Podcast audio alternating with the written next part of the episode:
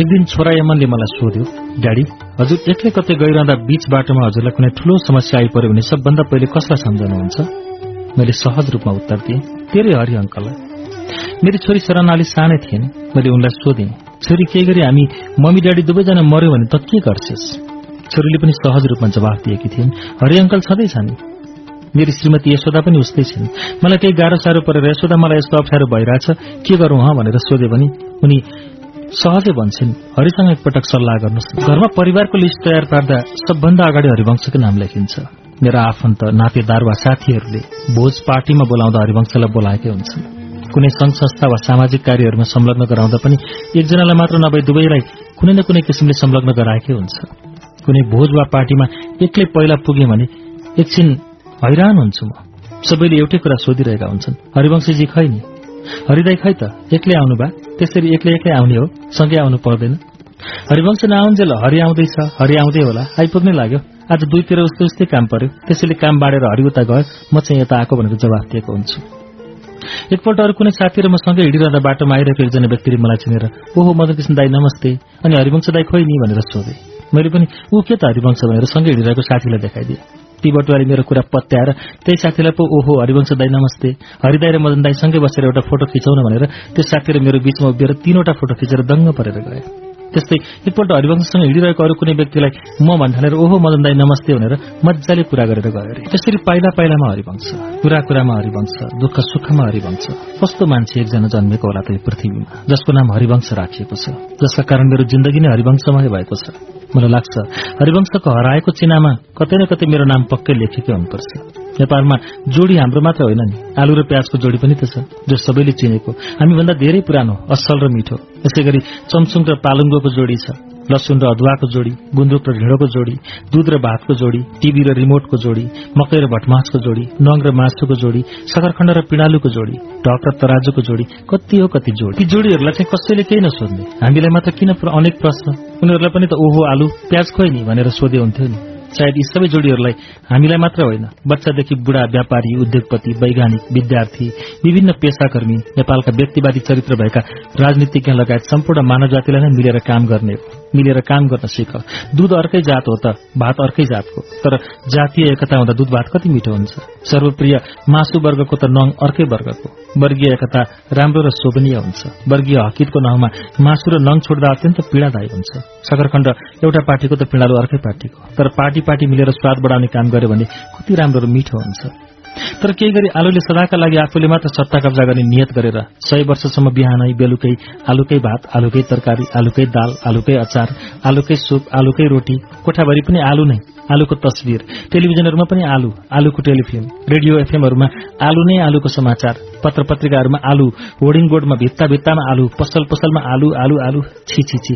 कल्पना मात्र गर्दा पनि उकुस मुकुस भएर वाक वाक लागेर आउँछ मलाई त। त्यसैले मेरो सल्लाहलाई आफ्नो अन्तरात्माको सल्लाह मान्ने हो भने कुनै पनि आलु प्याज ढक तराजु दूध भात अथवा जोसुकै होस् कसैले पनि भान्सादेखि लिएर सिंगै देश सिंगै संसार एक्लैले कब्जा गर्ने मूर्ख सोचाइ कदापि नलिउन् र लिएका पनि छैनन् होला। किनभने मानव शरीरमै हेऱ्यो भने पनि जोडी जोडी मिलेर काम गरिरहेका उदाहरण टन्नै छन् जस्तै दुईटा आँखा दुईटा कान नाकका दुईटा पाल दुईटा किडनी दुईटा हात दुईटा खुट्टा इत्यादि।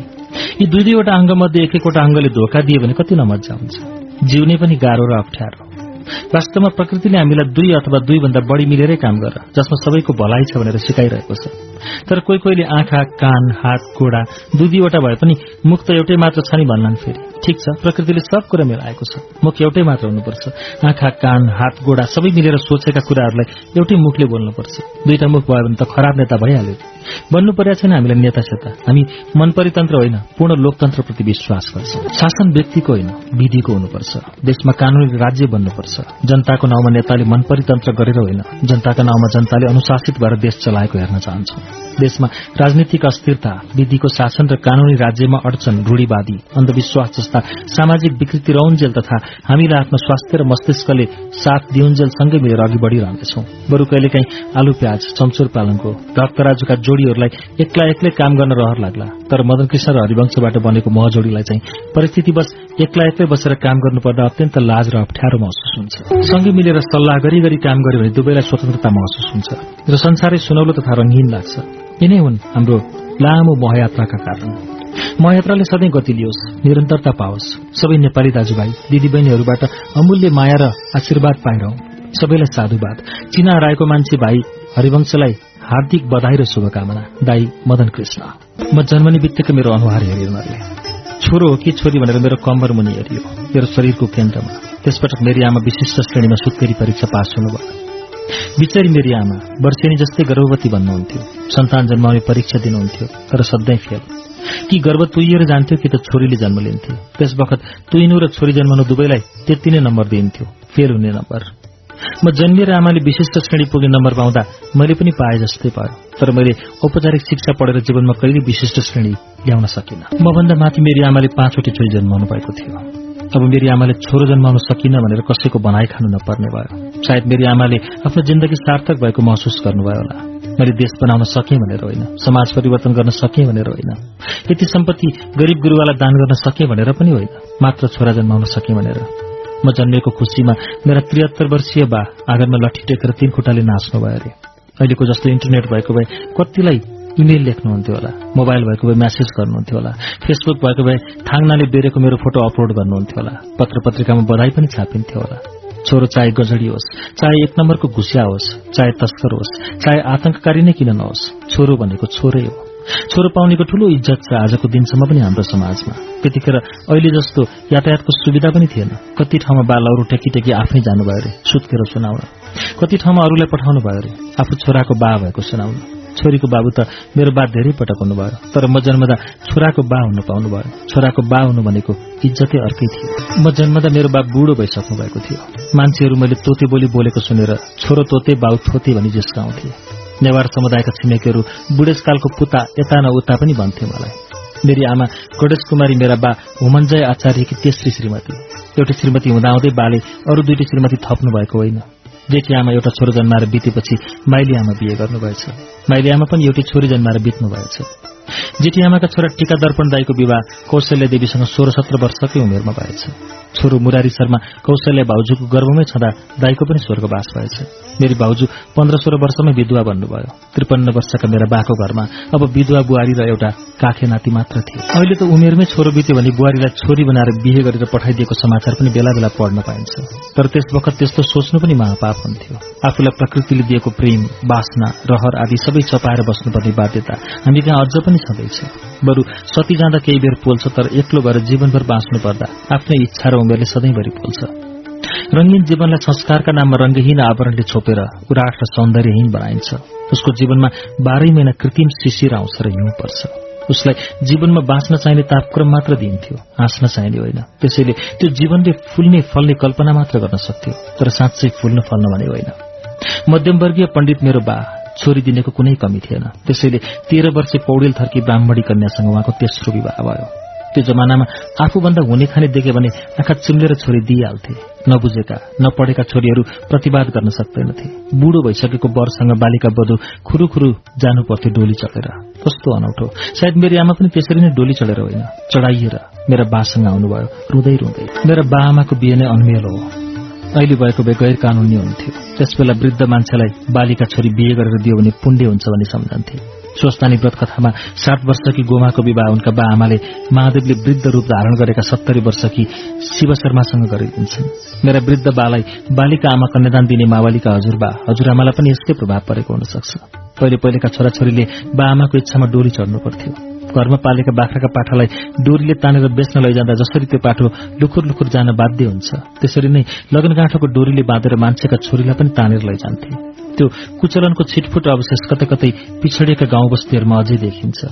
अरू घरमा सासूले बुहारीभित्र आउँछन् तर हाम्रो घरमा मेरी विधवा भाउजूले आफ्नी कान्छी सासू अर्थात मेरी आमालाई भित्राउनु भयो अरे। उमेरले मेरी आमा सोह्र सत्र वर्षकी बुहारीभन्दा पाँच सात वर्ष कान्छी हुनुहुन्थ्यो। सासू बुहारी साथी जस्तै भयो अरे। कुहाई कासा र तेल कासा लुकामारी खेल्दै घरधन्दा गर्दै दिन बित्न थालेछ। मेरी आमाको कोखबाट गायत्री गीता सप्तरूपा गरी लगातार मेरा तीन दिदीहरू जन्मिए। अहिले जस्तो भएको भए पेटको अल्ट्रासाउण्ड गरेर छोरो भए पाल्ने छोरी भए फाल्ने विकृतिको अनुसरण गर्नुहुन्थ्यो होला मेरी आमा पनि। पेटमा आइसकेपछि त्यो बेला फाल्न गाह्रो हुन्थ्यो। देवी देवताको मन्दिरमा गएर हे परमेश्वर छोरै होस् भनेर ढोग्ने बाहेक अरू केही उपाय थिएन। दिनको संयौले आएर के के माग्छन्? सबैको कुरो सुनेर माग पूरा गर्न के साथी देवतालाई पनि? पेटमा जे बनेको छ त्यही निस्कने हो। त्यसपछि फेरि मेरी दुई दिदी जानदेवी र बिन्दुको जन्म भयो। बाउजूको छोरो भनेपछि मेरो भतिजो उसको पनि विवाह भयो अरे अनि ऊबाट पनि दुईटी छोरी रन्जु र मन्जुको जन्म भयो। नातामा म उनीहरूको हजुरबा हुन्छु। आफ्नो बाको काका भएपछि नातिनीहरू जन्मिसके म हजुरबा अधि जन्मेको थिइनँ। घरमा मेरी बाउजूलाई धेरै गाह्रो हुन्थ्यो होला। सासू पनि सुत्केरी हुने आफ्नी बुहारी पनि सुत्केरी हुने। मेरो बा आफू पनि पण्डित अनि अरूले पनि भनेछन् हरिवंश पुराण लगाउनुहोस् छोरो जन्मन्छ। त्यस बेलाको रूढीवादी समाज। एउटा छोरो भयो भने स्वर्गको ढोका खुल्छ भन्ने धारणा। कसै कसैले प्याच्छ भने पनि होलान्। एउटा छोरो पनि जन्माउन सकेन यो बुढाले। हाम्रो बा हरिवंश पुराण लगाएर भए पनि छोरो जन्माउनु कसिनु भएछ। धन्य पुराणको इज्जत जोगिएछ। संयोगले दुई हजार चौध कार्तिक सत्ताइस गते बिहान मेरो जन्म भयो। हरिवंश पुराण लगाएर जन्मिएको हुनाले मेरो नामै हरिवंश रहन गयो। म जन्मिएको एघार दिनपछि मेरो नाति मुकुन्द पनि जन्मियो। दुवैजना हरिवंश पुराणकै वरदान हो भनी ठानियो। मभन्दा पहिले मुकुन्द जन्मेको भए उसको नाम हरिवंश हुन्थ्यो होला। तर म एघार दिन पहिले जन्मेको हुनाले फर्स्ट कम फर्स्ट भने जस्तो मेरो नाम हरिवंश भयो। त्रिहत्तर वर्षको उमेरमा मलाई जन्माएर सात वर्षपछि अर्थात् अस्सी वर्षमा बा हामीलाई छोडेर जानुभयो। बाले हामीलाई कर्तव्यको जिम्मा लगाउनुको साटो भाग्यको जिम्मा लगाएर जानुभयो। घरको सारा बोझ छोराछोरीको लालन पालन बिहे व्रतबन्ध शिक्षा दीक्षा मेरी विधुवा आमाको काँधमा आइपर्यो मेरी आमाले पाँच छोरी र एक छोराकी आमा मात्र होइन बाको पनि भूमिका निभाउनु पर्यो। नारीलाई प्रकृतिले दिएको सबैभन्दा ठूलो वरदान हो ममता र सहनशीलता। मेरी आमा धरती हुनुभयो। हामी त्यही धरतीमा जन्म्यौं हुर्कियौं बढ्यौं फुल्यौं फल्यौं। मान्छेमा मात्र होइन पोथी पशुपन्छीमा पनि यो गुण हुन्छ। कुकुरले उसका चल्ला कसैले छुन गयो भने हामी जस्तो मान्छेलाई पनि पखेटा फिजाएर ठोङ्न तप्सन्छे कुकुरले उसका छोराछोरी छोयो भने सिधै आएर झम्टन्छे भाले पशुपन्छी कहाँ हुन्छन् कहाँ? सायद त्यो बेलामा अर्कै पोथीको खोजीमा हुन्छन्। संसारका जुनसुकै पोथी प्राणीले आफ्नो सन्तानलाई पुरूषले भन्दा बढी माया र संरक्षण गर्छन्। यही पोथी जातिको मायाले संसार अडेको छ चलेको छ। हुन त कहीँ कहीँ जलेको पनि छ। भालेले सबैभन्दा धेरै माया पोथीलाई गर्छ। त्यसमा मान्छे जनावर चराचुरुङ्गी किरा फट्याङ्ग्रा सबै पर्छन्। तर पोथीले सबैभन्दा बढी माया आफ्ना छोराछोरीलाई गर्छ। त्यसमा पनि मान्छे जनावर चराचुरुङ्गी किरा फट्याङ्ग्रा सबै पर्छन्। सन्तान भनेको आमाको आफ्नै शरीरको रस रसाएर बनेको सजीव मांसपिण्ड हो। जो आमाको शरीरबाट दस महिनापछि छुट्टिएर अलग हुन्छ। पत्नीले पतिलाई किन माया गर्छ त? नारीमा त्यस्तै पनि करुणा भावको मात्रा धेरै हुन्छ। नारीले पुरुषको तुलनामा जगतलाई नै धेरै माया गर्छ।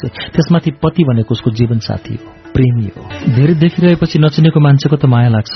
सधैँ सँगै उठ्ने सुत्ने खाने हिँड्ने जीवनका हर इच्छा एकसाथ मिलेर पूरा गर्ने अनि आफूलाई माया गर्नेको माया लाग्नु स्वाभाविक हो। त्यसमाथि पति भनेको नारीको गहना भनिन्छ इज्जत र सुरक्षा मानिन्छ। पति भएन भने म दुःख पाउँछु। मेरा सन्तानले दुःख पाउँछन् भन्ने एउटा सानो स्वार्थ पनि रहेको हुन्छ त्यहाँ। त्यसैले कति नारीहरू पतिको थिचोमिचो हेपाई सहेर पनि बस्न बाध्य हुन्छन्। सन्तानका लागि ऊ सम्झौता गर्न बाध्य हुन्छ। उमेरमै पतिसँग वियोग भए पनि ऊ सन्तानका लागि सबै इच्छा आकांक्षा र जबानी त्यागेर समर्पित भएर बस्छ। हाम्रो आमाले पनि कुखुरीले चल्लालाई पकेटाले छोपेर राखे जस्तै गरी ममताले छोपेर राख्नुभयो। पहाड़मा अलिअलि खेती थियो त्यही अन्न ल्याउँथ्यौं। बा पण्डित भएकाले आमा पनि पण्डित नै हुनुभयो। आमा जजमानहरूका मलाई सँगै लिएर जानुहुन्थ्यो। चाडबाडमा अलिअलि दान दक्षिणा सिधा बकस जम्मा गर्नुहुन्थ्यो। त्यसैबाट हाम्रो भरण पोषण सक्थ्यो बा पण्डित भएकैले होला मलाई पनि ठूलो पण्डित बनाउने सपना थियो मेरो आमा बाको।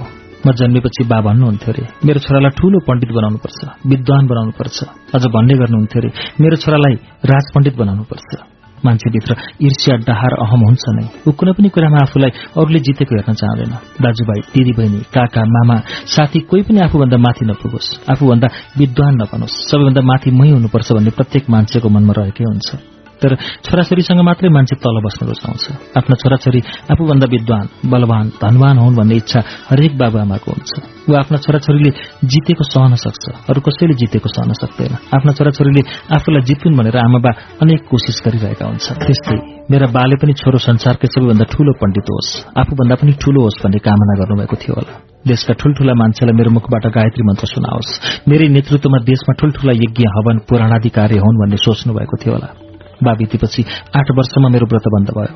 आमा लसुन प्याज गोलबेडा केही पनि घरमा भित्राउनुहुन्नथ्यो लसुन प्याज खानु परे दिदीहरू घर बाहिर बारीमा लगी पकाएर खुवाउँथे। बिहानै उठेर नुहाई धुवाई जप तप पूजापाठ गर्नु पर्थ्यो। चण्डीको एक अध्याय नपढी भात खान पाइन्नथ्यो। भात खाँदा बोल्नु हुँदैन थियो धोती फेरेर खानु पर्थ्यो। इसारा गरेर दाल भात तरकारी माग्नु पर्थ्यो। झुक्किएर बोली निस्क्यो भने खाँदा खाँदैको भात छोड्नु पर्थ्यो। खाना खाँदा मुख नबोले पनि मन बोलिरहेको हुन्थ्यो। मिठो भयो भने उज्यालो अनुहार बनाएर आमाको मुखमा हेर्थे। नमिठो भयो भने अँध्यारो अनुहारले थालतिर हेर्थे भात थप्नु परे टक टक थाल बजाउँथे दाल थप्नु परे कचौरा। महिनाको एकपटक दुई पाउ मात्र खसीको मासु किन्न सक्ने हाम्रो हैसियत थियो। कुखुरा त बाहुनले छुनु पनि हुँदैन थियो। केही गरेर कुखुरा छोयो भने नुहाउनु पर्थ्यो। मलाई अलिअलि सम्झना छ। हाम्रो घरमा एउटा काले कुकुर थियो। त्यो कुकुरले टोलका कुखुरा मारेर ल्याइदिन्थ्यो। बिहे नगरेका दिदीहरू नातिनीहरू त्यो कुखुरा बारीमा लगेर पकाएर खान्थे र हड्डी चाहिँ त्यही कुकुरलाई दिन्थे। हड्डी खानु पाइने आँसले होला काले कुकुर दिनौ जस्तो कुखुरा ल्याउन थाल्यो। पछि एक दिन त त्यसरी कुखुरा ल्याउने कुकुर सड़कमा मरिरहेको भेटियो। कसैले खानेकुरामा बी खालेर कुकुर मारेको थियो। सालको पातमा बेरेर बेसार दलेको खसीको मासु ल्याएको दिन हामी चुलेचिले त्यो मासु ससाना टुक्रा पारेदेखि पित्तलको कोसोडीमा ओहिरिएको र भुटेको झोला हालेको सारा विधि हेर्थ्यौं।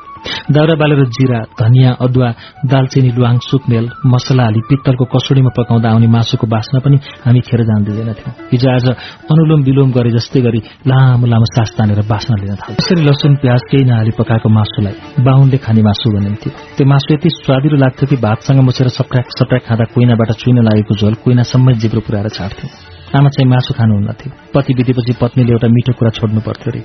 बा बितेपछि मेरी आमाले मासु खान छोड्नु भयो। कस्तो अनौठो। पति पनि छोड्नु पर्यो सबैभन्दा मिठो लाग्ने खानेकुरा पनि छोड्नु पर्यो आफूले नखाए पनि हामीलाई महिनाको एकपटक कहिले काहीँ दुई पटक पनि मासु खुवाउनुहुन्थ्यो।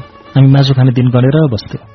आमा मलाई असाध्यै माया गर्नुहुन्थ्यो। म पनि आमा बिना एकछिन बस्न सक्दिनथेँ। तर आमाले मलाई पण्डित बनाउन खोज्नुभएको पटक्कै मन पर्दैन थियो बिहान उठ्ने बित्तिकै पूजापाठ जप तप चण्डी पढ्ने अनि नुहाउनै पर्ने नियम मलाई असाध्यै भारी लाग्थ्यो। पूजा कोठामा गएर एक सय आठ पटक गायत्री मन्त्र जप्थे अनि चण्डीपाठ शुरू हुन्थ्यो।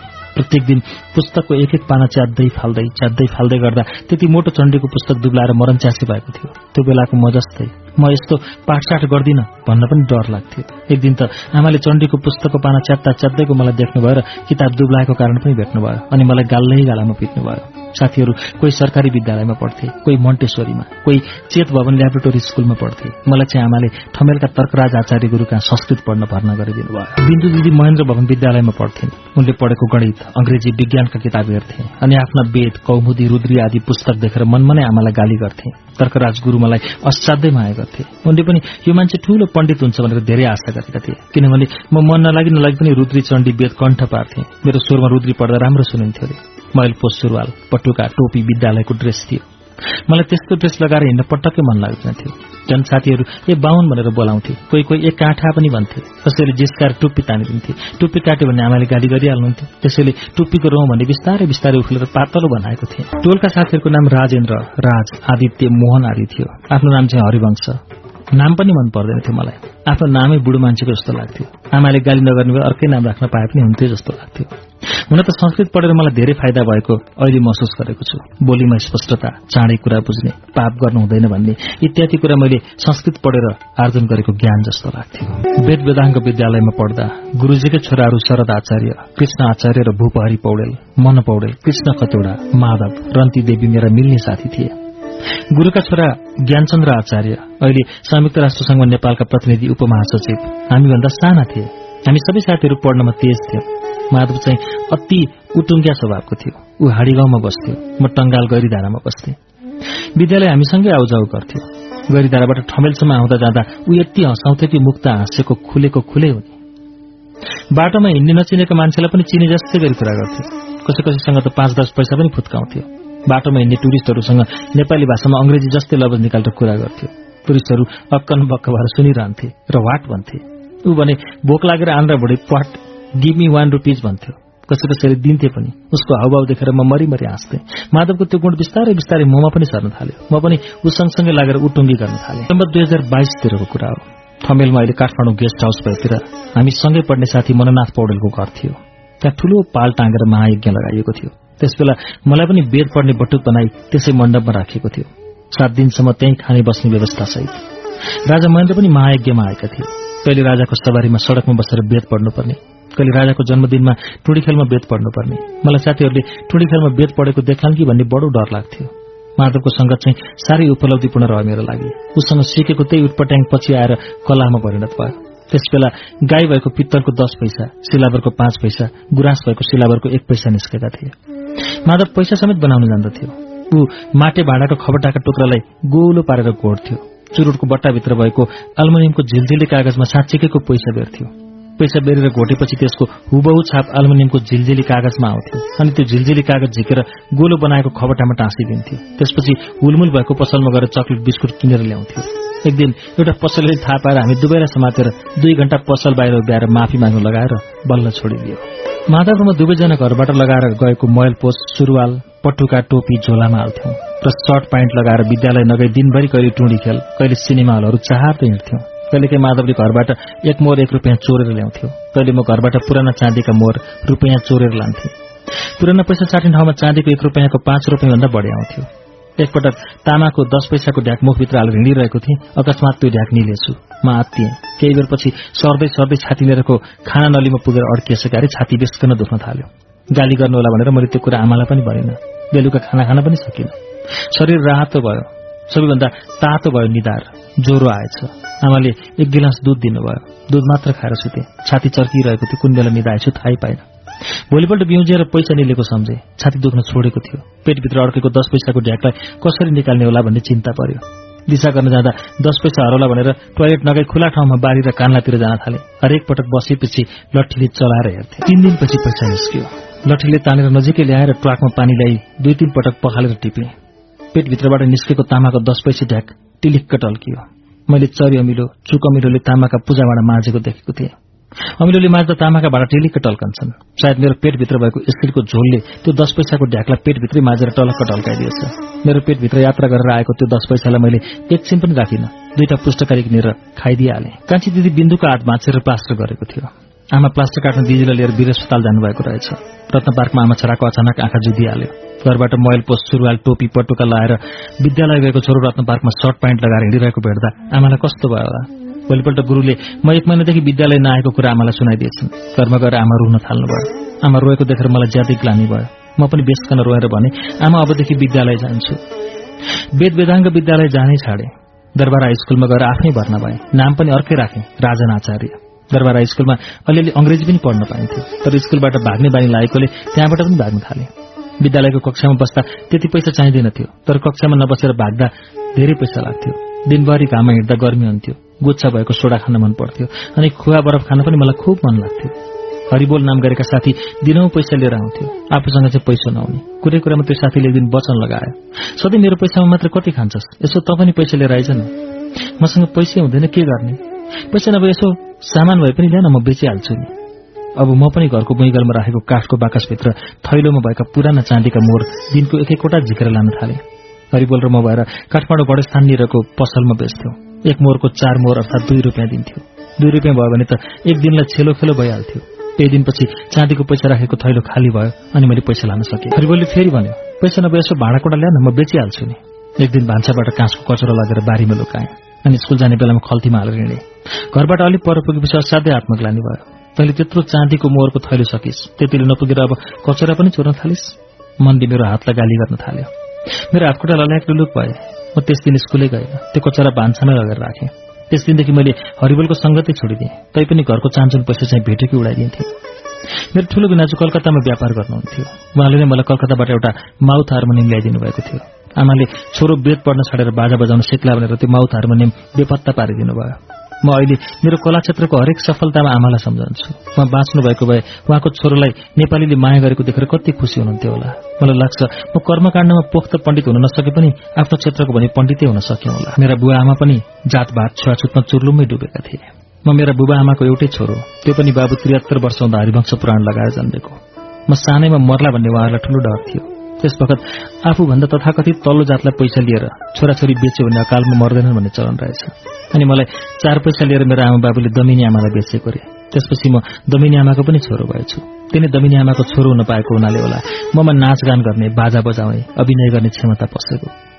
चार पैसामा मलाई किनेकी दमिनी आमाको ग्रहले मलाई दुरन्धर कर्मकाण्डको पण्डित बनाउने मेरा बुबा आमाको सपनालाई जितेछ र म कलाकार हुन पाएँ। मलाई सानैमा दिदीहरूले त दमिनी आमाको छोरो होस् भन्दा दुःख लाग्थ्यो। अचेल भने दमिनी आमाको पनि छोरो हुन पाएकोमा गर्व लाग्छ। जीवनका मेरो आफ्नै घटनाबाट मलाई के महसुस हुन्छ भने हरेक मान्छेलाई प्रकृतिले नै केही न केही सिप दिएर पठाएको हुन्छ। तल्लीन भएर लाग्ने हो भने आफ्नो काममा निपुण भइन्छ। कसैले अलिकति सिक्यो कि हिसाबमा निपुण हुन्छ। कोही मान्छेलाई गीत गाउन सिकाउनै पर्दैन आफै गुनगुनाउन थाल्छ। आफै सुरताल समाउन थाल्छ। कोहीलाई संगीत बजेको सुन्नै हुँदैन कम्मर हलाउन थालिहाल्छ। कोही सानैदेखि कविता लेख्न थाल्छ कोही सानैदेखि नाफा नोक्सानको ख्याल राख्न सक्ने हुन्छ कोही कोही आफै राजनीतिमा चासो राखेर हिँड्न थाल्छ प्रकृतिले दिएको लक्षण आफूले बुझेर त्यसलाई अभ्यास गरेर माझ्नुपर्छ। हरेक बा आमा आफ्ना छोराछोरीलाई यो बनाउने वा त्यो बनाउने भनेर कल्पना गर्छन्। ममता र अपनत्वमा त्यो स्वाभाविक पनि हो तर व्यवहार त उपयुक्त होइन। बा आमाले छोराछोरीलाई उच्च शिक्षा दिलाउने सपना राख्नुपर्छ तर उसलाई प्रकृतिले दिएको प्रतिभाभन्दा फरक होइन। उसको झुकाव कतातिर छ त्यो छान्ने अधिकार छोराछोरीलाई नै दिनुपर्छ। मेरा बा आमाले मलाई ठूलो कर्मकाण्डी पण्डित बनाउने विचार गर्नुभएको थियो। त्यो गुण मलाई प्रकृतिले दिँदै दिएको रहेनछ। त्यो पैसा मैले बाध्य भएर स्वीकार्नु परेको भए पनि म सफल हुन सक्ने थिइनँ होला। मैले संस्कृत शिक्षालाई अनादर गरेको होइन। म संस्कृतका विद्वानहरूलाई आदर गर्छु। उनीहरूले संस्कृत शिक्षालाई माथि उठाउन धेरै गुण लगाएका छन्। म मेरा गुरू तीर्थराज आचार्यलाई दण्डवत गर्छु। मैले संस्कृत शिक्षा आर्जन गर्न सकिनँ। तैपनि तपाईँ जस्ता निस्वार्थी गुरूको भगौडा भए पनि विद्यार्थी हुन पाएकोमा गर्व गर्छु। आमा बाहुन्न वर्ष मात्रै हुनुभएको थियो बिरामी पर्न थाल्नुभयो। मेरी आमाको पेट ठूलो भएर अस्पतालमा भर्ना गरिएको थियो। आन्द्रामा पाल परेको रहेछ। पानी र खाएको झोल कुरा आन्द्राभन्दा बाहिर आउँदो रहेछ। यो रोगलाई नेपालीमा जलग्रह पनि भन्ने अंग्रेजीमा इन्टेस्टाइनल क्यान्सर आन्द्राको अर्बुद भनिन्छ। डाक्टरहरू सिरिन छिरा र पेटमा भरिएको पानी बाहिर निकाल्थे। दुई दिनपछि फेरि पेटमा पानी भरिन्थ्यो। मैले डाक्टर अञ्जनी कुमारको नाम सुनेको थिएँ। उनले मेरी आमाको पेटको अपरेसन गरेर आन्द्रामा पाल परेको भाग काटे। भाउजू अनि मेरा दिदीहरूले आमाको सेवा गर्नसम्म गरे। आमाले दिदीहरूसँग मलाई अस्पतालमा नल्याऊ भन्नुभएको रहेछ। सायद उहाँलाई मेरो धेरै माया लाग्थ्यो होला र मलाई देख्दा उहाँलाई अझ गाह्रो हुन्थ्यो होला। म कहिलेकाहीँ मात्र अस्पताल जान पाउँथेँ। मेरी आमालाई हामी ससाना छोराछोरीहरूलाई छोडेर मर्न मन थिएन होला। उहाँ हाम्रो लागि बाँच्ने इच्छा प्रकट गर्नुहुन्थ्यो अरे आमालाई आफ्नो रोगको भन्दा पनि हाम्रो भविष्यको चिन्ता थियो। महिनौ बिरामी हुँदा नातागत भयो होला। के गरेर तागत आउँछ? के गरेर बाँच्न सक्छु? जे गरेर भए पनि मेरा छोराछोरी टुरा टोरी नबनुन् भनेर छटपटाउनुहुन्थ्यो अरे आमा। मासु खायो भने बाँचिन्छ कि? तागत पुग्छ कि भनेर बा बितेपछि छोडेको मासु पनि आमाले फेरि खानुभयो अरे तर उहाँको बाँच्ने इच्छा पूरा भएन। उहाँले खाएको मासु आर्यघाटले धुवाबाट उडाएर खायो। हाम्रो भाग्यमा टुरा टुरी हुन लेखेकै रहेछ। म सानो छँदा महिलालाई सुत्केरी व्यथा लाग्दा अस्पताल वा स्वास्थ्य चौकीलाई जाने चलन थिएन। किनभने त्यतिखेर नजिकै अस्पताल र स्वास्थ्य चौकी नै थिएन। मानिसमा चेतना पनि थिएन। कोही कोही घरमै सुडेनी बोलाएर सुत्केरी गराउँथे। सुडेनी पनि भनेको बेला उपलब्ध हुँदैनथे। गाउँघरका जान्ने र अनुभवी महिलाहरूले सुत्केरी गराउँथे। हिजो आज त धेरैजसो गाउँघरमा पनि स्वास्थ्य चौकी र अस्पतालमा लगेर सुत्केरी गराउने सुविधा छ। हिजो आज पहुँचवाला ज्योतिषीको सल्लाह अनुसार यति बजेर यति मिनट जाँदा बच्चा जन्मायो भने राजयोग र भाग्यमानी हुन्छ भनेर पेट चिरेर बच्चा झेक्ने पनि गर्छन्। तर त्यस्ता बच्चा पनि नपढ्ने बदमास धुन्धुकारी भएर निस्केका छन्। चिन बिग्रेकाले पनि ग्रह शान्ति गरेर आफ्नो भाग्य सुधार्ने प्रयास गर्छन्। तर जे हुनु छ भएरै छोड्दो रहेछ। जीवन त नमिलेकै हुँदो रहेछ। मानिसले एकातिरबाट मिलाउन खोज्छ तर जीवन अर्कोतिरबाट बिग्रिरहेको हुँदो रहेछ। जीवन भोग्दै जाने क्रममा मानिस कहिले अति भौतिकवादी र कहिले अति अध्यात्मवादी हुँदो रहेछ। जीवन बाँच्न मानिसले विज्ञानको मात्र होइन रहस्यवादको पनि सहारा लिँदो रहेछ। त्यसैले होला हाम्रो देशका वामपन्थी नेताहरू लुकी लुकी मन्दिर गएको ग्रह शान्ति गरेको घरमा लुकाएर देवी देवताको पूजा गरेको समाचार बेला बेला आउने गर्छ। सायद उनीहरूलाई भौतिकवादी विचारले मात्र सुख शान्ति दिएन होला र त त्यसो गरे होला जीवन भौतिकवाद र रहस्यवादको बीच बाटोबाट हिँड्दो रहेछ। हिँड्दै जाँदा कहिले भौतिकवादको बाटोतिर चिप्लिएर पुगिँदो रहेछ कहिले रहस्यवादको बाटोतिर। बामाले पहिले मेरो चिना बनाएर राख्नु भएको थियो। भगवानले रक्षा गरून् भनेर उहाँहरूले चिनामा एक तोला सुनमा भगवानको प्रतिमा कुदेर राख्नु भएको रहेछ। आमा बितेपछि कसैले चिनामा सुन छ भन्ने थाहा पाएर सुन चोर्दा चिना समेत चोरेर लगेछ। त्यसैले ज्योतिषीसँग मेरो भविष्य कस्तो छ भनेर कहिल्यै सोध्न पाइन। मेरो मात्र होइन संसारमा जति मान्छे छन् सबैको चिना हराएको छ। ज्योतिषीले बनाएको चिना भएर पनि भविष्य रहस्यमय छ। भोलि के हुन्छ? कतिखेर कोसँग मिलन हुन्छ र कतिखेर कोसँग बिछोड? केही थाहा हुँदैन। यहाँ चिना हुने मान्छेहरूको पनि चिना हराएको छ। आमा बित्नु हुँदा ओहो कति मान्छे भेट्न आएका? कोही मिश्री ल्याउँथे कोही फलफूल ल्याउँथे कोही घिउ ल्याउँथे। बच्चाहरूलाई आफ्नो घरमा पाउन आएको असाध्यै मनपर्छ। मलाई पनि रमाइलो लाग्यो। आमा बितेको। म रुन त परै जाओस् फुर्किएछु लाडिएछु तर जब तेह्र दिनको काम सकियो बिस्तारै बिस्तारै मान्छेहरू घट्दै गए। पछि त मान्छे आउनै छोडे कोही पनि आएनन्। त्यसपछि पो थाहा भयो मेरी आमा मर्नु भएछ। तेह्र दिनपछि भने म आमा सम्झेर रुन थाले। मान्छे आउन छाडे आफन्त पनि टाढिए। माया गर्नेले गाली गर्न थाले हेप्न थाले। आमा नभएको चोरले पनि थाहा पाउँदो रहेछ। यो घरको मान्छे मरेकाले यहाँ बच्चाहरू मात्रै बस्छन् भनेर। गायत्री गीता सप्तरूपा तीनवटै दिदीको बिहे भइसकेको थियो। भाउजूहरूको परिवार पनि ठूलो भइसकेको थियो। हामी सबै एउटै घरमा अठाउँदैनथ्यौं भाउजूहरू नजिकै अर्को घर किनेर सरेका थिए। अब घरमा हामी तीनजना मात्र हुन पुग्यौं। दिदीहरू जानदेवी बिन्दु अनि म। घर पुरानो भएर ठाउँ ठाउँमा चर्किसकेको थियो। त्यसमाथि भाउजूहरूको पनि भाग दिनु पर्थ्यो। अब घर कि बनाउनु पर्ने भयो कि बेच्नु पर्ने? घर बनाउन हामीसँग पैसा थिएन। भाउजूहरूको पनि ठूलो परिवार अभावै अभाव थियो। हामीलाई गरिबीले तातो पानीमा चोपल्दै निकाल्दै गर्थ्यो। न आमा न बा न आय स्रोत केही पनि थिएन। पत्किने लागेको पुरानो सानो घरको भुइँतलामा राडी पाखी बुन्ने एउटा तामाङ परिवार बहालमा बस्थ्यो। महिनाको तीस चालिस रुपियाँमा भाडा आउँथ्यो सम्बत दुई हजार उनातिसतिरको काठमाडौँ शहर अलिक शून्य थियो। पाँच छ बजेपछि मान्छे हिँड्दैनथे बाटामा। हामी तीनजना दिदीभाइ एउटै पलङमा सुत्थ्यौं। चर्पी टाढा बारीमा थियो। राति त्यहाँ जाने आँटै आउँदैन थियो। म केटो भएकाले झ्यालबाट पिसाब फेर्थे। दिदीहरू मटानको कोपरामा पिसाब फेरेर झ्यालबाट मिल्काउँथे। मटानको कोठा सल्लाहको काठले बारेको थियो। एउटा बिजुलीको चिम झुण्डायो भने कोठामा पनि उज्यालो हुन्थ्यो। मटान भर्याङ पनि उज्यालो हुन्छ भनेर काठको बारमा माथितिर बिजुलीको बल्ब झुण्डाउने एउटा पाल राखेको थियो कोठाभित्र। त्यसको ठिक मुनि पित्तलको कोपरा। एक रात मेरो पेट बेसकन दुख्यो। दिशा गर्न जान मन लाग्यो। दिदीहरू सुतिरहेका थिए। भुइँमा कोपरा थियो त्यसैमा बसे।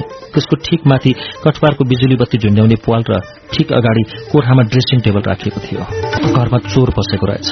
कोठामा खत्रा गरेको टुकी बालेको देखेर चोरले कटवारको पालबाट भित्र हेर्दो रहेछ।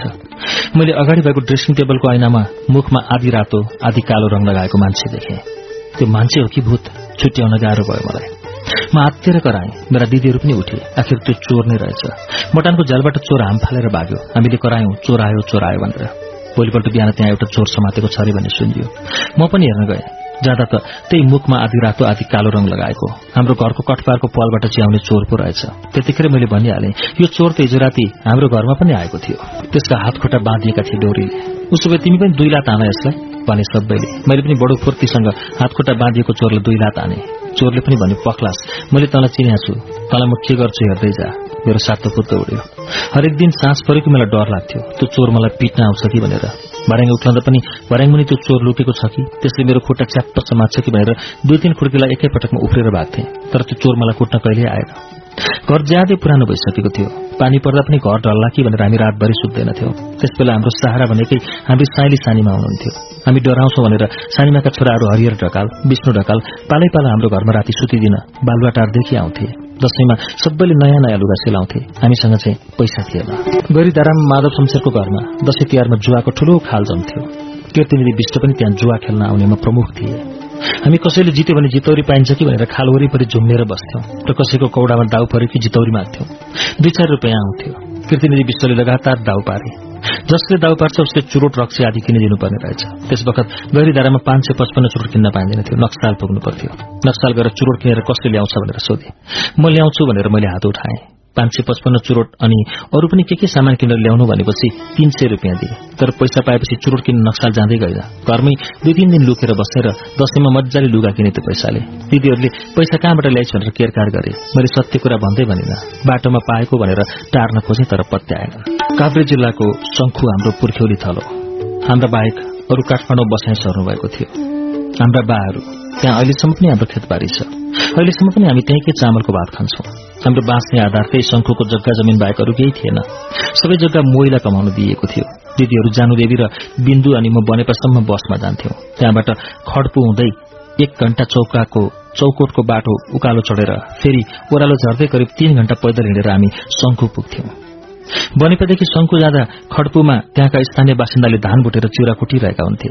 भर्खर कुटेको चिउराको मगमग बास्न सुँग्दै बाटामा भुट्दै बेचेको बदाम खाँदै हामी चौकोटको उकालो चढ्थ्यौं। चौकोटको उकालो उक्लेपछि मुख सुकेर प्याक प्याक हुन्थ्यो। बाटोमा सुन्तला किनेर छोडाउँदै खाँदै जाँदा हामीलाई साँच्चैकै आनन्द लाग्थ्यो। अहिलेसम्म मैले आधा पृथ्वी घुमे होला तर त्यो वर्षको एकपटक खड्पुदेखि शंकुसम्म जाँदाको यात्रा मेरो लागि कतै नभएको रोमाञ्चक र स्मरणीय यात्रामा पर्छ। जग्गा जमिन त थियो तर सबै मोइला कुद तोकिएको थियो। मोईको परिवारमा अंशबण्डा हुँदा हाम्रो जमिन पनि अंशबण्डा हुँदो रहेछ। उनीहरूले कमाएको हाम्रो जमिन पनि बाँडिदो रहेछ। पन्ध्र सोह्रजना मोहीसँग कुद उठाउनु पर्थ्यो। त्यहाँको चामल र मकै नभएको भए हामीले कि त मागेर खानु पर्थ्यो कि त बाल श्रमिक भएर खानु पर्थ्यो। मोहीहरू प्राय सबै नेवार भए पनि कोही कोही असाध्यै गाह्रा थिए। कुद उठाउन रुनु पर्थ्यो। तर धेरैजसो चाहिँ टुरा बाहुनहरूको कुद दिनुपर्छ भनेर दिन्थे। काठमाडौँसम्म शंकुदेखिको चामल थोरै ज्यालामा ल्याइदिन्थे पनि। मनमा धर्म भएका मोहीहरूलाई पाप गर्नु हुँदैन कुद तिरेनौ भने यिनीहरू भोकै मर्छन् भन्ने थाहा थियो। पुर्खेली थलो शंकुसँग त्यसै पनि म ऋणी छु। हाम्रो आफन्तहरूले त्यो पुर्खेली ठाउँको जग्गा जमिन आफ्नै कारणले बेचे। तर जस्तै दुःख परे पनि मैले त्यो ठाउँको माटो बेचिन म मेरा छोराहरूलाई पनि भन्छु त्यो ठाउँको माटो कहिल्यै नबेच्नु।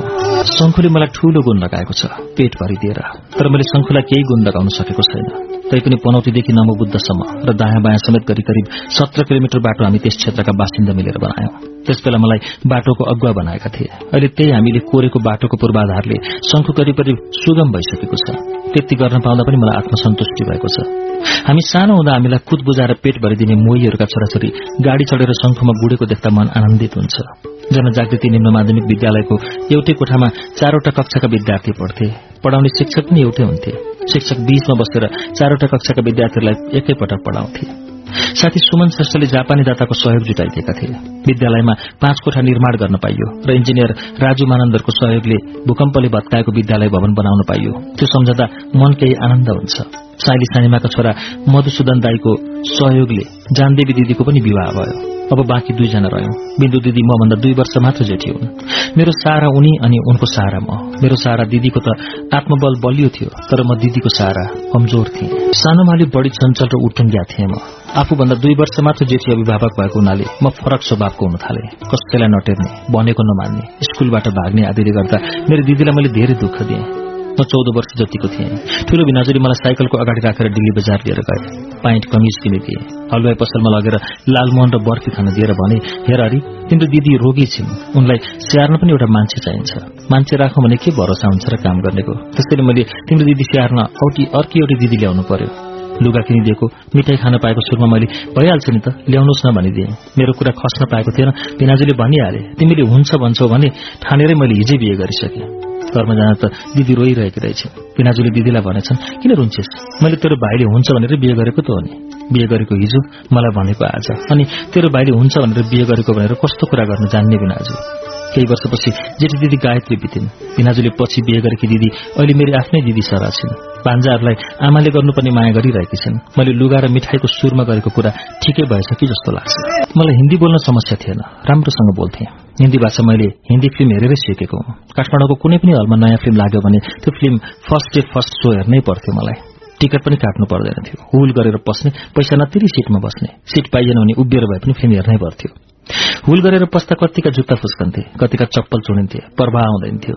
पछि सिनेमा छुटेर आउँदा आफ्नो फुस्केको जुत्ता चप्पल हलसाउले पेट्रोल वा मटेतेल छर्केर जलाइरहेको हुन्थ्यो। कहिले सध्य भए पनि भेटाउँथे।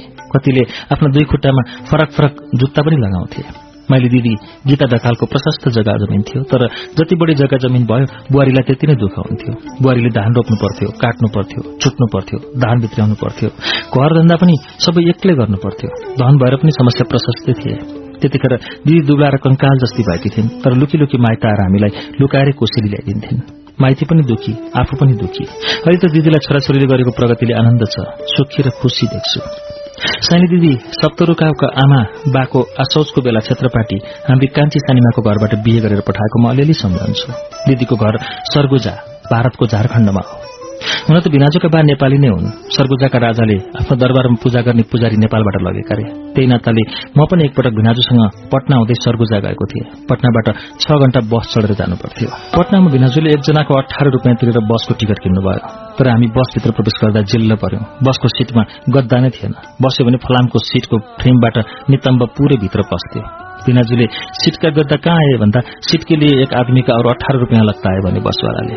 भिनाजुले छत्तीस रुपियाँ तिरेपछि बसको छतबाट सिट ल्याएर हालिदियो।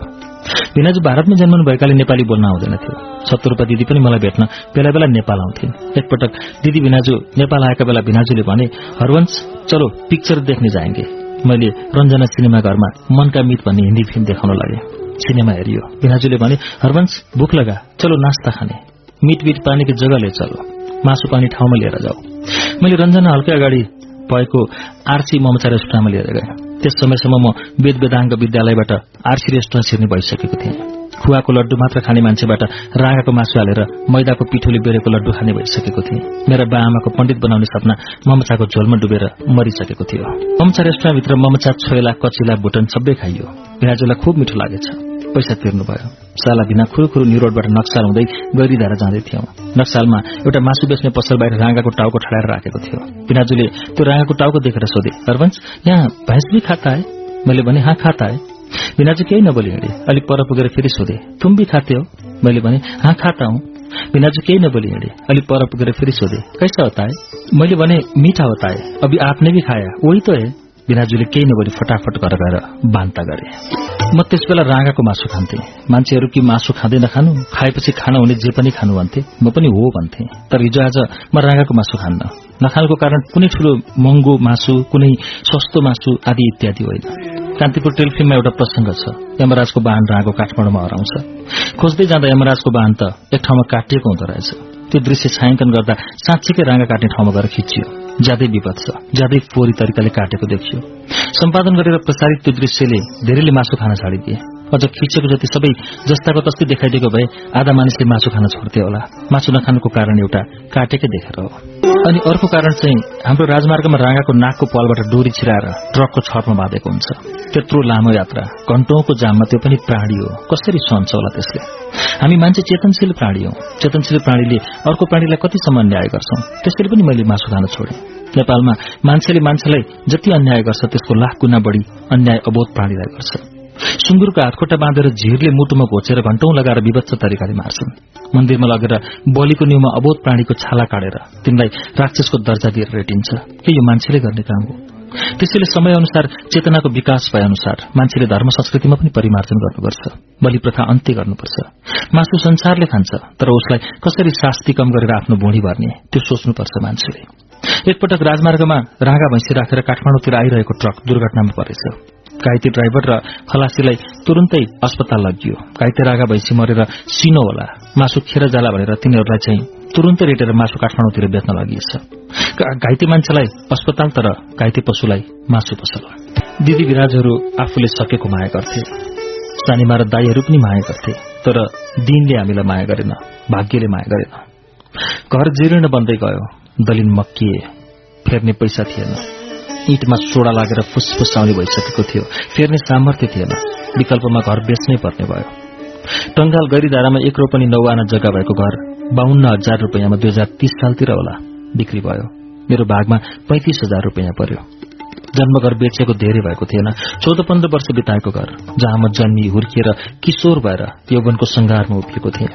एक दिन दिनभरि घुमे। मनमा के के कुरा खेल्दै थियो हिँड्दा हिँड्दै म त साँझ बास बस्न जन्मघरको आँगनमा पुगेछु। जब घरतिर आँखा लगाएर पस्न खोजे अनि पो झर्सङ्ग भए यो घर त अरूलाई नै बेचिसकेको हो। त्यसपछि म फरक्क फर्केर रुँदै रुँदै आफ्नो डेरातिर लागे। हाम्रो बा शंखुबाट काठमाडौँ आएपछि जङ थापा शमशेर थापा खलकको गुरू बन्नुभएछ। धेरै जङ र शमशेर थापाहरूलाई गायत्री मन्त्र सुनाउनु भयो र उनीहरूको घरमा चाडबाड वा पूजा आजा हुँदा कर्मकाण्डको काम गर्नुभएछ। सानो छँदा मेरी आमासँग म पनि थापाहरूको घरमा आउने जाने गर्थे। मलाई सबैले माया गर्थे। गंगाजङ थापा म र मेरो नाति मुकुन्द साथी नै थियौं। लुलु थापा मेरी आफ्नै दिदी जस्तै थिइन्। मलाई गाली गरी गरी पढाउँथिन्। अरू थापाहरू पनि मलाई माया गर्थे। आमा बाबु नभएको बिचरा भन्थे कसैले खर्च दिन्थे कसैले लुगा कपडा किनिदिन्थे। तिनै मध्ये नक्सालमा बस्ने एकजना थापालाई पनि मैले मेरो बाले नै गायत्री मन्त्र सुनाउनु भएको रे उनलाई घर बेचेको पैसा मसँग छ भन्ने थाहा रहेछ। उनले मलाई नक्साल चार ढुङ्गे र भगवती बालको बीचमा चाराना जग्गा बेच्छु भनेर बहिना भयो। उनको घरको माथिल्लो तला एकजना प्रधान थरको मान्छेलाई बन्दकी दिएका रहेछन्। मसँग पैसा लिएर उनलाई हटाए। मलाई उनले आफ्नै घरको त्यही माथिल्लो तलामा लगेर राखे। हामी दिदीभाइ त्यही बस्न थाल्यो। उनका छोराछोरीसँग हाम्रो राम्रो सम्बन्ध हुँदै गयो। साथी वा दिदीभाइ जस्तै। जग्गा पास गरिदिई बक्सोस् न घर बनाउनु पर्यो भन्दा पख पख भन्दै आलेटाले गर्दै गए। पछि जग्गा होइन घरै ल्याउ बाहुन्न हजारमा भन्ने कुरा गरे। त्यसवखत मेरो सबै अभिभारा जानदेवी दिदी र भिनाजुले लिइदिनु भएको थियो। मसँग भएको पैसा पैंतिस हजारमा अरू पैसा दिदीले थपेर त्यो घर किन्ने कुरा भयो। थप पैसा दिएर बाहुन्न हजार पुऱ्यायौं। तर पूरै पैसा लिएपछि पनि उनी घर दिन आलटाल गर्दै गए। झर्कने भेट्न नखोज्ने जस्ता व्यवहार प्रदर्शन गर्न थाले। घरमा बस्दै जाँदा थाहा हुँदै गयो आफ्नो भागमा परेको तराईको एघार सय बिघा जमिन अरू भएका जग्गा जमिन सबै बेचेर खाइसकेका रहेछन्। बिहानदेखि बेलुकीसम्म पैसा छापट दिएका मान्छेहरू आउँथे। बाबुबाजेको सम्पत्ति बेच्दै खाँदै शिकार खेल्दै अत्तर छर्कँदै गाडी फेर्दै मोजमस्ती गर्दै हिँड्ने अनि आफू चाहिँ केही नगर्ने भएपछि जतिसुकै सम्पत्ति भए पनि टिक्दैन मान्छेको। हामीले पूरै पैसा दिएर घर पास गरिदिबक्सियोस् भन्यौं वर्षौं कुर्यौं। कहिले तिमीहरूको पैसा फिर्ता गरिदिन्छु भन्थे। कहिले कहाँ कहाँ लगेर यो जग्गा तिमीहरूलाई किनिदिन्छु भन्थे तर घर पास गरिदिएनन् अब हामी फस्यौं भन्ने पक्का भयो र अदालतमा मुद्दा हाल्यौं। मुद्दा हालेपछि उनका छोराछोरीसँग हाम्रो दुश्मनी हुन थाल्यो। म पनि उग्र हुन थाले। डर त्रास र धम्की मलाई केही जस्तो पनि भएन। हामीले तल भुइँतलामा भएको टोयलेट प्रयोग गर्नु पर्थ्यो उनी चाहिँ बीचको तलामा भएको टोयलेट बाथरूम प्रयोग गर्थे तल सेफ्टी ट्याङ्क भरिएपछि सफा गरिदिँदैनथे। हामीले प्रयोग गर्ने टोयलेट भरिएर भित्र छिर्न सकिँदैनथ्यो। बिन्दु दिदी टोयलेट प्रयोग गर्न छिमेकी कहाँ जान्थिन्? म चाहिँ पत्रिकामा टोयलेट गरेर माथिल्लो तलाबाट उनको झ्याल्नेर खसालिदिन्थे। आधा रातमा माथि कोठाको भित्ता पाल पारेर पिसाब फेरिदिन्थे। एकपटक मध्यरातमा पलङ घरेर सार्दै थिए। पुलिसलाई रिपोर्ट गरेछन्। मलाई अञ्चलाधीश कार्यालय लगियो। अञ्चलाधीशले पनि मलाई झण्डैले थप्पड हानेको। म अञ्चलाधीशसँग ठूलो ठूलो स्वरले बाजे। त्यस बेलाका अञ्चलाधीशसँग त्यसरी कराउने हिम्मत सितिमिति कसैको पनि हुँदैन थियो। अञ्चलाधीश सुन्दर प्रताप शाहका पिए मेरो साथी राजाराम पौडेलका काका राधेश्याम पौडेल थिए। उनलाई म ठगिएको विषयमा थाहा थियो। उनले पनि अञ्चलाधीशलाई सम्झाइदिए। त्यस्तो उग्र भएको अञ्चलाधीशले भने ए त्यस्तो मान्छे भइसकेछ त्यो? मैले पनि अलिअलि सुनेको थिएँ। मलाई प्रहरीको खोरबाट मुक्त गरेर घर पठाइयो। थापाकाजीले मलाई घरबाट निकाल्न अरू धेरै तरिका अप्नाए तर सकेनन्। म घर पुगेपछि मैले आफ्नो उग्र क्रियाकलाप जारी राखेँ। मलाई जसरी भए पनि मेरो पैसा फिर्ता लिन्थ्यो तर पैसा फिर्ता गरेनन्। उल्टो उनी त आफू बसेको घर भाडामा दिएर डेरामा बस्न गए। त्यस वखत मलाई पूरै नक्साल टोलकै साथ थियो। सबै नक्सलवासीलाई मेरो वेदना थाहा थियो। विशेष गरी मेरा साथीहरू राजु मानन्दर राजु भुजु रविन्द्र दास श्रेष्ठ सुरेन्द्र मान श्रेष्ठ अशोक चालिसे राजाराम पौडेल प्रकाश पाणी गौतम रमेश ढुङ्गेल रत्न मानन्दर मनोहर श्रेष्ठ आदिले मलाई सहयोग गरेका थिए। अदालतबाट आएको पूर्जी टाँस्न लाउनु पर्थ्यो साक्षी बस्नु पर्थ्यो। यस्तो जटिल काममा उनीहरूले सधैँ मलाई सघाए। यतिसम्म कि विपक्षीको छोराले मलाई कुट्ने मान्छे जम्मा गरेर ल्याउँदा यी साथीहरू मेरो लागि पिटाई खान समेत तयार भएर आए। एघार वर्षपछि मुद्दा फैसला भयो। म त्यही घरमा बसेको हुनाले पैसाको ब्याज छैन पाउने सावा फिर्ता दिने भयो। दुई हजार एकतीसको बाहन्न हजार रुपियाँ। एघार वर्षपछि फिर्ता पाउँदा पैसाको महत्व धेरै घटिसकेको थियो। अर्थात मेरो पैसा खोज्टा भइसकेको थियो। विशेष गरी दुई हजार छत्तीस सालपछि काठमाडौँमा जग्गाको भाव उत्पाद बढ्यो। एघार वर्षपछि त्यो मेरो भागमा परेको पैंतिस हजार रुपियाँले त विकट ठाउँमा चाराना जग्गा पनि नपाइने भइसकेको थियो। उनले त्यो पैसा पनि फिर्ता गरेनन् अब लिलामी गरेर असुल उपर गर्ने प्रक्रियामा लागे। लिलामीको चिठी नबुझ्ने म्याद बक्यौता गर्ने अनेक उपाय हुँदो रहेछ। चन्द्रकुमार भट्टराई अमृत साक्य जगतपाल श्रेष्ठ दाईहरूले एउटा नाटक गरिदिए। त्यो नक्सालको घर दुई लाख पचास हजारमा किन्ने भनेर। थापा डेढ लाख पाए बेच्ने ग्राहक खोज्दै हिँडिरहेका थिए। दुई लाख पचास हजार दिन आउँदा आत्तिए। दाईहरू घर हेर्न आए जस्तो गर्दै मलाई पनि नचिने जस्तो गरी आए मैले भने उहाँ चाहिँ को नि यो घरमा मेरो मुद्दा छ। मेरो पैसा नतिरिकन हेरौँ त कसले घर किन्दो रहेछ? किन्नेलाई पनि काट्छु बेच्नेलाई पनि काट्छु। मलाई सम्झाइयो तिम्रो पैसा फिर्ता दिने भनेर। दाईहरूले पनि ल हामी पक्का किन्छौं तर यो भाइको पैसा फिर्ता दिएपछि मात्र भने। मैले सुनेको थापाको चालोले सुन बन्धक राखेर बाहुन्न हजार जे गरे। मलाई पैसा तिर्यो तर म पनि ठगिए। मलाई अत्याचार भयो। अन्तत म त्यो घरबाट आजाद भएँ। अनि चन्द्रकुमार भट्टराई अमृत साक्य जगतपाल दाईहरूले पनि मेरो पैसा तिरिसकेपछि हामी घर किन्दैनौ। त्योभन्दा राम्रो घर अन्त पाइयो भनिदिएछ। म चन्द्रदाई अमृत दाई जगत दाईहरूप्रति जीवनभर आभारी रहन्छु। मैले नक्सालमा जग्गा जमिन किन्न सकिनँ। मैले जीवनमा धेरै थोक पाएको प्यारो नक्साल टोल र साथीभाइलाई छोडेर जानुपर्ने भयो। आमाको देहावसानपछि म पद्मोदय हाई स्कूल पाँच कक्षामा भर्ना भएँ। म पनि अब अरू साथीहरू जस्तै कमिज पाइन्ट लगाएर स्कूल जान पाउने भएँ। टोपी पनि ऐना हेरेर आफैले काटेँ। टोपी लगाउनु नपर्ने भयो। साह्रै दुब्लो पातलो म एउटा उदाहरण नै थिएँ दुब्लाहरूको। मेरो अलिक चञ्चल स्वभाव भएकोले कोही मान्छे भेट्यो कि एकैछिनपछि त्यसैको हाउभाउ गर्थे। मान्छे मरिमरि हाँस्थे। टंगाल गैरीधारामा बस्दा एकजना छिमेकी थिए। ती छिमेकीका लोग्ने स्वास्नी छोराछोरी कसरी बोल्छन् भनेर साथीहरूको अगाडि सुनाउँथे। सबै मजाले हाँस्थे। बसाइ सरेर म नक्सल आएपछि नै त्यहाँ नयाँ नयाँ साथीहरू भेट भए। त्यसमध्ये राजाराम पौडेल अशोक चालिसे पनि थिए। उनीहरू गीत गाउने मादल बजाउने नाटक गर्ने गर्थे। उनीहरूको संगतले पनि म गाउन बजाउनतिर आकर्षित हुन थाले। पद्मोदय स्कूलमा म कक्षामा पढ्नभन्दा साथीहरूसँग रमाइलो गर्नपट्टि लाग्थे।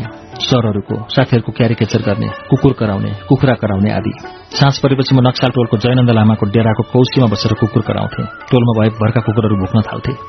दस एघार बजे राति छातीमा हातले ब्याट ब्याट हानेर भाले बाँच्थे। म बाँचेको सुनेर पहिले नजिकै छिमेकीको भाले बाँच्थ्यो त्यो सुनेर अर्को घरको भाले पनि बाँच्थ्यो त्यसरी नै टोलभरिका भाले बाँच्थे। अनि म चाहिँ सुत्न ओछ्यानमा जान्थेँ। टोलमा हिँड्ने जडियाहरूलाई आफूले पनि रक्सी खाएको अभिनय गरेर झगडा गर्न गए चाहिँ गरी हैरान बनाउँथे। पछि पछि त जडियाहरू मलाई देख्ने बित्तिकै ढलमलिँदै भाग्थे। कसै कसैले चाहिँ ढुङ्गा टिपेर हान्थे म भाग्थे। म पद्मोदय स्कूलमा आठ कक्षामा पढ्दा ताका भ्रिकुटी मण्डपको बाटोमा थोरै मात्र गाडी कुर्थे काठमाडौँमा गाडी नै कहाँ थियो त्यति धेरै? वीरेन्द्र शाह त्यसबेलाका अधिराज कुमार राजा वीरेन्द्रका भाइ बेपत्तासँग गाडी कुदाएर आउँथे। पद्मकन्या रत्नराज्य क्याम्पस पढ्ने केटीहरू त्यही बाटो हिँड्थे। उनी बिहान र दिउँसो गरी बीस पच्चीस पटक त्यो बाटोमा गाडी कुदाउँथे र कुदाउँदा कुदाउँदै सड़कमा फनक्क घुमाउँथे ब्रेक लगाएको आवाज हाम्रो कक्षामा छिनछिनमा टटकाएर सुनिन्थ्यो। कैयूर शमशेर राणा अर्थात वीरेन्द्रकी छोरी श्रुतिका ससुरा पनि पद्मोदय अगाडि गाडी कुदाउँदै रत्नराज्य र पद्मकन्या क्याम्पसमा पढ्ने केटीहरूलाई जिस्काउन आउँथे। उनको ताल पनि करिब धीरेन्द्रकै जस्तो थियो। एक दिन म पद्मोदय बाहिर सड़कमा थिएँ। कैयूर शमशेरले गाडी चलाउँदै पद्मकन्या क्याम्पस जान हिँडिरहेकी केटीलाई कालो रङको गुलाबको फूलमा अत्तर छरेर गाडीबाटै हाले। मैले त्यो फूल च्याप्प समातेँ। गाडीभित्र भएका उनका सहयोगीहरूले मलाई झण्डै भकुरेका म कुदेँ विद्यालयभित्र। एक दिन धीरेन्द्र शाह बाटोमा गाडी कुदाउँदै थिए। हामी कक्षा कोठाको झ्यालबाट हेर्दै थियौं। सर आउनु भएको थिएन। हाम्रो एकजना साथी झ्यालबाट ठूलो स्वरमा यस साले धीरेन्द्र भनेर करायो। वीरेन्द्रले सुनेछन् गाडी सड़कमा चार फनको लाग्ने गरी कुमाएर रोके र स्कूलभित्र छिरे। हामी सबैको सातो गइहाल्यो हामी आफ्नो बेन्चमा बस्यौं वीरेन्द्र हातमा पेस्तोल लिएर कक्षामा आए। हाम्रा हेड सर ईश्वरराज अर्याल पनि पछि पछि आए। वीरेन्द्रले पेस्तोल देखाउँदै who bastard pronounce that word to me भनेर सानो स्वरमा सोधे। स्वर सानो भए पनि हातमा पेस्तोल र अनुहारमा क्रोध थियो। पञ्चायती व्यवस्थाको चरम समय। राजाको भाइलाई त्यस्तो बोल्ने हिम्मत गर्नु भनेको ज्यादै डर लाग्दो थियो। हामी सबैलाई थाहा थियो त्यो कसले भनेको तर कसैले पनि त्यसले भनेको भनेनौ। हामी सबै चुपचाप लागिरह्यौं हेड पनि ठूलो स्वरले सोधे सरकारलाई त्यस्तो कसले भनेको? हामी कोही पनि बोलेनौं। धीरेन्द्र फर्केर गएपछि हेड आएर सोधे कसले भनेको? त्यो भन्ने साथीको नाम मैले बिर्से। उसले आफैले भन्यो सर मैले भनेको। सरले दुई थप्पड हाने तँलाई विद्यालयबाट निकालिदिन्छु भने तर निकालेन। त्यस बेला विद्यालयमा को आयो को आएन भनेर सोधखोज गर्ने चलन थिएन। हाजिर गरिन्थ्यो अनि विद्यालयबाट भागिन्थ्यो। बाल रेलले फन्को मार्ने भ्रिकुटी मण्डपको बीचमा एउटा पोखरी अहिले पनि छँदैछ। हामी त्यहाँ पौडी खेल्थ्यौं। एकपटक यी केटाहरूले पौडी नखेलुन् भनेर भ्रिकुटी मण्डपका पालेले मरेको कुकुर ल्याएर पोखरीमा हालिदिएछन्। हामीले कुकुरको लास झिकेर किनारमा राख्यौं र फेरि पौडी खेल्न थाल्यौं। एक दिन हेडसरले पालेदाईलाई भ्रिकुटी मण्डपमा पौडी खेल्ने विद्यार्थीलाई समातेर ल्याउनु भनेर हराएछन्। पालेदाई हामीलाई समात्न आए। जयसिंह शाह लगायत सबै साथीहरू भागे। नभागेकाले मलाई चाहिँ पालेले समातेर विद्यालयमा लिएर गए। अफिसको ठाउँमा मलाई हेडसरले कमसेकम गालामा दस थप्पड हाने होला। सरले कुटेकोमा मलाई ज्यादै चित्त दुख्यो मैले पनि हेडसरसँग बदला लिने निर्णय गरेँ गैरीधारामै बस्ने हाम्रा हेडसर डबल साइलेन्सर भएको रातो होण्डा मोटरसाइकल चढेर हिँड्थे। गैरीधाराको गोमा गणेशको मन्दिर बाहिर मोटरसाइकल रोकेर भित्र गई गोमा गणेशलाई ढोगेर टीका लगाउने उनको रुटिन नै थियो। त्यसपछि मोटरसाइकल चढेर बिहान रत्नराज्य कलेजमा पढाउँथे। दस बजेपछि पद्मोदय आउँथे। म पनि त्यही टोलमा बसेको। र उनकै विद्यालयमा पढेको हुनाले मलाई उनको रुटिन सबै थाहा थियो। मैले हेडसरसँग कसरी बदला लिने भनेर धेरै बेर सोचेँ। हेडसर गोमा गणेश दर्शन गर्न आउँदा मन्दिरभित्रको ढोका पछाडि गरेर लुक्छु। जब सर गणेशलाई ढोग्न निहुरिन्छन् त्यही बेला सरलाई लात्ती हान्छु भनेर दुस्साहस रचे। भोलिपल्ट बिहान गणेश मन्दिरमा त्यसै गरी गएँ र ढुकेर बसेँ। हेडसरलाई कुट्नुपर्ने मुटु ढुक ढुक भइरहेको थियो। परबाट हेडसरको मोटरसाइकलको आवाज आयो। मुटु झन्झन उफ्रन थाल्यो। मन्दिरभित्रको ढोका पछाडि गएर लुकेँ। सर गणेश स्तोत्र जप्दै मन्दिरभित्र आए। मेरो मुटु अझ धड्कन थाल्यो। सर गणेशलाई ढोग्न निउरिए मैले खुट्टा उचाल्न लाग्दा मन्दिरको भुइँमा छापेको ढुङ्गामा मेरो छालाको जुत्ताको तलुवा रगडेछ र आवाज आयो स्वाइया सरले फरक फर्केर पछाडि हेरे मलाई देखे सरसँग आँखा जुतेपछि सरलाई आक्रमण गर्ने मेरो आँट त सल्याक सुलेक भयो। हेर्सरले गणेशलाई ढोगेर उठेर भने त? मैले लामो लामो सास तान्दै भने सरले त मलाई अस्ति खुब कुट्नु भयो नि। हेडसरले तँलाई अस्ति मात्रै होइन आज पनि कुर्छु भनेर मन्दिरभित्रै गालामा दुई थप्पड लगाएर गए। गाला सुमसुमाउँदै मैले स्वर गएको हेरिरहेँ। त्यसपछि हेडसरसँग बदला लिने मेरो आँट कहिले आएन अनि आफ्नै दोषी भएको निष्कर्षमा पुगेर मनमा नै प्रायश्चित गर्दै हिँडेँ। त्यस वर्ष हाम्रो विद्यालयको रजत जयन्ती थियो। म कक्षा आठको विद्यार्थी तर रजत जयन्ती समारोहमा हामीलाई माथिल्लो कक्षाका विद्यार्थी मात्र सांस्कृतिक कार्यक्रम गर्न नाचगानको अभ्यास गर्दै थिए। मलाई पनि त्यो नाचगानमा भाग लिन मन लागेको थियो तर मौकै पाएको थिएन त्यस समारोहमा एकलव्य नाटक देखाउने कार्यक्रम थियो। त्यस नाटकमा एकलव्यले धनुष हान्दा एउटा कुकुरलाई लागेर कुकुरको कोही कोही आवाज आउनुपर्ने रहेछ। कुकुर कोही कोही कराएको आवाज निकाल्न रिहर्सलको दिन एउटा साँच्चैकै कुकुरलाई डोरीले बाँधेर राखेको रहेछ। जुन बेला त्यो आवाज चाहिन्छ त्यही बेला कुकुरलाई लट्ठीले हानेर कहीँ कहीँ आवाज निकाल्नुपर्ने थियो। अहिले त कुकुरलाई कुट्नु हुँदैन भन्ने प्राणीवादी सोच आएको छ। ऊ पनि प्राणी हो। कुकुर मान्छेको मित्र हो भन्ने सबैलाई चेतना हुँदैछ। त्यस वखत पनि कुकुरलाई कुट्नु हुँदैन भन्ने मन भएको साथी जयसिंह शाह रहेछ। उसले मैले बेला बेला कुकुरको कुखुराको आवाज निकालेको थाहा पाएको थियो। उसैले प्रस्ताव राखेछ कुकुरलाई नकुटौं। हरिवंशले ठ्याक्कै कुकुरको आवाज निकाल्छ त्यस्तैलाई बोलाउँ ठूला साथीहरूले सोधे त कुकुरको आवाज निकाल्छस् रे हो? मैले भने हो निकालिदिउँ ल ल निकाल त। मैले ठ्याक्कै निकालिदिएँ। उनीहरूले कुकुरलाई छोडिदिएर मलाई कुकुरको ठाउँमा राखे भोलिपल्ट राष्ट्रिय सभागृहको रंगमञ्चभित्र पर्दा पछाडि एउटा माइक राखेको थियो। म त्यो माइकमा थिएँ। जुन बेला कुकुरको आवाज चाहियो मलाई इसारा गरे। मैले कुकुरलाई दुत्ता निकाल्ने आवाज ठ्याक्कै निकाले। मुकुन्दराज छिटोला त्यसबेला पद्मोदय माध्यमिक विद्यालयका स्वतन्त्र विद्यार्थी युनियनका अध्यक्ष पनि थिए। उनले भने यसलाई पनि प्रमाणपत्र दिनुपर्छ। यस्तो राम्रोसँग कुकुर कराए मलाई पनि प्रमाणपत्र दिलाए त्यो नै जीवनमा मैले पाएको पहिलो प्रमाणपत्र हो। त्यसमा कक्षा आठमा पढ्ने हरिवंश आचार्य नाटकमा कुकुर कराएकाले यो प्रशंसा पत्र प्रदान गरिएको छ लेखेको थियो। पछि बिहेर सर्दा जीवनकै पहिलो प्रमाणपत्र कता हरायो कता। कार्तिक महिनालाई कुकुरको महिना भनिन्छ। कार्तिकमा कुकुर तिहार पनि पर्छ। कार्तिकमा जन्मनेलाई कार्तिकै पनि भनिन्छ। म पनि कार्तिकमै जन्मेको हुँ। रंगमञ्चमा पनि पहिलो पटक कुकुर कराएर आएँ। पहिलो प्रमाणपत्र पनि कुकुर कराएरै पाएँ। कुकुर र मेरो अनौठो सम्बन्ध थियो। नेपालमा कुकुर दुई वर्गका छन्। एउटा वर्गको कुकुरले विदेशबाट आयात गरेको खाना खाँदै एयर कण्डिसन भएको गाड़ीमा मालिक मालिकनीको मुख चाड्दै हिँड्न पाउँछ भने अर्को वर्गको कुकुर गल्ली गल्लीमा भौतारिँदै लुत्तो कनाउँदै सड़कको पेटी पेटीमा व्यवहारिसी भएर भोकभोकै हिँड्छ म आफूलाई यी दुवै वर्गको कुकुरसँग तुलना गर्न चाहन्छु। मान्छेलाई म जस्तो भाग्यमानी भएर जन्मन गाह्रो छ। म जस्तो अभागी भएर पनि जन्मन गाह्रो छ। मैले कुकुरले नपाएको दुःख पनि पाएँ। कुकुरले नपाएको जस्तो सुख पनि पाएँ। अहिले म काठमाडौँ एनिमल ट्रिटमेन्ट सेन्टर क्याटको अध्यक्ष पनि हो। यो संस्था बीसौं वर्षदेखि नेपालमा बसिरहेकी बेलायती महिला जेन साल्टरले चलाएको हो। उनले बेलायतमा काम गर्दा बचाएको बीस लाख रूपियाँको अक्षय कोषले यो संस्था खोलेकी हुन् यो संस्थाले विशेष गरी सड़कका कुकुरहरूको हेरचाह गर्छ। अहिले पनि नेपालका धेरै ठाउँमा सड़कका कुकुरहरूको संख्या घटाउन बीस खुवाएर मारिन्छ। कुनै कुकुर चाँडै मर्छन् कुनै तीन चार दिनसम्म पनि छटपटाइरहन्छन्। यो पनि चरम प्राणी विरोधी काम हो। क्याटले सड़कका पोथी कुकुरहरूलाई टोल टोलबाट समातेर ल्याउँछ र परिवार नियोजनको अपरेशन गर्छ। घाउ भएपछि जुन टोलबाट समातेर ल्याएको त्यही लगेर छाडिदिन्छ। काठमाडौँमा भुसिया कुकुरको संख्या यसरी घटाइरहेको छ क्याटले। लुत्तो आएका मोटरले हिर्काएका कुकुरहरूलाई पनि ल्याएर औषधि उपचार गर्छ। यस संस्थालाई नेपालभित्र र बाहिरका पशुप्रेमी मानिसले सघाएर पुण्य काम गरिरहेछन्। हुन त यो नगरपालिकाहरूले गर्ने काम हो तर उनीहरूले मलाई राम्रो सहयोग गरेनन्। पद्मोदय हाई स्कूलको रजत जयन्ती समारोह मेरा लागि एउटा ठूलो उपलब्धि भयो। मैले साथीहरूको अगाडि गर्ने छिमेकीको नक्कल जनावरको नक्कल त रंगमञ्चमा देखाउन हुने रहेछ भन्ने थाहा पाए। अब मेरा कोठे क्रियाकलाप रंगमञ्चमा प्रस्तुत हुन थाले। एकैपल्ट संयौं दर्शक माझ आफूलाई प्रस्तुत गर्न थाले। त्यस वखत विशेष गरी नेवारी समुदायले टोल टोलमा सड़कमा मंच बनाएर सांस्कृतिक कार्यक्रम दबु प्याख्न देखाउँथे। म दबु प्याख्न देखाउने ठाउँ खोजी खोजी जान्थे र मेरो पनि कार्यक्रम राखिदेऊ न भन्थे। छिमेकीका श्रीमान श्रीमतीको आवाज सरहरूले पढाउँदाखेरिको हाउभाउ विभिन्न जनावरहरूको आवाज सुनाउँथे। मान्छे मरिमरि हाँस्थे।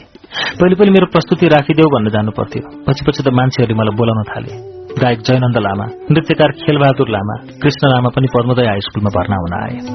यी तीनैजना साथी भर्खर भैरव नृत्य दलबाट नेपाली सांस्कृतिक कार्यक्रम युरोपमा देखाएर फर्केका थिए। युरोपबाट फर्केका साथीहरूको अनुहार सफा सेतो र तेजिलो भएको थियो। मैले उनीहरूसँग संगत बढाएँ। मलाई पनि तिमीहरूको संस्थामा नाच्न राखिदेऊ न भने। उनीहरूले मलाई नृत्यकार भैरबहादुर थापासँग भेटाइदिए। र यो मान्छेले हँसाउन जानेको छ भने भैरबहादुर थापाले भने यो यस्तो दुब्लो छ टिङ्रिङ्ग परे के नाच सिकाउने? यसकोलाई त हँसाउन लगाउनुपर्छ। मलाई झाँक्री नाचमा बिरामीको रोल दिए पद्म सम्भव नाचमा लाभा फुक्ने काम पनि दिए। अनि जनकपुर धर्मशालामा करिब एक महिना बस्यौं। त्यही धर्मशालाको चौरमा जस्ताले घेरेर रंगमञ्च बनाइएको थियो। त्यहाँ हरेक साँझ नेपाली सांस्कृतिक कार्यक्रम प्रदर्शन गरिन्थ्यो। हामी त्यही धर्मशाला नजिकको भोजनालयमा पाँच रूपियाँमा आधा प्लेट खसीको मासु र भात खान्थ्यौं। भात थप्दा चोक्टा होइन मासुको झोल मात्र थप्नु पाइन्थ्यो। दुब्लो भए पनि मेरो आहार धेरै थियो। हामीले खसीको मासुको झोल थप्दै भात खाँदा केही दिनपछि साउजीले भने तपाईँहरूलाई त म भरपेट खुवाउन सक्दिनँ घाटा लाग्छ। पेट सिस्टममा मात्र खाना खुवाउन सक्छु। धर्मशालाको भाडा बिहान बेलुकी होटेलमा भात खाएको पैसा तिर्न पुग्ने टिकट पनि बिक्री हुँदैन थियो। पैसा थुप्रो तिर्नुपर्ने भएपछि हामी राति नै बस रिजर्भ गरेर राजविराजतिर भाग्यौं। जनकपुरको भोजनालयका साउजी त। हामी भागेको थाहा पाएर हामीभन्दा पहिले नै पैसा लिन राजविराज पुगिसकेका रहेछन्।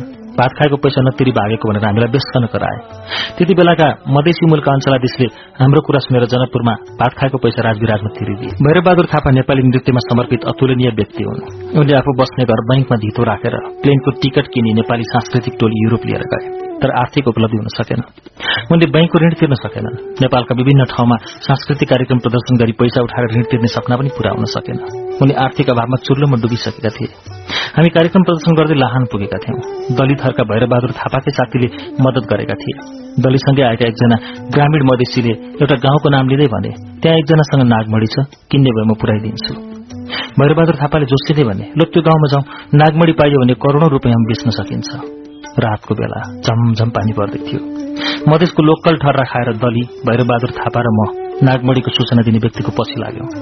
नागमणी खोज्न गएका हामीलाई गोमनले डस्ला भन्ने डर पनि भएन। पानीमा छप्ल्याङ छोप्ल्याङ गर्दै डेढ घण्टा अँध्यारोमा टर्च पाल्दै हिँड्यौं। भैरबहादुर थापा भन्दै थिए ल अब हाम्रा दुःखका दिन गए जस्तो छ। जसरी भए पनि नागमणी फुस्काउनुपर्छ र करोड़मा बेच्नुपर्छ। त्यसपछि बैंकको ऋण पनि तिर्छु र आनन्दसँग नयाँ घर बनाएर बस्छु। अहिले घर ढल्ने अवस्थामा पुगिसक्यो। मतिर हेर्दै उनले फेरि थपे तिमी टुरोको दिन पनि आउँछ। म तिमीलाई पनि पक्कै केही गरिदिन्छु। अब मेरो मनमा पनि नागमणी पाइएला भन्ने धेरै आशा पलायो।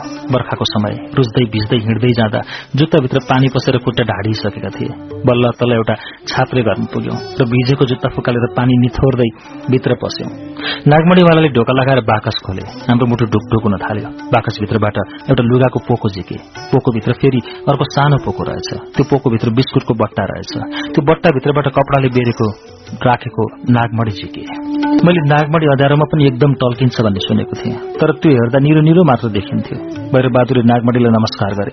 दलीले त्यो सानो सानो डल्लो हातमा लिए। उल्टाइ पल्टा गरेर त्यो नागमणीको सूचकलाई स्थानीय भाषाबाट मुख्य छोडेर गाली गरे। त्यो नागमणी भनिएको गेडो त भ्यागुताको फूल पो रहेछ। कहाँ नागमणी कहाँ भ्यागुताको फूल? करोड़ौंमा नागमणी बेचेर बैंकको ऋण तिर्ने नयाँ घर बनाउने मेरो पनि भविष्य बनाइदिने भएर बहादुरको सपना भ्यागुताको फूल भयो। हामी फेरि त्यही अँध्यारो बाटोबाट लुरु लुरु फर्कियौं। कसैको मुखबाट एक शब्द पनि निस्केन। जुन जोस जाँदाखेरि थियो भ्यागुताको फूलले त्यो सबै खत्तम पारिदियो। आर्थिक हिसाबले भ्यागुताको फूल मात्रै दुई महिने कला यात्रामा हात परे पनि रंगमञ्चको प्रशस्त अनुभव प्राप्त गरे मैले। हामी फेरि अँध्यारोबाटै फर्केका थियौं। मेरो दिदी बिन्दु नक्सालको झगडा परेको घरको माथिल्लो तलामा एक्लै बस्थिन्। त्यो कुरा सम्झेर मलाई ग्लानी हुन्थ्यो। बिचारी दिदी यस्तो अप्ठ्यारो परिस्थितिमा पनि त्यस्तो भूत आउला जस्तो घरमा प्रेत जस्ता घरपति भएको ठाउँमा कसरी एक्लै बसेन होला? त्यसबेला न फोनको चल्ती धेरै थियो न मोबाइलको। भाइ कहाँ छ? के छ? केही अत्तो पत्तो हुँदैन थियो उनलाई। सम्बत दुई हजार तेत्तीसमा नेपाल राजकीय प्रज्ञा प्रतिष्ठानले आयोजना गरेको गाई जात्रा महोत्सवको खुब चर्चा चल्यो। पत्र पत्रिकाहरूमा पनि खुब चर्चा हुन्थ्यो। हेर्न आउनेहरू खुब बयान गर्थे। मलाई पनि हेर्न जाने बडो उत्सुकता जाग्यो। टिकट काटेर प्रज्ञा भवनमा गए। त्यस वखत लक्ष्मण लोहनी यादव खरेल राजपाल हाडा गोपाल राज मैनाली मदन कृष्ण श्रेष्ठ जस्ता कलाकारलाई देख्न पाए। मदन कृष्ण श्रेष्ठको बारेमा सुन्न चाहिँ धेरै सुनेको तर देखेको त्यही बेला हो। लक्ष्मण लोहनीको फुटबल हेर्न गएको क्यारिकेचर र यादव खरेलको कविता खुब चोटिलो लाग्यो। मदन कृष्ण श्रेष्ठले गाएको जागिरदारको गीत जोरदार लागेको थियो। प्रकाश र ध्वनिले सजिएको प्रज्ञा भवनको हलमा हेरेको व्यङ्ग्यले मेरो मन साह्रै छोयो। मैले मनमा नै प्रण गरेँ। अर्को साल म पनि प्रतियोगितामा भाग लिन्छु। मेरो घरको अवस्थाले गर्दा मलाई कतै जागिर नखाइ नहुने भएको थियो। दिदी बिन्दु एसएलसी पास गरेर स्कूलमा पढाउँदै थिइन्। मैले पनि एसएलसी दिएको थिएँ। तत्कालीन राजाका सम्वाद सचिव चिरन शमशेर थापा थिए। उनको घरमा बिहान सयौं मान्छे आउँथे। संस्थानका जीएम मन्त्री सचिव पत्रकारहरू। पञ्चायती व्यवस्था भएको हुनाले देशमा सम्पूर्ण काम दरबारबाट हुन्थ्यो। दरबारका सचिवहरू त्यसबेला निकै शक्तिशाली थिए। हामी चिरन शमशेर थापाका गुरू खलक भएकाले उनका बुबा आमा मलाई धेरै माया गर्थे। मेरी दिदी जानुदेवीले मलाई कतै जागिर मिलाइदिन चिरन शमशेरका बाबा मलाई भनेकी थिइन्। चिरन शमशेरले मलाई एसएलसी पास गर्नु र टाइप सिक्नु भनेका थिए। म टाइप सिक्न नक्साल भगवती बहालमा भर्ना भए। उदित नारायण झा पनि म जस्तै टाइप सिक्न त्यहाँ भर्ना भएका रहेछन्। त्यसपखत उनीसँग मेरो चिना पर्ची थिएन। तर चार दिन टाइप गरेर झर्को लागेकोले मैले छोडिदिएँ। पद्मोदय हाई स्कूलका वरिष्ठ शिक्षक लक्ष्मीप्रसाद अधिकारीसँग मेरो राम्रो सम्बन्ध थियो। उनी बानेश्वरमा रत्नराज्य स्कूलको हेडमास्टर भएर गएका थिए। एक दिन मलाई बाटामा भेटेर सोधे ए त जागिर खान्छस्? मैले भने खान्छु। मलाई रत्नराज्य स्कूलमा मुखियाको जागिर लगाइदिए। मेरो जीवनको पहिलो जागिर म त्यहाँ फिस बुझ्ने काम गर्थे। महिनाको एक सय पैंतिस रूपियाँ तलब आउँथ्यो। सय रूपियाँ दिदीलाई दिन्थे पैंतिस रूपियाँ आफूलाई पकेट खर्च। खरिदार होमबहादुर खड्का पनि खुब हँसाउने कुरा गर्थे। भैरव नृत्य दलबाट सांस्कृतिक कार्यक्रम गर्न दुई महिनासम्म जिल्ला गए। विद्यालयमा विदा लिएको थिएन। दुई महिनापछि आउँदा त जागिरै चट अहिले पनि एसएलसीलाई फलामी ढोका बनिन्छ। त्यतिखेर म जस्ता मध्यम वर्गका मान्छेको उद्देश्य एसएलसी पास गर्ने नाइट अथवा मर्निङ कलेज पढ्ने अनि एउटा खरिदारको जागिर खाने हुन्थ्यो। त्यसबेला नेवी संघका अध्यक्ष बलबहादुर केसी नक्सालमा बस्थे। हामी उनलाई दाई भन्दै उनको डेरामा आउने जाने गर्थ्यौं। बेला बेला पञ्चायत विरोधी काम गर्दा ढाडमा पुलिसले हानेको लट्ठीको सुम्लो देखाउँथे। हामीलाई एसएलसी पास गराउन धेरै कोसिस गरे। मेरो एसएलसीको सेन्टर दरबार हाई स्कूलमा परेको थियो। उनी अंग्रेजी गणित विज्ञानको जाँचमा पुलिसको आँखा छल्दै हामीलाई चिट दिन हलमै आउँथे। मलाई चिट दिन आउँदा उनलाई पुलिसले समातेर लट्ठी हान्दै लगेको थियो। उनको प्रयास खेर गयो। एसएलसीको रिजल्ट भयो। विज्ञान र गणितले माया मारेछ। चौथो डिभिजन आयो। एसएलसी अनुतीर्ण भएपछि उत्साह पनि जाँदो रहेछ। सबै साथीहरू कलेज जान थाले। आफू चाहिँ कहाँ जाने दिनभरि? एक दिन घरमै बसिरहेको थिएँ। साथी सुरेन्द्र पौडेलले भन्यो ब्याङ्कक जाने? म अचम्ममा परे। ब्याङ्कक जानु पाउने कुरा सुनेर मलाई राम्रो नराम्रो केही मतलब थिएन। मैले कुरा खस्न नपाउँदै भनिहालेँ जाने जाने। त्यस वखत सरकारले झिटिकुण्ड नियम भनेर विदेश जाने नेपालीलाई तीन तोला सुन तीन जोर लुगा छाता क्यामेरा घड़ी आदि लिएर आउने छुट दिएको थियो। त्यस्तो व्यापार प्राय मनाङबाट राजधानी आएर बसेकाहरूले गर्थे। उनीहरूलाई मनाङ्गे भन्ने चलन थियो। परराष्ट्र मन्त्रालय गएर पासपोर्ट बनाएर सुरेन्द्र पौडेललाई दिए। उसको झोलामा बिस तीसवटा पासपोर्ट थिए। उनीहरू थुप्रै मान्छे ब्याङ्कक लैजाने अनि तिनकै नाममा सामान ल्याएर बेच्ने गर्थे। साउले नाफा पाउँथ्यो जानेले ब्याङ्कक घुम्न पाउँथे। साई नेपाल वायु सेवा निगमको जेट प्लेन हामी जस्तै केटाहरूले भरिएको थियो। तीमध्ये एउटा त मै थिएँ। जेटमा बसेका केटाहरूले प्लेनले हवाई मैदान छोडेर उड्न साथै ताली बजाए गडगडी मैले किन ताली पिटेको भनेर सोधेँ। एउटाले भन्यो जिन्दगीमा जेट चढ्न पाइयो भनेर। त्यसपछि मैले पनि मनमा नै ताली पिटेँ। मैले पनि जेट चढ्ने मौका पाएको थिएँ। उडिरहेको प्लेनको झ्यालबाट हेर्न थाले। कोही तल देखाएर इन्डिया इन्डिया भन्थे। कसैले चीन चीन भन्थे। कोही कोही त तल देखाएर यो त अमेरिका हो पनि भन्थे। म अलिअलि मात्र बुझ्दै थिएँ हामी भारत बंगलादेश बर्मा हुँदै थाइल्याण्डको आकाशमा छिर्दैछौं। धेरैले जेटको टोयलेटमा चुकुल लगाउन पनि जानेका थिएनन्। एउटा कमरमा बसेको हुन्थ्यो अर्कोले ढोका खोल्थ्यो अनि सहरी भन्थ्यो आरएनएसीको जहाजमा धुमपान गर्न पनि छुट थियो वखत। मध्यपान त झन् एयर होस्टेस आफैले खुवाउँथिन् कसैले हुस्की खाए कसैले बियर कसैले वाइन मैले पनि बियर खाएँ। हाम्रो साउ सोना मनाङ्गे लवजमा भन्थ्यो ए धेरै राक्सी नखाऊ। ब्याङ्ककको एयरपोर्टमा गाह्रो पार्छ। जेट थाइल्याण्डको राजधानी ब्याङ्ककमा ल्यान्ड गर्न तल तल ओर्लियो। हामीलाई रोटेपिङ खेल्दा तल खसेको जस्तो सिरिङ्ग भइरहेको थियो। साथीहरू तर्सेर मुख अँध्यारो पारिरहेका थिए। जेटको पाङ्राले थाइल्याण्डको भुइँ छुँदा द्वाङराङ्ग गर्यो। सबैको सातो गर। एक दुईजनाले त मुखै छोडेर छोडेर नराम्रो शब्द पनि बोले। म चाहिँ त्यति धेरै तर्सिन किनभने त्यसभन्दा पहिले काठमाडौँबाट विराटनगर जाँदा एब्रो चढिसकेको थिएँ। जेट ब्याङ्कको एयरपोर्टमा गुड्न थालेपछि पहिले एउटाले ताली पिट्यो अनि सबैले पिटे। मैले फेरि सोधेँ किन ताली पिटेको? उही अघि जेट उड्दा जेट चढ्न पाइयो भनेर ताली पिट्नेले भन्यो ज्यान बाँच्यो भनेर। हाम्रो मनाङ्गे साउले सबैलाई पासपोर्ट दिँदै भन्यो सबै एकै लाइनमा लाम बस्ने। बाहिर निस्केपछि सबै एकै ठाउँमा उभियो आफू खुसी नहिँड अनि सुरेन्द्र पौडेलतिर फर्केर भन्यो ए पौडेल तिमीले भन सबैलाई। सुरेन्द्रले म लगायत सबै साथीहरूलाई लाइन बस्ने कतै नजाने अनुशासनका कुराहरू सिकायो। सात दिन थाइल्याण्ड बस्यो। ब्याङ्कको सड़कमा मोटरसाइकल त झिङ्गा भन्दा धेरै। साइलेन्सर पाइप झिकेको मोटरसाइकल कोलाहल मचाउँदै गुड्थे सड़कमा। कति व्यस्त जीवन त्यहाँको। सानो सय शिशुको मोटरसाइकलमा मारेको बंगुर पछाडिपट्टि सीटमा बाँधेर बेतोडले कुदाउँथे। लोग्ने मान्छे भन्दा स्वास्नी मान्छे बेफुर्सदिला थिए। कोही खाना बेच्ने कोही सामान बेच्ने कोही शरीर बेच्ने। हामी बसेको होटलमा पनि केटीहरू स्याउस्याउती थिए। कतिलाई त लोग्नेर नै मोटरसाइकलमा ल्याएर त्यहाँ छोडेर जान्थे पैसा कमाउन। मैले पनि निर्वस्त्र आइलाई पहिलोपल्ट त्यही देखेँ। सात दिनमा मनाङ्गे साउले धेरै ठाउँमा घुमाउन पनि लग्यो। एक एक जोर लुगा पनि किनिदियो हामी सबैलाई। मलाई मनाङ्गे साउ खुब मन पराउँथ्यो। मैले बोलाएकी साउ खुब हाँस्थ्यो अनि साँझतिर खुसुक्क खाऊ भनेर बियर दिन्थ्यो। काठमाडौँ आउने दिन साउले चारवटा कमिज दुई जोर प्यान्ट लगाऊ भन्यो। ज्याकेट एक एकवटा लाउन दियो लगायौं। अर्को एक एकवटा ज्याकेट पनि हातमा लिऊ भन्यो। सबैले हातमा एक एकवटा ज्याकेट बोक्यौं। ब्याङ्कको गर्मीमा चारवटा कमिज ज्याकेट डबल प्यान्ट लगाएर फेरि अर्को एउटा ज्याकेट हातमा लिँदा हामी उसिनेको आलु जस्तै भएका थियौं। ब्याङ्कक एयरपोर्टमा आएपछि सबैको जिउमा तीन तोला सुनका सिक्री र औठी लगाइदियो। मैले जिन्दगीमा सुनको सिक्री बेरुवा औठी पहिलोचोटि लगाएँ। गजबको सिको फाइभ घडी पनि लगाइदियो। दुई चारवटी केटी पनि थिए ब्याङ्कक जानेमा। उनीहरूले पनि एकैजनाले पाँचवटा जापानी सारी लगाउन पाए। साउले हामीलाई काठमाडौँमै भनेको थियो तिमीहरू घाडी सुन केही पनि नलगाइ आऊ। हामीले बल्ल थाहा पायौं। उसका घड़ी सुन लगाएर आउनलाई त्यसो भनेको रहेछ। हाम्रो टाउकोमा एक एकवटा रेबन्ड गग पनि राखिदियो। एयरपोर्टमा अरू देशका मान्छेहरू हाम्रो लुबाई देखेर छक्क परेर हेर्थे। नेपाल आउने आरएनएससीको जहाजभित्र छिर्न साथै हामीले लगाइदिएको चस्मा घड़ी सुन साउली झोलामा हाल्यो। अनि काठमाडौँमा जहाज ल्यान्ड गर्ने बेलामा फेरि सबैलाई घड़ी चस्मा सुन लगाइदियो। तीन घण्टा जहाजमा बस्दा उसका सामान हराउलान् फोटान भनेर उसैले लिएको रहेछ। हामी त्रिभुवन अन्तर्राष्ट्रिय विमानस्थलमा ओर्लदा मसँगै ब्याङ्कक जाने साथीहरूको लवाई हेर्दा खेतमा साँडे धपाउन राखेको बुक्याचा जस्तै देखिन्थ्यो। म पनि त्यस्तै थिएँ अरूले हेर्दा। त्रिभुवन विमानस्थलमा एक एकवटा प्लास्टिकको झोला पनि दियो। हामी सबैलाई त्यसमा एक एक कार्टुन पाँच सय पचपन्न चुरोट र एक एकवटा रेड लेभल हुस्की थिए। हामी र हाम्रो नाममा ल्याइएका सामान विमानस्थलबाट मिनी बसमा राखेर सिधै ठमेलको एउटा घरमा लिएर गयो। हामीले लगाएका चारवटा कमिजमा तीनवटा र दुईटा प्यान्टमा एउटा फुकाल्न लगायो। ज्याकेट भने दुइटै लियो सुन चस्मा घडी त मिनी बसभित्र पस्ना साथै लिएर झोलामा हालिसकेको थियो। त्यस वखत भारतमा सुन र विदेशी लुगा आयात गर्न प्रतिबन्ध थियो। भारतीयहरू विदेशी सामान र सुन किन्न नेपाल आउँथे। त्यसबाट हङकङ ब्याङ्ककका व्यापारीहरूलाई सबै राम्रै फाइदा हुन्। काठमाडौँ आएपछि मनाङ्गे साउले किनिदिएको नयाँ जिन्सको प्यान्ट र सर्ट लगाएर टोलमा हिँड्दा ए यो बरिया त ब्याङ्कक गएर आएको भनेर औँलाले देखाउँथे साथीहरू। एसएलसी फेल भएर ब्याङ्कक जाने सात दिनको स्कलरसिप नै थियो त्यो मेरो थाइल्याण्ड यात्रा। त्यसपछि सोनाम मलाई देख्यो कि बेसकन हाँस्थ्यो र भन्थ्यो जोकर छ यो हरिवंशा। तीन महिनापछि फेरि म सोनामसँग ब्याङ्क जान पाउने भए। उसले मलाई तिमी पनि पाँच हजारको सामान ल्याऊ म तिमीलाई छुट दिन्छु भन्यो। म फेरि ब्याङ्कक जान लागेको कुरा मेरो नक्साले साथीहरूले थाहा पाए। कसैले पाइन्ट ल्याइदियो भनेर पैसा दिए कसैले ज्याकेट कसैले घडी कसैले चस्मा। मैले कसैको पनि नाइ भनिन। मसँग नौ हजार रुपियाँ जम्मा भयो। दोस्रो पटक ब्याङ्कक गएर त्यो सबै पैसाले सोनामको सल्लाह अनुसार कपडा किनेर काठमाडौँ ल्याए। सोनामले नै बेचिदियो। मलाई सात हजार नाफा भयो। पढ्न अलि लद्दु लद्दुहरूले तराईमा गएर मजाले चोरेर अझ आफ्नो जाँचैहरूलाई लेख्न लगाएर पास भएर आएको थाहा थियो। त्यसैले हामीले पनि अर्को वर्ष सेन्टर परिवर्तन गरेर लाहानमा राख्यौं। मेरो साथी राजु मानन्द अलि इन्जिनियर छ। ऊ एकदम राम्रो पढ्ने विद्यार्थी हो तर कसरी फेल भयो थाहा छैन। उसको संगतले म पनि पास हुनुपर्ने हो। मेरो संगतले ऊ फेल भयो भनौँ भने पढ्ने विद्यार्थी त फेल नहुनुपर्ने हो।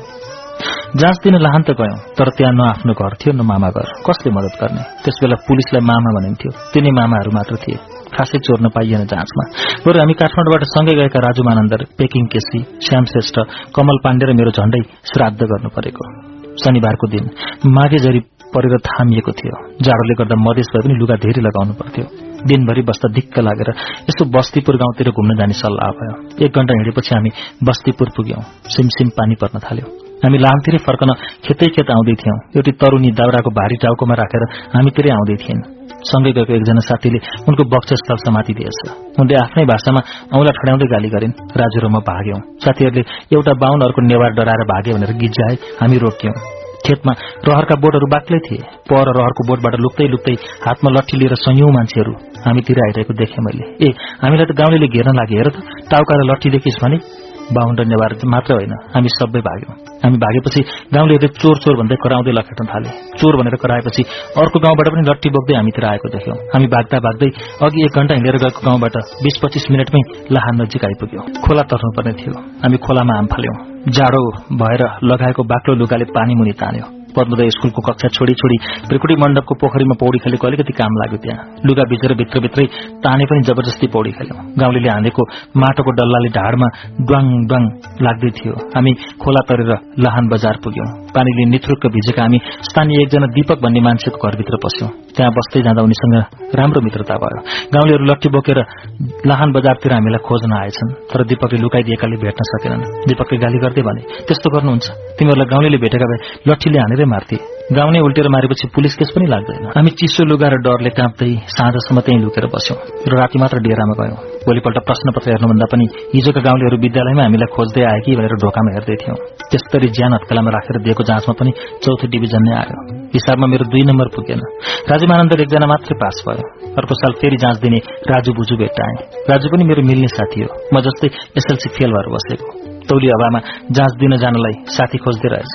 धेरै वर्ष अघि राजुका बुबा पूर्ण बुजु तौली हवा जिल्ला शिक्षा कार्यालयको हाकिम भएर बसेका रहेछन्। उनको सिफारिशमा हामी तौली हवा गयौं र राजु बुजुसँगै स्थानीय विष्णु कार्की र शम्भु कार्कीको घरमा बस्न थाल्यौं। त्यो घरका बुबा आमाले हामीलाई धेरै माया गरे। राजारानी जिल्ला भ्रमणको सिलसिलामा तौली हवामै आउनेवाला रहेछन्। जिल्लामा भए जति पुलिस प्रशासनका हाकिमहरू तौली हवामै थुप्रेका रहेछन्। जाँचमा चोर्न त के फर्कन पनि पाइएन त्यस्तो कड़ा गरेको थियो। जाँच सकेपछि हामी राजु म र अरू दुई तीनजना तौली हवाबाट भारतको सोरतगढ़ हुँदै गोरखपुर पुग्ने र भैरवा छिरेर काठमाडौँ फर्कन हिँड्यौं। हामीसँग भारत भ्रमणको त्यस्तो ठूलो अनुभव थिएन। सुरतगढ़को रेल स्टेशन बाहिर एकजना नेपालीले तपाईँहरू गोरखपुर जाने हो? भनी सोध्यो। हामीले हो भन्यौं। आउनुहोस् आउनुहोस् भनेर रेल स्टेशनभित्र लगेर त्यो मान्छे गायब भयो। एकछिनपछि एकजना रेलको पुलिस आएर तुम लोकका टिकट देखाओ भन्यो। हामीलाई रेल स्टेशनभित्र टिकट लिएर मात्रै पस्नुपर्छ भन्ने थाहा थिएन। त्यो नेपाली दलाल रहेछ। उसले हामी सोझा नेपालीहरूलाई मात्र नेपाली बोलेर सहयोग गरेको जस्तो गरी टिकट नकिनी रेलको स्टेशनभित्र छिराउँदो रहेछ र भारतीय पुलिसहरूले तर्साएर असुलेको पैसाको भाग पाउँदो रहेछ। हामीले त्यो रेल पुलिसलाई भन्यौं रेल स्टेशनभित्र पस्दा टिकट काटेर मात्र पस्नुपर्छ भन्ने हामीलाई थाहा थिएन। एउटा नेपालीले हामीलाई भित्र ल्याइदियो हाम्रो केही दोष छैन। हाम्रो कुराले दिनौं नेपालीहरूलाई ठग्न पल्केको रेल पुलिसको मन के पग्लन्थ्यो लाइन लगाएर राख्यो भने त्यसले ठगेका नेपालीहरूको संख्या त्यहाँ चल्ने रेलभन्दा तीन गुणा लामो हुन्थ्यो होला। हामीलाई पाँच सय रुपियाँका दरले पैसाले न त तिमीहरूले बिना टिकट यात्रा गर्दाको सजाय पाउँछौ भनेर त्यो पुलिसले भारतीय रेलको कानून सुनायो। हामीसँग पाँच सय दिने हैसियत थिएन। भएको भए पनि हामी पैसा बुझाउने पक्षमा थिएनौं। त्यसले छिनछिनमा आएर क्या निर्णय कर लिया तुम लोगों भनी सोध्यो। हामीले जेल जाने निर्णय लियौं भन्यो। त्यसले भने सोच लो सोच लो। हामीसँग पैसा माग्ने रेल पुलिसले कपडाको खैरो जुत्ता लगाएको थियो। अर्को छालाको खैरो जुत्ता लगाएको पुलिस आयो। पुष महिनाको शीतलहर चलिरहेको हुनाले त्यो पुलिसले ओभरकोट पनि लगाएको थियो। कुममा कुन दर्जाको फुली लगाएको थियो देखेनौं। तर हामीले जुत्ता हेरेर यो चाहिँ अफिसर लेभलको पुलिस होला। यसले त पैसा नखाला भन्ने अन्दाज गरेर सबै कुरो बिन्ती गर्यो। त्यसले त झन डर देखाएर भन्यो देखो भाइ पाँच वर्ष जेल बस्नुभन्दा त पाँच पाँच रुपियाँ दिनु राम्रो हो। पिचासको कुरो भूता लगाएर सम्झाएको जस्तो भयो। समस्या के समाधान हुन्थ्यो? झन बल्झियो। केही बेरपछि फेरि छालाकै खैरो जुत्ता लगाएको अर्को पुलिस आयो। उसको पनि दर्जा बोक्ने कुम ओभरकोटले छोपेको थियो। टाउकोमा पगडी लगाएको हुनाले सरदारजी हो भन्ने चाहिँ थाहा पायौं। हामीले सरदारजीहरू इमान्दार हुन्छन् बहादुर हुन्छन् भन्ने सुनेका थियौं। जे परे पर्ला भनेर उसलाई पनि सबै कुरो बेली विस्तार लगायो त्यो सरदार पुलिसले हामीसँग पैसा माग्ने पुलिसलाई हप्कायो तिमीहरू यस्ता सोझालाई दुःख दिएर पैसा वसुल्छौ लाज शरम छैन कि तिमीहरूलाई? रेल पुलिसले सरदार पुलिसलाई कराएर भन्यो यो तिम्रो मामिला होइन। हाम्रो मामिलामा तिमी चुप लाग त्यो सरदार पुलिस पनि त्यहाँ ड्युटी गर्ने नगरेर रेलबाट यात्रा गर्ने रहेछ भन्ने थाहा पायौं।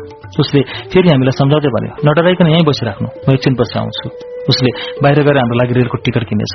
टिकट ल्याएर हाम्रो हातमा राखिदिँदै भन्यो तर तिमीहरूलाई कसैले केही गर्न सक्दैन।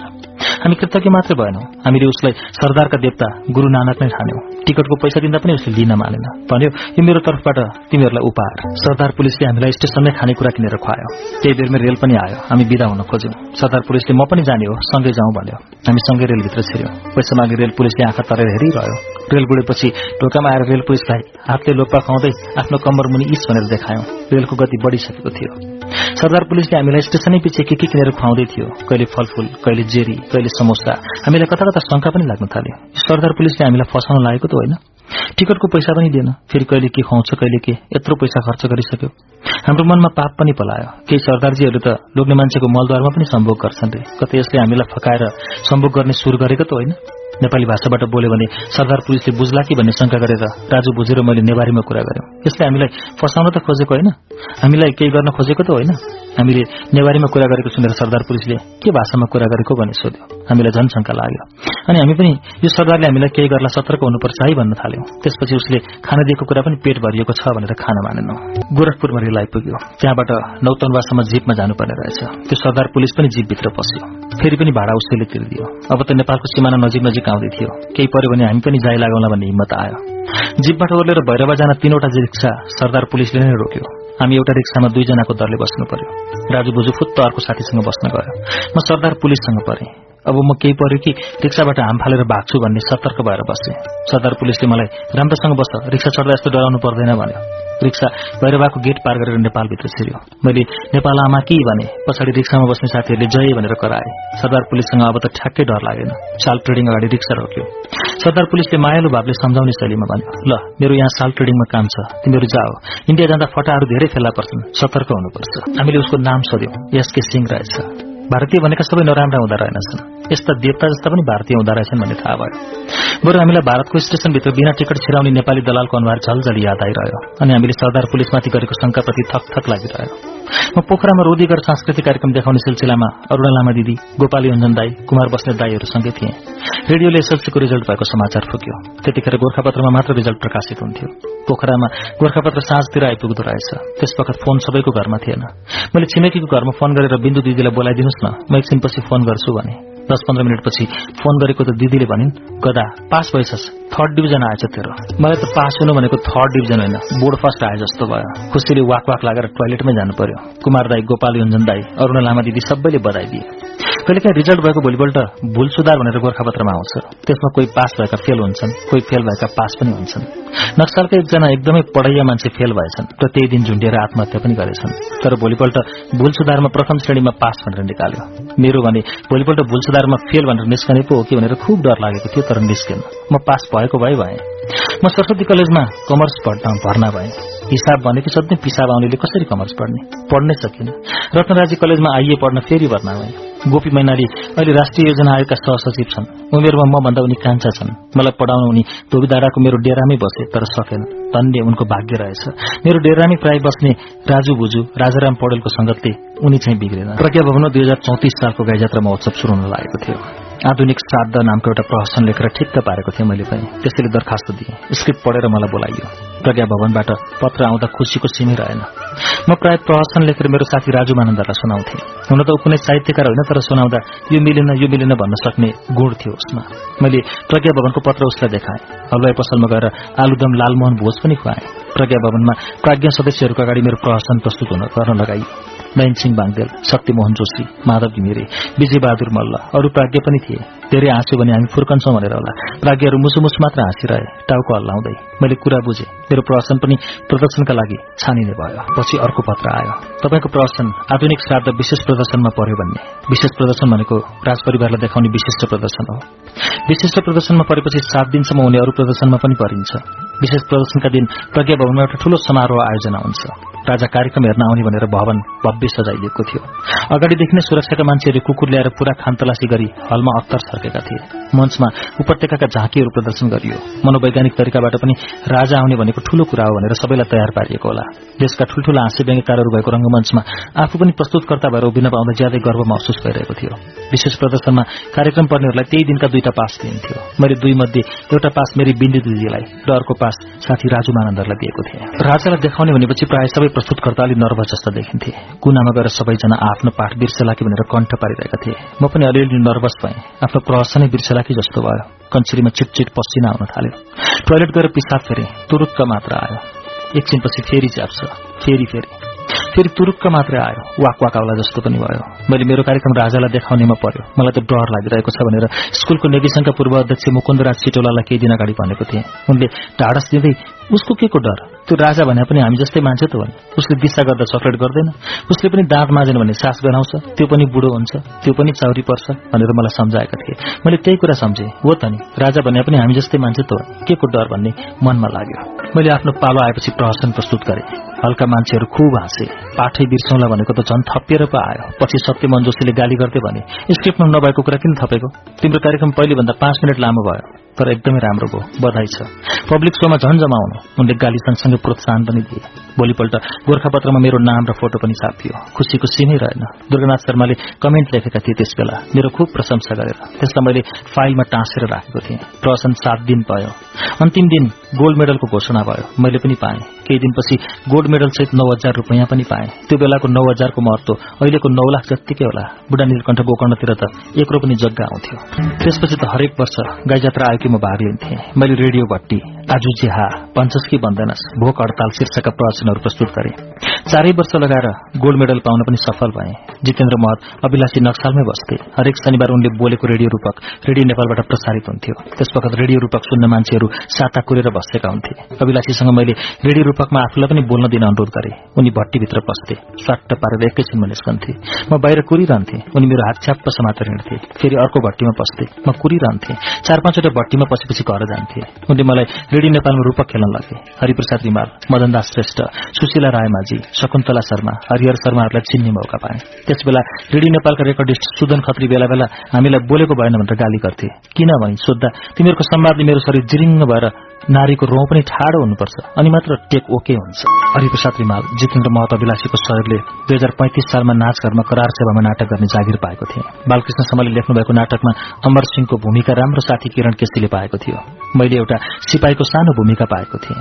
त्यो नाटक हेर्न राजारानी पनि राष्ट्रिय नाच आएका थिए। राजारानीको आसन अगाडिपट्टिको विशेष सोफामा थियो। राजाका निजी सचिव नारायण प्रसाद श्रेष्ठ र नाचघरका महाप्रबन्धक इन्द्रप्रसाद काफले नजिकै बसेर नाटक हेर्थे। मेरो त एउटा सानो भूमिका मात्र थियो। गोली खाएर मर्ने शार्दुल नामको सिपाही। त्यसबेला नारायण प्रसाद श्रेष्ठले यो केटो राम्रो अभिनय गर्छ भनेका रहेछन् महाप्रबन्धकलाई। नाटक सकियो। महाप्रबन्धकले मलाई बोलाएर भने राजाका सचिवले तपाईँको तारिफ गर्नुभयो। तपाईँले राम्रो गर्नुभयो आज। सोधे तपाईँको मतलब महिनाको एक सय पचहत्तर होइन? मैले हो भने उनले अझै अगाडि भने ल अब अर्को महिनादेखि दुई सय पचहत्तर अझै राम्रो गर्नुहोस्। मलाई साह्रै आनन्द आयो। एक त नाटकको प्रदर्शन सकिएपछि जागिर जान सक्थ्यो त्यो बच्यो। अर्को पछिल्लो महिनादेखि सय रुपियाँ तलब बढ्यो। हुन त नाटकमा सानो भूमिका भए पनि गाह्रो रोल थियो। राजा आउँदा पो त हल सफा हुन्थ्यो। गनाउँदैन थियो। पब्लिक शोमा त हल फोहोर हुन्थ्यो। पुरानो नाचघरको ढल राम्रो थिएन। असनदेखिको ढल आएर रंगमञ्च अगाडि जम्थ्यो। हलमा दर्शक भन्दा कैयौं गुणा बढी लामखुट्टे हुन्थे। मेरो रोल गोली खाएर मर्नुपर्ने। नाटकमा मलाई गोली लाग्छ। मैले केही संवाद बोलेर ढल्नु पर्थ्यो र मरिरहनु पर्ने थियो। मरेपछि चल्नु भएन। लामखुट्टे आएर कुटुक कुटुक टोक्थे दबाउन पाइँदैन थियो। कहिले त नाकको टुप्पोमा आएर लामखुट्टे बस्थ्यो फू गरेर उड्थ्यो अनि कञ्चटमा गएर बस्थ्यो। नजिकै आफूसँगै मर्ने अर्को साथीलाई सानो स्वरले ए महेश लामखुट्टे कञ्चटमा छ। एकपल्ट फू गरेर पुग्दैन भन्दा आफूलाई त यहाँ टोकेर कस्तो भइरहेको छ सक्दिन भन्थ्यो। एक दिन होइन दुई दिन होइन महिनौसम्म नाटक चल्थ्यो। महिनौ लामखुट्टेले टोक्थ्यो जाति गाह्रो। वीरगति पाएका हामी सिपाहीलाई नायक अमर सिंहले हेर्दै वीर योद्धा हो तिमीहरू देशका लागि शहीद भयो फिरन्तीसँग लड्यौ। यो वियोग कसरी हेरौं? म पनि तिमीहरूसँगै आउँछु। यो छुरा रोपिदिन्छु छातीमा भनेर छुरा लिएर छातीमा रोप्न खोज्छन्। सबै दर्शकहरूको ध्यान त्यो छुरामा जान्छ।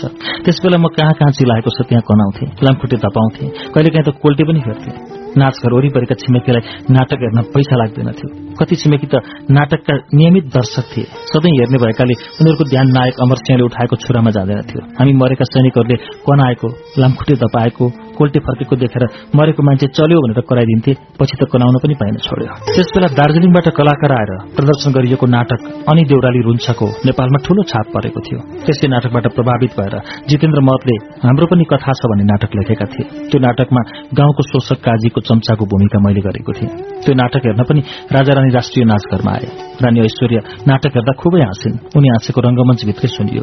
राजा वीरेन्द्र चाहिँ अलि रिजर्भ भएर हाँस्थे। नाटक सकिएपछि महाप्रबन्धक इन्द्रप्रसाद काफेले मलाई बोलाएर भने बडा महारानी एकदम हाँसी बक्स्यो। ल तपाईँलाई अर्को महिनादेखि सय रुपियाँ थप र दुई वर्षको करार। मेरो तरफ अब नाचघरको ख वर्गको कर्मचारी सरह भयो। क वर्गमा नारायण गोपाल तारादेवी चन्द्रराज शर्मा कोकिल गुरूङ विमला श्रेष्ठ वसुन्धरा भूषाल सुभद्रा अधिकारी भुवन चन्दहरू थिए। त्यसवखत राजारानी आएकी त मलाई फाइदा हुने भयो। नाचघरमा हाकिमहरू राजालाई देखाउने दिन नाटक हेर्दैनथे तर राजारानी कत्तिको हाँसे कत्तिको भावुक भयो भनेर चियाई चियाई उनीहरूको अनुहारमा हेर्थे। महाप्रबन्धकले मलाई ताप मार्दै भनेका थिए। मैले त आज नाटकै हेरिन। राजारानी कत्तिको हाँसी बक्स्यो त्यो हेरेँ। खुब हँसाउनु भयो तपाईँले। उनले फेरि भने तपाईँ राम्रो कलाकार। तपाईँलाई बिगारलाई यो नाचघरमा एउटा साँडे छ असनको साँडे। त्यसले कसैलाई टेर्दैन। म जीएमलाई पनि टेर्दैन। त्यो साँडे गीत चाहिँ खुब राम्रो गाउँछ। उसँग होसियार हुनुहोस्। त्यसको कुरा नसुन्नुहोस्। त्यो साँडेको नाम हो नारायण गोपाल। नाचघरमा दुई समूहको चरम गुटबन्दी थियो। डिजिएम गोविन्द प्रसाद तिमिल सेना थिए। रानीको माइतीपट्टिका नजिकका मान्छे रानीको माइतीमा त उनले भनेको बेलामा रानीसँग भेट्न पाउँथे उनी पनि नाचघरको जीएम हुन साह्रै रहर गर्थे। यता महाप्रबन्धक इन्द्रप्रसाद काफले दरबारका सैनिक सचिव दानगम्वीर सिंह रायमाझी निजी सचिव नारायण प्रसाद श्रेष्ठ संवाद सचिव चिरन शमशेर थापाहरूसँग एकदम नजिक थिए। महाप्रबन्धक हप्तामा दुई तीन दिन साइकल चढेर बालुवाटारमा सैनिक सचिव कहाँ गएर नक्सालमा संवाद सचिवको घरमा आउँथे। म नक्सालमा बस्ने भएकाले पनि देख्थे। सचिवको पावरले गर्दा इन्द्रप्रसादलाई कसरी हल्लाउनै नसक्ने। प्राणीपट्टिको फोर्स लगाउनु पाए इन्द्रप्रसादलाई हटाएर त्यो ठाउँमा आफू बस्न चाहने। नाचघरमा यी दुई पक्षको ठूलो द्वन्द थियो। कलाकारहरू पनि बाँडिएका थिए। नारायण गोपाल महाप्रबन्धक काफ्लेका ठूला विरोधी। जिएमा आउँदा सबैजना उठेर नमस्कार गर्नै पर्थ्यो। नारायण गोपाल चाहिँ उह आयो बाहुन भनेर बागचाल खेलिरहन्थे। जिएम आफैलाई अप्ठ्यारो लाग्दो रहेछ नदेखे जसरी जान्थे। दुई हजार छत्तीस सालमा देशमा बहुदलकी निर्दल भनेर जनमत संग्रह हुने भयो। नाचघरमा पनि इन्द्रप्रसाद काफले गुट पञ्चायती व्यवस्थाका समर्थक थिए। नारायण गोपाल गुट चाहिँ बहुदलीय व्यवस्थाका समर्थक भए। मलाई इन्द्रप्रसाद काफले व्यक्तिगत रूपमा धेरै माया गरे पनि म बहुदलको गुटपट्टि लागे। इन्द्रप्रसाद काफले हटाउ अभियान चलाउँदा दरबारका सचिवहरूको घरमा समेत जुलुस गइयो। म पनि मन नलागी नलागी जुलुसमा गएँ। आफूलाई माया गर्ने मान्छेका विरूद्ध जुलुसमा जाँदा आत्मग्लानी हुन्थ्यो तर गएन भने मण्डलले भनिन्थ्यो। इन्द्रप्रसाद काफ्लेको नाचघरभन्दा राम्रो संस्थामा सरुवा भयो। राष्ट्रिय नाचघरमा नारायण गोपाल जीएम भए। नाचघरमा काम गर्दा एम बहादुर थापा रंगमञ्च प्रबन्धक थिए। उनले मनको बाँध भन्ने नेपाली चलचित्रमा काजीको भूमिका पनि निभाएका थिए। त्यो चलचित्र मैले बाइस पटक हेरेको थिएँ। त्यसका प्रत्येक जसो डायलग मलाई कण्ठ थिए उनी मलाई भन्थे तिमीलाई म फिल्ममा पनि खेलाइदिन्छु। डाइरेक्टर प्रकाश थापा मैले भनेपछि नाइ भन्नै सक्दैन उनी म कुन बेला अफिस आउँछु भनेर बाटो हेर्थे र दस बजे ठ्याक्कै नाचघरको ढोकामा बसिरहन्थे।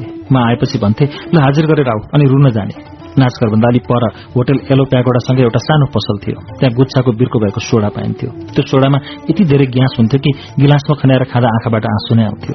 आँखाबाट आँसु निकाल्ने भएकाले उनले रुन जाउँ भनेका। प्रत्येक दिन सोडा खाएर रुनु पर्थ्यो। पैसा म तिर्थे फिल्ममा खेलाइदिन्छु भनेकाले। त्यति बेला रेडियोमा नाटक खेल्न पाएकाले हप्तामा साठी सत्तर रुपियाँ थप कमाइ हुन्थ्यो मेरो। एक दिन एम बहादुरले भने तिम्रो पैसामा धेरै खाए बाहुनको पैसाले धेरै खायो भने पाप लाग्छ। भोलि म तिमीलाई खान लैजान्छु। ठिक दस बजे हाजिर गर्ने रुने अनि मैले खान लगेँ मैले एम बहादुरले रेस्टुरेन्टमा कतै खान लग्ने होला भन्ठाने भोलिपल्ट दस बजे हाजिर गर्यो अनि सोडा खाएर रोयौं। एम बहादुरले ल हिँडा भनेर लगे। जमल असन हुँदै म लुरु लुरु पछि लागे क्षेत्रपाटीतिर पुगेपछि मैले कहाँ जाने भनेर सोधेँ। हिँड न हिँड भन्दै पक्नाजोरको गल्लीभित्र छिराएर एउटा घरमा लगे। निधारमा पहिलो टिका लगाएका मान्छेहरू देखेपछि एमबहादुरको ससुरालीमा श्राद्ध रहेछ भन्ने थाहा भयो। मलाई त ससुरालीमा श्राद्ध खान पो लगेका रहेछ बल्ल तल्ल कर्मकाण्ड पेसा छल्दै कलाकार हुनु पुगेको मान्छे फेरि को को मान्छेको ससुरालीमा श्राद्ध खान जानुपर्दा लाजले भुतुक्क भए। कल्याण विक्रम अधिकारी उनका साला रहेछन्। पछि उनी राष्ट्र ब्याङ्कको गभर्नर पनि भए। पिनाजु एमबहादुरलाई टीका लगाएर दक्षिणा दिए। एमबहादुरले मलाई देखाउँदै भने उसलाई पनि लगाइदेऊ। बाहुनको छोरो बाहुन पुगेन होला भनेर ल्याएको। सात रुपियाँ दक्षिणा दिए। मैले लिन मानिन। एमबहादुरले भने लिन लिऊ पछि काम लाग्छ। केराउको अचार खिर भात खुवाएर उनले मलाई बाहिर लिएर आए। एमबहादुरले महत्वपूर्ण कुरा मागे चाहिँ भने त्यो दक्षिणा दिएको सात रुपियाँ ल्याउ त। अलिक रिसाएर मैले भने यसै बेजत उसै बेजत दिन्न। त्यो दिनदेखि मैले एमबहादुरको संगतै गर्न छोडिदिएँ। नारायण गोपाल महाप्रबन्धक भएर आउँदा हामी ज्यादै खुसी भयौं। अब नाचघरमा केही राम्रो हुन्छ जस्तो लाग्थ्यो। तर नारायण गोपाल जति राम्रा गायक थिए त्यति नै ढंग नपुगेका प्रशासक। बुढी मान्छे भए पनि मलाई नारायण गोपाल असाध्यै माया गर्थे उनी भनिरहन्थे तिमी अभ्यास चाहिँ गर्न छोड कम्तीमा दिनको चार पाँच घण्टा तिमीले अभ्यासै गर्नुपर्छ। नाचघरमा मैले हरेक साँझ सांस्कृतिक कार्यक्रममा प्रहसन देखाउनु पर्थ्यो। एक दिन मैले दिनभरि नाटक रिहर्सल गरेर बेलुकी आठ बजेसम्म सुक्खा तलबमा प्रहसन गर्नुपर्दा मर्का पर्यो। एक सो देखाएको बीस रुपियाँ भए पनि एक्स्ट्रा पैसा पाउन नारायण दाई भनेको त एकदम रिसाएर उनले भने तिमीलाई छोडेर जान मन छ भने जाऊ न त। मलाई साह्रै चित्त दुख्यो। अनि मैले नाचघरमा राजीनामा दिएर नेपाल राजकीय प्रज्ञा प्रतिष्ठानमा करारमा नाटक कलाकारको रूपमा काम गर्न थाले। प्रज्ञा भवनमा राष्ट्रिय नाचघरको भन्दा डबल गुटबन्दी। विजय बहादुर मल्ल र माधव घिमिरेको ठूलो गुटबन्दी थियो। म नाट्य कलाकार भएकाले विजय मल्लको गुटतिर परे। गुटबन्दी पनि कस्तो भने एउटा गुटको मान्छे अर्को गुटको मान्छेसँग बोल्दा पनि शंका गरेर हेर्थे। जे भए पनि मैले त्यस वखत हरिहर शर्माको निर्देशनमा धेरैवटा नाटक खेल्न पाएँ। विजय बहादुर मल्ल साँच्चै राम्रा नाटककार हुन्।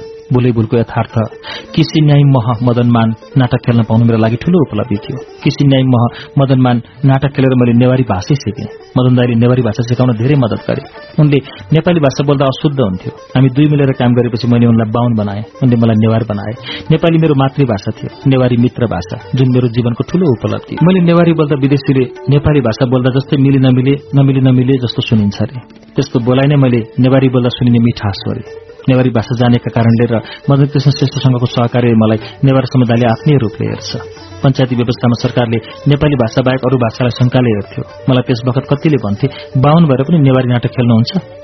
किपालु लिना चोमह मनु र किसिन्याइमा मदनमान नाटक नेपाली समाजमा धेरै लोकप्रिय भए। कतिपय नेवारी भाषा नबुझ्नेहरू पनि साथमा अनुवादक लिएर हेर्न आउँथे। तर नाटक हेरेर अनुवादक आफै लट्ठ पर्थे र जसले पैसा तिरेर ल्याएको हो उसैलाई भन्न बिर्सन्थे। जतिसुकै गुटबन्दी भए पनि त्यस वखत प्रज्ञा भवन र नाचघरमा नाटक गीती नाटक भइरहन्थ्यो। बौद्ध आएपछि पनि हाजिर गर्यो दिनभरि चौरमा बसेर काम ताप्यो अनि घर गयो गर्थे कलाकारहरू। एक दिन एउटा कार्यक्रममा भेट्दा नारायण गोपाल दाईले भने ए मुला मैले त्यति भन्दैमा जागिरी छोडेर हिँड्नुपर्छ। औ फेरि नाचघरमा। तर म गइन। उनी पनि एक वर्ष जति मात्र महाप्रबन्धक भए। नारायण गोपाल दाई गीत गाउन जन्मेका मान्छे। प्रशासक हुन होइन जस्तो लाग्छ मलाई। पत्र पत्रिकामा मेरा फोटा छापिन्थे। राजारानी नाटक हेर्न आउँदा रंगमञ्चमा राजारानीसँग फोटो खिच्ने चलन पनि थियो। राजारानीसँग बसेको फोटोको एक दुई पटक दुरूपयोग पनि गरेको छु मैले। बेला बेला जसको जोत उसको पोत भन्ने नारा सुनिन्थ्यो। हाम्रा पुर्खाले जोडेको जग्गा जमिन सबै मोहीको हातमा पर्ने हो कि भनेर डर पनि लाग्थ्यो। पुर्खाले जोडेको जग्गा जमिनलाई पुर्खाको छाला पनि भन्ने चलन थियो। हाम्रो गाउँ शङ्खुमा अधिकांश मोहीहरू सोझा थिए तर एक दुईजनासँग भने बाली उठाउन अलिक गाह्रो थियो।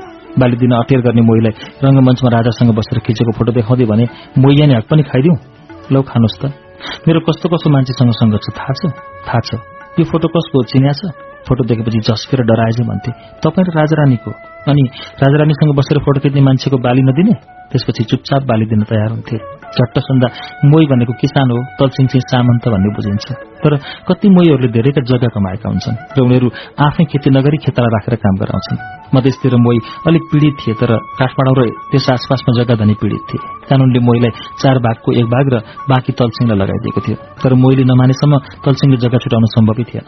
मलाई भने राजारानीसँग बसेर खिचेको फोटो देखाएको हुनाले अलि सजिलो भयो। तीन भागमा एक भाग मोहीलाई दुई भाग आफूलाई लिएर जग्गा छुटाउन थाले। मोहीहरू पनि एक भाग बढ़ी पाएपछि राजी हुन थाले। शंखुबाट धुलीखेल मालपत कार्यालय पन्ध्र सोह्रजना मोहीलाई पालै पालो लानु पर्थ्यो। झण्डै आधी जग्गा कमाउने एकजना सिद्धिलाल नाम गरेका बुढा मोही थिए। शरीरले मुस्किलले धाने जस्तो लाग्ने हाइड्रोसिलको तौल ठूलो भएका अस्सी वर्ष नागेका। जीवनमा कहिले पनि मोटरसाइकल नचढेकालाई मोटरसाइकल चढाएर ग्राभेल पनि नगरेको कच्ची बाङ्गो टिङ्गो बाटो हुँदै धुलीखेल पुर्याएर फेरि गाउँमै पर्काउन मैले ज्यादै मिहिनेत गर्नु परेको थियो। मोहीको एउटा परिवार बाको समयदेखि नै हाम्रो घरमा बस्ने गरेको थियो। हामी काठमाडौँ बस्ने हुनाले त्यो घरको स्याहार सुसार गर्ने जिम्मा उनीहरूकै थियो। हाम्रो घरमा बस्ने मोहीलाई हामी खुन्ते दाई भनेर बोलाउँथ्यौं। खुन्ते दाई सानो हुँदा पानी पर्यो भने आधी रातमा उठेर भन्थे अरे ए बा फर्सीलाई जाडो भयो छाता उडाइदेऊ। काँक्रालाई जाडो भयो छाता उडाइदेऊ। त्यसरी फर्सी र काँक्राको वेदना बुझेर रुने मान्छेलाई घरबाट उठाउन मनले दिएन त्यो घर उनीहरूलाई नै पास गरिदिए। अब आफू कहिलेकाहीँ गएको बेला बस्ने घर भएन। आफन्तको घरमा खाना बस्न बोलाउँथे तर सधैँ एउटैको घर बस्न अप्ठ्यारो लाग्थ्यो। त्यसैले प्राय मोटरसाइकलबाट दिनौ काठमाडौँ आउने जाने गर्थ्यौं। एक दिन काम गर्दा गर्दै धेरै अबेर भयो। हामीसँगै नाटकमा अभिनय गर्ने छिमेकी गाउँ खोपासीका महेश भण्डारी पनि सँगै थिए। उनले मलाई आफ्नो घर लिएर गए। दाइलाई ओछ्यान फेर्दा निन्द्र लाग्दैन होला। निदाउन यो पनि ल्याइदिएको छु भनेर एक बोतल बियर पनि ल्याइदिए। रातिको खाना खाएर सुत्ने तर्खरमा लाग्यो। महेशको घरमा एउटा ठूलो टाउको गरेको भोटे कुकुर थियो। त्यो कुकुरलाई दिनभरि बाँधेर राति मात्र फुकाउने गरेका रहेछन्। सुत्नुभन्दा अघि एकपटक शौचालय जानु पर्थ्यो महेशले छोडेको भोटे कुकुर समातिदियो म शौचालय गएँ। नौलो मान्छे देखेर होला एकै गाँसमा निलो लाजे गरेर त्यो कुकुर भुक्दै थियो। भुकेको आवाजले गाउँ नै थर्किए चाहिँ हुन्छ शौचालय गएर म बिछोनामा पल्टे। बिछोना सफा सुग्घर हेर्दै निद्रा लाग्ला जस्तो थियो। सँगै अर्को खाटमा सुतेका महेश त घुर्न थालिहाले। मलाई चाहिँ अघि खाएको बियरले फेरि उठाउला जस्तो बनायो। फेरि पिसाब आउला आउला जस्तो भयो। बिर्सेर निदाउन खोजे झन्झन च्याप्दै आउन थाल्यो। एक्लै जाउँ भने तल गर्जिरहेको भोटे कुकुरले सिधै हाल्छ। के गर्ने के गर्ने? घुरिरहेको महेशलाई बिस्तारै लाज मानी उठाए। महेश ए महेश भाइ एकपल्ट पिसाब फेर्न जाउँ न ल तल। महेशले निद्रामै बोले चाहिँ भन्यो। ऐ भर्खर फेरि होइन भने। फेरि आयो के गर्ने त? महेशले भर्याङको घोप्टे खोल्यो ढोकाको आग्लो खोल्यो घरभरिका मान्छे सबै बिउजे होला। तल गएर महेशले फेरि अजङ्गको कुकुर समात्यो। म शौचालय गएँ। कोठाको भर्याङमा उक्लँदा पनि चुई चुई काटाकुटुक आवाज आउँदै थियो। गएर फेरि बिछनामा पल्टिए महेश त घुर्न थालिहाले फेरि मेरो मनमा पिसाबले च्याप्यो भने के गर्ने भन्ने डरले निद्रा लाग्न भाग्न थाल्यो। नभन्दै फेरि पिसाब आउला आउला जस्तो हुँदै गयो। एकैछिनमा पिसाब थाम्नै नसक्ने भएँ। मैले फेरि निधाइरहेको महेशलाई उठाउने आँटै गर्न सकिनँ। के गर्ने कसो गर्ने भन्ने सोच्न थालेँ। कोठामा झ्याल थियो। सानो छँदा धेरै पटक मैले झ्यालबाट पिसाब फेरेको थिएँ अब मसँग त्यो झ्याल बाहेक अरू विकल्प थिएन। बिस्तारै झ्याल खोलेँ। तल भोज खाएर फालेका टपरी रहेछन्। पिसाब टपरीमा खस्दा पटटट्ट आवाज आयो। त्यो आवाजले कुकुर पनि झन्झन गर्जेर भोक्न थाले। मलाई घरमा सबै मान्छेले थाहा पाए भन्ने पक्का भयो। एक बोतल बियर पिएको थिएँ। कहाँबाट तीन बोतल निस्क्यो निस्क्यो। दाईलाई निद्रा लागोस् भनेर महेशले ल्याइदिएको एक बोतल बियर मेरो निद हराम गर्ने झोल भयो। मैले भोलिपल्ट बिहानै उठेर महेशको घरबाट भाग्ने विचार गरेँ। बियर र भोज खाएर फालेको टपरीले मेरो इज्जत खत्तम भइसकेको थियो। तर महेशकी आमा म भन्दा परि नै उठिसकेकी रहेछन्। उनले मलाई बिहान खाना नखाइ गयो भने हामीलाई चित्त दुख्छ भनेर कर गरिन्। मैले बस्नै पर्ने भयो। भान्सा तयार भयो। घरका पुरुष जति सबै खाना खान पिर्कामा बस्यौं। बुहारीहरू पानी राखिदिँदै थिए। म यसकै आमाले भात पस्किदिए। म खान थाले। मलाई हिजो बेलुकाको झ्यालकाण्डले लज्जित बनाइरहेको थियो। त्यही बेला आमाले महेशलाई गाली गर्दै भनिन् यो महेशलाई झ्यालबाट नमुत भनेको बुढो हुन लागिसकिस बुढो हुन लागिसकिस अझै पनि झ्यालबाट मुत्न छोडिनस् है। महेशले मैले होइन दाईले भनेन। हाँसी मात्र रह्यो। म ढुक्क भएँ। आनन्द पनि लाग्यो। अनि मैले नै सोधेँ महेश अहिलेसम्म पनि झ्यालबाटै मुत्छ र आमा? आमाले भनिन् यो बानी छुटाउनै सकिएन बाबु। मैले महेशतिर फर्केर भने ए महेश त्यस्तो बानी पनि गर्नुहुन्छ? महेश हाँसी मात्रै रह्यो। भोलिपल्ट पनि अबेर भयो। मैले काठमाडौँ नै फर्केर जाने कुरा गरेँ। महेशले भन्यो होइन दाई म कहाँ नै जानुपर्छ? पिसाबको बन्दोबस्त मैले गरिसकेको छु। हिजो जस्तो टेन्सन पर्दैन। मलाई महेशले लगि छोड्यो। कोठामा फेरि एउटा बियर राखेको रहेछ। मैले पिउँदिन पिसाबले दुःख दिन्छ भने उसले झोलामा हर्लिक्सको ठूलो सिसी राखेको रहेछ। महेशले सिसी देखाउँदै भन्यो दाई अब पिसाब लाग्यो भने यसमा गर्नुहोस्। कहाँबाट ल्याएको सिसी? काँक्राको अचार हाल्ने सिसी हो। म अर्को सिसी खोजेर ल्याइदिन्छु नि घरमा। म पनि ढुक्क भएँ। तर त्यो रात काँक्राको अचार हाल्ने हर्लिक्सको सिसी बिटुलो बनाउनु परेन। म फुस फुस मिलाएछु न्यारिष्ट र बाउदुष्ट कहिले हुँदैन। यो उखान केही संकुचित क्षेत्री बाहुनहरूले चलाएका हुन्। बर्मइष्ट ओ बा दुष्ट गब्ले जुइमखु यो उखान पनि केही संकुचित नेवारहरूले क्षेत्री बाहुनलाई जवाफ दिनका लागि बनाएका हुन्। यस्ता साम्प्रदायिक बनाइ केही मूर्खहरूले पहिलेदेखि नै भन्दै आए। तर अहिलेका महामूर्खहरूले दश कदम अगाडि बढेर नेवार र बाहुन बीचमा मात्र होइन सबै नेपालीहरू बीच जातीय विभाजनको अति संकुचित बिउ रोपिदिएका छन्। ती पुरातन वा संकुचित मान्छेहरूभन्दा पनि अहिलेका कथित आधुनिक नेताहरू बढ़ी संकुचित देखिए। ब्लड ब्याङ्कमा जम्मा हुने रगतको कुनै जात हुँदैन तर सम्भव हुन्छ। जीवन मरणको दोषारमा पर्दा यो कुन जातको मान्छेको रगत हो भनेर सोधखोज गरिँदैन। समूह मिले जुनसुकै जातको मानिसको रगत भए पनि जीवन बचाउँछ। समूह मिले संसारका जुनसुकै मानिसको रगत जुनसुकै मानिसलाई मिल्छ। संसारभरिका मानिसको यति गहिरो रगतको नातालाई जातीय क्षेत्रीय वर्गीय लिङ्गीय राष्ट्रिय धार्मिक आधारमा विभाजन गर्न खोज्नुले मानिस मानिस बीच विभिन्न समयमा साना ठूला युद्धहरू भएका छन्। जसले मानव समाजलाई नै ध्वंस गरेको छ।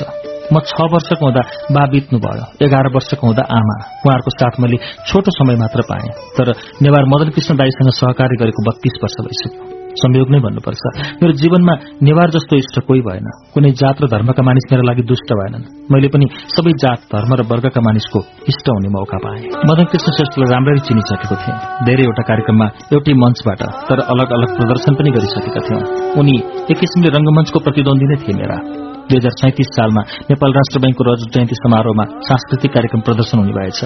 नेपालका प्रसिद्ध गायक रूबी जोशी राष्ट्र ब्याङ्कको विशिष्ट श्रेणीका अधिकृत थिए। उनले नै दुईटा प्रदर्शन राख्नुपर्छ। एउटा मदन कृष्ण श्रेष्ठलाई बोलाउने अर्को हरिवंश आचार्यलाई बोलाउने भनेर सिफारिस गरेछन् हामी दुई प्रतिद्वन्दी भएर राष्ट्र ब्याङ्क छिर्यौं तर एक घण्टापछि जीवनभरिका सहकर्मी भएर निस्क्यौं। दुवैजनाले दुईटा छुट्टा छुट्टै प्रहसन देखाउने भनेर गएको त राष्ट्र ब्याङ्कको रजत जयन्ती समारोहको मुख्य अतिथि भएर राजा आउने रहेछन्। समय जम्मा नब्बे मिनट दिएको रहेछ दरबारले। नब्बे मिनटभित्र सक्नुपर्ने। राष्ट्र ब्याङ्कका अरू पनि धेरै कार्यक्रम थिए। छुट्टा छुट्टै दुईटा प्रदर्शन गर्न समय नपुग्ने भयो। रूबी दाईले अनुरोध गर्दै भने तपाईँ दुवैजना मिलेर एउटा प्रहसन देखाउनुहोस्। तर उनको बोलीमा त्यस्तो लक्षण रहेछ। जीवनभरि मिल्नु मिलेर काम गर्नु भनेर आशीर्वाद दिए जस्तो भयो। राष्ट्र ब्याङ्कको कार्यक्रम भएको हुनाले हामीले ब्याङ्क सम्बन्धी नै प्रहसनको विषय छान्यौं। कृषि विकास ब्याङ्कबाट भैँसी किन्न ऋण लिने भैँसी नकिने अरू नै काम गरेर ऋण लिएको सबै पैसा सक्ने अनि ब्याङ्कले भैँसी चेक गर्न आयो भने खेतमा चलिरहेका अरूकै भैँसी देखाइदिने। आखिर भैँसी सबै उस्तै हुन्छन् कालै?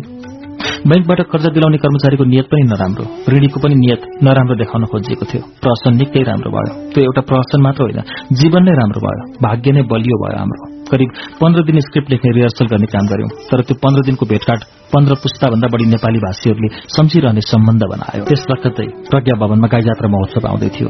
सधैँ प्रतिद्वन्दी भएर देखाउने हामीले यसपालि सँगै मिलेर प्रहसन गर्ने सल्लाह गर्यौं म नक्सालमा बस्थेँ मदनदाई भोटे बहालमा। स्क्रिप्ट तयार पार्न कहिले उनी म कहाँ आउँथे? कहिले म उनको डेरा भोटे बहाल जान्थे? त्यस बेलादेखि नै मदन दाईकी पत्नी यशोदा बाउजूले मलाई देवर जस्तै ठानिदिइन् मिठो मिठो पकाएर खान दिइन्। बत्तीस एमन बत्तीजी सराना काखमा लुटुटिन थाले। त्यसपछि हाम्रो सम्बन्ध पारिवारिक जस्तो हुन पुग्यो। हामी दुवै मिलेर एमलोक नामक प्रहसन तयार पार्यौं मदन दाईको साथी नवीन चित्रकार र कार्यालयका साथी मंगल नारायण जोशीलाई हामीले लेखेको सुनाउँथ्यौं। उनीहरू सल्लाह सुझाव दिन्थे। नेपाल राजकीय प्रज्ञा प्रतिष्ठानको हलमा वीआईपी शो थियो। राजा कार्यक्रमका प्रमुख अतिथि हुन्थे अनि सत्तामा भएका शक्तिशाली व्यक्तिहरू पनि त्यस दिन आमन्त्रित हुन्थे। त्यसपालि त्यहाँ एउटा अर्का आकर्षक व्यक्तित्व थिए विश्वेश्वर प्रसाद कोइराला। उनी राजनीतिमा बीपी र साहित्यमा विश्वेश्वर प्रसादका नामले प्रसिद्ध थिए। दुई हजार छत्तीस सालमा बौद्धले चुनाव हार्यो पञ्चायतले नै जितेको घोषणा गरियो। त्यसलाई बीपीले देशको अवस्था अनुसार स्वीकार छु भएका थिए।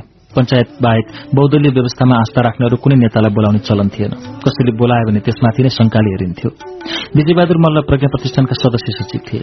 उनले विश्वेश्वर प्रसाद कोइरालालाई एउटा साहित्यकारको नाताले प्रज्ञा भवनमा आमन्त्रण गरिएको हो भनी मौखिक स्पष्टीकरण दिनु पर्यो त्यसबेला व्यङ्ग्य साह्रै घुमाउरो र कलात्मक हुन्थ्यो। संसारमा प्राज्ञहरू दरबारलाई केही व्यङ्ग्य पर्छ कि भनेर खुब सतर्क हुन्थे। सूर्यबहादुर थापा प्रधानमन्त्री थिए। हामीले एमलोक प्रहसनमा सूर्यबहादुर थापालाई तीखो व्यङ्ग्य प्रहार गरेका थियौं। एमलोक पुगेको पात्रले त्यहाँ पनि सूर्यलाई देख्छ। र त्यो को हो भन्दा सूर्य भगवान भन्छ। पृथ्वीबाट मरेर आएको पात्रले त्यो सूर्य तल पृथ्वीबाट हेर्दा पनि माथि देखिन्थ्यो। मरेर यहाँ माथि आउँदा पनि माथि नै देखिन्छ। त्यो सूर्य त्यति माथि रहेछ भन्दा हलमा धेरै बेर नरोकिकन ताली बजेको थियो। राजाले मुन्टो घुमाएर ताली बजाउने दर्शकलाई हेरेका थिए। प्रधानमन्त्री सूर्यबहादुर थापा आफूलाई व्यङ्ग्य गरेको सुनेर स्वयं हाँसेर झन् रातो भएका थिए। नेपालको न्याय प्रणाली शान्ति सुरक्षा प्रशासन सबै मरेर एमलोक पुगेका हुँदा रहेछन्। मरेर एमलोक आउने पात्रले त्यही त भने नेपालमा न्याय शान्ति सुरक्षा प्रशासन केही देखिँदैन। कहाँ गयो भन्ठानेको त मरेर यहाँ एमोलोकमै आइसकेको रहेछ। त्यसैले पो त नेपालमा नदेखेको रहेछ त भन्दा हलमा फेरि ताली बजिरह्यो। त्यसबेला यति गर्नु भनेको साह्रै ठूलो व्यङ्ग्य हुन्थ्यो। प्रदर्शनकै क्रममा हामीले दर्शक दीर्घामा बसेका विश्वेश्वर प्रसाद कोइरालालाई देखाउँदै उहाँ को नि चिना चिना जस्तो लाग्छ भन्दा उहाँ त मोडल डेमोक्रेसी हो भन्यौं। त्यसबेला बिपीलाई मोडल डेमोक्रेसी भनिन्थ्यो उनलाई हेर्दै हामीले फेरि भन्यौं ए मोडल डेमोक्रेसी? तपाईँ पनि मरेर यहाँ एमोलोकमा? नेपालमा मोडल डेमोक्रेसी कता आयो भनेको त मरेर एमोलोकमै आइसकेका रहेछ भन्ने व्यङ्ग्य चाहिँ बिपी प्रहसन हेर्न आएको थाहा पाएपछि हामीले थपेका थियौं। संगीतकार नातिकाजी बिपीसँगै बसेका रहेछन्। बिपीले त्यो सम्वाद सुनेर यी केटाहरू त जोडदार रहेछन्। भेट्नु पर्यो भनेका थिए अरे तर बिपीसँग भेट गर्नै पाइएन। एमुलक प्रहसनलाई हामीले कार्यक्रम हलबाटै अडियो क्यासेटमा रेकर्ड गरेका थियौं। त्यसबेला लोकगीत र आधुनिक गीतका क्यासेट बजारमा किन्न पाइन्थ्यो तर प्रहसन र हाँसी व्यङ्गको क्यासेट निकाल्ने चल्नै थिएन। हामीले एमएलओकलाई क्यासेटमा निकालेर बिक्री गरौं भन्ने सल्लाह गर्यौं। एमएलओक जम्मा आधा घण्टाको थियो। क्यासेट निकाल्न फेरि अर्को आधा घण्टाको प्रहसन चाहियो। त्यसैले हामीले प्यारालाइसिस भन्ने अर्को प्रहसन पनि बनायौं। त्यो प्रहसनमा देशको नेतालाई प्यारालाइसिस भएको छ जो बोल्न मात्र सक्छ काम चाहिँ गर्न सक्दैन। मुख मात्र चल्छ हातखुट्टा केही चल्दैन भनेर प्रतीकात्मक रूपमा व्यङ्ग्य गरेका थियौं। रंगमञ्चमा मञ्चन गरेर त्यसलाई पनि अडियोमा रेकर्ड गर्यौं। ए र बी साइडमा आधा आधा घण्टाका दुईटा प्रहसन राखी एमलोक क्यासेट बजारमा ल्यायौं। क्यासेट निकाल्दा कान्छा कर्मचारीले उधारोमा कभर डिजाइन गरिदिए अमृत साके दाईले सेवा प्रिन्टिङ प्रेसमा उधारोमै कभर छापिदिए। हामीसँग जम्मा दस बाह्र हजार रुपियाँ मात्र थियो। त्यति पैसाको खाली क्यासेट किन्न कमलेश अग्रवाल कहाँ गयो? उनी सिंगापुरबाट खाली क्यासेट ल्याउँथे र हिन्दी गीत भरेर बेच्ने काम गर्थे। हामीले त्यही क्यासेट भर्न दियौं। अब हाम्रो नयाँ काम शुरू भयो। हामी झोलामा क्यासेट बोकेर New Road Ratna Park Asan इन्द्रचोकका cassette पसलहरूमा आफै बिक्री गर्न थाल्यौं। प्रहसनको क्यासेट सुरु सुरुमा त पसलहरू किन्नै मान्दैनथे यसको सट्टा लोकगीत ल्याउनुहोस् न भन्थे। एउटा पसलमा हामी दस बाह्रवटा जबरजस्ती छाडिदिन्थ्यौं। बिकिन हुने फिर्ता लगाउँला भनेर? जब क्यासेट पसलमा लाउड स्पिकर जोडेर साउजीले बजाउन थाले पसल बाहिर सुन्नेको भिड लाग्न थालेछ। दस बाह्र पिस जबरजस्ती लिएको पसलले भोलिपल्ट सय पिस अर्डर गर्यो। यति धेरै माग बढ्यो कि हामीसँग माग अनुसार क्यासेट किन्ने पैसै भएन। कमलेश अग्रवालको दुई तल्ले घरभरि सिंगापुरबाट मगाइएका खाली क्यासेट थिए। उनले तपाईँहरू चिन्ता नगर्नुहोस् जति क्यासेट चाहिए पनि म उधारोमा दिन्छु भने। हामी रातभरि नसुती क्यासेट रेकर्ड गर्थ्यौं र सेलोपिन पेपरले बेर्थ्यौं भोलिपल्ट टेम्पो रिजर्भ गरेर पसल पसलमा बाँड्थ्यौं त्यसवखत अहिले जस्तो घर घरमा टेलिभिजन थिएन। अलि हुने खाने मान्छे कहाँ क्यासेट प्लेयर हुन्थ्यो। क्यासेटमा गीत सुन्नु नै त्यो बेलाको सम्पन्नता थियो। हाम्रो एम्बुलोक पनि हरेक क्यासेट प्लेयर भएका नेपालीको घर घरमा हुन्थ्यो। क्यासेट सुन्नेहरूले यस्तो व्यङ्ग्य त के गरी गर्न सकेको होला? यसलाई त सरकारले प्रतिबन्ध लगाउँछ भन्थे।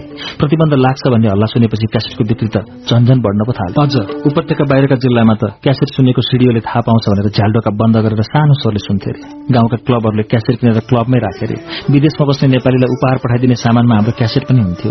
एकपटक हामी रसियामा कार्यक्रम गर्न जाँदा त्यहाँ नेपाली राजदूत कुमार गेवालीले आफ्नो भाषणमा भनेका थिए।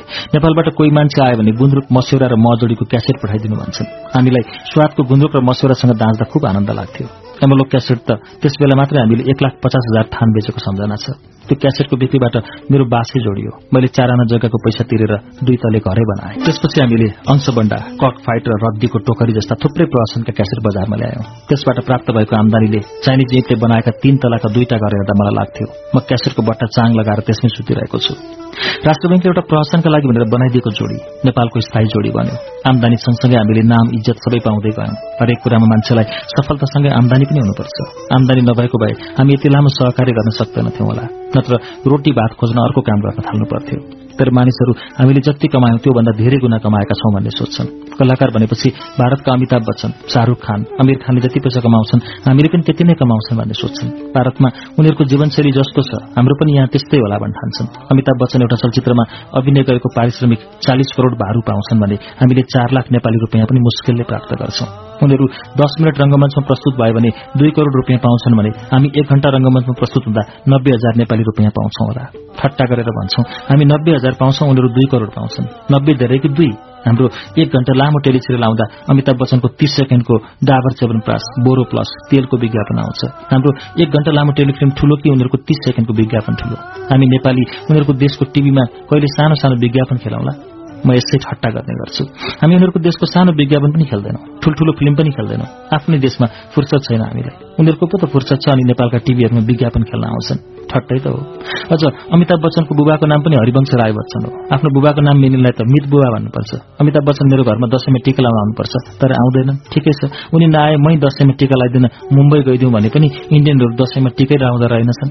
तर नेपालमा पनि अरू घुस नखाने कर्मचारीको भन्दा त गर्न सक्ने कलाकारको आमदानी धेरै राम्रो छ। मान्छेले आयस्रोत भएपछि मात्र समाजसेवा गर्न सक्छ।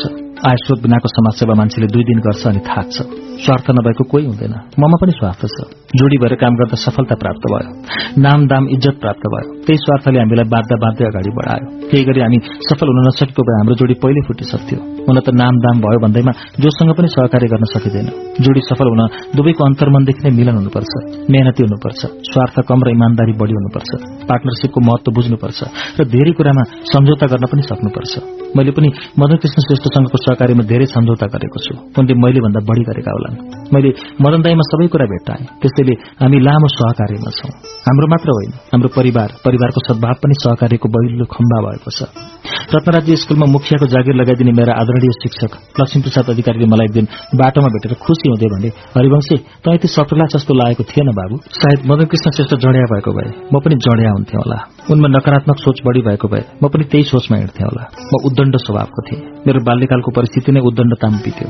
तर करूणाको गुण नभएको मान्छे कलाकार वा सृजनशीलता हुनै सक्दैन। ममा पनि करूणाको गुण अलिअलि छ जस्तो लाग्छ।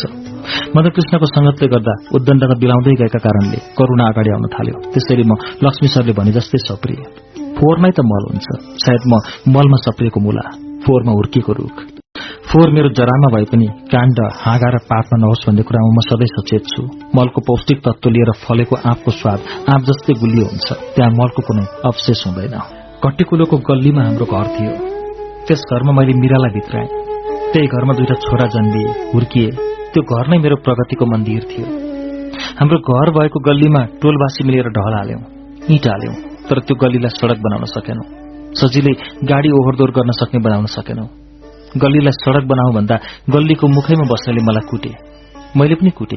गल्लीकै मुखमा घर भएकी एक महिलाले त झगडा गर्दा मेरो गुप्ताङ्ग नै निमोठिदिएन। उनको हात छुटाउन मैले उनको छातीमा मुक्कै हान्नु पर्यो। तर गल्ती फराकिलो पार्न सकिएन। तर गल्ली फराकिलो पार्न सकिएन। अन्त्यमा मैले कट्टीकुलोको घरै बेचेर जाने निर्णय गरे। घर त बिक्री भयो तर म रातभरि सुत्न सकिन। जुन घरमा बसेर मैले यत्रो प्रगति गरे मिरालाई भित्राएको छोराहरू जन्मिएको खेलेको घर किन बेचेछु? बरु जसो तसो यही गल्लीमै बसेको भए पनि हुन्थ्यो नि जस्तो लाग्यो। मिराका आँखा आँसुले टिलपिल भए घर बेचेपछि सर्नै पर्यो। सरेको दिनमा नयाँ बजारको डेरामा पुगेर खुब रोएँ। कट्टेकुलोमा मान्छेले ठेगाना बताउनु पर्दा हरिवंशको घर लिएर अथवा त्यहाँबाट यता जाने उता जाने भन्ने गर्थे। त्यो गल्लीको अघोषित नामै हरिवंश गल्ली थियो। मानिसहरू पहिले पहिले ठेगाना बताउँदा हरिवंशको घर लिएर भन्थे। हिजो आज पनि हरिवंशले बेचेको घर लिएर भन्छन् रे। राई थरका मानिसले घर किने त्यो घरकी बुढी राई आमा भन्ने गर्छन् रे। हामीले त्यत्रो पैसा तिरेर किने पनि त्यो बाहुनको भूतले यो घर छोडेन। बुढाकी कण्ठमा कुमार थापाले हामीलाई घरमा खाना खान बोलाए। हामी सपरिवार गएका थियौं। उनको घरको कम्पाउन्डमा ग्यारेज रहेछ। ग्यारेजको भित्तामा सिक्रीले बाँधेर एउटा सिजी जापानी मोटरसाइकल फोटो झुण्ड्याए जस्तै गरी झुण्ड्याइएका रहेछन्। कहीँ नदेखेको दृश्य। मैले सोधेँ किन यो मोटरसाइकल यसरी झुण्ड्याउनु भएको? उनले भने हेर्नुहोस् दाई मसँग पहिले केही थिएन। यो मोटरसाइकल चढेर मैले धेरै काम गरे धेरै प्रगति गरे। म आज यति सम्पन्न हुनुमा यो मोटरसाइकलले धेरै साथ दिएको छ। अब यो पुरानो भयो बुढो भयो। यसलाई कबाडीको भावमा बेच्न मेरो मनले माएन त्यसैले यो मोटरसाइकलको गुण तिर्न यसलाई नबिर्सन मैले यसरी भित्तामा झुन्ड्याएर राखेको हुँ। म बाहिर निस्कँदा जहिले पनि यसलाई मनमनै ढोगेर जान्छु। मेरो पनि जीवनमा पहिलोचोटि किनेको एउटा मारुति जिप्सी मोटर छ। त्यो जीप चढेर मैले पनि धेरै प्रगति गरेको छु। जीवनका धेरै सिँढीहरू चढेको छु। धेरै लामो यात्रा गरेको छु। धेरै रंगमञ्चमा प्रस्तुत भएको छु। धेरै सुटिङमा खटेको छु त्यो जीपमा गएर। मैले त्यो जीप चलाउँदा मेरा अगाडि बस्थिन्। मैले गाडी अलिक कुदाउँदा उनी तर्सेर अगाडिको ह्याण्डल समाउने गर्थिन्। त्यसरी तानेर समाउँदा समाउँदै ह्यान्डिलै अलिकति बाङ्गो भयो। मदन दाई पनि तर्सेर त्यही ह्यान्डिल तान्थे। ह्यान्डिल बाङ्गो हुनुमा मेरो रफ्तार र प्रगति गाँसिएको छ। जिप्सी पुरानो भयो। धेरै तेल खान थाल्यो। अनि मैले तीन लाख रुपियाँमा बेचेँ। बेचोक रात मलाई पटक्कै निद्रा लागेन। मानौ मैले मेरो जीवनको बहुमूल्य चिज बेचेँ। त्यो जीप चढेर मैले गरेका प्रगतिहरू झलझली सम्झे। मेरा आँखा अगाडि कुमार थापाले सिजी मोटरसाइकललाई प्रगतिको गुण सम्झेर घरको ग्यारेजमा सम्मान दिएको दृश्य आइरह्यो। जीवनमा पहिलो पटक किनेको जीप प्रगति पथमा त्यो निर्जीव यन्त्रले दिएको साथ याद आइरहन्छ। कहिलेकाहीँ त्यो जीव बिरामी भएर स्टार्ट नहुँदा मलाई कत्रो पीर पर्थ्यो। मानौ मेरो परिवारको कुनै सदस्यलाई सन्चो छैन। त्यो जीपमा कसैले छोएर कोरिदियो भने त्यसको शरीरमा कोरिएको धर्को मेरै शरीरमा लागे जस्तो लाग्थ्यो। अनि हत्तपत्त त्यसलाई निको पार्न ग्यारेजमा लगिहाल्थे। तर आज त्यो पुरानो भयो अलिक बुढो भयो भने मैले तीन लाख रुपियाँमा बेचेँ भनेर छाती चर्केर आउँछ। त्यो जिप्सीसँग मेरो सुख दुःख साटिए जस्तो लाग्छ। त्यसैले मलाई जिप्सी निर्जीव होइन जीवित साथी जस्तो लाग्छ। किनभने ऊ पनि जीवितकै चाहिँ हिँड्छ खान्छ सहयोग गर्छ। बेचेको भोलिपल्ट बिहानै मदन दाईलाई फोन गरेर जीप बेचेर सुत्न नसकेको कुरा सुनाए। नामसारी गरिसकेको छैन सुटिङलाई त जीप नभई हुन्न भाडामा लिनु पर्यो भने पनि धेरै पैसा तिर्नुपर्छ। तीन लाख रुपियाँ महसञ्चारले हाल्यो भने त्यो जीप महसञ्चारको हुन्छ भने मदन दाईले हुन्छ भने मैले दस बजे नै तीन लाख दिएर गाडी फिर्ता ल्याएँ। ती निर्जीव वस्तुसँग त त्यत्रो आत्मीयता हुँदो रहेछ भने तेत्तीस वर्षको सहकारीमा साथी मदन कृष्णको आत्मीयता कति गहिरो र हार्दिक होला। हाँस्यव्यङ्गको भूमिका पनि राजनीतिमा भने प्रतिपक्षले जस्तो हुँदो रहेछ। पञ्चायती व्यवस्थाका प्रतिपक्ष भनेका बहुदलवादी हुन्। हामी पञ्चायती व्यवस्थामाथि व्यङ्ग्य गर्थ्यौं। पञ्चायती व्यवस्था र पञ्चहरूलाई व्यङ्ग्य गर्दा गर्दै हामी पनि निर्दल विरोधी अर्थात बहुदलवादी भयौं। पञ्चायत इतर हुनासाथै बहुदलवादी नेताहरूसँग नजिक भयौं। बहुदलवादीहरूका कुनै पनि जमघट समारोहहरूमा हामीलाई पनि आमन्त्रण हुन थाल्यो। गणेशमान सिंह र मंगला भाउजूहरू असाध्यै माया गर्थे। गणेशमानको निवास चाक्सीबारीमा हुने कार्यक्रममा जाँदा मंगला भाउजू भन्थिन् तिमीहरू दुईजना आयो कि आएन भनेर बाले सोधिरहनुहुन्छ। सधैँ आउनु है? हुँदा हुँदा हामी गणेशमान जस्तो व्यक्तिको बेडरूम समय पनि जान पाउँथ्यौं। मदन दाई र म नयाँ प्रश्न लेख्नु पर्दा नयाँ नयाँ कुराहरू पाइन्छ कि भनेर ठाउँ ठाउँ प्रतिष्ठित मान्छेहरूको घर जाने गर्थ्यौं। एक साँझ हामी सर्वमानी नेता गणेशमान सिंहको घरमा गयौं। हामी पुग्दा गणेशमान बेडरूममा गइसकेका रहेछन्। पीएल सिंह हामीलाई सिनुवा घुन्चा भन्थे। नेवारी भाषामा देवी नाचमा सिंह र बाघको मुखुण्डो लगाएर नाच्नेलाई सिन्चा धुन्चा भनिन्छ। पीएल सिंहले भने ए सिन्चा धुन्चा यति बेला पनि आउने हो बाला भेट्न? पख म बाला खबर गर्छु। हामी बैठकमा बसिरह्यौं। एकछिनपछि ए सिन्चा धुन्चा आऊ तिमीहरूलाई बाले बेडरूममा बोलाउनु भएको छ भनेर नेवारी भाषामै भने। हामी गणेशमान सिंहको बेडरूममा पुग्दा गणेशमान सिंह त बियर पिइरहेका रहेछन्। गणेशमान नेवारी भाषामै भन्दै थिए के गर्ने? किडनीमा स्टोन छ? डाक्टरले बियर पियो भन्छ। तिमीहरू पनि बियर पिउने हामीले पनि पिउने भन्यौं। दुईटा ग्लास ल्याएर बियर भरियो। हामीले गणेशमान सिंहसँग चियर्स गरेर बियर पियौं। टेलिभिजनमा चीनको तेनमेन स्क्वायरमा प्रदर्शनकारी सड़कमा सुतेका। उनीहरूको शरीरमाथिबाट सेनाको ट्याङ्क हिँडेको तथा प्रदर्शनकारीले ट्रक भरि बसेका सेनाका कलिला कलिला सिपाहीलाई जिउँदै आगो लगाएको दृश्य हेर्यौं त्यो दृश्यले तितो बियर झन तितो र खल्लो लाग्यो। गणेशमान सिंह नेपालका साहसिक नेता थिए। नेपाली जनतालाई मुक्ति दिलाउन कठोर या शासनले उनले गरेको त्याग योगदान र साहसका कथाहरू हामीले सुनेका थियौं। त्यस्ता महान व्यक्तिसँग बेडरूममै बसेर बियर पिउनु हाम्रो लागि गौरवको कुरा थियो। गणेशमान हाम्रा क्यासेटहरू सुन्थे हामी हाम्रा नयाँ क्यासेट निस्क्यो कि उनलाई लगेर टक्राउँथ्यौं हामी। काठमाडौँमा भएको बेला गणेशमानको घरमा हुने राजनीतिक कार्यक्रमहरूमा जाने गर्थ्यौं को को आए को को गए भने निगरानी राख्न। क्षेत्रपाटीको बाटोभरि छापछ्यापी सीआईडी हुन्थे हामी गएको कुरा पनि प्रशासनमा पुर्याइहाल्थे मनमोहन अधिकारीसँग कुनै समारोहमा भेट भयो भने उनी हाम्रो हात च्याप्प समातेर राख्थे हामीलाई कांग्रेस कम्युनिस्ट सबैले मन पराउँथे पञ्चहरू पनि मन पराउँथे यिनीहरू कांग्रेस कम्युनिष्ट हुन् भन्ने पञ्चहरूको मनमा हुन्थ्यो तर नराम्रो व्यवहार भन्ने गर्दैनथे देशमा पञ्चायती व्यवस्था थियो। बयालिस पैंतालिस सालतिर होला। विराटनगर बटम फ्याक्ट्रीका मालिकले नक्कली क्यासेट निकालेछन्। रानीले लेखेको र नारायण गोपालले गाएको गीत डुप्लिकेट निकाल्यो भनेर म्युजिक नेपालले अञ्चलाधीश कहाँ रिपोर्ट हाल्यो। प्रहरीले छापा मार्दा हाम्रा पनि थुप्रै नक्कली क्यासेट भेट्टाएछ विराटनगरका उच्च घरनाका व्यक्ति कालो व्यापारीको रूपमा पक्राउ परे। उनलाई छुटाउन तत्कालीन प्रतिबन्धित नेपाली कांग्रेसका महामन्त्री गिरिजा प्रसाद कोइरालाले मलाई विराटनगरबाटै फोन गरे। उनलाई छुटाउन लगाइदिनुहोस् न। मैले भने गिरिजा प्रसादजी तपाईँसँग हामीले धेरै आशा गरेका थियौं भविष्यको। तर खुट्टामा एउटा चप्पल पनि ऋण काटेर लगाउनु पर्ने नेपालका लोक गायक गायिकाको क्यासेट डुप्लिकेट गरेर बेच्ने कालो बजारीलाई तपाईँ जस्तो व्यक्तिले नै छुटाइदिनुहोस् भनेर फोन गर्नुभयो। मलाई त कस्तो कस्तो नराम्रो लाग्यो। उनले अझ थपे होइन होइन गल्ती भनेको जसले पनि गर्न सक्छ। एकपटकलाई सहयोग गरिदिनुहोस् न। पद्मरत्न तुलाधरकी छोरीको बिहेमा मदन भण्डारी पनि आएका थिए। उनीसँग व्यक्तिगत चिन्जान थिएन तर बोल्न मन लागिरहेको थियो। हुल धेरै भएकाले उनीसम्म जान सकेनौं। त्यसपखत हाम्रो प्रशासनका क्यासेटहरूका साथसाथै मदन भण्डारीले आमसभामा गरेको भाषण पद्मरत्न तुलादरले पञ्चायतको सदनमा दिएको भाषणको क्यासेट पनि बिक्री हुन्थ्यो। मदन भण्डारीले हामी पनि त्यही छौं भन्ने थाहा पाएछन्। उनी हामीसँग भेट्न आएर भने तपाईँहरू दुवैजनासँग भेटेर खुशी लाग्यो। हामी भूमिगत हुँदा तपाईँहरूका क्यासेट सुन्थ्यौं। तपाईँहरूका प्रश्नहरू हाम्रो लागि राजनीतिक किताब भएका छन्। धन्यवाद तपाईँहरूलाई।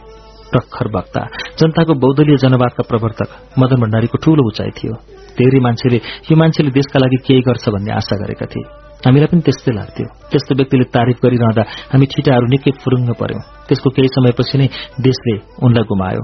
उज्यालो नेपाल बनाउने एउटा तारा अस्त आयो। हामी पञ्चायती व्यवस्था विरूद्ध व्यङ्ग्य गर्ने मान्छे भएकाले त्यसपखत हामीलाई थुन्नुपर्छ जेल हाल्नुपर्छ भन्ने ठूलो दबाव आउँथ्यो। श्रीबहादुर थापा नेपालका प्रधानमन्त्री थिए। हामी उनलाई घुमाउरो पाराले खुब व्यङ्ग्य गर्थ्यौं। उनका भाइ गीतकार नगेन्द्र थापाले एकपटक भनेका थिए तपाईँहरू दुवैलाई थुन्नुपर्छ भनेर दाईलाई खुब दबाव आउँछ तर जति दबाव दिए पनि दाईले तपाईँहरूलाई थुन्न मान्नु भएन। जहाँ उनीहरूले व्यङ्ग्य गरेर मेरो इज्जत बढाएछ भन्नुहुन्छ। श्रीबहादुर थापाको प्रधानमन्त्रीत्व कालमा हामीले हाँसी व्यङ्ग्यमा ठूलै प्रगति गरेका थियौं। श्रीबहादुर थापासँग व्यङ्ग्य पचाउने शक्ति चाहिँ प्रशस्त थियो। मलाई रूबी जोशी दाईले गवर्नर कल्याण विक्रम अधिकारीलाई भनेर नेपाल राष्ट्र बैंकमा रेडियो नेपालबाट प्रसारण हुने बैंकिङ कार्यक्रमको प्रस्तोताको जागिर लगाइदिए। एकातिर राष्ट्र बैंकको सरकारी जागिर अर्कातिर पञ्चायत विरूद्ध हाँसी व्यङ्ग्य प्रदर्शन गर्ने। त्यस बखत सरकारी जागिर खाने मान्छेले व्यवस्था विरूद्ध कुनै काम गर्न पाइँदैनथ्यो। तर मलाई राष्ट्र बैंकले धेरै छुट्टी दिएको थियो। दिनभरि टेबलमा बसेर काम गर्ने धैर्य मसँग थिएन। काम पनि थिएन। रेडियो कार्यक्रमको लागि सामग्री लेख्नु पर्थ्यो। म एक दुई घण्टामै सबै काम सक्थेँ। मेरा हाकिम प्रमोद अरियाल निकै अनुशासित थिए। म चाहिँ कसरी अफिसबाट भागौं भनेर दाउ हेर्थेँ। एक दिन प्रमोद सरले मलाई सोधे तपाईँ आज के भनेर भाग्नुहुन्छ त? मैले तुरन्तै भने सर मेरो ड्राइभिङ लाइसेन्स रिन्यू गर्नु छ। एकपल्ट गएर आउँ। प्रमोद सरले आफ्नो लाइसेन्स पनि दिँदै भने ल मेरो पनि गरेर ल्याइदिनुहोस् न। बस मैले काम पाइहालेँ। डिएसपी कार्यालय हनुमान ढोका गएर एकैछिनमा लाइसेन्स नवीकरण गरिहालेँ। भोलिपल्ट कार्यालय पुग्न साथै प्रमोद सरले सोधे लाइसेन्स भयो? मैले भने हिजो छोडेर आएको छु सर। आज लिनु बोलाएको छ। म आफ्नो काम सकेर लाइसेन्स लिने बाहनामा हिँडेँ। पर्सिपल्ट प्रमोद सरले सोधे। लाइसेन्स भयो? कहाँ सर? हिजो दिनभरि कुरेर बसे। इन्सपेक्टर अशोक केसी आउँदै आउनु भएन। फेरि आज जानु छ मैले पनि दिक्क मान्दै भने। प्रमोद सरले पनि मेरो अनुहार हेरेर दिक्क माने। त्यसको भोलिपल्ट लगेर लाइसेन्स दिए। रंगमञ्चमा पनि धेरै व्यस्त भएकाले। अफिसबाट एउटा न एउटा बाहना बनाएर भाग्नै पर्थ्यो। कहिले के भनेर भाग्थे कहिले के भनेर। एकपटक भने सर आज बाको श्राद्ध छ जाउँ है। हाकिमले झोकिएर भने तपाईँको कतिवटा बाउ छ न तीन चार महिना अघि पनि बाको श्राद्ध छ भनेर जानुभएको थियो होइन? भनिदिए त अनि भनिदिउँ भनेर भनिदिए सर आज चाहिँ ठूलो भएको श्राद्ध। ठूलो भएको पनि श्राद्ध गर्ने गरेको छु मैले। वास्तवमा मेरो ठूलो बा सानो बा कोही पनि थिएनन्। रंगमञ्चमा हामीले पिस्कर हत्याकाण्डबारे बनाइएको होस्टे ऐसे नामक कार्यक्रम देखायौं। केही समय पहिले सिन्धुपाल्चोकको पिस्कर भन्ने ठाउँमा वामपन्थीहरूको मिटिङमा पञ्चायती प्रशासनले गोली चलाउँदा निकै मान्छे मारिएका थिए। त्यो प्रदर्शन हामीले नेविसंघको आयोजनामा प्रदर्शन गरेका थियौं। रातको एघार बजेको हुँदो घरमा पुलिस आएर ढोका ढकढकायो। ठूलो छोरो त्रिलोक भर्खर सात छ सात महिनाको थियो। प्रहरीले राति लिन आएपछि मेरो श्रीमती मीरा अलि आत्तिएकी थिइन्। प्रहरीले भने तपाईँलाई महेन्द्र पुलिस क्लबमा बोलाएको छ। मैले सहज तरिकाले भने यति राति किन जाने? बरु भोलि बिहानै जाउँला नि। प्रहरीले भने मदन कृष्णजी आइसक्नु भएको छ। मदन दाई आइसकेको थाहा पाएर पनि नजानु मेरो नैतिकताले दिएन। मलाई मिराले बाक्लो लुगा लगाइदिन्। म प्रहरीसँगै गएँ। मिरा ढोकाबाट काखे छोरो बोकेर हेरिरहेकी थिइन्। महेन्द्र पुलिस क्लब पुगेपछि यसो हेरेँ मदन दाईलाई देखिन। सोधेँ मदन दाई खै त? एउटा प्रहरीले भने आउँदै हुनुहुन्छ। मदन दाईको घरमा पनि प्रहरी गएछन्। उनले पनि भोलि बिहानै आउला नि भनेछन्। उनीसँग पनि हरिवंशजी अघि नै आइसक्नुभयो भनेछन्। अनि त दाई नआउने कुरै भएन। हामीलाई त्यहाँबाट हनुमान ढोका लगियो। सानो कोठा सुकुल ओछ्याएको थियो। हामीलाई खोरमा राखियो। तर प्रहरीले कुनै दुर्व्यवहार गरेनन्। उल्टै आदरपूर्वक सोधे केही खानुहुन्छ? किनेर ल्याइदिउँ? खोरमा थुनिएकाहरू थुप्रै कैदीले हाम्रो नाम लिँदै ताली पिटेर स्वागत गरे। हामी कोठाबाट सुन्दै थियौं ए मदन कृष्ण हरिवंशलाई पनि ल्याएछ। थुनुहारमा एक किसिमको खुशी छाएको थियो। हामीलाई थुनेको कोठामा बल्ल तल्ल दुईजना अट्थ्यौं दिशा पिसाब लाग्थ्यो भने खोरको तालचा खोलेर प्रहरीले तीन तला मुनिको चर्पीमा लैजान्थ्यो र ल्याएर फेरि उही खोरमा तालचा मार्थ्यो। त्यहाँको चर्पी ज्यादै फोहोर थियो। पिसाब जमेर तलाउ भएको। खुट्टा टेक्न बिछाइएको इँटमा टेक्दै जानु पर्थ्यो। खुट्टा यस्तो चिप्ल्यो भने पिसाबको तलाउमा डुबिहालिन्थ्यो। त्यहाँ एउटी विदेशी महिला पनि थुनिएकी रहेछन्। चर्पी हेर्दै how can I sit here? भनेर रोइरहेकी थिइन्। मलाई अलिक छिटो छिटो पिसाब फेर्नुपर्ने। डाक्टरले मेरो पिसाब फेरि सानो छ भनेका छन्। राति अरू कैदीहरूले दिशा पिसाब लाग्यो भन्दा प्रहरीले तथानाम गाली गरेको सुनेको थिएँ। त्यसैले मैले त गाली खानुभन्दा मध्यराततिर हातमा पिसाब फेर्दै सास फेर्न राखिएको सानो भेन्टिलेसनको पालबाट फ्याँकिदिए। नेविसंघले आयोजना गरेको कार्यक्रममा हामीले आफ्नो प्रस्तुति राखेकैले हामीलाई थुनिएको थियो।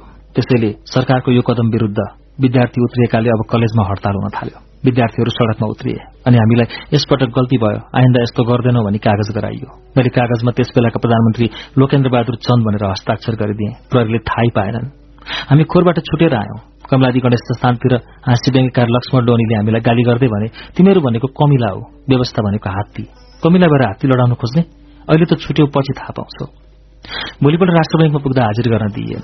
तपाईँलाई आजदेखि राष्ट्र ब्याङ्कको सेवाबाट हटाइएको छ भन्ने पत्र पाएँ। रुबेदाईले भने गृहमन्त्रीले गभर्नर साहबलाई फोन गरेर त्यो व्यवस्था विरोधीलाई जागिरबाट हटाउनु भनेका रहेछन्। ईश्वर काण्डको कुरा बोलेकाले गृहमन्त्री ज्यादै रिसाएका रहेछन् तपाईँहरूसँग। पहिले त जागिर जाँदा अलिक दुःख लाग्यो। नर्भस पनि भए। दुई वर्ष मात्र भएको थियो बिहे गरेको। काखमा नाबालक छोरो। जीवन चलाउन सजिलो थिएन।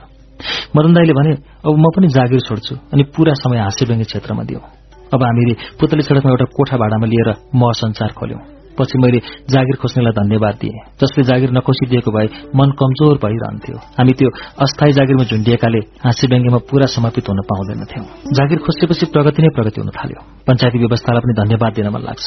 त्यो व्यवस्था नभएर प्रजातन्त्र भएको भए जसले पनि बोल्थे जे पनि बोल्थे बोली र व्यङ्गीको त्यति महत्व हुँदैनथ्यो। पञ्चायतले बोल्न नदिँदा बोल्न सक्नु र सिधा नबोलेर कलात्मक तरिकाबाट व्यङ्ग्य प्रहार गर्नु नै हाँसी व्यङ्ग्यको विशेषता भयो। त्यस वखत रंगमञ्चमा कार्यक्रम प्रदर्शन गर्दा पहिले नै स्क्रिप्ट लेखेर अञ्चलाधीश कार्यालयमा पेश गर्नुपर्थ्यो। सेन्सर पास भएको चिठी दिएपछि मात्र प्रदर्शन गर्न पाइन्थ्यो। अरूहरूको कार्यक्रमको स्क्रिप्ट सुब्बा सेक्सन अफिसरले पढेर जाँच्थे। हाम्रो स्क्रिप्ट चाहिँ अञ्चलाधीश आफैले पढेर सेन्सर पास गर्थे।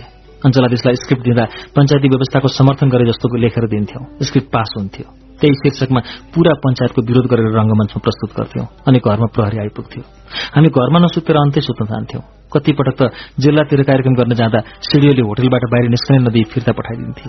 एकपटक पोखरा जेसिसले हाम्रो कार्यक्रम आयोजना गरेको थियो। हामीले कक फाइट नामक प्रदर्शन देखाएका थियौं। त्यसमा हामी दुईजना पात्र थियौं पञ्चनारायण र प्रशासन भक्त। पञ्चनारायणलाई प्रशासन भक्तले सोध्छ पञ्चनारायण तपाईँ कति सालमा जन्मनु भएको पञ्चनारायणको जवाब दुई हजार सत्र सालमा। कार्यक्रम हेरिरहेका स्टुडियो साहेब जुरुक्क उठेर गए। भोलिपल्ट पनि कार्यक्रम प्रदर्शन गर्नु थियो तर कार्यक्रम शुरू हुन अगावै प्रशासनले हलमा तालचा मारेछ आयोजकहरू सिडिओ कार्यालय गएर कराउन थाले। सिडिओले भन्यो हेर्नुहोस् पञ्चनारायण भनेको पञ्चायती व्यवस्था हो। दुई हजार सत्र सालमा जन्मेको भनेको पञ्चायती व्यवस्था सत्र सालबाट शुरू भएको भनेको हो। त्यस्तो संवाद नबोल्ने हो भने मात्र म कार्यक्रम गर्न दिन्छु नत्र कार्यक्रम गर्नै दिन्न। हामीले सत्र साल भन्दैनौ भन्यौं। कार्यक्रम शुरू भयो। सिडियो हाम्रो कार्यक्रम शुरू हुने बेलामा टुप्लुक्क आइपुगे। हामीले संवाद परिवर्तन गरिसकेका थियौं। पञ्चनारायण तपाईँ कति सालमा जन्मनु भएको? पञ्चनारायणले उत्तर दिए म दुई हजार सोह्र साल र अठार सालको बीचको सालमा जन्मेको। यस्तो संवाद सुनेर सिडियो कड्के म त्यति मूर्ख हुँ? सोह्र साल र अठार सालको बीचमा साल भनेको सत्र साल होइन? त्यसपछि सिडियो रिसार हिँडेछन् भोलिपल्ट हल दिँदै दिएनछन्। कार्यक्रम दुई सो मात्र भयो। राजनीतिमा हामीले खेलेको भूमिका परोक्ष हो। दलको पक्षमा गरिने राजनीति होइन। जनता र परिवर्तनको पक्षमा गरिने जुनकिरीको उज्यालो जस्तो सांकेतिक र कलात्मक राजनीति मात्र हो। जुनकिरी भनेको उज्यालोको बिम्ब मात्रै हो पूर्ण उज्यालो होइन। तर करोड़ौं जुनकिरीहरूको उज्यालो भने अवश्य पनि पूर्ण उज्यालो हुन्छ। रंगमञ्चमा हामी निकै सक्रिय थियौं। हाम्रो कार्यक्रम आयोजना गर्न धेरै सामाजिक संस्था तयार भएर बसेका हुन्थे। हाम्रो कार्यक्रम मार्फत सामाजिक संस्थाले पैसा बचाउँथे र त्यसबाट स्वास्थ्य चौकी पुस्तकालय शौचालय खानेपानी सरसफाईका कार्यक्रम सञ्चालन गर्थे। हामी पनि राम्रो पारिश्रमिक पाउँथ्यौं। शुरूमा पाँच सय रूपियाँ पारिश्रमिक लिएर दुई सय पचास दुई सय पचास बाँडेर लिन्थ्यौं। पछि हाम्रो पारिश्रमिक बढ्दै बढ्दै काठमाडौँमा भएका ठूल्ठूला कार्यक्रममा त एक लाख रूपियाँसम्म पाउन थाल्यौं। हामीले माग्नै पर्दैन थियो। आयोजकहरू आफै दिन आउँथे। नाचघर प्रज्ञा भवनका कलाकारहरू तलब पाउँथे। बाहिरका कलाकारले पारिश्रमिक लिने चलनै थिएन। साँचो भन्नुपर्दा पारिश्रमिक लिएर कार्यक्रम गर्न शुरू गरेको हामीले नै हो भन्दा फरक नपर्ला। दरबारसँग नजिक रहेका हामीभन्दा अग्रज कलाकारहरू कसैले जग्गा कसैले घर कसैले असर्फी बकस पाए। तर दरबारमा सबै कलाकारको पहुँच हुँदैनथ्यो अधिकांश कलाकारले कला प्रस्तुत गरे बापत पारिश्रमिकको रूपमा धन्यवाद मात्र पाउँथे।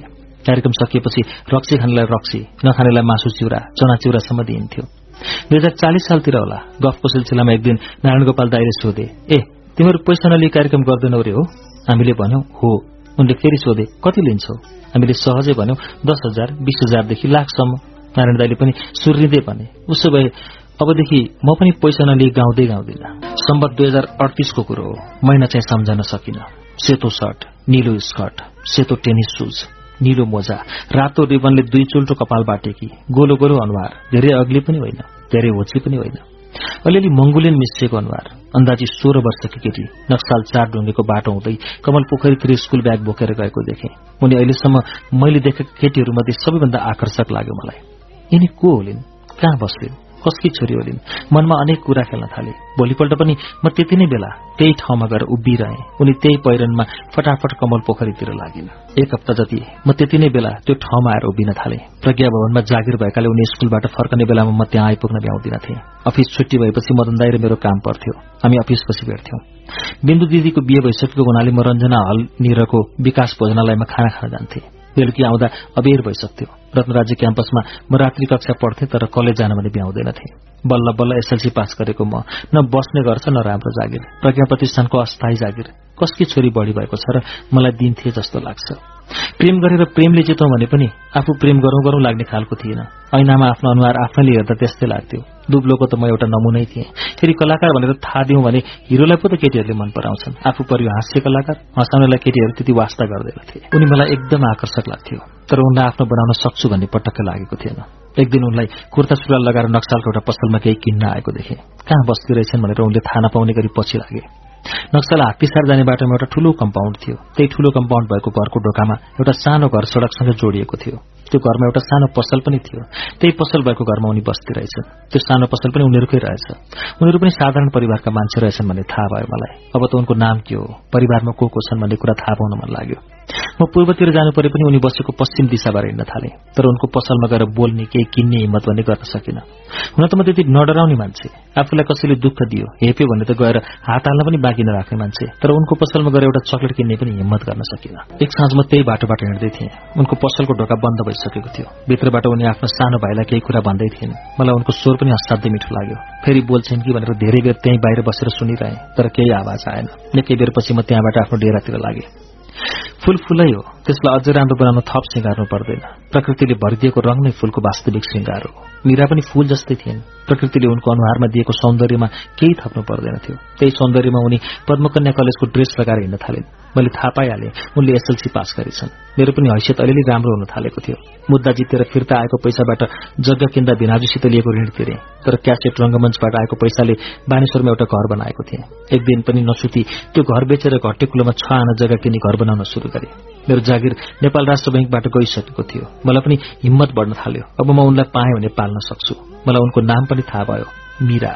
हितैसी मित्र। राजाराम पौडेलकी आमा। मीराकी आमाकी साथी रहेछन्। अनि अर्को साथीकी आमा उहाँलाई हामी डालीमुमा भन्थ्यौं। पनि मीराकी आमाकी साथी रहेछन्। मैले राजाराम पौडेलकी आमालाई भने मम्मी मलाई मीरा एकदम मनपर्छ मागिदिनुहोस् न। मम्मीले डाली मुमालाई भनेछन्। डाली मुमाले मिराकी मुमासँग कुरा गरेछन्। तर बिहेको कुरा सुनेर मिरा रिसाइन् रे। उनले मलाई नामले नै चिनिसकेकी थिइन्। मान्छे पनि देखिसकेकी थिइन्। त्यसैले उनलाई म मन परिन होला। उनले भनेछन् म अहिले बिहे गर्दिन। आमासँग पनि रिसाइन् रे। जन्मनासाथ बिहे गरिदिन हतार। त्यो कुरा मैले पनि थाहा पाएँ। मलाई आकाश खसी जस्तो भयो। संसारै चुन्ने लाग्यो। आत्मग्लानी भयो।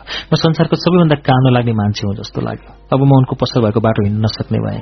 उनले देखलिन् भनेर हिँड्ने परे पनि बाटो छलेर हिँड्न थाले। मलाई बिहे गर्न जरुरी भइसकेको थियो। कला यात्रामा त मदन दाई सहयात्री पाएको थिएँ। तर जीवन यात्रामा म एक्लो। घरमा गएर बोल्ने साथी पनि थिएन। उमेर र मनले पनि एउटी माया गर्ने जीवन साथीको माग गरिरहेको थियो। हरेक क्षण हृदयको त्यो आवाजमा सुनिरहेको हुन्थे। अरू केटीहरूका कुरा पनि आएका थिए तर मलाई झिनो भए पनि उनकै आशा लागिरहेको थियो। केही वर्ष कुरे भने म मिरा पाउँछु कि? म घट्टेकुलोमा आफ्नै घरमा सरे। आफ्नो घरमा बस्न पाउँदा मलाई असाध्यै आनन्द लाग्यो। मेरो पनि संसारमा एउटा आफ्नै घर छ भन्ने अपनत्व बोध पनि भयो। म भित्रभित्रै सोच्न थाले घर त भयो। अब जिन्दगीको भर पनि भए। वर्षक त्यो भर मिराकै होस्। मिराहरू पनि भैँसीपाटीमा घर किनेर सरेको कुरा थाहा पाए। अब त झन टाढा पो भयो जस्तो लाग्यो। उनी राष्ट्रिय पञ्चायत सचिवालयमा काम गर्न थालेकी रहेछन्। एक दुई पटक बाटोतिर देख्दा हिँड्दा देखेको पनि थिएँ। आफूले माग्न पठाएकी केटीले हुँदैन भनेर अस्वीकार गरेपछि फेरि त्यही केटीलाई बाटोमा भेट्दा कस्तो भयो होला? लाज पनि लाग्यो ग्लानी पनि भयो। म टाउको निहुराएर हिँड्थेँ। त्यसपछि अफिस छुट्ने बेलामा उनले नदेख्ने आफूले मात्र देख्ने गरी लुकेर हेर्थे। म ठान्थे यही नै मेरो जीवनको पहिलो र अन्तिम प्रेम हो। एक वर्ष त्यसै बित्यो। आफ्नो क्षेत्रमा काम त धेरै नै गरेको थिएँ तर केही गरिने जस्तो लागिरहेको थियो। एक दिन मेरो जीवनको सबैभन्दा खुसीको दिन भयो। त्यो जस्तो खुसीको दिन मेरो जीवनमा न कहिले आएको थियो न आउने नै छ। मिराकी मुमाले मलाई भेट्न खोजेकी छन् भन्ने खबर पाए। डाली मुमाको घरको एउटा कोठामा मिरा उनकी आमाको पछाडि चकटीमा बसेकी थिइन्। मिराकी मुमा मलाई ठुलो ठुलो हेरिरहेकी थिइन्। मिराले पनि माया मिसिएको हेराइले मलाई पुलुक्कै हेरिन्। सायद उनलाई पनि लाग्यो होला यो मान्छेले मलाई माया गर्छ। मिराकी मुमाले मिरालाई देखाउँदै मतिर फर्केर भनिन् ल बाबु यो हाम्रो मुटुको टुक्रा हो। बाबुले सधैँ माया गर्नुहोला मैले आफ्नो मनभित्र उर्लिएको खुसीको छाल छोपेर भने म उनलाई कहिल्यै दुःख दिन्न। तपाईँहरू निश्चिन्त हुनुहोस्। मैले यो कुरा मदन दाई र भाउजूलाई सुनाए। उनीहरू पनि खुसी भए। हाँस्य व्यङ्ग्यमा मदन दाई र म जितैसितै अगाडि बढ़िरहेका थियौं। अब मिरा पाउने भएर मैले संसार जितेको अनुभव गर्न थालेको थिएँ। मिरा र म कहिले काहीँ भेट्न थाल्यो अब मिरासँग भेट्ने लाइसेन्स थियो मसँग। आमा बाबाले नै दिन्छु भनेपछि उनलाई पनि भेट्न गाह्रो भएन। मैले त्यस वखत कुमारी सिन्दुर जीवन रेखा जस्ता फिल्ममा सासाना रेल खेलिसकेकाले अनुहारले पनि अरूका आँखामा अलिअलि चिनिने भइसकेको थिएँ म। लजालु स्वभावकी मिरा मसँग बाटोमा हिँड्न एकदम लजाउँथिन्। हामी कहिलेकाहीँ सँगै हिँड्दा पनि पन्ध्र बीस हातको फरकले हिँड्थ्यौं। घर पनि बनाइरहेको हुनाले पैसाको अभावै थियो। एउटा मोटरसाइकलसम्म पनि थिएन। एकपटक हामी भक्तपुरमा पाकिजा भन्ने फिल्म हेर्न बस छोडेर गयौं। बसमा पनि धेरैले हेरे। हलमा मान्छेले हेर्लान् भनेर टिकट किनेर फिल्म शुरू भएर हल अध्यारो भइसकेपछि मात्र भित्र छिर्यौं। फर्स्ट क्लासमा बसेका हामी हाफ टाइममा हलमै बसिरह्यौं। हलमा बत्ती भलेछ सेकेन्ड क्लास र थर्ड क्लासका सबै मान्छेका टाउकाहरू पछाडि फर्किरहेका थिए। सबैले हामीलाई हेरे। आवाज पनि आउँदै थियो। ए हरिवंश हो त्यो त। हरिवंश चिन्नेले त्यसै पनि हेरे। नचिन्नेलाई पनि हरिवंश भनेको त्यही हो भनेर चिनाइदिए। त्यसबेला हाम्रो अडियो क्यासेट धेरैले सुनिसकेकाले नामले त प्राय सबै चिन्थे। मेराका बा ब्राह्मण हुन्। आमा ब्राह्मण जस्तै देखिन्न थिइन्। उनी छेत्रीकी छोरी हुन् अझ आमाको मुख अलिअलि मंगोलियन थियो। मेरा आफन्तहरूमा जातपातको विचारधारा अलिअलि बाँकी नै थियो। बाबामाको श्राद्ध गर्नुपर्ने तथा रीतिथिति सम्हाल्नुपर्ने भएकाले शुद्ध ब्राह्मणी कन्या नै बुहारी भनेर आउनुपर्छ भन्ने मनस्थिति थियो उनीहरूको। सानीमा र दिदीहरूसँग मैले मिरासँग बिहे गर्छु भनेको भए उनीहरूले स्वीकृति दिने थिएनन्। यता मेरा कामाबाले बल्ल बल्ल भैँसीपाटीमा एउटा सानो बास छोडेका थिए। अब छोरीको बिहे राम्रोसँग गर्नुपर्छ भनेर त्यो घर बेच्ने सुरमा उनीहरूका बा आमा लागेछन्। मेरा छोरीमा एक्लै भए पनि उनको प्यारो भाइ मनोहर छ। उनी आफ्नो भाइलाई असाध्यै माया गर्थिन्। उनको मनमा बा आमाले बल्ल तल्ल जोडेको घर बेच्नु नपरे हुन्थ्यो। भाइ पनि छ भन्ने थियो। अर्कोतिर मसँग पनि घर बनाउँदा पैसा सकिएर जम्मा पाँच हजार रुपियाँ जति मात्र बाँकी थियो। त्यसैले एक दिन मैले मिरालाई भने मसँग पनि पैसा छैन। तिम्रो पनि घर बेच्न खोजिरहनु भएको छ बा आमा। बरु हामी दुईजना मात्र सूर्य विनायक मन्दिरमा गएर बिहे गरौं। मिरा मानिरहेकी थिएनन् तर मेरो करले दुई साल माघ नौ गते सूर्य विनायक मन्दिरमा हाम्रो बिहे भयो। हाम्रो बिहेमा जम्मा दुईजना मात्र जन्ती थिए। मदन दाई र बाउजू। मैले उनको सिउँदोमा सिन्दुर हालिदिएँ तिलहरी पोते औठी लगाइदिएँ। उनले पनि मलाई औठी लगाइदिए दुवैले एकअर्कालाई माला लगाइदिउँ आत्मादेखि नै चाहे कि मायालुसँग मेरो बिहे भयो। पञ्चे बाजा नबजेको बोझ भत्तेर गर्न नपाएकोमा दुःख लाग्ने कुरै भएन। अघिसम्म खाली सिउँदो लिएर गएकी मिरा अब ट्याक्सीमा सिन्दुर पोते लगाएर बसेकी थिइन्। हामी बसेको रातो रङको स्टारलेट ट्याक्सी अगाडि बढ्यो। ट्याक्सीमा रेडियोबाट दीपक खरेलले गाएको राजेन्द्र विजालले लेखेको सम्बुजित बास्कोटाको संगीत भएको गीत बज्यो। प्रतीक्षा गर मेरी मायालु समयले मानिसलाई कहाँ कहाँ पुर्याउँछ कहिले हँसाउँछ कहिले रुवाउँछ आँसु र हाँसोको संगम पनि गराउँछ। मदन दाई र भाजुसँग आशीर्वाद दिएर हामी ट्याक्सीबाट ओर्ल्यौं र बसको टिकट काटेर पोखरातिर लाग्यौं। संसारको सबैभन्दा सुन्दर ठाउँ पोखरामा संसारकै सबैभन्दा प्रिय मायालु श्रीमती मिराको अंगालोमा चार दिनसम्म बाँधिएर हामी काठमाडौँ फर्क्यौं। मेराका बा आमासँग माफी माग्यो। मेराको भाइ मनोहर दिदीलाई देखेर साह्रै खुसी भयो। बिनाजु पनि सँगै देख्दा झन फुर्केको थियो। ज्यादै सुशील पलात्मी र मृदुवासी मेरा असल परम्परा रीतिरिवाज र संस्कारमा हुर्केकी हुनाले उनी मेरा दिदीहरू सानीमा सबैको मन जित्न सफल भए। म राष्ट्र ब्याङ्कमा बैंकिङ कार्यक्रम चलाउने भएकाले मिरालाई पनि सँगै रेकर्डिङमा लिएर जान्थे। दामोदर अधिकारी उनको स्वर असाध्यै मन पराउनुहुन्थ्यो र उनलाई पनि बोल्ने मौका दिनुहुन्थ्यो। पछि म्युजिक नेपालको संगीत चौकार कार्यक्रम सञ्चालन गर्न थालेपछि उनको आवाज धेरैले मन पराउन थाले। म्युजिक नेपालद्वारा उत्पादित अधिकांश क्यासेटहरूमा उनकै उद्घोषण हुन थाल्यो। नेपालमा एफएम रेडियोको स्थापना भएपछि शुरू शुरूमा मीरा आचार्यले सञ्चालन गरेका कार्यक्रमहरू खुब लोकप्रिय हुन थाले। मदन दाईसँगको सहकारी र मीराको ममताले मेरो जिन्दगीले प्रगति गर्दै जान थाल्यो। मीराको सबैभन्दा ठूलो गुण सरलता हो। उनी कहिल्यै महत्वाकांक्षी भएनन्। दुःखमा कहिल्यै राख्दिनन्। सुखमा पनि कहिल्यै मात्दिनन् मीरा बिहे गरेर घर आउँदा चारवटा मध्ये दुईटा कोठा मात्र प्लास्टर भएका थिए। दुईटा झ्यालमा मात्र खापा थियो। बिस्तारै उनको बचत गर्ने र कमाएको त लगाउने बानीले हामी सम्पन्न हुँदै गयौं। म पनि जिन्दगीमा कहिल्यै महत्वाकांक्षी भएन। मेरो मारुति जिप्सी गाडी अहिले पनि छ। मलाई लाग्छ संसारमा सबैभन्दा राम्रो गाडी मेरो मारुति जिप्सी। सबैभन्दा सुन्दर ठाउँ मेरो घर। र संसारकै सबैभन्दा राम्री मेरी श्रीमती मीरा। त्यसो हुँदा जिन्दगीमा तनाव उत्पन्न हुँदैन आफ्नो भन्दा उसको घर राम्रो आफ्नो भन्दा उसको गाडी राम्रो आफ्नै भन्दा अरूकै श्रीमती राम्री? यस्तो सोच आयो भने तनाव आफै बढ्छ। मान्छेले आफूसँग जे छ त्यसमा सन्तुष्टि लियो भने तनाव कम हुन्छ। मान्छेलाई पैसा जति भए पनि पुग्दैन। पैसा धेरै छ भनेर दिनको एक पाथी चामलको भात खान सकिँदैन। दिनको एउटा खसी सिधिँदैन दुई तीन पेक भन्दा धेरै हुस्की खायो भने भोलिपल्ट टाउको दुख्छ। तथापि जीवनमा काम र मेहनत गर्न चाहिँ छोड्नु हुँदैन। मेरो जिन्दगीको ठूलो लक्ष्य भनेको दुईटा कोठा भएको टिनले छाएको आफ्नै एउटा घर होस् भन्ने थियो। अहिले मसँग त्योभन्दा धेरै छ। उद्देश्य दुईटा कोठा र टीनको छानो भएको घर मात्र हो। अरू त सबै नाफामा पाइएका कुरा हुन्। उनले पनि कहिले ठूलो महत्वाकांक्षा राखिन्। त्यसैले जिन्दगी सरल भयो सुन्दर भयो। बिहे गरेको डेढ वर्षपछि मीरा गर्भवती भइन्। गर्भवती भएपछि उनलाई असाध्य लाज लाग्यो। मान्छेले पेट देख्छन् भनेर उनी घरबाट बाहिर निस्कन मन नगर्ने। बेला बेला डाक्टर कहाँ जचाउन जाने बाहेक घर बाहिर खासै निस्किनन् पनि। अझ घरको कम्पाउन्डमा समेत निस्कन लाज मान्थिन्। म भन्थे तिमी मात्र गर्भवती भएकी छेउ त? संसारका सबै आमा गर्भवती भएकै हुन्छन् नि। लोग्ने मान्छे मात्र गर्भवती हुँदैनन्। उनी भन्थिन् हजुर पनि गर्भवती हुनुभएको छ नि। भुँडी त्यत्रो भइसक्यो। पहिले कस्तो दुब्लो हुनुहुन्थ्यो? मैले भनेको थिएँ बिहे गर्नुभन्दा अगाडि मेरो पेटै थिएन। तिमी आएपछि तिमीले धेरै मिठो मिठो खुवाएर त मेरो पेट ठूलो भएको। त्यसैले यो मेरो पेटको बाउ तिमी आऊ तिमी मेरो लोग्ने पनि आऊ केही जवाफ दिन नसकी लाजले भित्तातिर मुख फर्काउँथिन्। दुई हजार बयालिस सालमा जेठो छोरो त्रिलोक जन्मियो। त्यसपछि हाम्रो घर पनि पूर्ण भयो। ऊ खानै छ स्वास्नी अरूका राम्रा छोराछोरी आफ्ना राम्रा। तर मलाई त स्वास्नी पनि आफै राम्री बच्चा त झन् राम्रो लाग्ने कुरै भएन। त्रिलोक हेर्दै तेजिलो ज्ञानी विवेकी जस्तो थियो। साँच्चै अहिले पनि ऊ त्यस्तै छ। बिस्तारै हामी कार्यक्रममा ज्यादै व्यस्त हुन थाल्यौं। काठमाडौँमा नयाँ कार्यक्रम प्रदर्शन हुनासाथ देशभरि बोलाउँथे। देशका ठूल्ठूला शहरमा कार्यक्रम देखाउन जान्थ्यौं। सम्भव भएका ठाउँहरूमा मिरा र छोरो पनि सँगै जान्थे। उनी मलाई सकेसम्म छाड्न चाहन्नथिन्। म पनि उनलाई एकछिन छाड्न पनि चाहन्नथे। चाहे देशमा कार्यक्रम गर्दा होस् चाहे विदेशमा। छोरो जति हुर्किँदै थियो उति हिस्सी पर्दै गएको थियो। उसको तोते बोली तथा चकचकले घर झिलिमिली भएको थियो। कहिलेकाहीँ सामान्य बिरामी भयो भने मिरा रातभरि सुत्न पाउँदैन। जुन दिन मैले मिरालाई माग्न पठाउँदा नाई भन्ने जवाफ पाएको थिएँ। त्यसपछि मैले भोगेको छटपटी र उनलाई नपाउने भयो भनेर खेपेको पीड़ा सम्झन्थे उनले मलाई छोइरहेको अनुभव गरिरहँदा पनि आफूलाई साह्रै भाग्यमानी र संसारमा सबैभन्दा सुखी मान्छे लाग्थ्यो। बिहान र बेलुकी लेख्न कार्यालयमा बस्थ्यौं। दिउँसो महसंसार खोल्यो कि त मान्छेहरू भेट्न गफ गर्न आइहाल्थे। लेख्न डिस्टर्ब हुने भएकाले ढोकामा एउटा बोर्ड झुण्डाएका थियौं। बोर्डमा लेखिएको थियो हामी काम गर्दैछौ कुरा गर्ने फुर्सद छैन कृपया पछि भेट्न आउनुहोला। तर भेट्न कुरा गर्न आउनेहरू त्यो बोर्डमा लेखेको कुरामा कुनै मतलब राख्दैनथे। आएर गफ गरिरहन खोज्थे अनि मुख्य परेर बोर्ड देखाउँदै भन्नुपर्थ्यो हामी काम गर्दैछौ कृपया तपाईँहरू गइदिनुहोस्। कोही रिसाए जस्तो गरी जान्थे कोही कुरा बुझेर जान्थे। मान्छे आएपछि लेख्दा लेख्दैको कुरा पनि हराउँथ्यो। दिमाग घुम्न नसकेपछि कहिलेकाहीँ त चिसो बियर पियो भने कुरा आउँछ कि भन्ने विचार पनि आउँथ्यो। घरपतिका छोरा तर हाम्रा एकदम नजिकका साथी पारस पराजुलीसँग एक बोतल बियर पूरै अटाउने जर्मनी ग्लास थियो। हामीले बियर खाने इच्छा राख्न साथ उनी तीनवटा जर्मन ग्लास लिएर तल ओर्लिहाल्थे। पारस रमाइला र मिलनसार अनि गफ गर्न पनि जान्ने भएकाले उनलाई हामीले लेखेका कुरा सुनाउँथ्यौं। उनी पनि कहिलेकाहीँ काम लाग्ने कुरा पक्क बोल्थे। राजीव गान्धी हत्याकाण्डमा पारसलाई भारतीय खुफिया एजेन्सी रले नेपाल सरकारसँग सुपुर्दगी माग्दै रहेछ। उनी राजीव गान्धी हत्याकाण्डमा संलग्न छन् भनेर। तर न पारस आफूलाई भारतीय पुलिसले माग्न आएको थाहा थियो न उनको घरमा कसैलाई थाहा थियो।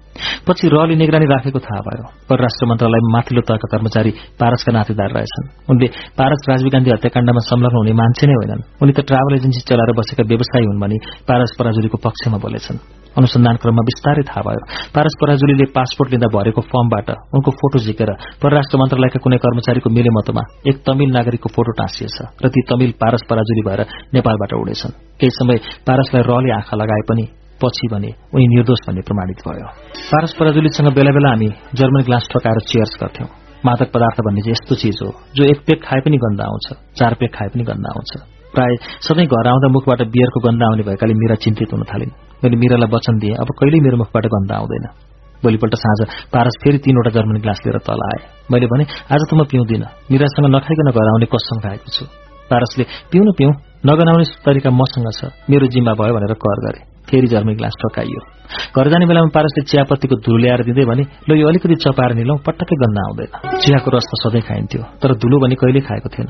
मैले मन नलागिन लागि चपाएर निले। जुस खाने साथीहरू पनि थिए। उनीहरूलाई मुख सुँगायो हा गरेर गन्ध आएन भने। घर गएर मिरासँग नजिकै भए अंगालो मारेर चुम्बन गरे। उनले गन्ध आएको चाल पाएनन् बियर नखाएर वचन पूरा गरेको ठानेर उनी मसँग खुसी भइन्। एकछिनपछि टोयलेट गए पिसाब फेरे। मुख नगनाए पनि पिसाब बनाउँदो रहेछ। मिरा टोयलेट जाँदा बियरको गन्ध थाहा पाइहालिन्। त्यसपछि उनी रुन पो थालिन्। फेरि कसम खाए। अबदेखि कहिल्यै खान्न। भोलिपल्ट पारसलाई ती सबै कुरा सुनाए। खुब हाँसे पारस र भने अबदेखि कमरमा पनि चियापत्ती चपाएर हाल्ने गर्नु पर्यो। गन्ध मेटाउन। हाम्रो घरको बीचको तलामा बहालमा बस्ने एउटा परिवार थियो। नाम चाहिँ बिर्से। बहालमा बस्ने बहिनीले एक दिन मिरालाई सोधिछन् दिजु दाई ड्रिङ्क्स गर्नुहुन्छ? मिराले कहिलेकाहीँ पिउनुहुन्छ? भनिन्थे। उनले सिकाइछन्।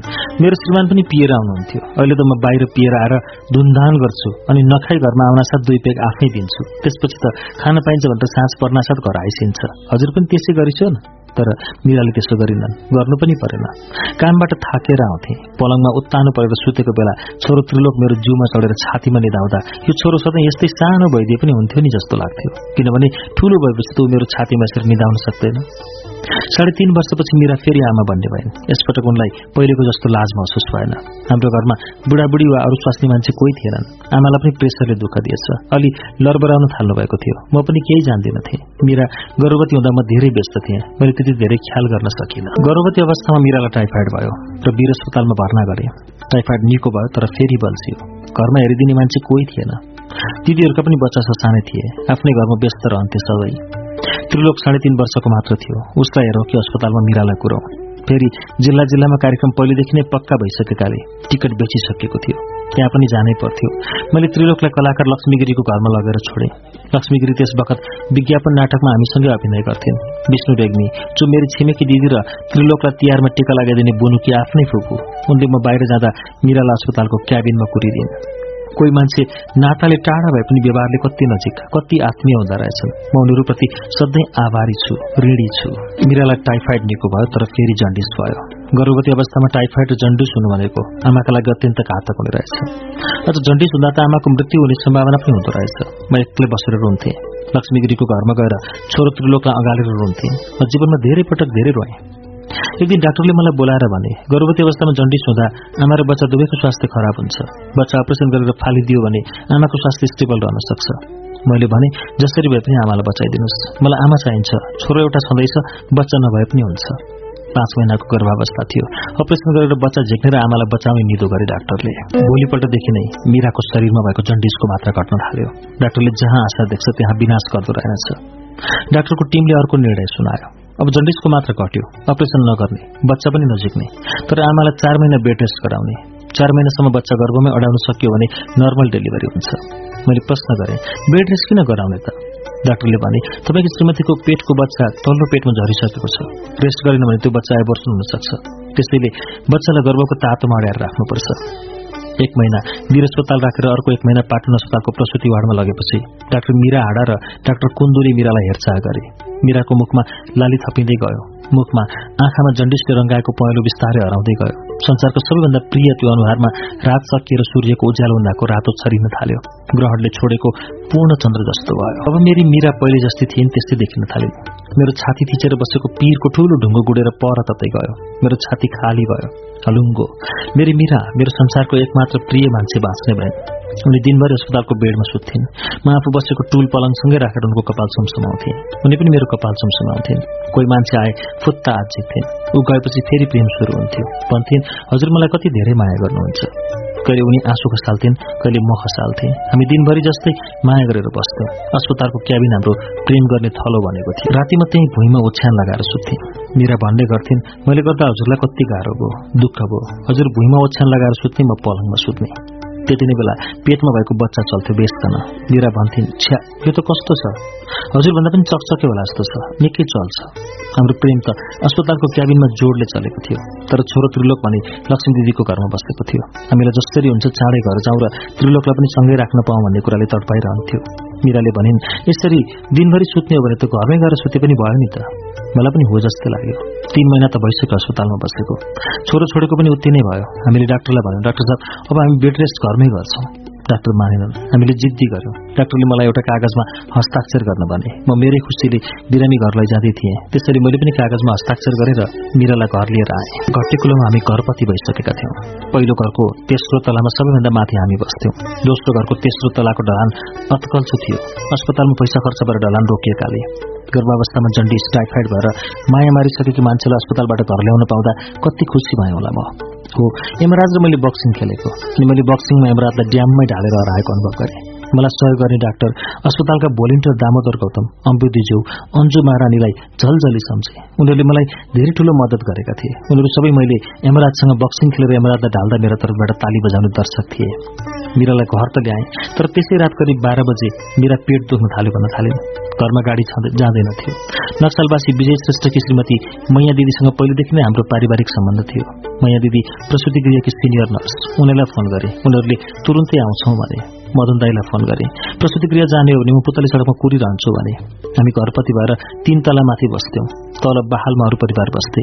मिरालाई तीन तलाबाट तल चोकमा ल्याउन भर्याङ ओह्राल्नु पर्ने भयो। त्यतिखेर आफूले बनाएको तीन तले घरको भर्याङ आफैलाई अभिशाप लाग्यो। किन बनाएछु तीन तला किन बसेछु आफू सबभन्दा माथिल्लो तलामा? किन भएछु घरपति भन्ने विचार पनि लहरिएर मनमा आयो। बल्ल बल्ल तल चोकमा आइपुग्यौँ। चोकमा आइपुग्न साथ बच्चाको टाउको निस्क्यो। हत्तनपत्त बहालमा बस्नुहुनेलाई अनुरोध गरेर कोठामा लगेर कार्पेटमा राखेँ। कार्पेटमा बस्न साथै बच्चा स्वात्तै निस्किहाल्यो। छोरो रहेछ। जब सात महिना मात्रै भएकाले बच्चा सानो थियो। त्यसमाथि पनि आमा त्यत्रो बिरामी पर्दा पेटमा भएको बच्चालाई खाना पुग्दो रहेनछ। कोठामा हामी तीनजना मात्र थियौँ। मिरा म र भर्खर जन्मेको बच्चा। शरीर छुटे पनि साल निस्केको थिएन। भर्खर जन्मिएको बच्चाको शरीरमा पातको माड जस्तो पदार्थ लागेको हुँदो रहेछ। हातमा च्याप च्याप लाग्यो। हात कपडाले पुछे। बाहिरमा बस्ने भाउजूले भने सालभित्र पस्छ त्यसैले बाँध्नुपर्छ। अलि जान्ने मान्छेले गर्नुपर्छ मलाई आउँदैन। नजिकैकी छिमेकी हामी उनलाई शारदाको मम्मी भन्थ्यौँ। उनीहरूलाई बोलाएर ल्यायौँ। उनले साल बाँधिदिन्। एकछिनपछि विजय दाई र मैया दिदी आए। उनीहरू आउँदा भगवान आए जस्तो लाग्यो हामीलाई। प्रसुति सेवामा निकै अनुभवी मैया दिदी उनले एकैछिनमा साल निकालिदिन् र भनिन् साल त बिरन लागिसकेको रहेछ। अरू केही समय राखेको भए पेटमै कुहिने। बच्चासँग भए। अघि समय डाक्टरले नलगा भन्दा भन्दा बेकार ल्याएछु भन्ने आत्मग्लानी भइरहेको थियो। अहिले एक दुई दिन राखेको भए त साल कुहिने रहेछ भन्दा पो ढुक्क भए। अस्पतालबाट जबरजस्ती घर नल्याएको भए साल बिग्रिने रहेछ। अनि आमा बच्चा दुवैलाई फेरि अर्को इन्फेक्सन हुने रहेछ भन्दा आफूले ठिक गरे जस्तो लाग्यो। आमा र बच्चा दुवैलाई माथि लग्यो रात त्यसै बित्यो भोलिपल्ट बिहान मेरा छिमेकी बाल विशेषज्ञ डाक्टर पुष्पराज शर्मालाई सबै कुरा भने उनी साह्रै बलाद्मी र सहयोगी मान्छे छोरो त्रिलोकलाई कहिलेकाहीँ बिसन्चो हुँदा उनै कहाँ लगेर अनुहार देखाएको निको भइहाल्थ्यो पैसा पनि लिँदैनथे उल्टै स्याम्पल पाएको औषधि दिन्थे डाक्टर पुष्पराजले भने बच्चा साह्रै सानो रहेछ। यो त एक केजी पनि छैन होला। निलो पनि भइसकेका छ। तै पनि एकपल्ट अस्पताल लिएर जाउँ। बच्चालाई कान्ति बाल अस्पताल लिएर गयौँ हाम्रो भाग्य होला। कान्तिमा जापानले भर्खर इन्क्युबेटर भनिने मेसिन नेपालीलाई उपहार दिएको रहेछ। इन्क्युबेटरमा विशेष गरी महिना नपुग्दै जन्मेका बच्चाहरूलाई राखिन्छ।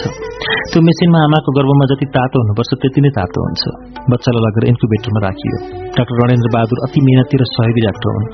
उनी रातभरि इन्क्युबेटरमा राखेका बच्चाहरू हेरेर बस्थे। डाक्टरहरूले बच्चा बाँच्दैन भनेका थिए। मुख हेरिरह्यो भने माया लाग्छ भनेर म भित्र बच्चा हेर्न जान्नथे। बच्चालाई खानेकुरा खुवाउन सकिँदैन थियो। स्लाइन दिन नसा नभेटेर टाउको पछाडिबाट दिइएको थियो। केही दिनपछि मिरालाई लिएर अस्पताल गए। आमाको दुध चुसाउन तर बच्चाले दुध चुस्नै सकेन। डाक्टरले नाकबाट पाइप फिट गरेर सिरिन्जबाट दुध पठाए। म घरबाट सिसीमा आमाको दुध राखी लिएर जान्थेँ। छोराले दुध नचुसेपछि मिराको दुध गानियो राजाराम पौडेल कलाकारभन्दा पहिले स्वास्थ्य कर्मी थिए। उनी हेल्थ असिस्टेन्ट हुन् र साह्रै नजिकको मित्र पनि। उनले मिराको गानिएको दुधमा सानो घाउ बनाएर सबै पिप निकालिदिए। एक दिन बिराएर ड्रेसिङ गरिदिन्थे। हेर्दा हेर्दै इन्क्युबेटरमा छोरो हलक्कै बढेर नौ दिनमै ठूलो देखियो। डाक्टरहरू खुसी भयो अब बच्चा बाँच्छ भनेर। नौ दिनका दिन छोरो आफैले नाकमा दुध खान फिट गरेको पाइप चुतेर फालिदिएछ। पछि डाक्टरको सल्लाह अनुसार मैले आफै कपासमा दुध चोप्दै मुखमा लगेर निचोरेर खुवाउन थाले। छोरो अस्पतालमा थियो घरमा गरियो र नाम राखियो मोहित। सात महिनामा जन्मेको बच्चा भाग्यमानी हुन्छ भने सबैले। साँच्चै भाग्यमानी नै छ जस्तो लाग्छ। किनभने ऊ बाँच्दैन बाँच्ने बच्चा जबरजस्ती बाँचेको पाँच महिनामै आमाको पेटबाट उसलाई बाहिर निकाल्न खोजिएको थियो। टाइफाइड र जन्डिसले गर्दा तर ऊ निस्किएन सात महिनामै जन्मदा तौल एकदम कम भए पनि ऊ जन्मनु र जापानले नेपाललाई इन्क्युबेटर मेसिन उपहार दिनु अनि त्यो मेसिनमा बसेर बाँच्न पाउनु पनि ऊ भाग्यमानी भएकैले हो। मलाई लाग्छ जबरजस्ती जन्मन्छ। जो जबरजस्ती जन्मन्छ उसले काललाई पनि जित्न सक्छ। उसले पक्कै केही ठूलो काम गर्नेछ बाँच्दैन देख्यो भने माया लाग्छ भनेर जसलाई म अस्पतालमा हेर्न पनि जान्नथे। आज त्यही छोरो मोहित मेरो सहारा भएको छ। कुनै मान्छे संसारमा आउनु छ र उसले यो संसारमा केही गर्नु छ भने त्यो बच्चा जसरी पनि जन्मदो रहेछ। मेरो मोहित यस्तै लाग्छ मलाई। ऊ संसारमा केही गर्न जबरजस्ती जन्मिएको मान्छे हो। दुवै छोराहरू मलाई साह्रै माया गर्छन्। त्रिलोक र मोहित मेरो मुटुका दुई कोठा हुन्। उनीहरू बिना मेरो शरीरमा रक्त सञ्चार हुन सक्दैन। बच्चालाई खानेकुरा खुवाउन सकिँदैन थियो स्लाइन दिएन नसा नभेटेर टाउको पछाडिबाट दिइएको थियो। जिन्दगी फेरि रमाइलोसँग चल्न थाल्यो। मोहित पनि चाँडचाँडै बढ्न थाल्यो। त्रिलोक त स्कुल जान थालिसकेको थियो। सबै दशा टरे अब भनेर म काममा व्यस्त हुन थालेँ। घर मिरा सम्हालिहाल्थेन्। म जस्तो भाग्यमा नि कोही भएन फेरि। कालीप्रसाद रिजाले लेखेको गीत आँखा छोपी नरहु भनी भन्नु पर्या छ। मुटुमाथि ढुङ्गा राखी हाँस्नु पर्या छ। रणगोपाल दाई खुब गाउँथे। मेरो पनि त्यस्तै अवस्था थियो। श्रीमती बिरामी गएर अस्पतालमा जीवन मरणको दोषात्मा थिइन् तर आफ्नो रङ्गमञ्चमा गएर मान्छेलाई हँसाउनु पर्ने मनभित्रैबाट आए पनि नआए पनि रङ्गमञ्चमा गएर उटपट्याङ गर्नुपर्ने कम्मर हल्लाएर नाच्नुपर्ने बाध्यता। हाँस्य व्यङ्गमा लाग्ने हामी सबैका गुरु चार्ली च्याप्लिनको जीवन पनि त्यस्तै थियो। गरिबीको चरम यातनामा बिरामी आमालाई उपचारार्थ अस्पतालमा छोडेर पैसाका लागि उनी रङ्गमञ्चमा गएर उटपट्याङ गर्थे। उनै चार्ली च्याप्लिनसँग प्रभावित भएका कलाकार तथा निर्देशक राज कपुरले पनि मेरा नाम जोकर जस्ता चलचित्र बनाएर व्यङ्ग्य गर्ने कलाकारले आफू आँसुमा डुबेर पनि अरूलाई हँसाउन सक्नुपर्छ भने देखाएका छन्। धेरैले भन्ने गर्छन् अरूलाई हँसाउने मान्छे आफू चाहिँ आँसुमा डुबेको हुन्छ। अरूलाई हँसाउनुको कर्मै यस्तो हुन्छ। हल बुक भइसकेको हुन्छ। टिकट बिक्री भइसकेको हुन्छ। आयोजकको पैसा फसिसकेको हुन्छ। त्यसैले आफै थला नपरुन्जेलसम्म कलाकारले रङ्गमञ्चमा जानै पर्छ। फेरि दुई वर्षपछि मिरालाई छिन छिनमै रिङ्गटा लाग्ने व्यथा बढ्न थाल्यो। धेरै डाक्टर काँचो चाहे कसैले नर्भसनेस भने कसैले ना तागत भने कसैले के भने मैले डाक्टर सरोज भितालसँग परामर्श गरेँ। उनले एकपल्ट डाक्टर अरूण सामीलाई देखाउने सल्लाह दिए। म बल्ल बल्ल ठिक डाक्टर कहाँ पुगेछु उनले जाँचेर भने मिराको मुटुमा प्रब्लम छ। मुटुको धड्कन कहिले काहीँ कम हुन्छ। अनि मुटुले रगत पम्प गर्न सक्दैन र दिमागमा रगत नपुगेपछि रिङ्गट लाग्छ। त्यसैले उनको मुटु नियमित सञ्चालन गर्न ब्याट्रीबाट सञ्चालित पेसमेकर राख्नुपर्छ। मुटुले रगत पम्प गर्न सकेन भने पेसमेकरले मुटु चलाइदिन्छ। उहाँलाई लागेको यस्तो रोगलाई सिक्साइनिस सिन्ड्रम भनिन्छ। कलाकार शान्ति मास्के दिदीको पनि मुटुमा पेसमेकर राखेको रहेछ। पेसमेकरको ब्याट्री आठ दस वर्षमा सकिन्छ। अनि ब्याट्री फेर्न फेरि अपरेसन गर्नुपर्छ भनेको पनि सुनेको थिएँ। त्यसबेला नेपालमा पेसमेकर राख्ने सुविधा थिएन। दिल्ली जानु पर्थ्यो। म फेरि एक्लै बसेर बेचकन रोएँ। मैले मिरालाई कहिले सुख दिन सकिनँ जस्तो लाग्यो। मेरो ग्रह नै यस्तो जस्तो पनि लाग्यो। ज्योतिषीलाई ग्रह देखाउँ भने चिना उहिले चोरले लगिहाल्यो। सायद यसरी मलाई मिराका आमा बुवा भाइको अगाडि पर्दा लाज लाग्थ्यो। मसँग बिहे गरेर मिराले कति दुःख पाइन् जस्तो लाग्थ्यो। दुई हजार पैँतालिस छयालिस सालमा दुई लाख रुपियाँ जुटाउन गाह्रै थियो तर मैले हाँसी डङ्गीको क्यासेट बेचेर जुटाएँ। उद्योगपति बसन्त चौधरी हाम्रो असल मित्र हुन्। उनले दिल्लीको बात्रा अस्पतालमा डाक्टरसँग समय मिलाइदिए साथै दिल्ली एयरपोर्टमा हामीलाई रिसिभ गर्न आउने मान्छेसम्मको वातावरण मिलाइदिए। मदन दाई पनि सँगै गएर पाँच दिन बसेर फर्किए। दिल्लीको बात्रा अस्पतालमा डाक्टर राजीव लोचनले मिरालाई छातीमा पेसमेकर जडान गरिदिए। उनी अब मस्तिष्क र यन्त्र दुवैबाट चल्ने मान्छे भइन्। बात्रा अस्पतालमा सिक्किमका एकजना बिरामी बसेका रहेछन्। उनलाई हेर्न त्यहाँका मन्त्री छावला छिरिङ आएका थिए। हामी कार्यक्रम गर्न सिक्किम जाने गर्थ्यौं। त्यसैले मन्त्रीले हामीलाई चिनेका थिए। उनले मेरी श्रीमती बिरामी भएको कुरा थाहा पाएर दिल्ली आएका तत्कालीन मुख्यमन्त्री नरबहादुर भण्डारीलाई भनेछन्। मलाई केही थाहा थिएन तर बात्रा अस्पतालमा सुरक्षार्थ भारतीय प्रहरीहरूको बाक्लो उपस्थिति देखियो। पछि मेरी श्रीमती मीरा भएको पलङमा आएर विशेष जाँच गरेपछि मात्र थाहा भयो। सिक्किमका मुख्यमन्त्री नरबहादुर भण्डारी मेरी श्रीमतीलाई भेट्न अस्पताल आउँदै रहेछन्। तर तुरुन्तै भारतीय प्रधानमन्त्रीले मुख्यमन्त्री नरबहादुर भण्डारी अधिकारीलाई भेट्ने समय दिएछन् उनी आउन पाएनन्। अस्पतालमा फेरि मन्त्री छावला छिरिङ आएर एउटा ठूलो फूलको गुच्छासँगै पाँच हजार भारू राखेको खाम दिएर भने अस्पतालबाट डिस्चार्ज भएर होटलमा जाने होइन। दिल्ली स्थित सिक्किम गेस्ट हाउसमा बस्नुहोस्। लजिङ फुडिङको सारा व्यवस्था हुन्छ। अनि एउटा गाडी पनि तपाईँहरूको लागि मिलाइदिनु भनेर मलाई चिफ मिनिस्टर साहबले अर्डर गर्नुभएको छ। त्यस्तो आपद विपदमा सहयोग गर्ने नरबहादुर भण्डारी वसन्त चौधरीप्रति म ज्यादै कृतज्ञ छु। जाडो लागेपछि हामी देशका विभिन्न शहरमा सांस्कृतिक कार्यक्रम प्रदर्शन गर्न पुग्थ्यौं। प्राय कार्यक्रम आयोजना गर्न रोटरी लायन्स जेसिस जस्ता संस्थालाई महत्व दिइन्थ्यो किनभने यी संस्था गैर राजनीतिक तर बलियो संगठन र मिलेर काम गर्ने भावना भएका हुन्छन्। कार्यक्रम आयोजना गरेर प्राप्त हुने रकमबाट सामाजिक काम स्कूलका कोठा पुस्तकालय सार्वजनिक शौचालय खानेपानी महिला स्वावलम्बन जस्ता कार्यक्रम सञ्चालन गर्छन्। यस्ता संस्थाको आयोजनामा कार्यक्रम गर्दा हामी पनि हाम्रो पारिश्रमिक थोरै मात्र माग्छौं। हामीले पनि खुत्रुके नाम राखेर एउटा सानो कोष खडा गरेका थियौं। सानोदेखि सुन्दै आएको भाँडोको नाम खुत्रुके माटो काठ अथवा टिनको बट्टाको खुत्रुकेको टाउकोमा सानो र लाम्चो आकारको पुवाल हुन्छ। जसबाट पैसा भित्र छिराउन त मिल्छ तर बाहिर निकाल्न मिल्दैन। खाजा खाना दिएको पैसाबाट बचत गरेर चाडपर्वमा पाएको दक्षिणा भेटी आदि जोगाउँदै खसालेर त्यो खुत्रुके भर्थ्यौं। भरिएपछि खोल्दा त्यतिखेर पनि दुई तीन सय रुपियाँ जम्मा हुन्थ्यो। त्यो रकम साइकल लुगा किन्ने काममा प्रयोग गर्थ्यौं। बच्चाहरूलाई सानैदेखि बचत गर्ने बानी बसाल्ने घरेलु बैंक पनि हो खुत्रुके। म सानो छँदा मैले धेरैवटा खुत्रुके भरेको थिएँ। त्यो बट्टा भरिन एक वर्ष लाग्थ्यो। खुत्रुके भरिएर खोलेको दिन त्यसभित्र भएको चान्चुन वा पाँच पैसा दस पैसा एक सुका एक मोहर एक रुपियाँका ढ्याकहरू हेर्दा आफू सबैभन्दा धनी व्यक्ति हुँ जस्तो लाग्थ्यो मलाई। मदन दाई र मैले खुत्रुके नाममा जम्मा गरेको कोषबाट सर्वप्रथम एउटा पुण्य काम गर्यौं। त्यस वखतका चर्चित पत्रकार पदम ठकुराठीलाई दरबारीहरूले टाउकोमा गोली हान्न लगाएका थिए। गोली लागेर गम्भीर घाइते भएका ठकुराठीको उपचारका लागि हामीले खुत्रुकेबाट दस हजार रुपियाँ सहयोग गर्यौं। त्यसपछि उनलाई उपचारार्थ सहयोग गर्ने विभिन्न व्यक्ति संघ संस्थाको लहर नै चल्यो र उनलाई विदेशमा लगेर उपचार गरियो। उनको भाग्य नेपाली जनताको शुभकामना ल्याउने बाँचे। गोली हान लगाउने संस्थाको लज्जाजनक हार भयो। गोली खाने निडर पत्रकारिताको जित। त्यस्तो काममा सहयोग गर्न पाएकोमा आत्मसन्तुष्टि भयो र समाजले पनि हाम्रो खुत्रुकेलाई धेरै स्याबासी दियो। पछि कवि मोहन कोरेला पनि निकै बिरामी भए।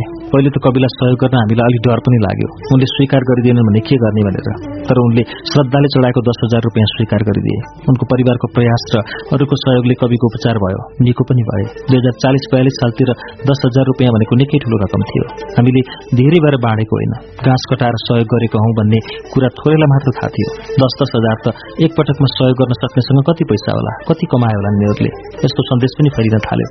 कति संघ संस्थाले मदन कृष्ण हरिवंशसँग आर्थिक सहयोग माग्ने भनेर बैठकबाटै निर्णय गरी पत्र पठाउन थाले। अब हामीले खुत्रुके लुकाएर राख्न थाल्यौं। कसैलाई सहयोग गरे पनि त्यसलाई प्रचारमा ल्याएन। एकपटक सुमन श्रेष्ठले डाक्टर सरोज दिताल डाक्टर भरत प्रधानसँग हामीलाई भेट गराए। उनीहरूले एउटा फ्री क्लिनिक काठमाडौँमा चलाउने योजना बनाएका रहेछन्। हामीलाई पनि त्यो संस्थामा बस्न बोलाए। त्यस वखत पचास पचास हजार रुपियाँ राखेर एउटा कोष बनाउने निर्णय भयो। हामीले पनि सकि नसकी पचास हजार रुपियाँ त्यस कोषमा जम्मा गरायौं। व्यक्तिगत सहयोग गरेर साध्य पनि नहुने। यसरी काम गर्दा संस्थागत रूपमा हुने भएकाले राम्रो लाग्यो। बागबजारमा एउटा तला भाडामा लिएर फ्री क्लिनिकको शुरूआत भयो। त्यसको नाम public health concern trust PHECT राखियो। सुमन श्रेष्ठ जापानी र चिनिया भाषाका गुरु पनि हुन्। उनले जानेको जापानी भाषाबाट देशले पनि फाइदा लिन सक्यो जस्तो लाग्छ त्यस मार्फत। उनका केही जापानी मित्रले हामीले खोलेको फ्री क्लिनिकसँग प्रभावित भएर जापानको अस्पतालमा प्रयोग भइसकेका पुराना सामान हामीलाई पठाइदिए। ती सामान जापानमा पुरानो भए पनि हाम्रो लागि नयाँ जस्तै भए। त्यही फ्री क्लिनिक पछि पन्ध्र सयको काठमाडौँ मोडल अस्पताल भयो। बिस्तारै त्यो पनि पचास सयको भयो। काठमाडौँ मोडल अस्पताल डाक्टरहरूको सहयोग कर्मचारीहरूको एकता र सुमन श्रेष्ठ डाक्टर भरत प्रधान डाक्टर सरोज दिताल पछि पछि डाक्टर शंकर राईको विशेष मेहनतले आजका मितिसम्म आफ्नै भवन र अब त मेडिकल कलेजको बाटो खोल्न खोज्दैछ। तर जति जति काठमाडौँ मोडल अस्पताल ठूलो हुँदैछ हामीलाई त्यति नै गाह्रो भइरहेको छ। दिनौ त्यहाँ आफ्नो मान्छेलाई जागिर लगाइदिनु पर्यो निशुल्क औषधि गरिदिनु पर्यो भनेर अनुरोध आइरहन्छन् मैले एकजना मान्छे पनि त्यहाँ जागिरमा लगाएको छैन। बिरामीलाई केही डिस्काउन्ट भने कहिले केही अनुरोध गर्ने गरेको छु। धेरैले काठमाडौँ मोडल अस्पतालमा तपाईँहरूको कति सेयर छ कति पैसा आमदानी हुन्छ भनेर सोध्छन् तर यो नाफामूलक संस्था होइन गुठीमा दर्ता भएको छ। विशुद्ध कलाकारिताको आमदानीले जीवन राम्रोसँग चलेकै छ। रगत पिप्ने चोरेको घाउ कोट्याएको बिरामीले ऋण काटेर तिरेको पैसा घरभित्र कहिले लानु नपरोस् जस्तो लाग्छ। त्रिपुरेश्वरमा पिबी राउत नामका हाम्रा एकजना हितैषी मित्र थिए। डाक्टर सन्तुक रोहितको आँखाको क्लिनिक पनि त्रिपुरेश्वरमै रहेछ। पिबी राउत आँखा जचाउन उनको क्लिनिकमा जाँदा डाक्टर सन्तुक रोहितले मेरो नाम लिँदै श्रीमतीलाई पेसमेकर जडान गर्न दिल्ली जानुपर्ने भयो अरे उपचार गर्न पैसा पुग्दैन होला। मसँग एक लाख रुपियाँ छ। चाहिन्छ भने म उहाँलाई सापटी दिन सक्छु भनिदिनुहोस् है भनेर खबर पठाएछन्। त्यो बेला मैले नचिनेको डाक्टरबाट मलाई एक लाख रुपियाँ सापट दिने प्रस्ताव आउँदा म उनीसँग मनमा नै कृतज्ञ भएँ तर मैले पैसा सापट लिनु परेन। आफैले व्यवस्था गर्न सकेँ। पछि पिबी राउत डाक्टर सन्दुक रोहितले हामीले एउटा आँखा सम्बन्धी सामाजिक काम गर्ने संस्था खोल्न लागेको मिल्छ भने हरिवंशलाई त्यसको सदस्य बनिदिन भनिदिनुहोस् न भनेर खबर पठाएछन्। हामीलाई त्यस बेलादेखि नै थुप्रै सङ्घ संस्थाहरू सदस्य बनाउन खोज्थे। संस्थाको सदस्य भएपछि बेला बेला मिटिङ अनि अर्थ संकलन गर्न सांस्कृतिक कार्यक्रम गर्नुपर्ने भएकाले हामी सितिमिति सदस्य बन्दैनथ्यौँ। तर त्यसको आपत विपदको घडीमा एक लाख सापट्टि दिन्छु भन्ने मान्छेले पठाएको प्रस्तावलाई मैले नकार्न सकिनँ र स्वीकारे। मैले आँखा सम्बन्धी केही कार्य गर्न सानो संस्था होला भन् ठानेको थिएँ। तर आज तिलगंगा आँखा केन्द्र देशकै एउटा उदाहरण भएको छ। त्यस केन्द्रमै निर्माण भएको मोतीबिन्दुको शल्यक्रियापछि आँखाभित्र राख्ने इन्ट्राकुलर लेन्स संसारका धेरै मुलुकमा निर्यात हुन्छ। अमेरिकी अस्ट्रेलियालीहरूको आँखामा समेत यो लेन्स राखिन्छ। नेपालमा बनेको लेन्स त्यस्ता सम्पन्न देशका मान्छेका आँखामा राख्ने भनेको सानो कुरा होइन। डाक्टर रोहित बाहेक पनि त्यस संस्थामा धेरै उच्च व्यक्तित्वसँग संगत गर्न पाइयो। साहित्यकार जगदीश घिमिरे स्थापना कालदेखि नै त्यस संस्थामा आबद्ध छन्। उनी सो संस्थाको अध्यक्ष पनि भए। उनीसँगै आत्मीय सम्बन्ध बन्यो। म अस्ट्रेलिया जान थाहा पाएँ। त्यहाँ वर्षमा सबैभन्दा राम्रो काम गर्ने व्यक्तिलाई म्यान अफ द इयर भनेर अस्ट्रेलियाली सरकारले उपाधि दिन थालेको रहेछ। एकजना फ्रेड हलोस भन्ने व्यक्तिले त्यस वर्षको म्यान अफ द इयर उपाधि पाए। फ्रेड हलोस फाउन्डेसन भन्ने संस्था खोलेर उनले धेरै मुलुकमा आँखा सम्बन्धी सेवा शुरू गर्न थाले। उनको सबैभन्दा पहिलो सेवा नेपालको तिलगंगा आँखा केन्द्रबाट शुरू भएको। हो शुरू गराउने डाक्टर चन्दुक रोहित नै हुन्। एउटा नेपाली डाक्टरको सल्लाहबाट शुरू भएको संस्था अब संसारका धेरै मुलुकमा स्थापना भइसकेको छ। अस्ट्रेलिया जस्तो मुलुकमा त्यसको संस्थापक म्यान अफ द इयर भएका छन्। कति अस्ट्रेलियालीहरू भन्दा रहेछन्। फ्रेड हलोसलाई संसारमा चिनाउने नेपालका डाक्टर सन्तुक रोहित हुन्। तिलगंगा आँखा केन्द्रले लाखौं लाख नेपाली र विदेशीको सेवा गरेको छ। आँखा नदेखि बसेका धेरैलाई आँखाको नानी प्रत्यारोपण गरेर संसार देखाएको छ। त्यस्तो संस्थासँग आबद्ध हुन पाएकोमा गर्व लाग्छ मलाई। साथै आबद्धताको अवसर दिने डाक्टर रोहितप्रति कृतज्ञ छु। संस्थागत आबद्धतासँगै हामीले पनि आँखा दान गरिसकेका छौं। आँखा देख्न नसक्ने संसारका धेरै मानिसलाई उपयोगी हुने हाम्रो आँखा हामी मर्दासँगै नष्ट भएर जान्छ। त्यसरी खेर जाने अङ्ग परोपकारका लागि हामी सबैले किन दान नगर्ने? हाम्रो करायात्रा त्यस्तो बेलामा शुरू भयो। जुन बेला देशमा धेरै नयाँ कुराको शुरूआत भएको थियो। सबैभन्दा पहिले पञ्चायती व्यवस्थाको अन्त्य र बौद्धली व्यवस्था शुरूआत गर्नका लागि हाम्रो देशका पहिलो पुस्ताका नेताहरू बीपी कोइराला गणेशमान सिंह मंगला देवी सिंह मनमोहन अधिकारी पुष्पलाल श्रेष्ठ कृष्णप्रसाद भट्टराई साराले जीवनभर संघर्ष गरे निर्वासित भए। पछि उनीहरू देशभित्रै बसेर शान्तिपूर्ण आन्दोलन गर्न थाले। त्यो आन्दोलनमा हामीले पनि आफ्नो कलाका माध्यमबाट उनीहरूलाई साथ दिन पायौं। खासमा त नेपाली जनतालाई साथ दिन पायौं। एमोलोक अंशभण्डा रद्दीको टोकरी कक फाइट प्यारालाइसिस गीतै गीत आदि प्रहसन रंगमञ्चमा मञ्चन गरेर क्यासेटका माध्यमबाट घर घरमा पुर्याएर पञ्चायत विरोधी आन्दोलनमा साथ दिन पायौं। परिवर्तन चाहिरहेका नेपाली जनता र परिवर्तनका वाहक नेताहरूका हामी प्रिय पात्र बन्न पायौं। त्यसबेला पञ्चायत विरुद्ध त्यति व्यङ्ग्य गर्न ठूलो साहस चाहिन्थ्यो। किनभने त्यसबेला चित्त नबुझेका मान्छेलाई फसाउन किन्न र सिद्ध्याउन पञ्चायती व्यवस्थालाई गाह्रो थिएन। पञ्चायतको पतन बहुदलको सुरुवातदेखि गणतन्त्र नेपालसम्मको आन्दोलनमा समयले हामीलाई भाग लिन हरायो हाम्रै समयमा नेपालमा टेलिभिजन सुरुवात भयो। टेलिभिजन सरकारी मिडिया भएकाले त्यसबाट राजनीतिक व्यङ्ग्य गर्ने सम्भावना थिएन। तर त्यस माध्यमबाट हामीले मनोरञ्जन र सामाजिक चेतनाका काम गर्न पायौं। हामीले पन्ध्र गते दशैं घाँस काट्ने खुर्केर लाल पूर्जा आदि टेलिचलचित्र निर्माण गर्यौं। नेपाल टेलिभिजनबाट प्रसारण भयो। सबै दर्शकले हेर्न पाए। नेपाल टेलिभिजनले पन्ध्र गते टेलिचलचित्र निर्माण गर्न हामीलाई एक भागको बीस हजारका दरले चार भागको अस्सी हजार रुपियाँ दिएको थियो। त्यति रुपियाँको भरमा हामी त्यत्रा प्राविधिक साथीहरूलाई लिएर बस रिजर्भ गरी काठमाडौँदेखि विराटनगरसम्म गयौं। कथा लेख्ने सुटिङ गर्ने निर्देशन र अभिनय गर्ने सम्मका काम गर्यौं। चार भाग तयार भएपछि हिसाब गर्दा नाफा हुनुको साटो छ सय पैंतालिस रुपियाँ घाटा बेहोर्नु पर्यो। तर आर्थिक रूपमा घाटा बेहोरे पनि करोडौं रुपियाँले पनि किन्न नपाइने लोकप्रियता प्राप्त भयो। क्यासेटमा सुनेर धेरैले हाम्रो नाम जानेका थिए। हाम्रो आवाज मानिसहरूलाई कण्ठ थियो तर अनुहार चिन्दैनथे श्रोताले चिने पनि दर्शकले चिनेकै थिएन। टेलिभिजनमा कार्यक्रम आउन थालेपछि हामीलाई अनुहारले पनि चिन्न थाले। त्यसवखत नेपालमा कि नेपाल टेलिभिजन आउँथ्यो कि त इन्डियाको दूरदर्शन। सुटिङदेखि एडिटिङसम्मका धेरै पटक हेरिसकेको हुनाले टेलिकास्ट भएको बेला हामी आफ्नो फिल्म हेर्दैनथ्यौँ बरु मोटरसाइकल चढेर सहरभरि छिर्थ्यौँ। टोलमा कर्फ्यू लागे जस्तो शून्य हुन्थ्यो। पसल गर्नेहरू चाँडै बन्द गरेर आज सिरियल हेर्नु छ भनेर घर जान्थे। डाक्टरहरू पनि क्लिनिक चाँडै बन्द गरेर घर पुग्थे। हामी चाहिँ झ्यालझ्यालबाट मान्छे हाँसेको सुनेर रमाउँथ्यौँ। पन्ध्र गति टेली सिरियलमा बाबुले छोरालाई ढिँडो खा भन्छ। छोराले ढिँडो खान्न ढिँडो खाँदा खाँदा मेरो दिमाग ढिँडो जस्तो भइसक्यो भनेर थालको तातो ढिँडो फाल्दा सड़कमा हिँड्ने बटोला लाग्छ र तातो ढिँडाले डामेर टाउको कपाल खोलिन्छ त्यो दृश्यमा ललितपुरका सिद्धि बज्र बज्राचार्य नाम गरेका व्यक्ति बेसकन हाँसेछन् मान्छे अचानक बेसकन हाँस्दा ब्रेन ह्यामरेज हुने सम्भावना हुँदो रहेछ। उनलाई पनि त्यस्तै भएर होला। हाँस्दा हाँस्दै ढलेछन् उनको मृत्यु भएछ। त्यो घटना सुनेपछि हामीलाई साह्रै दिक्क लाग्यो। पन्ध्र गति टेली चलचित्र दुई हजार छयालिस सालमा निर्माण गरेका हौं। त्यसबेला नेपालमा अहिले जस्तो जातीय नारा त्यति लाग्दैन थियो मान्छे जातीयता क्षेत्रीयता भन्दा राष्ट्रियता र प्रजातन्त्र प्राप्तिमै जोड दिन्थे गति टेलिफिल्म हेरेर जति दर्शक हाँसे त्यसको छायाङ्कनका बेला किरण त्यसरी हामीलाई उत्तिकै हँसायो। ऊ जहिल्यै मदन दाई र तिमीलाई माटोको हाँडीमा पकाएको खसीको मासु खुवाउँछु भन्थ्यो। सुटिङमा एक रात हामी परासकोटी गाउँको बद्रीनारायण चौधरीको घर गएका थियौं। चौधरी परिवारले हामीलाई मदिरादेखि खसीको मासुको थुप्रोसम्मले स्वागत गर्यो। त्यही बेला किरणले भन्यो ल हेर त आज मौका पर्यो। म तिमीहरूलाई माटोको हाँडीमा पकाएको खसीको मासु खुवाउँछु। किरणले माटोको हाँडी खोज्यो। चौधरीले नयाँ हाँडी किन्न धेरै टाढा जानुपर्छ।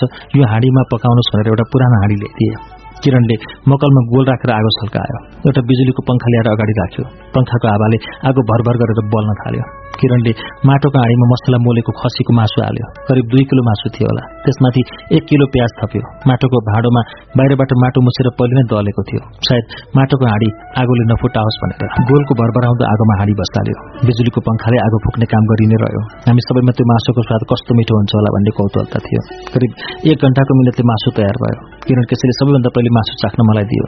मासु मुखमा क्वाप हालेको थिएँ म जससँग भएँ। मेरो मुख एकदमै तन्तमाइलो भयो। किरणले सोध्यो मासु कस्तो लाग्यो किरणले मन दुःख भनेर मलाई मासु नमिठो छ भन्न मन लागेन त्यसपछि मदन दाईलाई दियो मदन दाईले पनि खाए किरणले सोध्यो मदन दाई मासु कस्तो लाग्यो मदन दाईले पनि किरणको मन राख्नलाई नमिठो भनेन खालि अँ अँ गरेर टाउको हल्लाए राजाराम पौडेलको पालो आयो। मासु चाख्ने राजारामले मासु खाँदै ओकाल्दै भने छ्या योभन्दा त बरु गु मिठो होला। हामी सबैजना एकपल्ट गलल हाँस्यौं चौधरीले पनि भने मासु मिठो भएन। किरण आफैले पनि खाएर भन्यो छ्या कस्तो नमिठो भएछ। किन यस्तो नमिठो भयो पछि पत्ता लाग्यो। जुन हाडीमा मासु पकाएको हो त्यसमा चौधरीको घरमा बाइस वर्ष अघिदेखि दही जमाउने गरिएको रहेछ। चौधरीले नयाँ माटोको हाँडी नपाएपछि त्यही बाइस वर्ष दहीको हाँडी पखाल पुखुल पारेर ल्याइदिएका रहेछन्। भरभराउँदो आगोमा एक घण्टा मासु पकाउँदा बाइस वर्ष अगाडिदेखि त्यो हाँडीको छिद्रभित्र छिरेको। दहीको झोल तातेर निस्कँदै पाक्दै गरेको हाँडीको मासु केस्रा केस्राभित्र छिरेछ र मासुको लेदोमा सलबल भएर मिसिएछ अनि मुखमा हाल्दा दिमाग नै रन्थनी नै हुने भएछ। पछि त्यो मासु त्यही घरमा आइरहने कुकुरलाई दियो कुकुरले पनि खाएन। हामी झन हाँस्यौं। हामी जति जति हाँस्थ्यौं किरण त्यति नै लाजले भुत्तुक्क हुन्थ्यो। सुँगुरलाई खान दिएको उसले चाहिँ मिठो मानेर खायो। हाडी काण्डपछि हामी सुटिङ सकाएर फर्कँदै थियौं काठमाडौँ। त्यो दिन राजा वीरेन्द्रको जन्मोत्सव रहेछ। टल्केबरमा हाम्रो बस रोकियो। टल्केबर चोकमा राजा वीरेन्द्रको फोटोमा माला लगाएर फूलको गुच्छा राखेको थियो। फूलसँगै सुन्तला पनि थियो। किरणले म त्यो सुन्तला लिएर आउँछु है। कस्तो खान मन लाग्यो भन्यो। हामीले भन्यौं नल्यौ त्यहाँ फोटोसँगै बन्दुक लिएर पुलिस पनि बसेको छ। किरण गयो। राजा वीरेन्द्रको फोटोलाई हात जोडेर तीनचोटि घुम्यो। फोटोमा चढाइएको अबिरको टिका आफ्नो निधारमा लगायो। एउटा फूल टिपेर टाउकोमा राखेर भन्यो राजा तिमी बाँच लाख वर्ष। अनि सुन्तला टिपेर थप्यो। प्रसाद खान्छ है पुलिसलाई सेन्ट्री बसेको पुलिसले केही बोल्न सकेन। किरण सुन्तला छोडाएर खाँदै बस्न आयो। हामी बसका सबै मान्छे बेसकन आँस्यौं। हाँडीको मासु काण्डबाट लाज मानेको किरण केसीको इज्जत राजा वीरेन्द्रको फोटोमा राखेको सुन्तला ल्याउन सकेकोमा अलिकति दानियो जब हामीलाई विषय छान्नु पर्यो कथा लेख्नु पर्यो अनि हामीले राष्ट्रियताको विषय छाने निर्णय गर्यौं राष्ट्रियताको मात्र सन्देश दिए पट्यार लाग्दो हुन सक्छ। मनोरञ्जन र हाँसो मिसाएर राष्ट्रियता र अखण्डताको सन्देश दिउँ भन्ने सल्लाह मिल्यो। मदन दाई र मेरो। हामीलाई लाग्छ एकताको मूल सूत्रमा हामी बाँधिनलाई सकेसम्म अन्तर्जातीय विवाह गर्नुपर्छ। एउटा परिवारमा बाबु ब्राह्मण छन् आमा नेवार छिन् भने त्यसबाट जन्मेका बालबच्चाले त बाबुको जात ब्राह्मणमा पनि गर्व गर्छ र आमाको जात नेवारमा पनि गर्व गर्छ उसको शरीरभित्र बग्ने रगतमै दुईटा सम्प्रदाय मिसिएको हुन्छ। त्यस्तै ब्राह्मण र नेवार मात्र होइन गुरुङ र नेवारको पनि बिहे गर्नुपर्छ। तामाङ र छेत्रीको बिहाबारी हुनुपर्छ। बिस्तारै बिस्तारै हिजो आज अन्तर्जातीय विवाह धेरै हुन थालिसक्यो। अन्तर्जातीय विवाहको बारेमा रमाइलो अनुभव छ मेरो। आफ्नै भान्जा शिव ढकाल र बुहारी शोभिता श्रेष्ठको विवाहको। मेरो भान्जा ढकाल ब्राह्मण परिवारको। बुहारी शोभिता नेवार परिवारकी पहिले त बिहे नै हुनु हुँदैन भनेर ठूलै विवाद भयो।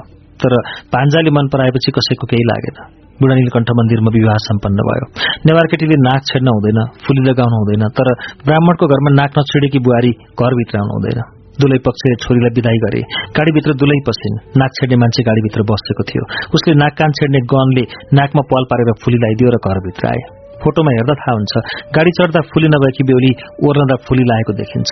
नयाँ पुस्ता शिक्षित हुँदैछ। उनीहरू जातपातमा रूढीवादी संस्कारमा त्यति ध्यान दिँदैनन्। अन्तर्जातीय जोडी बढेको बढै छ।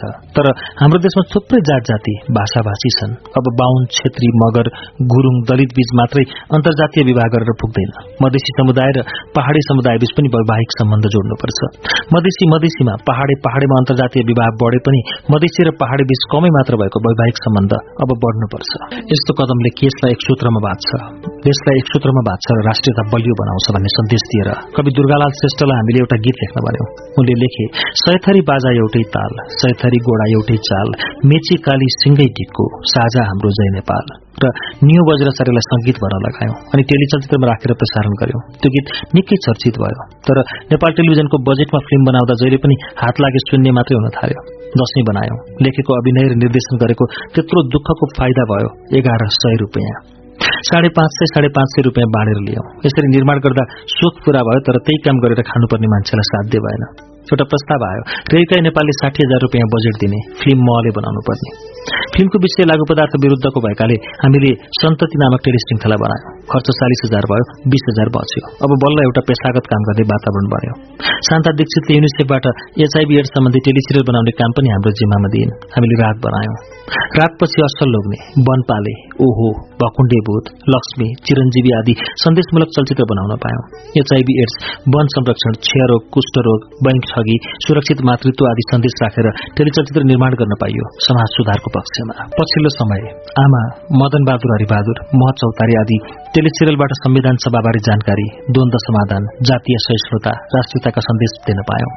सन्देश भनेको प्राय तितो हुन्छ। सन्देश दिँदा मान्छेले मनोरञ्जन पाउँदैन। हामी हाम्रो टेलिश्रृङ्खलालाई एन्टिबायोटिक जस्तै बनाउने कोसिस गर्छौं। सन्देश तितो हुन्छ हाँस्य गुलियो। एन्टिबायोटिक औषधि तितो भए पनि त्यसलाई सुगर कोटेड गरेको हुन्छ अथवा बाहिर गुलियो भित्र तितो। हामी पनि व्यङ्ग्य र सन्देशलाई हाँसोले बेरेर एन्टिबायोटिक जस्तै बनाएर खुवाउने कोसिस गर्छौं। हामी प्रहसन अथवा टेलिश्रृङ्खला निर्माण गर्दा एक नम्बरमा मनोरञ्जन दुई नम्बरमा मात्र सन्देश दिन्छौं।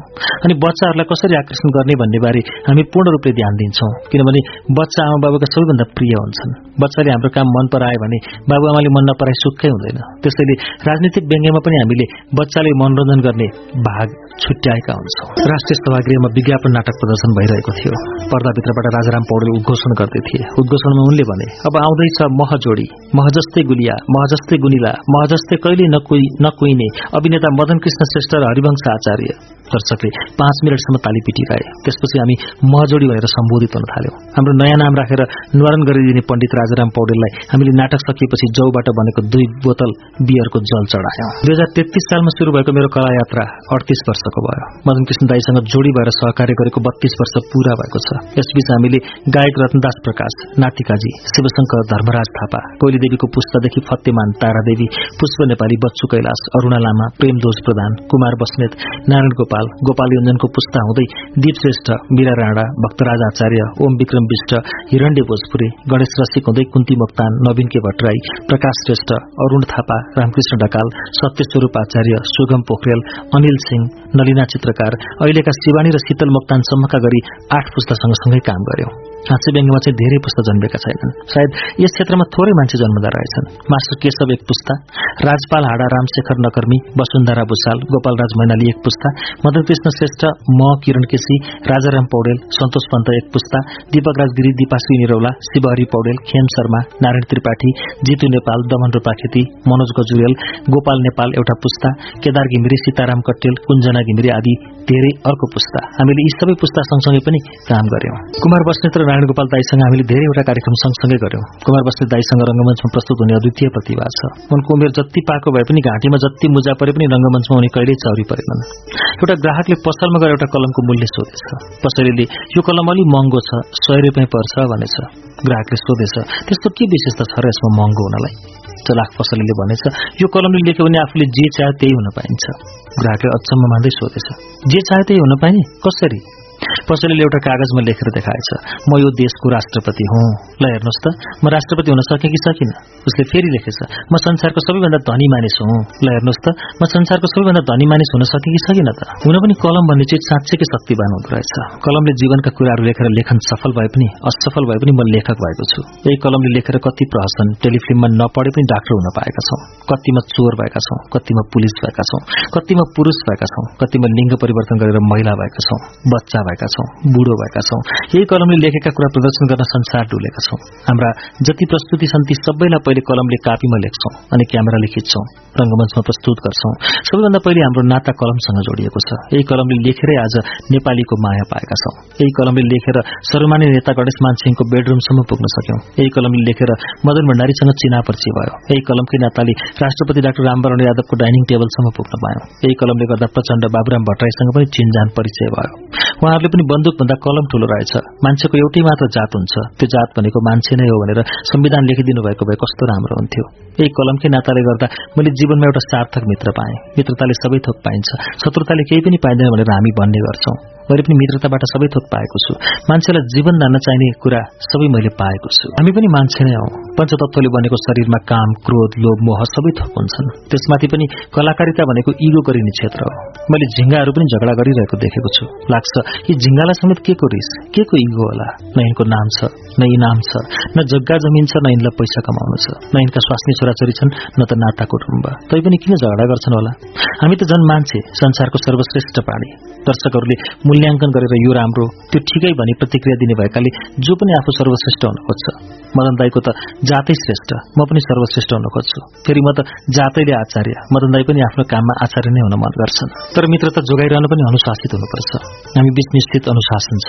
म मदन दाईलाई जहिले आदर गरिरहन्छु र उनी पनि मलाई माया गरिरहन्छन्। म जानेर उनको मन दुखाउने काम कहिल्यै गर्दिनँ र उनी पनि मेरो मन दुखाउने काम गर्दैनन्। अब त हाम्रो मित्रता मित्रता मात्रै होइन बाध्यता पनि भइसकेको छ। नेपाली जनतालाई हामी एकैछिन पनि अलग देख्न चाहँदैनन्। हामीसँग मात्र होइन संसारभरिका मान्छेसँग कलम छ र अर्बौं कलम बन्दैछन् भविष्यमा आउने अर्बौंको लागि। अरू कसैको कलमले हामीलाई नराम्रो लेख्न नपरोस् भन्ने कुरामा सतर्क हुँदै हामी अगाडि बढ्दैछौँ। सबैभन्दा धेरै पटक प्रदर्शन गरेको हाम्रो नाटक हो विज्ञापन। यस नाटकलाई हामीले देश विदेशमा गरेर तीन सय छयत्तर पटक प्रदर्शन गर्यौं। र सधैँ एउटै कार्यक्रम देखाउँदा अरू कार्यक्रम बनाउन गाह्रो भयो। त्यसैले कार्यक्रमै बन्द गर्यौं सुरु सुरुमा सूर्यमाला शर्मा निशा शर्मा राजु भुजु लक्ष्मण सिंह महेश भण्डारी मंगला श्रेष्ठहरूको अभिनय थियो। पछि लक्ष्मी गिरी रूपा विमल प्रयास मूल पीबी राउत राधिका खड्का रामेश्वर नकर्मी आदिको अभिनय थियो र आर्यन श्रेष्ठको ध्वनि। विज्ञापन नाटकमा शुरूदेखि अन्त्यसम्म अभिनय गर्ने हामी दुई र राजाराम पौडेल मात्रै हौ। अरू सबैको विकल्प हुन सक्थ्यो तर राजाराम पौडेलको विकल्प अरू कोही हुन सक्दैनथ्यो किनभने त्यो पात्रमा हुने जति फिट अरू कोही पनि छैन सायद। विज्ञापन प्रदर्शन गर्दा नाटकको सेटिङ हामी आफै उचाल्थ्यौं गरुङ्गा साउन्डका बाकस उचालेर बसको छतमा राख्थ्यौं धेरै जसो कार्यक्रम सिनेमा हलमा हुन्थ्यो सिनेमा छुटेपछि सेटिङ आफै पनि जोड्थ्यौं आफै मेकअप गरेर नाटक गर्थ्यौं। एक शोमा हाम्रो भागमा सात सय रुपियाँ जति पर्थ्यो अरूलाई चाहिँ तीन सय रुपियाँ दिन्थ्यौं। सबै काम आफैले गर्दा ठूलो फाइदा के भयो भने हामीले सबै काम सिक्यौं। दुई हजार चौवालिस सालतिरको कुरा हामी भैरवामा विज्ञापन नाटक प्रदर्शन गर्दैथ्यौं। गुल्मीबाट एकजना शक्ति श्रेष्ठ नाम गरेका झण्डै छ फिट अग्लो शरीर भएका मान्छे हामीलाई भेट्न आए।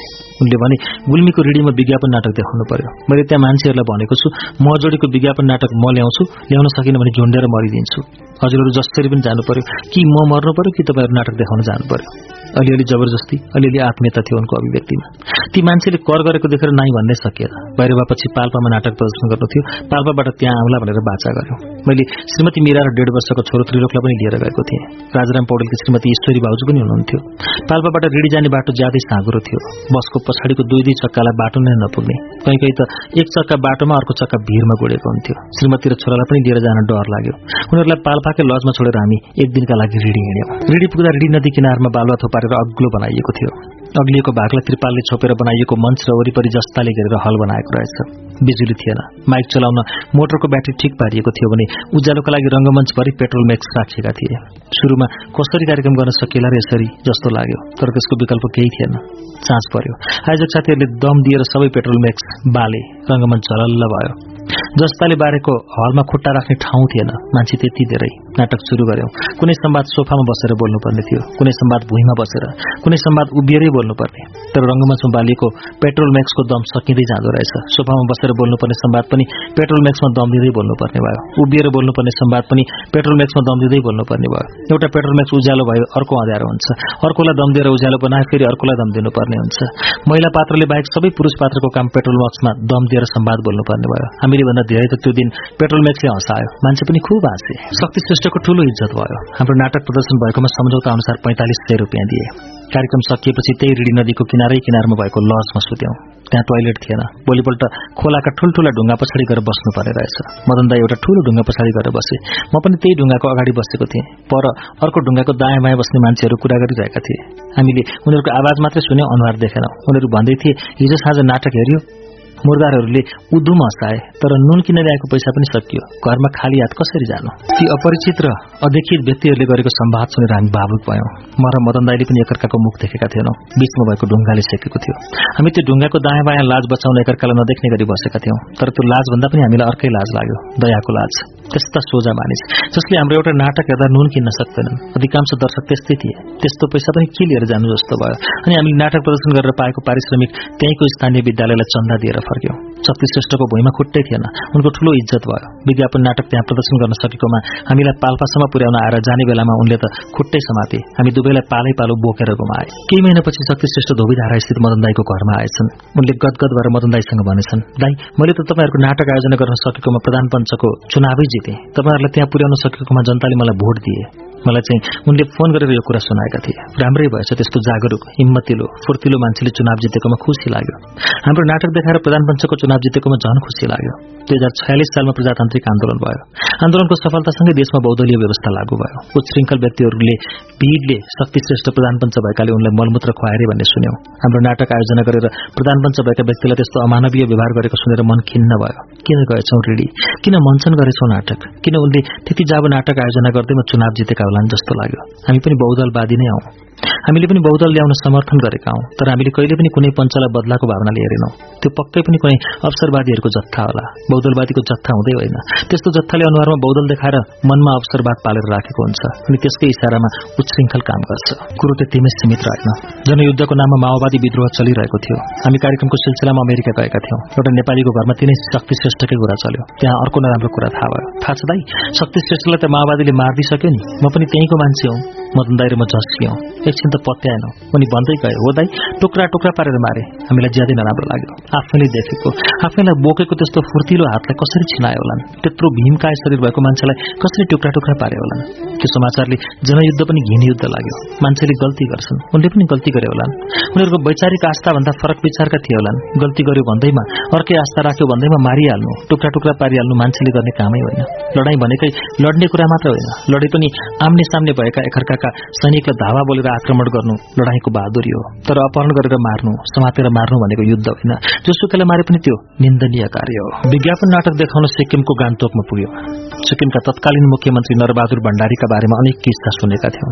उनले आफ्नै पीए सरलालाई कान्छी श्रीमती बनाएछन्। विरोधीहरूले नरबहादुरले कान्छी ल्यायो भनेर विरोध गरेछन् उनले आमसभा मार्फत भनेछन् मैले कान्छी ल्याएँ भनेर विरोधीहरूले मेरो खोइरो खन्दैछन्। तर दाजुभाइ दिदीबहिनीहरू मैले कान्छी ल्याएको होइन सरला ल्याएको हो।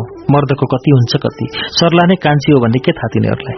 अर्को प्रसंगमा सिक्किममा जनसंख्या नियन्त्रणबारे भाषण दिनुपर्ने रहेछ। उनले महिलाहरूलाई सम्बोधन गर्दै भनेछन् आमा हो दिदी हो बहिनी हो सिक्किममा जनसंख्या वृद्धि भयो यसलाई रोक्नु पर्यो। बाहिरबाट आउने म रोक्छु भुँडीबाट आउने तपाईँहरू रोक्नुहोस्। अहिलेका मुख्यमन्त्री पवन चामलिङ अहिले उनकै पार्टीमा रहेछन् कुरा नमिलेर पवन चामलिङलाई पार्टीबाट हटाइदिएछन्। अर्को पार्टी खोलेर पवन चामलिङले उनलाई नै चुनौती दिएपछि उनले भाषण गर्दै भनेछन् त्यो पवन चामलिङ मैले त्यसलाई कुहिएको आलु भनेर पार्टीबाट फ्याँकिदिएको त्यो त बिउको आलु परेछ। अहिले त उम्रिन पो थाल्यो। उनै मुख्यमन्त्री नरबहादुर भण्डारी हाम्रो नाटकका मुख्य अतिथि थिए। हामीले मेकअपको सामानमा कपाल रंगाउने सेतो वाटर कलर किन्न बिर्सेछौं नेपालमा। सिक्किममा पाइहालिन्छ नि भनेर ढुक्क भयौं। तर नाटक प्रदर्शन आइतबारको दिन परेको थियो। आइतबार सारा दोकान बन्द हुँदो रहेछ। कतै पनि व्हाइटनर किन्न पाइएन। अनि स्कूलबाट चक भए पनि ल्याइदिनुहोस् भनेर अनुरोध गर्यौं। स्कूल कलेज पनि आइतबार पुरै बन्द आउँदो रहेछ। एकजना भोलिन्टियरले भने पक्नु छैन दाजु म केही उपाय लगाउँछु। हलमा दर्शक भरिभराउ बसेका थिए। राजाराम पौडेल र मदन दाईले पुरै कपाल सेतो बनाउनु पर्ने थियो। मैले चाहिँ कञ्चरतिर अलिअलि लगाए पुग्थ्यो। भोलिन्टियरले एउटा सानो ट्वाकमा रङ देखाउँदै भने ल दाजु यो लगाउनुहोस्। कपाल त पुरै चाँदी जस्तो देखिन्छ सेतो। मैले सोधेँ के को रङ हो यो? फलामको ग्रिलमा लगाउँछन् नि? हो त्यही हो। लगाउनुहुन्छ त यस्तो रङ? धुँदा जान्छ? मैले सोधेँ जान्छ नि दाजु धन्दै छैन। हामी विश्वस्त भयौँ। राजाराम र मदन दाई कपाल रङ्गाउन थाले। कपाल त साँच्चैकै सेतो चाँदी जस्तै देखियो। त्यति राम्रोसँग कपाल सेतो कहिल्यै भएको थिएन। उनीहरूले टाउकोमा पुरै लगाए। उनीहरूको कपाल राम्रो भएको देखेर मैले पनि त्यो दिन लगाउनु पर्ने भन्दा अलिक धेरै लगाएँ। नाटक सुरु भयो। नाटक गर्दा गर्दै मेरो कञ्चरको रौँ टनक टनक गर्न थाल्यो। कपाल छोएको त कस्तो कडा। फलामको तारको जस्तो कक्रक्क परेर आयो। मैले राजारामलाई बिस्तारै सोधेँ राजाराम मेरो कञ्चर त कक्रक्क भयो नि? राजारामले भने तेरीमा टोक्ने मेरो कपाल त भूत लागेको जस्तो भइरहेछ। मदन दाईलाई बिस्तारै सोधे कपाल कक्रक भएको छैन? उनले भने यो मेरो कपाल हो कि खुट्टा पुस्ने डोरम्याट हो? मैले थाहा पाएको छैन। नाटक सकियो खुब ताली पाइयो। होटलमा गएर पानीले कपाल पखाल्छौँ त कपाल झन्झन टल्कन पो थाल्यो। अब के गरी टाउको पखाल्ने हो भन्दा अर्को भोलिन्टरले भने दाजु यो मट्टी तेलले बिस्तारै कपालमा र गर्नुहोस् अनि निस्कन्छ। मेरो कञ्चट वरिपरिको कपालको रङ बल्ल बल्ल एक घण्टा लगाएर मट्टी तेलले पुछे। तर मट्टी तेलले त कञ्चट पर आउँदो रहेछ। मदन दाई र राजारामले घण्टौं लगाएर पुछे। तैपनि दुई तीन दिनसम्म परैबाट हेर्दा पनि कपाल अलिअलि टल्केको देखिन्थ्यो। मुख्यमन्त्री भण्डारीले हामीलाई उनको सरकारी निवासमा रात्रि भोजको निम्तो दिए। त्यस वखत उनीसँग सिक्किमबाट एउटा नेपाली चलचित्र निर्माण गर्न लेखन निर्देशन तथा अभिनय सबै मदन कृष्ण श्रेष्ठ र हरिवंश आचार्यले गर्ने कुरा भयो हामीले स्वीकार्यौं। काठमाडौँ आएर कथा पनि बनायौं तर सिक्किमबाट केही खबर आएन। करिब एक वर्ष जतिपछि झापाका पत्रकार भरत कोरेलालाई नरबहादुर भण्डारीले त्यो मदन कृष्ण र हरिवंशलाई भेटेर तिनीहरूलाई त्यति पैसा भए पुग्छ कि पुग्दैन सुनाइदिनुहोस् है भनेर सन्देश पठाएछन्। पछि बुझ्दा पो थाहा भयो हामीले लेख्ने काम शुरू गर्नु भनेर नरबहादुर भण्डारीले पचास हजार कुनै मान्छेको हातमा पठाएछन् तर त्यो पैसा त्यो व्यक्तिले हामीलाई नदी आफैले पसाइदिएको रहेछ। हामीले नरबहादुर भण्डारी जगदम्बा पुरस्कार लिन नेपाल आएका बेला भेटेर भन्यौं हामीले तपाईँले पठाउनु भएको पचास हजार रुपियाँ पाएकै छैनौं। तपाईँ आफ्नो भ्रम हटाउनु होला त्यतिखेर नरबहादुर भण्डारीको जवाफ थियो म अहिले मात्र सिक्किममा मेरो वरिपरि भएका ठगहरू चिन्दैछु। सरी नरिसाउनु होला सिक्किम मलाई साह्रै मनपर्ने ठाउँ हो। तर एक दिन गान्तोकको होटेलको झ्यालबाट हेर्दा झसङ्ग भए कहिले नदेखेको दृश्य। गाई काटेर मासु र टाउको डोकामा राखी एउटा भरियाले बोकेर लाँदै रहेछ। मलाई त्यो दृश्यले साह्रै रुवायो मैले मनमा नै कामना गरेँ नेपालमा कहिले कुनै जातिले पनि गाई काटेको देख्नु नपरोस्। हामी जेसुकै जात जाति जुनसुकै भाषा भाषी भए पनि एउटा जातिले अर्को जातिको भावनालाई इज्जत गर्नुपर्छ। सिक्किम जतिसुकै राम्रो भए पनि सिक्किम जस्तो नेपाल नहोस्। राजनीतिक हिसाबमा पनि गाईको हिसाबले पनि। सांस्कृतिक कार्यक्रम गर्ने सिलसिलामा हामीले धेरैवटा देश दोहोराई तेह्राई चौराई भ्रमण गर्यौं। हामी सबैभन्दा धेरै हङकङ गएका छौं र पहिलो सांस्कृतिक यात्रा गरेको देश पनि हङकङ नै हो। हाम्रो भ्रमण हङकङमा सत्र पटक भयो होला। अमेरिकामा पाँच अस्ट्रेलियामा पाँच अरू देशमा दुई तीन एक यस्तै। दुई हजार त्रिचालिस सालतिरको कुरा त्यति बेला हङकङ ब्रिटिस कोलोनीमै थियो र त्यहाँ नौवटा ब्यारेकमा गोर्खा सैनिक थिए। विज्ञापन नाटक देखाउन गएका हामी हङकङ ल्यान्ड हुने बेला हवाईजहाजबाट राति हङकङ सहरमा बलेको बत्ती देखेर छक्क परेका थियौं। स्वर्ग भनेको यही हो कि जस्तो लाग्यो तर स्वर्गभित्र नर्क पनि थियो। चुनकिन मेन्सन भन्ने ठाउँमा सस्ता लज पाइन्थे। हाम्रो औकात त्यस्तै सस्तो लजमा बस्ने बाहेकहरू थिएन। हङकङ साह्रै महँगो सहर हो पहिलेदेखि नै। हाम्रो नाटक टोलीमा नौजना कलाकार मेरी श्रीमती छोरो त्रिलोक बाउजू यशोदा श्रेष्ठ राजु भोजुको श्रीमती ज्योति थियौं। बल्ल तल्ल पाएको कोठा अति सानो थियो र एउटा पलङमा हामी तीनजना गुडुलको परेर सुत्यौं। पलङमा ओछ्यान थिएन। बेनिस्तालाई मात्र तन्नाले छोपिएको थियो। डेढ वर्ष त्रिलोकको बेनिस्ताले जिउ दुख्यो होला रातभरि खुट्टा बजार्दै सुत्यो। हामी दुईजना चाहिँ एक निद्रा पनि सुत्न सकेनौं। मलाई राति नै नेपाल फर्कन पाए हुन्थ्यो जस्तो लाग्यो। हङकङमा ठाउँको कस्तो अभाव रहेछ? हामी बसेको चुनकिनको लजमा चाइनिज चाउनी हामीलाई कोठा भाडामा दिएर पैसाका लागि आफू कोठामा जाने प्यासेजमा सुतेकी थिइन्। उनले खाना पनि टोयलेटको कमर बन्द गरेर त्यसमाथि स्टोभ राखी पकाएकी थिइन्। भोलिपल्ट बिहान छोरो त्रिलोक लजका कोठा चार्दै हिँडेछ। दौडदै आयो। बुवा आउ त बुझी आउ त भनेर औंला समातेर मलाई तान्दै एउटा कोठामा लगेर देखायो। उह बुझी एउटा कालो मान्छे ब्ल्याक अमेरिकन। गालामा साबुन दलेर दारी खुवाउँदै रहेछ। त्यो कालो मान्छेलाई छोराले चक्लेट दियो। मैले धन्यवाद दिएँ। बिहान आर्मी क्याम्पबाट हामीलाई लिन गाडी आयो। त्यसपछि हामीले जुन जुन ब्यारेकमा कार्यक्रम प्रदर्शन गर्यौं त्यही त्यही लजिङ फुडिङको व्यवस्था हुँदै गयो। त्यसपछि त हाम्रो बसाई ब्रिटिस स्ट्यान्डर्डको भइहाल्यो नि। प्रत्येक ब्यारेकमा कार्यक्रम हुन्थ्यो। कार्यक्रम हेर्न मान्छे मात्रै होइन लाउरी दाईहरूले पालेका कुकुर र कुखुरा पनि आउँथे। लाउरी दाईहरू बियर पिउँदै कार्यक्रम हेर्थे। बियरका खाली ट्वाक बच्चाहरूले फुटबल बनाएर खेल्दा निस्कने आवाजले नाटकलाई डिस्टर्ब गर्थ्यो। हामी नाटक देखाउनुभन्दा अघि माइकबाट एनाउन्स गर्थ्यौं कृपया कोक फ्यान्टा र बियरका खाली ट्वाकरले बच्चाले नभेट्ने गरी राखिदिनु होला। तर कार्यान्वयन हुँदैन थियो। रङ्गमञ्चमा नाटक र दर्शक दीर्घामा बच्चाहरूको खाली ट्वाकको फुटबल खेल सँगसँगै चल्थ्यो। दुई हप्ता हङकङ बसाएपछि थुप्रै सपिङ पनि भयो। श्रीमती सँगै भएकोले उपहार पनि थुप्रै पाइएको थियो। सामान अलिक धेरै नै थिए। एयरपोर्ट काउन्टरमा पुगे। मिरासँगै रहेको छोरो त्रिलोक आमाको आँखा चलेर फुत्त हङकङको त्यत्रो ठुलो एयरपोर्टभित्र कता लागेछ कता? हाम्रो टोलीका सबै सदस्य त्रिलोकलाई खोज्न लाग्यो। तर काठमाडौँ जाने यात्रुहरू प्लेनतर्फ प्रस्थान गर्नु भन्ने एनाउन्स बारम्बार आइरहेको थियो। हामी सबैको मुख सुकिसकेको थियो। मदन दाई प्लेन एकछिन रोक्न सकिन्छ कि भनेर लाग्दै हुनुहुन्थ्यो तर त्यो सम्भवै थिएन। मैले म र मेरा यहीँ छोरो खोज्न बस्छौँ तपाईँहरू जानुहोस् भन्दा सबैका आँखा रसाउन थाले। म छटपटाउँदै यताउता दौडन थाले। एउटा अस्ट्रेलियन नागरिकले छोरालाई एयरपोर्ट बाहिर रोइरहेको देखेछन् र भित्र ल्याइदिएछन्। छोराले मलाई देखेर भन्यो बुबा कहाँ गएको? बाबु कति रोएँ? सिक्किमको कुरा गर्दा मलाई पुरानो सम्झना आउँछ। त्यतिखेर म पद्मोदय हाई स्कुलमा पढ्दै थिएँ। स्वतन्त्र सिक्किम भारतमा विलय भयो भन्ने समाचार आएपछि हाम्रो देशमा पनि ठूलो हड़ताल भयो। काठमाडौँमा धेरै भारतीय व्यापारीहरूको पसलमा सामान लुटिए। त्यस हड़तालमा नेपालका मारवाड़ीहरूको पसल लुट्ने तोडफोड गर्ने जस्ता कुकाम पनि भए।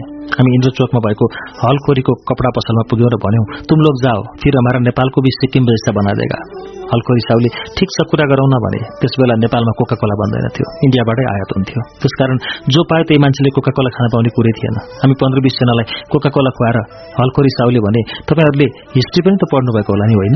हामीले पढेका छौँ भन्यौँ। उनले भने नेपालमा दुईटा अनुहार छन्। एउटा मङ्गोलियन अर्को आर्यन। मङ्गोलियनहरू मङ्गोलियाबाट आएका आर्यनहरू सबै आर्यवर्त अहिलेको भारतबाट आएका। ल हो कि होइन? हामीले कोक पिउँदै हो भन्यौँ। उनले अझै प्रश्न पार्दै भने तपाईँ हामी आखिर सबै बाहिरबाटै आएका नेपालमा बसेका हौ हो कि होइन? हामीले हो भन्यौँ। उनले अझ थपे त्यसैले तपाईँहरू पहिले आउनुभएकोले तपाईँहरू नै पहिले फर्केर जानुहोस्। हामी पछि आएका हौँ पछि नै जाउँला। हामी हो हो। ल ठिक छ। तपाईँहरू बस्नुहोस् अहिले हामी जान्छौँ भनेर त्यहाँबाट हिँड्यौँ। त्यसपछि रत्न पार्कमा भारतीय मूलको मान्छेले खोलेको स्विट भ्यालीमा गएर पाँचवटा दुधबरी लुटेर खाँदै भन्यो। तिमीहरूको इन्डियाले सिक्किमलाई दुधबरी खाए चाहिँ खायो। अब हामी तिमीहरूको दुधबरी यसरी खान्छौँ। पुलिसले लट्टी हान्दै हामीलाई लखेट्यो। हाम्रो मुखबाट तरतरी दुध निस्किँदै थियो। बरी चाहिँ मुखभित्रै। हामीले दुधबरी खाएको खाए पार्यौँ भारतले पनि सिक्किमलाई खाएको खाए पार्यो सिक्किम दार्जिलिङ जस्तो ठाउँमा पुग्दा यो कसरी नेपाल होइन? यहाँ किन नेपाली नोट चल्दैन? यहाँका पुलिसले किन अर्कै लुगा लगाउँछन्? यहाँ किन हिन्दीबाट सन्देशहरू लेखेका छन् जस्तो लाग्यो? जता हेऱ्यो पहिरन। जता सुने नेपालीका कुरा। उत्तर कोरिया र दक्षिण कोरियामा जस्तो। तत्कालीन पश्चिम जर्मनी र पूर्व जर्मनीको जस्तो राजनीतिक पर्खाल मात्र हो। सांस्कृतिक पर्खाल कतै छैन। सिक्किम जानु पर्यो भने नेपालका नेपालीले भारतीय दूतावासमा गएर इनरल्यान्ड अनुमति लिनुपर्छ। सिक्किमको गान्तोकमा कार्यक्रम सकिएपछि धन्यवाद ज्ञापन गर्ने सिलसिलामा माइकबाट भनेको थिएँ। भानुभक्त आचार्यलाई सिक्किमबाट आउन पर्मिट लिनु परेन। म उनको खनातीलाई सिक्किम आउन किन पर्मिट लिनुपर्ने?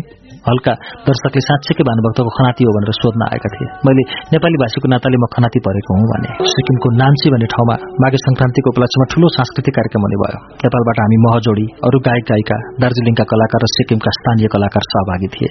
नाम्चीमा मदन दाई र मलाई विशेष सत्कार गर्दै भने दाजुहरूले हामीले सरकारी गेस्ट हाउसमा राख्छौं। गेस्ट हाउसको कोठा खोल्दै एकजनाले भने लु दाजुहरू दुवैजना यो पलङमा सुत्नुहोस्।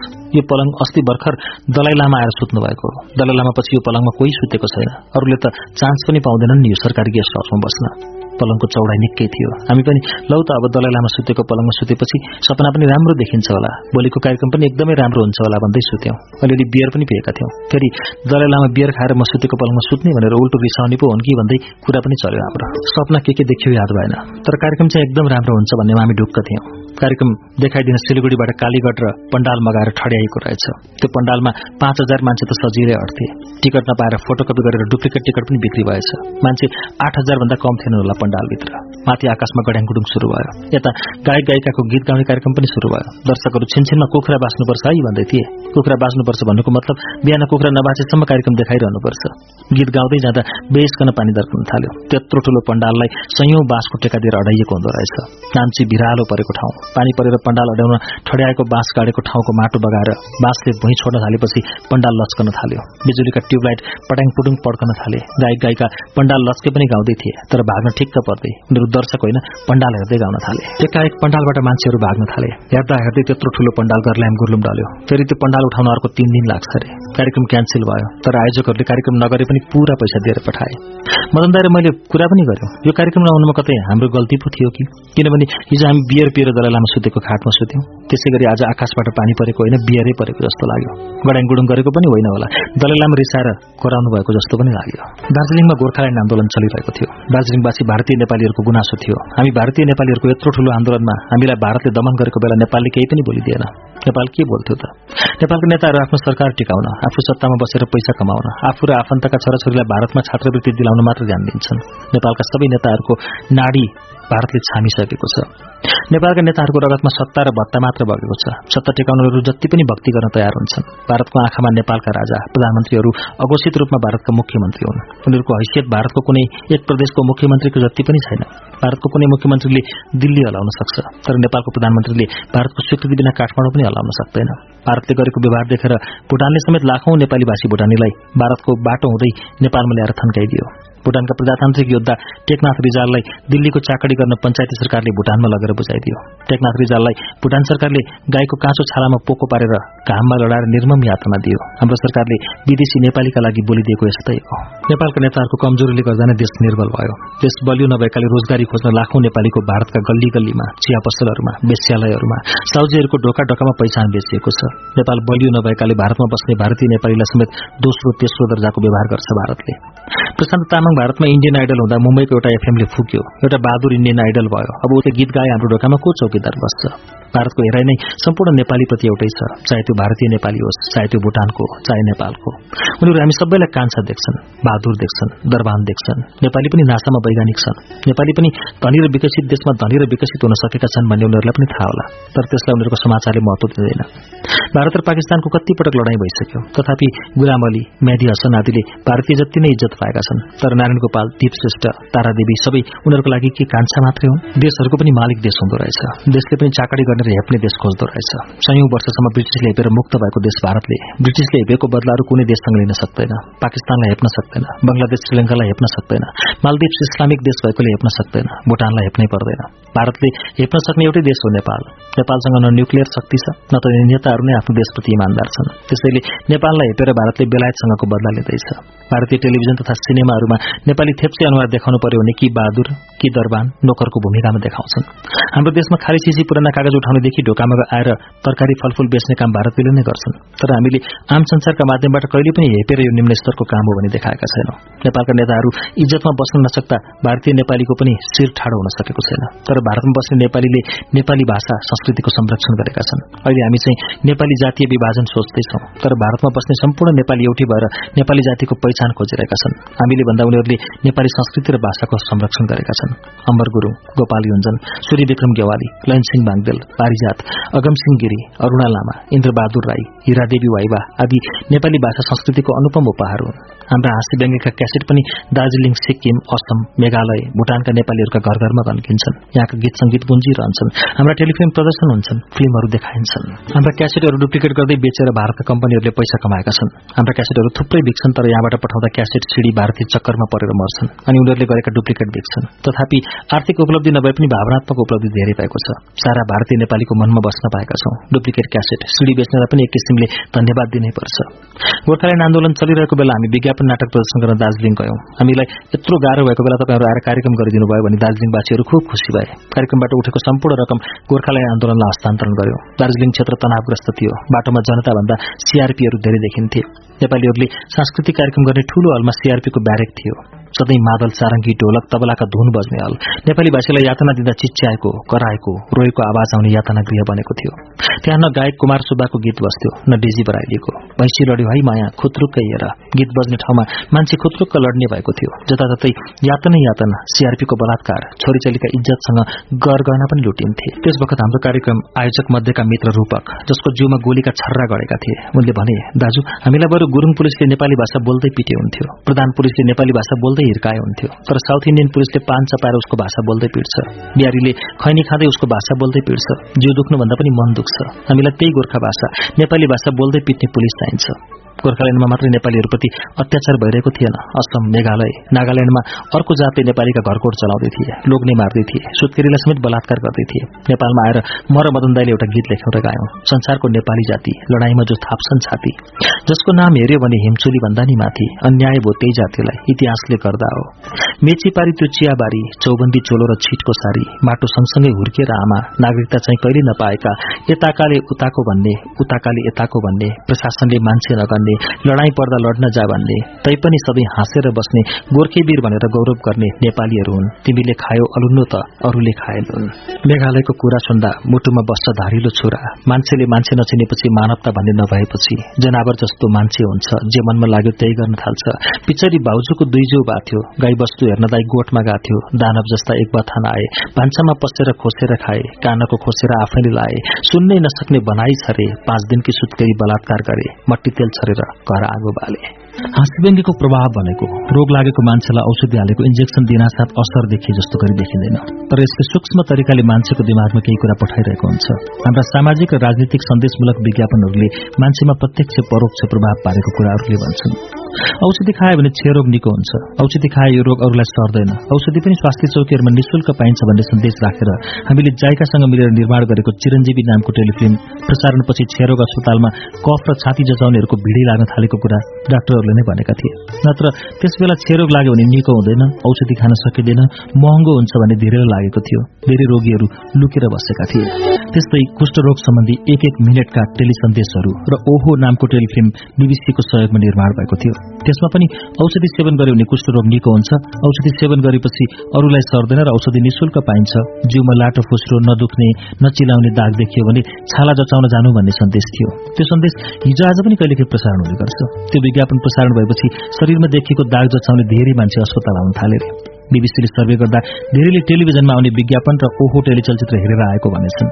एक लाख चान्सुनले छाला जचान आउँदा एघार हजार पोजिटिभ पेसेन्ट भेटियो अरे एघार हजार कुष्ठरोग संक्रमितहरूले खोक्दा हाछ्यौं गर्दा धेरैलाई सर्न सक्थ्यो। टेलिफिल्मको प्रभावले धेरैलाई रोगबाट जोगाएको छ। त्यस्तै विश्व स्वास्थ्य संगठनको प्रतिवेदनमा सुरक्षित मातृत्वको सवालमा नेपाल पाकिस्तान बंगलादेश भारतभन्दा पनि सकारात्मक छ। नेपालमा गर्भवती महिलाको स्वास्थ्यमा उल्लेखनीय सुधार भएको छ भनेर उल्लेख गरेको छ। यसका लागि नेपालका स्वास्थ्य संगठनहरू स्वास्थ्य स्वयंसेविकाको ठूलो योगदान जान्छ भने हामीले युएसएडको सहयोगमा निर्माण गरेको असल लोग्ने टेलिचलचित्र र सेभ द चिल्ड्रेनसँग मिलेर निर्माण गरेको न्यानो माया टेलिचलचित्र बेला बेला प्रसारण भइरहने भएकाले त्यसले पनि सुरक्षित मातृत्व र महिला स्वास्थ्य सुधारमा निकै योगदान गर्न सके जस्तो लाग्छ। नेपालमा जग्गामा दोहोरो स्वामित्वको अन्त्य गर्ने मोही र जग्गा धनी दुवैलाई जग्गामा आधा आधा हक स्थापित गरिदिने कानून बन्यो। यो कानून बनाउन महजोडीले निर्माण गरेको टेलिचलचित्र लाल पूर्जाले सजिलो बनाएको हो।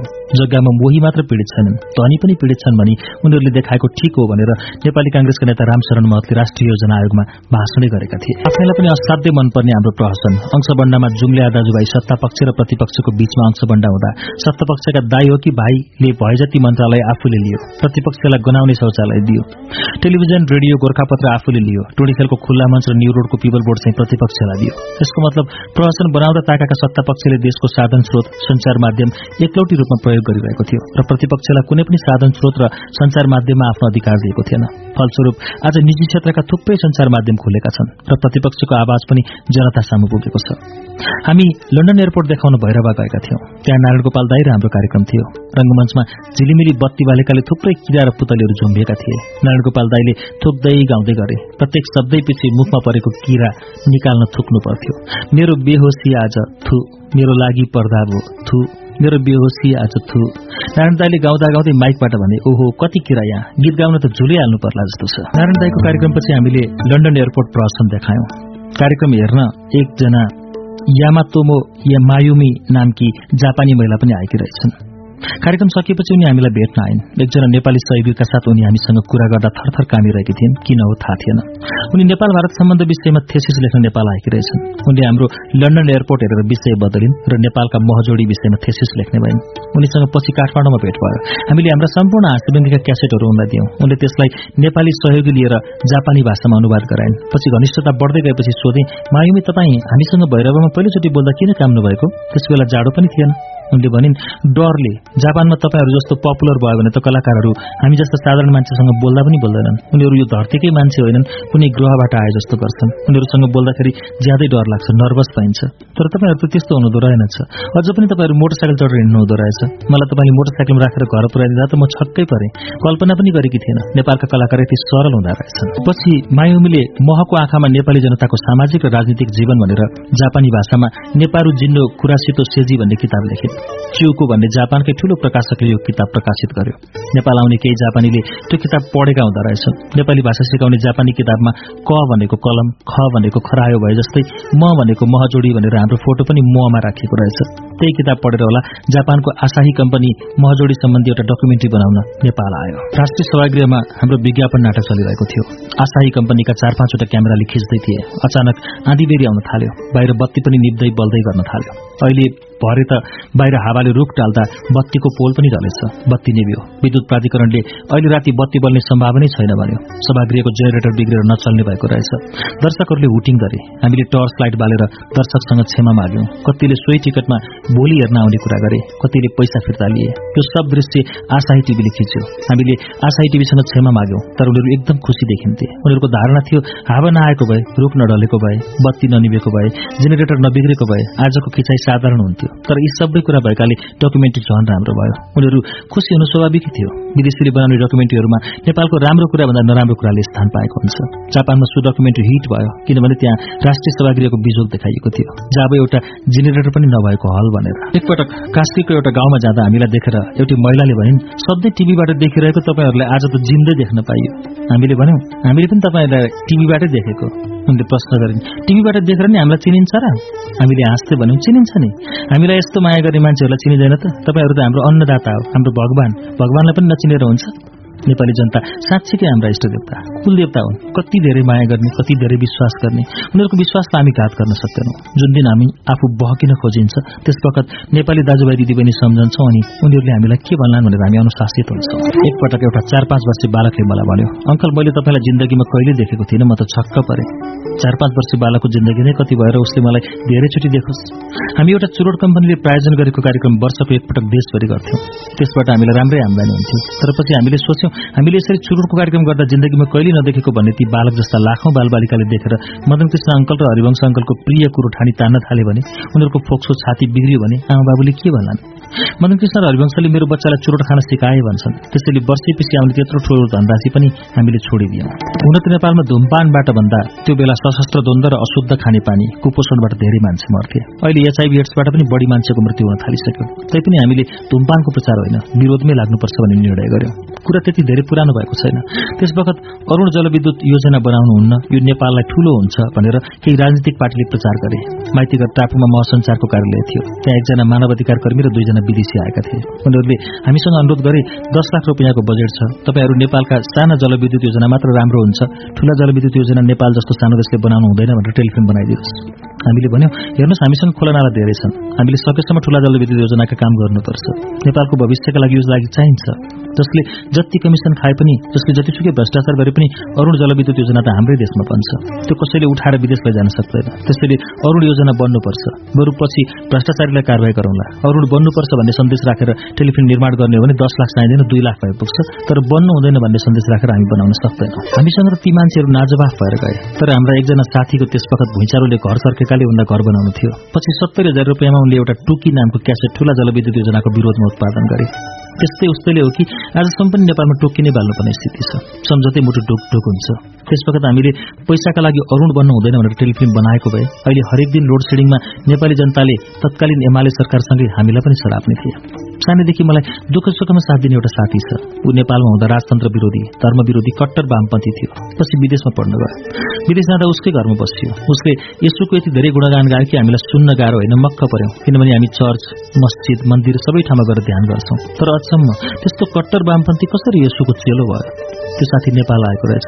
एक दिन उसले मलाई फोन गरेर भन्यो म भोलि तेरो घरमा लन्च खान आउँछु। मसँग एउटा साथी पनि हुन्छ। भोलिपल्ट एकजना होइन दुईजना साथी लिएर मेरो घरमा आयो। श्रीमान एउटा र श्रीमती अर्कै देशका थिए। हामीले सँगै बसेर खाना खायौँ। उसँग आएका साथीले मसँग भने तीन करोड रुपियाँको बजेट छ त्यसको जिम्मा तपाईँले लिनु पर्यो मैले प्रश्न गरेँ के का लागि? उनीहरूले मसँग जिजस क्राइस्टको महिमा गाए। हामी सबै धर्मलाई सम्मान गर्ने मान्छे भएकाले मलाई केही गाह्रो भएन। मैले कुरो बुझेर भने हामीलाई सबै जात धर्म र भाषाभाषीले माया गर्छन् र हामी पनि सबै जात धर्म र भाषाभाषीलाई त्यति नै सम्मान गर्ने भएकाले एउटै धर्म प्रचार गर्नु सट्टा मानव धर्म प्रचार गर्ने काम दिनुहोस्। हामीलाई यो पैसा चाहिँदैन। केही वर्ष अघि पाटनका मेरा मित्र किरण श्रेष्ठ र लिटल स्टारका पिता वरिष्ठ गीतकार ध्रुवकृष्ण दीपलाई एउटाले वाट इज योर रिलिजन भनेर सोधेछ। किरणजीले माई रिलिजम इज टुरिज्म भन्ने जवाफ दिएछन्। उनी गीतकार र टुरिस्ट गाइड थिए। मैले त्यो कुरो उनीहरूलाई सुनाएँ। सुटिङ गर्ने सिलसिलामा विशेष गरी छायाङ्कन स्थल छनौट गर्न काठमाडौँ वरिपरिका गाउँ घुम्छौँ गाउँमा पुगेपछि महजोडीले यहाँ जग्गा किन्ने भयो भने ठूलो हल्ला हुने गर्छ। अनि जग्गा दलालले पनि यहाँ महजोडीले अस्पताल बनाउँदैछन् भनेर हल्ला गरेपछि अस्पताल बन्ने ठाउँमा जग्गा किने भाउ बढ्छ व्यापार फस्टाउँछ भनेर धेरैले जग्गा किनेका पनि रहेछन्। हामीले पहिलेदेखि नै सुन्दै आएको र टेलिभिजनमा देख्दै आएको कुरा हो राजा वीरेन्द्रलाई विभिन्न देशका युनिभर्सिटीहरूले डाक्टर उपाधि दिए। त्यस्तै गिरिजा प्रसाद कोइरालालाई पनि भारतको कुनै युनिभर्सिटीले डाक्टर उपाधि दियो। पछिल्लो समय राजा ज्ञानेन्द्रलाई पनि कुनै देशले डाक्टर उपाधि दियो भनेर टेलिभिजनबाट देखाइएको थियो। कार्यक्रम गर्न बेलायत जाँदा चिन्जान भएका साथीहरूमध्ये उही कलेज सञ्चालन गरेर बसिरहेका गोपाल पौडेलले काठमाडौँ आएर भने ग्रिनफोर्ड इन्टरनेसनल युनिभर्सिटी पुलिसले तपाईँ महजोडीलाई डक्टरेट उपाधिबाट सम्मानित गर्दैछ। यो तपाईँहरूलाई गरिएको ठूलो सम्मान हो। हामीले भन्यौँ हामीले के त्यस्तो काम गरेका छौँ र डक्टरेट सम्मान दिने उनीहरूको भनाइ थियो तपाईँहरूले आफ्नो क्षेत्रमा यत्रो ठूलो सामाजिक काम गर्नुभएको छ। मलाई ज्यादै अप्ठ्यारो लाग्यो। अलिक लाज पनि लाग्यो। मैले पर्दैन मलाई डाक्टर लेख्न त्यति सोख पनि छैन भने मैले निकै जोड गरेँ। मैले पछि निर्णय गरौँला भने दिनका दिन फोन आउन थाल्यो। भन्थे मान्छे यो उपाधि पाउन कत्रो मरिहत्ते गर्छन्। तपाईँहरूले पाउँदा पनि निर्णय गरिदिनु भएन। अमेरिकाबाट अरू देशका ठूल्ठूला प्रोफेसरहरू आइसकेका छन् काठमाडौँमा। उपाधि सभामुख सुभाष नेमाङजीले प्रदान गर्नुहुनेछ। हामीले भोलि खबर गरौँला भन्यौँ र सल्लाह गर्यौँ के गर्ने त? मदन दाईले भने लिँदैउ न त धेरै कर गरिसक्यो सेप्टेम्बर बिस दुई हजार दसका दिन हामी डक्टरेट उपाधि लिन राष्ट्रिय सभागृहको मञ्चमा बस्यौं। हामीसँगै उपाधि लिन विजय कुमार गच्छेदार केपी ओली पनि आएका थिए। सुजाता कोइराला चाहिँ उपस्थित थिएनन्। अरू पनि को को थिए मञ्चमा? हामीलाई गाउन र टाउकोमा मुन्द्रा झुन्डिएको टोपी लगाइदिए। मलाई लाज लागिरहेको थियो। सुभाष नेमाङको हातबाट सम्मान पत्र लियौं। विदेशबाट आएका प्रोफेसरहरू पनि गाउन लगाएर मञ्चमा उपस्थित थिए। भाषण पनि गरे। सबैको बधाई पायौं। डाक्टरको उपाधि पाउन तपाईँलाई कस्तो लाग्यो भन्ने संचारकर्मीको जवाफमा मैले रङ्गीत सङ्गीत गाउन देखाउँदै भनेको थिएँ। मलाई त मन्दिरको पुजारी भए जस्तो लाग्यो। दुई दिनपछि पत्रिकाले त्यो उपाधि नक्कली हो हामी लगायत अरूलाई सम्मान गरेर नेपालबाट विद्यार्थी लैजाने दाउ हो। त्यो युनिभर्सिटीले गलत प्रचार गरेको भनेर लेख्यो। कुरा बुझ्दा त्रिभुवन विश्वविद्यालयले पनि मान्यता दिएकै युनिभर्सिटी हो भन्ने थाहा भयो। गोपाल पौडेललाई पछि फोन गर्दा सक्कली नै हो भने त्यसको दुई दिनपछि फेरि फोन गर्दा त उनको मोबाइल स्विच अफ छ भन्यो। केपी ओली विजय गच्छदार लगायत त्यो उपाधि पाएका हामी पीएचडी डाक्टर हो कि होइन थाहा नै भएन। हुन त म राजनीति गर्ने मान्छे हुँदै होइन। तर सानो दिमागले विचार गर्दा एउटै कारणले नेपाल बिग्रिन सुरु भएको हो। शासकले देशलाई धनी बनाउने होइन आफू धनी हुने इच्छा राख्नु। त्यही भारतकै कुरा गर्दा पण्डित जवाहरलाल नेहरू ज्यादै सम्पन्न र धनी परिवारबाट राजनीतिमा आएका हुन्। ब्रिटिसहरूको पन्जाबाट भारत मुक्त भयो। जवाहरलाल नेहरूले आफ्नो सम्पूर्ण सम्पत्ति देशलाई बुझाएर राजनीति शुरू गरेथे। उनलाई सरकारले बस्ने एउटा घर दियो चढ्ने गाडी दियो र खानालाई तलब दियो। झण्डै झण्डै त्यसकै हाराहारी हामी कहाँ चाहिँ गरीब राजाले धनी बन्ने चाहना राख्न थाले। राजा धनी बनाउन भाइ भारदारको सहयोग चाहियो। राजा सँगसँगै भाइ भारदारहरू पनि धनी बन्न थाले। भाइ भारदार र राजा धनी भएको राजाका सचिवहरूले देखे अनि उनीहरू पनि धनी हुन थाले। राजाका वरिपरिका सबै धनी भएको देखेर मन्त्रीहरूले पनि धनी हुने सपना देखे। सपना साकार भयो। मन्त्री धनी भएको देखेर सचिवहरूले पनि धनी हुने सपना देखे। ती पनि धनी भए। सचिवहरू धनी भएको देखेर उपसचिव सेक्सन अफिसर सुब्बा खरदार सेना प्रहरी सबैले धनी हुने सपना देखे। सबैको सपना रातारात साकार भयो अनि जसले जसरी जति कमाए पनि कतैबाट छानबिन नहुने भयो। शासक र प्रशासकले घुस खाइदिएपछि व्यापारीहरूलाई पनि सजिलो भयो। कसैले कसैलाई समात्न नसक्ने। उसलाई उसको कुरा थाहा छ। उसलाई उसको कुरा थाहा छ। अनि देश दुब्लाउँदै गयो। देश सँगसँगै सर्वसाधारण जनता पनि दुब्लाउँदै गए। दण्डहीनता बौलाउँदै गयो। शासक प्रशासक धनी बन्दै गए। देश चाहिँ तल तल खस्दै झण्डै झण्डै ढुङ्गे युगमै आइसक्यो। बहुदलीय व्यवस्था पनि शुरू भयो तर पण्डित नेहरू जस्ता नेता नेपालमा कोही देखिएनन्। पञ्चायती व्यवस्थामा शासकहरू धनी भएको बहुदलवादी नेताले पनि देखेकै थिए। उनीहरूलाई झन पञ्चायती शासक भन्दा आफू धनी हुने इच्छा जाग्यो। अनि आफ्नो परिवार शाखा सन्तान ज्वाइँ छोरी सबैलाई पैसा कमाउन अगाडि पठाए। बहुदलीय शासकहरू धनी भएको देखेर गणतन्त्रका नेताहरूलाई पनि धनी बन्ने इच्छा जाग्दै आयो र केही गणतन्त्रवादी नेताहरू बहुदलका नेता भन्दा पञ्चायतका नेता भन्दा पनि धेरै धनी भइसकेका छन्। एउटा गोठमा गाई पालिएका रहेछन्। ती गाई हेर्ने एउटै मात्र गोठालो रहेछ। बिस्तारै दिनका दिन दुई माना दुध हराउन थालेछ। मालिकलाई शङ्का लागेछ। उसले त्यो गोठालोको निगरानी राख्न अर्को गोठालो थपेछ। दोस्रो गोठालो थपेपछि चार माना दुध कमाउन थालेछ। त्यसपछि मालिकले तेस्रो गोठालो पनि थपेछ। त्यसपछि छ माना दुध कमाउन थालेछ। त्यसै गरी चौथो गोठालो राखेपछि एक पाथी दुध कमाउन थालेछ। नेपालको सन्दर्भमा त्यही भयो। पञ्चहरू हुँदा दुई माना दुध हरायो। बहुदलवादी आएपछि चार महिना हराउन थाल्यो। अझ गणतन्त्रवादीहरू आएपछि छ महिना दुध हराउन थाल्यो। अहिले त राजनीतिक पार्टीहरू कसैले नेपाललाई विकास गर्छौं अर्बौं रुपियाँ लगाउँछौं भनेर आयो भने कति डोनेसन आउँछ भनेर सोध्छन्। खै कति सम्झाउ डोनेसन होइन नेता हो डु फर नेसन तिब्बतलाई हानि नपुर्याउने गरी भारतले नेपालमा जे गरे पनि चीनले मतलब राख्दैन। यो कुरा विगतमा भारतले नेपाललाई नाकाबन्दी गर्दाखेरि नै चिनिया व्यवहार चिनिसकेका छौं। भारत नेपाललाई सधैँ अधकल्च्याएर राख्न चाहन्छ। नेपाल सम्पन्न भयो भने उसलाई नटेर्ला भन्ने डर छ। बिग्रियो भने आतंकवाद बढ्न सक्छ र त्यो भोलि उसको भूमिका पनि सर्न सक्छ। त्यसैले भारतले नेपाललाई बन्न पनि दिँदैन बिग्रन पनि दिँदैन। नेताहरूले नेपाल बन्यो भने टेर्दैनन् बिग्रियो भने पनि टेर्दैनन् भन्ने भारतलाई डर छ। एक अर्बभन्दा धेरै मानिसलाई पुर्याउन नेपालबाट जाने पानी नभए भारतलाई सम्भव छैन। त्यसरी नदीहरू जोडेर पानी लैजाने नेपालको सहयोगले नै पर्छ। नेपालले नदी जबरजस्ती गर्छ। त्यस्तै परि मुलुकै फोरेर भए पनि जोड्छ। कता कता हाम्रो मुलुक फोर्ने अभियानमा भारत लगायत केही पश्चिमा मुलुकहरू लागेका छन् कि जस्तो लाग्छ। नयाँ संविधानमा संघ बनाउँदा आत्मनिर्णयको अधिकारको कुरा जो आइरहेको छ। त्यो मुलुकका लागि अहित हुन सक्छ त्यसैले हामीले भारतसँग कोशी उच्च बाँधको सम्झौता गर्नु परे पनि बाँध बनाउँदा विस्थापित हुनेहरूका लागि के फाइदा हुनेछ? त्यो किटान हुनुपर्छ। अनि देशलाई फाइदा पुग्ने गरी जलमार्ग पैसा बिजुली आदिमा सम्झौता गर्न सक्नुपर्छ। टनकपुर गण्डकी कोशीको जस्तो नेपाल सबैका लागि नठगियोस्। पानीले डुबेको जमिनमा खेतीपाती केही हुँदैन तर माछा त पाल्न सकिन्छ नि जलचरको खेती गर्न सकिन्छ। यसबाट नेपालीलाई फाइदै होला। तर केही गरी कोशीमा उच्च बाँध बन्यो भूकम्पको धक्काले बाँध फुट्यो भने त्यसको परिणाम के होला? जिम्मा कसले दिने यसतिर पनि ध्यान जानुपर्छ। नेपाल न भारतले बनाइदिएर बन्छ न चीनले बनाएर। वास्तवमा नेपाल नेपालीले बनाए मात्र बन्छ। यो देश बनाउन त्यति गाह्रो छैन। संसारभरि रेडिमेड टेक्नोलोजीहरू छन्। टेलिफोनको आविष्कार गर्न वैज्ञानिकहरूले कति अनुसन्धान गरे? हवाईजहाज आजको रूपमा आउन वैज्ञानिकहरूले कति अनुसन्धान गर्नु पर्यो जलस्रोतको विकास गर्न ठूल्ठूला टर्बाइनहरू बनाउन कति अनुसन्धान भए? हामीले त अनुसन्धान गर्नु नै पर्दैन। बजारबाट रेडिमेड टेक्नोलोजी किनेर ल्याएर फिट गर्न सक्छौं। हिजो आज चीनले बनाइदिएको सस्तो सिडी र सिडी प्लेयरले गर्दा हाम्रो गीत संगीतलाई फाइदा पुगेको छ।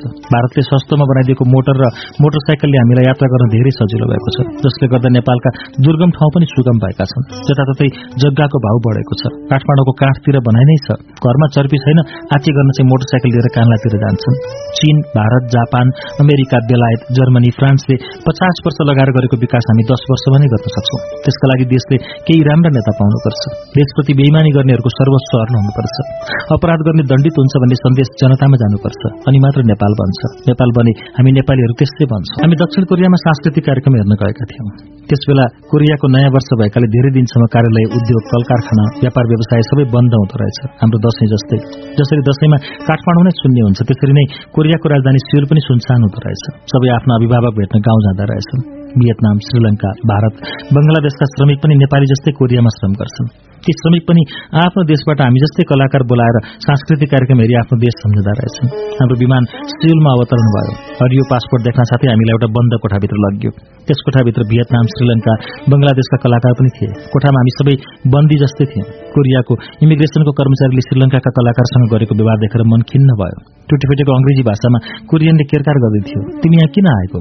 श्रीलङ्कनले जवाफ दियो I am a singer I came here to sing for Sri Lankan people कोरियनले भन्यो हो you are singer you sing song कोरियनले गाउन लगायो। श्रीलङ्कनले टेबल ठटाएर सुरिलो स्वरमा श्रीलङ्कन गीत गायो। शब्द नबुझे पनि गीत सुरिलो लाग्यो हामीलाई। गीत सुन्दा उसमा संगीतको प्रशस्त अभ्यास रहेछ भन्ने सजिलै अनुभव गर्न सकिन्थ्यो। र कोरियनले झर्काउँदै भन्यो ओ no good no good voice you go there ती गायकलाई कोरिया छिर नदी फर्काएर पठाउने समूहमा राख्यो। त्यसपछि अर्की एक महिलालाई सोध्यो तिमी किन आएको? ती महिलाले पनि म गायिका हुँ। म उनकै श्रीमती हुँ भनेर अंग्रेजीमा भनिन्। कोरियनले उसै गरी भन्यो oh singer you sing song उनको पनि स्वर परीक्षा लियो। महिलाले राम्रो आवाजमा गाइन्। उनलाई उसले राम्रो नम्बर दियो। गुड भोइस भनेर उनलाई चाहिँ कोरिया छिर्न दिने समूहमा राख्यो। त्यसपछि एउटा तन्नेरीले म गिटारिस्ट हुँ भने कोरियनले ती केटाका औँला जाँच्यो। गिटार बजाउनेहरूका औँलाको छाला तार थिच्दा थिच्दै कडा भएको हुन्छ भन्दै उसलाई यु वेट यार भनेर त्यहीँ राख्यो। भित्र छिर्न दिने वा नदिने निर्णय गरेन। तिनको औँलाको छाला कडै देखिन्थ्यो सायद उनलाई पछि गिटार बजाउन लगाउने होला। हामी पनि लाइनमा थियौँ। मलाई आत्मग्लानी भयो। बेकार कोरिया आएछु जस्तो पनि लाग्यो। हुन त्यसभन्दा अघि दुईपटक कोरिया आइसकेका थियौँ। त्यतिखेर त्यस्तो गाह्रो भएको थिएन। अब हाम्रो पालो पनि आउँछ अनि सोध्ला त के गर्छस्? मैले मनमन्ने आफैलाई उत्तर दिएँ प्रसन देखाउँछु भन्नुपर्छ। अनि त्यो कोरियनले ल हँसा भन्दा मैले त्यसलाई कसरी हँसाउने होला? कुन भाषा बोलेर हँसाउने होला? हामीसँग गएका कलाकार नरेन्द्र कंसागर भने कोरियनलाई सुनाउन नेपालीमा डायलग भोग्दै थिए। हामीभन्दा पहिले एउटा नेपाली सांस्कृतिक टोली कोरिया गएको रहेछ। त्यस टोलीमा दुईजना नेपालका प्रसिद्ध नायक नायिका पनि रहेछन्। उनीहरूलाई पनि कोरियाको इमिग्रेसनले भित्रसिर नदी एयरपोर्टबाटै नेपाल फिर्ता पठाइदिएको रहेछ। आयोजक नेपालीहरूले कोरियाकै एउटी मानवाधिकार कर्मीलाई इमिग्रेसनमा हामीलाई लिन पठाएका रहेछन्। उनको नाम इरन्जु थियो। उमेरले धेरै ठुली नभए पनि सबै नेपाली इरन्जुलाई दिदी भन्दा रहेछन्। ती कोरियन दिदी त्यहाँ बस्ने श्रमिक नेपालीलाई आपत पर्दा धेरै मद्दत गरिदिरहेछन् एकजना नेपाली महिलालाई पागल भनी वर्षौं कोरियाको जेलमा थुनेको रहेछ। किरन्जुले उनी पागल होइनन् भनी प्रमाणित गरी कोरिया सरकारबाट लाखौं रुपियाँ क्षतिपूर्ति पनि दिलाएका रहेछन्। किरन्जु हामीलाई लिन भित्रैसम्म आएपछि हामीले इमिग्रेसनको कोरियनलाई हँसाउनै परेन। त्यो घटना देख्दा लाग्यो हाम्रो नेपाली पासपोर्टको मात्रै होइन सबै गरिब मुलुकका पासपोर्टको इज्जत हुँदो रहेछ त्यसैले व्यक्ति धनी भएर देशको इज्जत हुँदैन। देश धनी भएपछि मात्र नागरिकको इज्जत हुन्छ। कोरियामा चारवटा प्रहसन प्रदर्शन गर्यौं। नेपालीहरू खुब खुसी भए। हामीलाई उनीहरूले घुमाए। घुमाउने टोलीमा केही भाइहरू थिए भने दुईटी नेपाली बहिनी पनि थिए। ती भाइ बहिनीहरू बीचबीचमा अलि उत्ताउला कुरा पनि गर्थे राम्रा कुरा पनि गर्थे। साँझ खाना खाने ठाउँमा पुगेपछि त बहिनीहरूले आफ्नो लुगाभित्रबाट ससाना रेकर्डर झिक्थे भने मदन दाई र हरिदाईले छाडा कुरा गर्नु होला अनि रेकर्ड गरौँला भनेर माइक फिट गरेर आएको त त्यस्तो केही कुरै गर्नु भएन योजनै विफल भयो। मन ढुक्क फुल्यो। ती बहिनीहरूले बीचबीचमा छाडा कुरा गरेर हामीलाई उक्साएका रहेछन्। हामीले उक्सिएर थप्यौँ भने रेकर्ड गर्ने अनि प्रचार गर्ने सुरु रहेछ। प्रख्यात भएपछि पाइला पाइलामा विचार गरेर हिँड्नुपर्छ बोल्नुपर्छ भनेको यही रहेछ। नेपालीलाई कोरियनले मात्र होइन कहिलेकाहीँ त नेपालीले नै पनि फसाउन खोज्दा रहेछन्। एनआरएनका प्रथम अध्यक्ष उपेन्द्र महतो सायद नेपाली मध्येमा सबैभन्दा सम्पन्न नेपाली हुन्। उनी सधैँ भन्ने गर्छन् म धनी व्यक्ति हुँ आफ्नो देशमा मेरो इज्जत छ तर देश धनी भएको भए विदेशमा पनि मेरो इज्जत बेग्लै हुने थियो। भन्ने गरिन्छ नेपाल धनी छ तर नेपाल गरिब छन्। हाम्रो देशमा भौगोलिक सुन्दरता छ जलस्रोतको विशाल भण्डार छ प्राकृतिक मनोहारीको खानी छ सगरमाथा छ बुद्धको जन्मभूमि छ। यी सम्पदा कुनै पनि मुलुकले जति पैसा खर्च गरे पनि आफ्नो देशमा बनाउँछु भनेर सक्दैन। हाम्रो खोलामा बग्ने पानी सेतो सुन हो सेतो सुन बगिरहेको छ खेर गइरहेको छ तर हामीले सदुपयोग गर्न सकेका छैनौँ। प्रकृतिले नेपाललाई सबै थोक दिएको छ तर राम्रा नेता दिएन देशभक्त नेता दिएन। त्यो देशभक्त नेता पनि दिन्छ प्रकृतिले पक्कै दिन्छ कुनै दिन अनि हाम्रो पनि दिन आउँछ। त्यसपछि त भारतमा मजदुर भएर काम गर्ने जाने नेपाली युवा। बेचिएका चेलीहरूका छोराछोरी काँधमा क्यामेरा झुन्डाएर हवाईजहाजमा उडेर भारतमा टुरिस्ट भई घुम्न जानेछन्। त्यस भारतका स्टार होटलका भारतीय गार्डहरूले नेपालीलाई स्याल्युट गर्नेछन्। देशमा यस्तो नेता पाओस्। असल मान्छेका लागि फूल जस्तो नरम होस् खराब मान्छेका लागि ढुङ्गा भन्दा पनि कडा होस्। अनि त अनुशासित नेपाल अनुशासित नेता अनुशासित जनता। दुई हजार छयालिस सालको आन्दोलनपछि हामी अमेरिका उड्यौं। मदन दाईका हितैषी साथी दिलकृष्ण श्रेष्ठ अमेरिकामा अमेरिकन भाउजूसँगै बस्थे। निकै पहिले एक दिन दिलकृष्ण दाईले हामीलाई भनेका थिए तिमीहरूलाई एकपटक अमेरिका घुमाउन म कोसिस गर्छु। उनको इच्छा पूरा भयो हाम्रो सपना पनि साकार भयो। अहिले त अमेरिका जानु भनेको ठूलो कुरा होइन धेरै कलाकारले उतै घरजम गरिसके तर त्यसबेला अमेरिका जाने ठूलो कुरा थियो। म खुसी र दुखी दुवै थिएँ। श्रीमतीलाई अमेरिका घुमाउने सपना त्यो बेला पूरा गर्न सकिन। सानो छोरो एक वर्षको मात्र थियो ठूलो छोरो चार वर्षको। उनीहरूलाई हेरचाह गर्नुपर्ने भएकाले मिरा जान पाइनन्। यसो त भाउजू हामीसँग जाने टोलीमा हुनुहुन्थ्यो। लक्ष्मीगिरी दिदी पनि अमेरिका जाने हाम्रो टिममा थिए मिरा बिरामी भएर अस्पतालमा बस्दा उनको उनले ठूलो छोरो त्रिलोकलाई आफ्नै घरमा लगेर राखिदिएको गुण मैले अलिकति भए पनि तिर्न सकेँ जस्तो लाग्यो। किनभने त्यो बेला अमेरिका जानेहरूलाई ठूलै आँखाले हेर्थे। हामी अमेरिका उडेको नेपाल टेलिभिजनले त समाचारमै देखाएको थियो अरे। त्यसपटकको अमेरिका यात्रामा हामी वासिङटन स्थित राम मालाकारको घरमा थुप्रै दिन बस्यौं। उनका छोरी ज्वाइँहरू शिला सरोज शान्ति कृष्ण पञ्चले हामीलाई धेरै सहयोग गरेका थिए। मदन दाईको फुपूको छोरा प्रबोध त्यो घरको ज्वाइँ भइसकेको थिएन। लाइट र साउन्डमा उसैले सघायो। नौजनाको टोलीलाई घरमा मालाकार भाउजूले पकाएर खुवाएन। कोलोराडो बसेका शान्ति र श्याम श्रेष्ठले अमेरिकाका धेरैवटा राज्यहरूमा घुमाए हामीलाई। भाडामा लिएको भ्यान चढेर हामी कोलोराडोबाट फ्लोरिडातिर जाँदै थियौँ। राजाराम पौडेल भ्यानभित्रै बसेर कोका कोला पिउँदै थिए। सर के छ? उनी त हिरिक हिरिक भए आँखा पनि पल्टाइसकेका थिए। एकछिन त हामी सबैको साथै गयो। ढाडमा मुड्कीले हान्दा हान्दा बल्ल ठिक भयो। केही गरी भ्यानभित्र यात्रुको मृत्यु भएमा त्यो बेलाको पच्चिस लाख जति नेहरू बिमा बापत आउने रहेछ सन्चो भइसकेपछि जिस्काएर राजु भुजुले भने ए राजाराम मर्या भए त मोज रहेछ नि पच्चिस लाख आउने रहेछ? राजारामले सर्केर राता भएका आँखा कोका कोलाको झोलभन्दा रातो पार्दै भने मरेसी जति पैसा आयो नि के काम? जिउँदो हुँदा आइपो घरमा भाउजू र छोराछोरीले त काम लाग्थ्यो नि। मलाई यस्तो घटिया गरेको मन पर्दैन। भनेर उनले फोरी शब्द पनि बोले। कोलोराडोमा हामी श्याम र शान्ति श्रेष्ठको घरमा बसेका थियौँ। हाम्रो लुगा मैला भएका थिए। ठूलो वासिङ मेसिनमा हामी सबैले आफ्नो लुगा धुन हाल्यौँ। लुगा निकाल्दा त सबैको लुगाको रङ निले भएछ। आफ्नो लुगा चिन्ने गाह्रो भयो। हामी सबै छक्क पर्यौँ ए बा कसरी सबैको लुगा निलो भयो?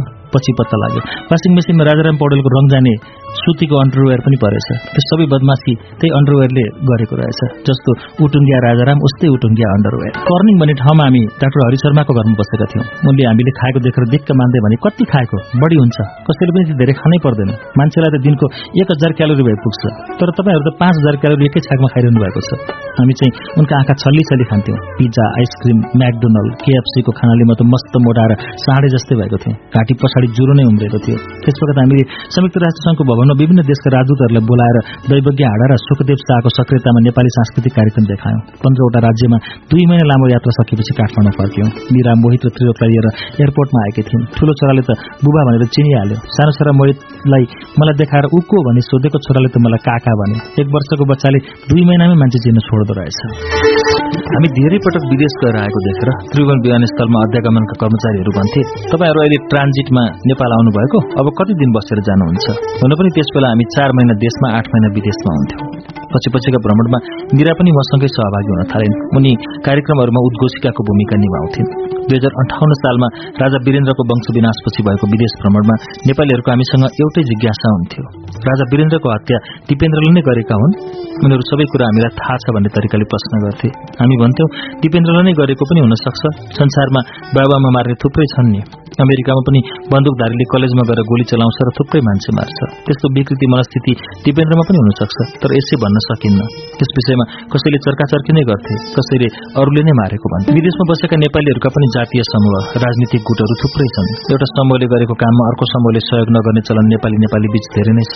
तर आयोजकहरू भन्थे सबैले हेर्न आउने र विरोध नहुने कार्यक्रम चाहिँ म जोडीको मात्र हुन्छ। हामीलाई खुसी लाग्छ सबै क्षेत्र जात जाति भाषा भाषीले माया गरिदिएकोमा। सम्पन्न मुलुकमा स्थायी बसोबास गर्ने नेपालीहरू दुई खाले देखिन्छन्। एक खाले आफ्ना छोराछोरीले नेपाली बोलुन् देशको संस्कृति नबिर्सिउन् भन्छन् र त्यही जन्मेर त्यही पढेका छोराछोरीले नेपाली भाषा बोलेकोमा गर्व गर्छन्। उनीहरू कुनै न कुनै रूपमा नेपाललाई माया गरिरहेका छन्। उदाहरणका लागि अमेरिकाको बोस्टनमा बस्ने रुद्र पाण्डे र मुना पाण्डेलाई लिन सकिन्छ। उनीहरू आफ्ना छोराछोरीहरूसँग नेपालीमा मात्रै कुरा गर्छन् र नेपालमा सफ्टवेयर कम्पनी खोलेर सयौं नेपालीलाई काम दिइरहेका छन्। अमेरिकाकै बाल्टिमोरमा बस्ने लोकगायक प्रेम राजा महत विदेश जाने नेपालीहरूको लागि अभिभावककै भएर सहयोग गर्छन्। उनको घरलाई सबैले नेपाली हाउस भन्छन्। अरू नेपालीहरू पनि नेपाललाई अत्यन्त माया गर्छन् र नेपाल भएकोमा गर्व गर्छन्। धेरै नेपालीले आफ्नो घरमा नेपालको राष्ट्रिय झण्डा फहराएका छन्। झण्डालाई छोएर आएको हावाले आफूलाई छुँदा नेपालले नै छोए जस्तो गर्वको महसुस गर्छन्। तर त्यहाँ अर्का खाले नेपाली पनि छन् जो आफ्ना छोराछोरीले नेपाली बोल्न नजानेकामा गर्व गर्छन्। विदेश गएको भोलिपल्टदेखि नै नेपाललाई गाली गर्न थाल्छन्। नेपालमा भएको धुलो धुवाको कुरा गर्छन् र आफू बसेको देशको सड़क भौतिक संरचना गाडी घर आदिको प्रशंसा गर्छन्। कतिलाई त मैले अनुरोध गर्दै भने देशलाई गाली नगर्नुहोस् न। बरु नेतालाई गाली गर्नुहोस् हामीलाई गाली गर्नुहोस्। देशको त बडा के गल्ती छ र? त्यही धुलो धुवा भएको देशमा तपाईँ जन्मनु भयो तपाईँका बाबुआमा त्यहीँ बसिरहनु भएको छ होला। फेरि यो देशको बाटोघाटो भौतिक संरचना र यहाँ भएको विकासबारे के धाक लगाउनुहुन्छ? यहाँको सड़क यातायात विकासमा तपाईँको के योगदान छ? होइन यहाँको विकास मन्त्रालयले नै गरेको ठान्नुहुन्छ कि क्या हो? तपाईँ त यो मुलुक सम्पन्न भएको देखेर आएर बस्नु भएको हो। कृपया नेपाललाई गाली नगरिदिनु होला। मान्छे जहाँ अवसर हुन्छ त्यहाँ पुग्छ। नेपाली मात्र होइन चिनिया पनि अमेरिका अस्ट्रेलिया पुगेका छन्। भारतीयहरू पनि धेरै मुलुक पुगेका छन्। हिजो आज अमेरिकीहरू चीनमा काम गर्न पुगेका छन्। नेपालीहरू पनि अवसरको खोजी गर्न विदेश हुनु भनेको नेपालकै प्रगति हो। विदेशमा बस्ने नेपालीबाट नेपाललाई संसारमा चिनाउने काम भएको छ। विदेशमा बस्ने नेपालीको नाम जेसुकै होस् जात जेसुकै होस् नाम र जातले त्यहाँ बस्नेहरूले चिन्दैनन्। जेसुकै नाम थर भएको नेपालीले राम्रो काम गरे पनि नेपालीले गर्यो भनेर चिनिन्छ। नराम्रो काम गरे पनि नेपालीले गरेको भन्ने थाहा हुन्छ। एकपटक वासिङटनको एउटा सुन्दर हलमा हाम्रो कार्यक्रम थियो। त्यस हलमा ओछ्याइएको हरियो कार्पेटमा कार्यक्रम हेर्ने नेपालीले समोसा खाँदा खसाएछ। भुइँमा खसेको समोसा खुट्टाले कुल्चँदै कार्पेटमा टाँसिएछ। भोलिपल्ट त त्यस हलको प्रशासनले अबदेखि नेपालीलाई हल भाडामा नदिने भनेर निर्णय गरे लन्डनको एउटा हलमा नेपाली सांस्कृतिक कार्यक्रम हुने गर्थ्यो। पछि त्यहाँको नगरपालिकाले हललाई चिठी पठाएछ। अब नेपाली कार्यक्रमलाई हात नदिनु।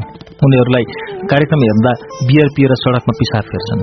हलमा कसले समस्या खायो होला? सड़कमा कसले बियर पिरेर पिसाब फेर्यो होला? त्यहाँ त सबै नेपाली मात्र भनेर चिने। नेपालीहरूका राजनीतिक जातीय सांस्कृतिक थुप्रै संगठन खुलेका छन्। अनि त्यो संगठनमा नेपालीहरू नै अध्यक्ष उपाध्यक्ष सचिव भएका हुन्छन्। उनीहरूको अवधि केही वर्षको हुन्छ। त्यसपछि अध्यक्ष आदिको पदमा अर्कै नेपाली आउँछ। अनि पहिलेको अध्यक्षले फेरि अध्यक्ष हुन अर्को संस्था खोलिहाल्छ। अध्यक्ष उपाध्यक्ष हुने रोग नेपालीहरूमा धेरै लागेको छ। विदेशमा खुलेका राजनीतिक संगठनले पनि बेला बेला रकम संकलन गरेर नेपालको माओ राजनीतिक पार्टीलाई पठाउने गर्छन्। अनि उनीहरू नेपालका मन्त्री प्रधानमन्त्रीसँग सिधै फोनमा कुरा गर्न सक्छन्। कोही कोही त नेपालको राजनीति नै हामीले विदेशबाट चलाइरहेका छौं भन्ने ठान्छन्। खाडी मुलुकमा काम गर्ने नेपालीहरू कसै कसैले धेरै दुःख पाएका छन्। एकपटक मलेसियामा नेपाली कामदार बस्ने ठाउँमा हेर्न जाने मौका पायौं एउटा सानो हल जस्तोमा सयौं नेपाली सुत्ता रहेछन्। तीन तले खाट हुँदो रहेछ। माथि सुत्नेले खाटमा भएको भर्याङ उक्लेर माथि पुग्नु पर्दो रहेछ। उसको बैठक बेडरूम स्टोर पूजा कोठा सबै त्यही एउटा खाट हो। त्यो दृश्य देख्दा आँखाबाट आँसु झर्यो त्यही खाटमा एउटा क्यासेट प्लेयर पनि हुँदो रहेछ। नेपाली गीत संगीतका सिडी अनि हाम्रा प्रहसनका सिडी क्यासेट पनि देख्यौं। खाटैमा नेपाली हिरो हिरोइनका फोटा आमा बुबाका फोटा पनि टाँसेका रहेछन्। कतिवटा खाटमा हाम्रो फोटो पनि टाँसेको देख्यौं। उनीहरूले आफूलाई म्यान पावरले ठगेको साहुले शोषण गरेको कुरा सुनाउँदा आँखाबाट आँसु झारे। भन्थे छोडेर नेपाल जाउँ भने पनि पासपोर्ट साहुले राखेको हुन्छ। उनीहरू ठान्छन् हामी उनीहरूको समस्या समाधान गरिदिन सक्छौ। त्यसैले भन्छन् हाम्रो समस्या नेपाल सरकारलाई भनिदिनु होला। तर सबै ठाउँमा त्यस्तो स्थिति छैन। राम्रै कमाएर राम्रै ठाउँमा सुतेर राम्रै खाएर बसेका पनि देख्यौं। कतिले त कमाए जति पैसा त्यहाँका केटीहरूका लागि खर्च गर्दा रहेछन् हातमा लाग्यो सुन्ने। खाडी मुलुकमा श्रम गर्न गएका नेपाली नेपाल फर्कन्छन् अनि घर मर्मत गर्छन् छाना फेर्छन् नयाँ लुगा टेलिभिजन किन्छन् दुःख गरेर बचाएको थोरै पैसा सकिन्छ नै विदेशबाट कमाएर ल्याएको पैसा नेपालमा केही आयमूलक काममा लगाएर त्यसमा थप्दै लगे आत्मनिर्भर हुनुपर्ने थियो। तर उत्पादनमूलक काममा लगानी गर्न जानेकै छैनन् धेरैले देशले सिकाउन पनि सकेको छैन। वैदेशिक रोजगारीले नेपाललाई एउटा भयावह स्थितिबाट बचाइदिएको छ। नेपालका लाखौं युवा रोजगारीका लागि विदेश गएका छन्। नेपालको अर्थतन्त्र नै रेमिटेन्सले जानेको छ। यसरी दशौं लाख युवा वैदेशिक रोजगारीमा संलग्न नभएको भए हाम्रो देशको दश वर्ष युद्धमा विद्रोहीहरूले अझ धेरै युवालाई आफ्नो सेनामा लाने थिए र अझ धेरै मानिस मारिने थिए। मैले एनआरएनका अध्यक्ष जीवा लामिछानेसँग खाडीमा श्रम गरेर कमाएको रकम नेपालको जलविद्युतमा लगानी गर्न सके उनीहरूले त्यसको शेयर दीर्घकालीन रूपमा प्राप्त गरिरहन्थे भन्दा जीवाजीले म त्यो गर्ने कोसिस गर्दैछु दाई भनेका थिए। अनि त्यसतर्फ केही गर्दै होलान् कि? विदेशमा कार्यक्रम गर्न जाँदा नेपाली दाजुभाइ दिदीबहिनीलाई माइकबाटै भन्ने गर्छु। तपाईँहरू काम गर्न आउनुभएको होइन। कलेज युनिभर्सिटीमा पढ्न सिप सिक्न आएको ठान्नुहोला। यहाँ तपाईँहरूले सिप सिकिरहनु भएको छ। यहाँ सिकेको सिप नेपालमा गएर प्रयोग गर्नुहोस् अनि अरूलाई पनि सिकाउनुहोस्। देशलाई सम्पन्न बनाउनुहोस्। हामी पछिका पुस्ताले विदेशमा आएर जोखिमपूर्ण काम गर्नु नपरोस्। हिजो आज हाम्रो कार्यक्रम विदेशतिर त्यति हुन सकेको छैन। एउटा आफ्नै घरायसी परिस्थितिले दोस्रो हिजो आज हरेकको हात हातमा क्यामेरा मोबाइल हुन्छ। दर्शकहरू हाम्रो कार्यक्रम हेर्छन् हेरेर मात्र पुग्दैन क्यामेराले खिच्छन् खिचेर मात्रै राख्ने पनि होइन युट्युबमा पनि राखिदिन्छन्। अनि मान्छेको हलमा हेर्नुको सट्टा युट्युबमै हेर्छन्। क्यासेट सिडी किन्नुको सट्टा युट्युबमै हेर्छन् सुन्छन्। हरेक प्रदर्शनमा नयाँ नयाँ कार्यक्रम देखाउन सकिँदैन। हामीलाई एउटा आधी घण्टाको एक घण्टाको कार्यक्रम तयार पार्न दुईजनाले एक एक महिना टाउकोमा ठकाउनुपर्छ। तर हिजो आज हामीलाई युट्युबले ठगेको छ। नेपाली दाइजु भाइहरूले पनि यो मर्का नबुझी कार्यक्रम खिचेर युट्युबमा राखिदिँदा चित्त दुखेर आउँछ। गाई घरपालुवा जनावर हो भने मान्छे सामाजिक जनावर। गाईलाई जसले घरपालुवा बनाएर राखेको हुन्छ उसले भुस कुँडो घाँस दाना दिएर पालेको हुन्छ। त्यस्तै मान्छेलाई पनि समाजले काम दाम प्रतिष्ठा दिएर पालेको हुन्छ। त्यसमाथि पनि यो कलाकारिता क्षेत्र त समाजसँग पूरै निर्भर हुनुपर्ने पेसा हो। समाजभित्र शुभचिन्तक नातागोता रोजगारदाता सबै पर्छन्। त्यसैले हाम्रो पेसा पनि समाजमै निर्भर रहन्छ। समाजलाई महत्व नदिई हाम्रो काम अगाडि बढ्न सक्दैन। समाजको सहयोग बिना हामी कार्यक्रम बनाउन सक्दैनौं। हाम्रा सांस्कृतिक कार्यक्रमको आयोजनामा धेरै व्यक्ति सामाजिक संस्था समावेश भएका हुन्छन्। अझ विदेशमा कार्यक्रम गर्दा त धेरै व्यक्ति सामाजिक संस्था लागि परेका हुन्छन्। विदेशमा टाढाको मान्छे पनि नजिकको हुन्छ। विदेश जाँदा त्यहाँ बसिरहेका नेपाली दिदीबहिनी हामीलाई माइतीतिरको मान्छे आएको जस्तो भावना व्यक्त गर्छन् भने दाजुभाइहरू नेपालबाट काका दाई भाइ आएकै जस्तो व्यवहार गर्छन्। नेपालमा चिनेका कति मान्छे धेरै वर्षसम्म भेटिँदैनन् देखिँदैनन्। त्यो मान्छे पनि यो संसारमा छ भन्ने मानसपटलबाट हराइसकेको हुन्छ। त्यस्ता मान्छेहरू कति अमेरिका अस्ट्रेलिया युरोपीय देश जापान कोरियातिर भेटिन्छन् अनि झसङ्ग भइन्छ। यो मान्छे पनि छ है यो संसारमा भनेर मानसपटलबाट हटिसकेको। चेतनाले बिर्सिसकेको मान्छेलाई फेरि भेट्न पाउँदा अचम्म लाग्छ। त्यो अचम्ममा सबैभन्दा धेरै खुसीको मात्र हुन्छ। विदेश पुग्दा घर घरबाट लन्च र डिनरको निम्तो आउँछ। पचास सय किलोमिटर टाढाबाट लिन आउँछन् नेपाली दाजुभाइ दिदीबहिनीहरू। खुवाउँछन् पियाउँछन् अनि जहाँबाट ल्याएको हो त्यहीँ पुर्याउँछन्। भनिन्छ विदेशमा पैसा भन्दा समय महँगो हुन्छ अरे त्यस्तो महँगो समय हाम्रो लागि त्याग गरेका हुन्छन्। त्यो अपार सद्भाव माया जीवनमा बिर्सनै सकिँदैन तर बिर्सन नसक्दा नसक्दै पनि कहिलेकाहीँ बिर्सिँदो रहेछ। संसारका धेरैवटा देश गयौं। धेरै नेपालीको घरमा बस्यौं खायौं सुत्यौं सुख दुःखका कुरा गर्यौं जोड्यो भने सयौं घर हजारौं व्यक्ति भइसकेका छन्। त्यत्रा मान्छेलाई सम्झँदा सम्झँदै पनि सम्झन सकिँदो रहेनछ। कसैलाई चार वर्षपछि भेटेला कसैलाई कति वर्षपछि पाँच सात वर्षमा मान्छेको रूप फेरिसकेको हुन्छ। कोही मोटाएका हुन्छन् कोही झन मोटाएका हुन्छन्। कसैको कपाल झरिसकेको हुन्छ। कसैको नक्कली कपाल विग हालिसकेका हुन्छन्। कसैले कपाल फुलिसकेको हुन्छ। कसैको कपाल फुलेर रंगाएका हुन् चिनी साथीहरू छुट्टी मिलाएर नेपाल आउँदा यहीँ भेटिन्छन्। अनि सोध्छन् चिन्नुभयो दोधारमा पर्दै भन्छौं। कहाँ चिने चिने जस्तो लाग्छ? खै कहाँ चिनेको? जर्मनीमा हो कि जापानमा हो? अमेरिका हो कि अस्ट्रेलियातिर हो? न बेल्जियम पो हो कि? खै कता हो कता चिने चिने जस्तो लाग्छ। त्यसपछि त बिचराहरू मन दुखाउँदै भन्छन् फलानु ठाउँमा चिनेको हामीले। यति सालमा तपाईँहरूको कार्यक्रम आयोजना गरेको। तपाईँहरू मेरो घरमा पनि पुग्नु भएको छ। कसैलाई त्यति भन्ना साथै चिनिन्छ। कसैलाई नचिने पनि मन नदुखाउन् भनेर ए अँ भन्छौं। उनीहरूको घरमा खाएका हुन्छौं बसेका हुन्छौं। उनीहरू सोच्लान् हामीलाई पनि घरमा एक छा खान बोलाउँछन् कि? उनीहरूले हामीलाई सयौं किलोमिटरको यात्रा गराएर घुमाएका हुन्छन्। उनीहरू आशा गर्लान् हामीलाई पनि यिनीहरूले कतै घुमाउन लान्छन् कि? यो सोचाइ आउनु एकदमै स्वाभाविक हो। तर हामी दुईले विदेशबाट छुट्टीमा नेपाल आउने सयौं परिवारलाई बोलाउन खुवाउन घुमाउन गाह्रो हुन्छ। साध्य पनि हुँदैन। त्यही पनि ज्यादै आत्मीयता भएका सम्पर्कमा रहिरहने साथीभाइलाई बेला बेला आतिथ्यता दिइन्छ नै एकपटक म मेरो घट्टेकुलोको घरको छतमा बसिरहेको थिएँ। नजिकै छिमेकीको घरमा एउटा परिवार भाडामा बस्न आएको रहेछ। मलाई छिमेकीको छतबाट एकजनाले कराएर भने ए हरिवंशजी मलाई चिन्नुभयो मैले चिन्न सकिनँ र भने खै चिने चिने जस्तो लाग्छ। उनले भने मेरो घरमा भात खाएर मलाई नै नचिन्ने। मैले हजारौंको घरमा भात खाइसकेको छु। अब यो कुन चाहिँ घरको भात हो भन्नै सकिनँ। पछि कुरा गर्दै जाँदा उनी गोपालराज मैनालीका साथी रहेछन्। नेपालगञ्ज गएको बेला गोपालराज मैनालीलाई बोलाउँदा हामीलाई पनि त्यही नाताले बोलाएका रहेछन्। हामीले पनि मिठो मिठो खाएका रहेछौँ। उनीसँगै कौशीमा बसेको जवान छोरो हामी उनको घरमा भात खान जाँदा सानै थियो अरे। हामीले उनीहरूसँग बसेर फोटो पनि खिचेका रहेछौँ। हामीले बिर्से पनि उनले सम्झिरहनु स्वाभाविक हो। त्यस्तै अर्को एक दिन म रत्न पार्कमा हिँडिरहेको थिएँ। एकजना व्यक्तिले हात मिलाउँदै भने ए हरिवंशजी कता? चिन्नुभयो मैले पनि भने खै मैले ठम्याउन सकिनँ ठ्याक्कै तर चिनाइ चिनाइ जस्तो लाग्छ। मिलाइरहेको हात झड्काएर फुस्काए। ठूलो स्वरले रिसाउँदै भने भइगयो। त्यसपछि उनी हिँडे। मलाई मसँग एउटा व्यक्ति रिसाएकाले रमाइलो लाग्यो। धेरै बेरसम्म सम्झन खोजेँ।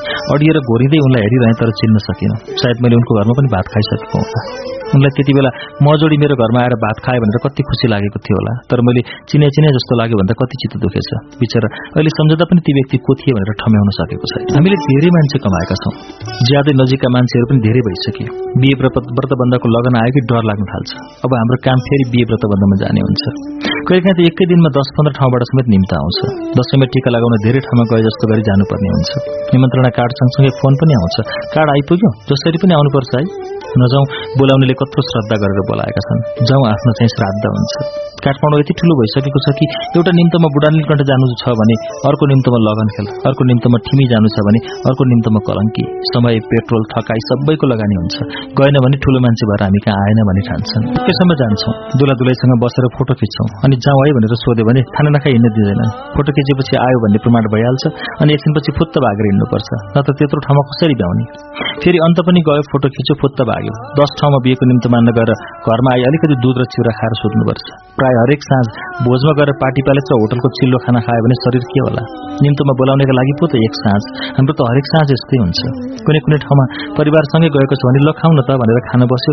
स्टिल क्यामेरा भिडियो क्यामेरा मोबाइलका क्यामेराहरू आफूतिरै तिर्सिन्छन्। पुलाउ कति हाल्यो मासु कति टुक्रा राख्यो भनेर सबै क्यामेराले रेकर्ड राख्छन्। लाइन बसेर खाना हाल्दा खाना देखेर घुटुक्क थुक्नेलेको पनि क्लोजअपमा खिचेको हुन्छ। चपाएको निलेको सबै प्रमाण क्यामेराले कैद गरेर राखेको हुन्छ। साह्रै अप्ठ्यारो र लाज पो लागेर आउँछ। व्यस्त कलाकारहरूले पिए राख्ने चलन छ तर हाम्रो पिए हामी नै हौ। पिए राखेर जीवनभर तलब दिन सके राख्नु ठिकै होला तर भोलि तलब दिन सकिएन भने झनै लाज मर्नुहुन्छ। नेपालको अव्यवस्थित बजार र अस्थिर राजनीतिले कलाकारहरूको पारिश्रमिक बढ्नुको साटो दिन प्रतिदिन घट्दै गएको छ। सबै आफ्नो कुरा आफै सम्झनलाई गाह्रै भइरहेको छ। धेरै समारोहबाट निम्त आउने भएकाले कहाँ गइन्छ कहीँ छोड्छ कति ठाउँमा भ्याइँदैन। धेरै वर्ष अघिको कुरा। मदन दाई र मैले एक एकवटा सेकेन्ड ह्यान्ड मोटरसाइकल किन्यौँ। हामीले हाम्रा ससाना दुई छोराछोरी एउटालाई अगाडि पेट्रोल ट्याङ्कीमा अर्कोलाई बिचमा र पछाडि श्रीमतीलाई राखेर हिँड्नु पर्थ्यो। त्यसबेला मोटरसाइकल चलाउनेको पनि राम्रै इज्जत थियो। कति त अहिले पनि जिउमा टाइसुट टाउकोमा हेलमेट लगाएर अगाडि पछाडि बच्चा बिचमा श्रीमती राखेर ब्रिय बच्चा बदनामा जान्छन्। एकपल्ट ट्राफिकले मोटरसाइकलको पछाडि बस्नलाई पनि हेलमेट लगाउन अनिवार्य गरेपछि आइमाईहरू राम्रो सारी घाँटीभरि झलझलाउँदो गहना र टाउकोमा चाहिँ हेलमेट लगाएर मोटरसाइकलको पछाडि बसी भोजमा जान्थे। त्यसरी हेलमेटले थिचिएर आइमाईहरूको कपाल प्याच्च हुन्थ्यो। जुरो हेलमेटमा अड्दैन थियो। हिजो आज मोटरसाइकल पछाडि बस्नलाई हेलमेट अनिवार्य नगरेपछि भोज जाने मध्यम वर्गका महिलाहरूलाई धेरै ठूलो राहत भएको छ।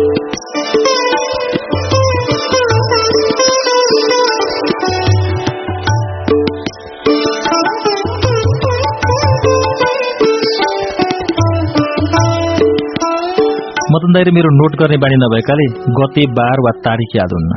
एकपटक पन्ध्र गति टेलिफिल्मकी एडिटर रोशना तुलाधरको बिहेमा हामी दुवैजना मोटरसाइकल चढेर गयौं। दुलैको घर पुग्दा त भोज खान टाँगीको पाल धमाधम लडाउँदै रहेछन्।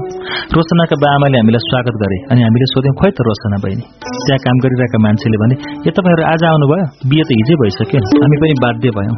ए हामीले त आज भन् ठानेको ल बहिनीलाई यो प्रेजेन्ट दिनु है। हामी हिँड्न थाल्यौं। ल नखाइकन कहाँ जाने? खानु पर्यो नि भनेर माथि लगी छाडे। खाना खाँदै थियौँ।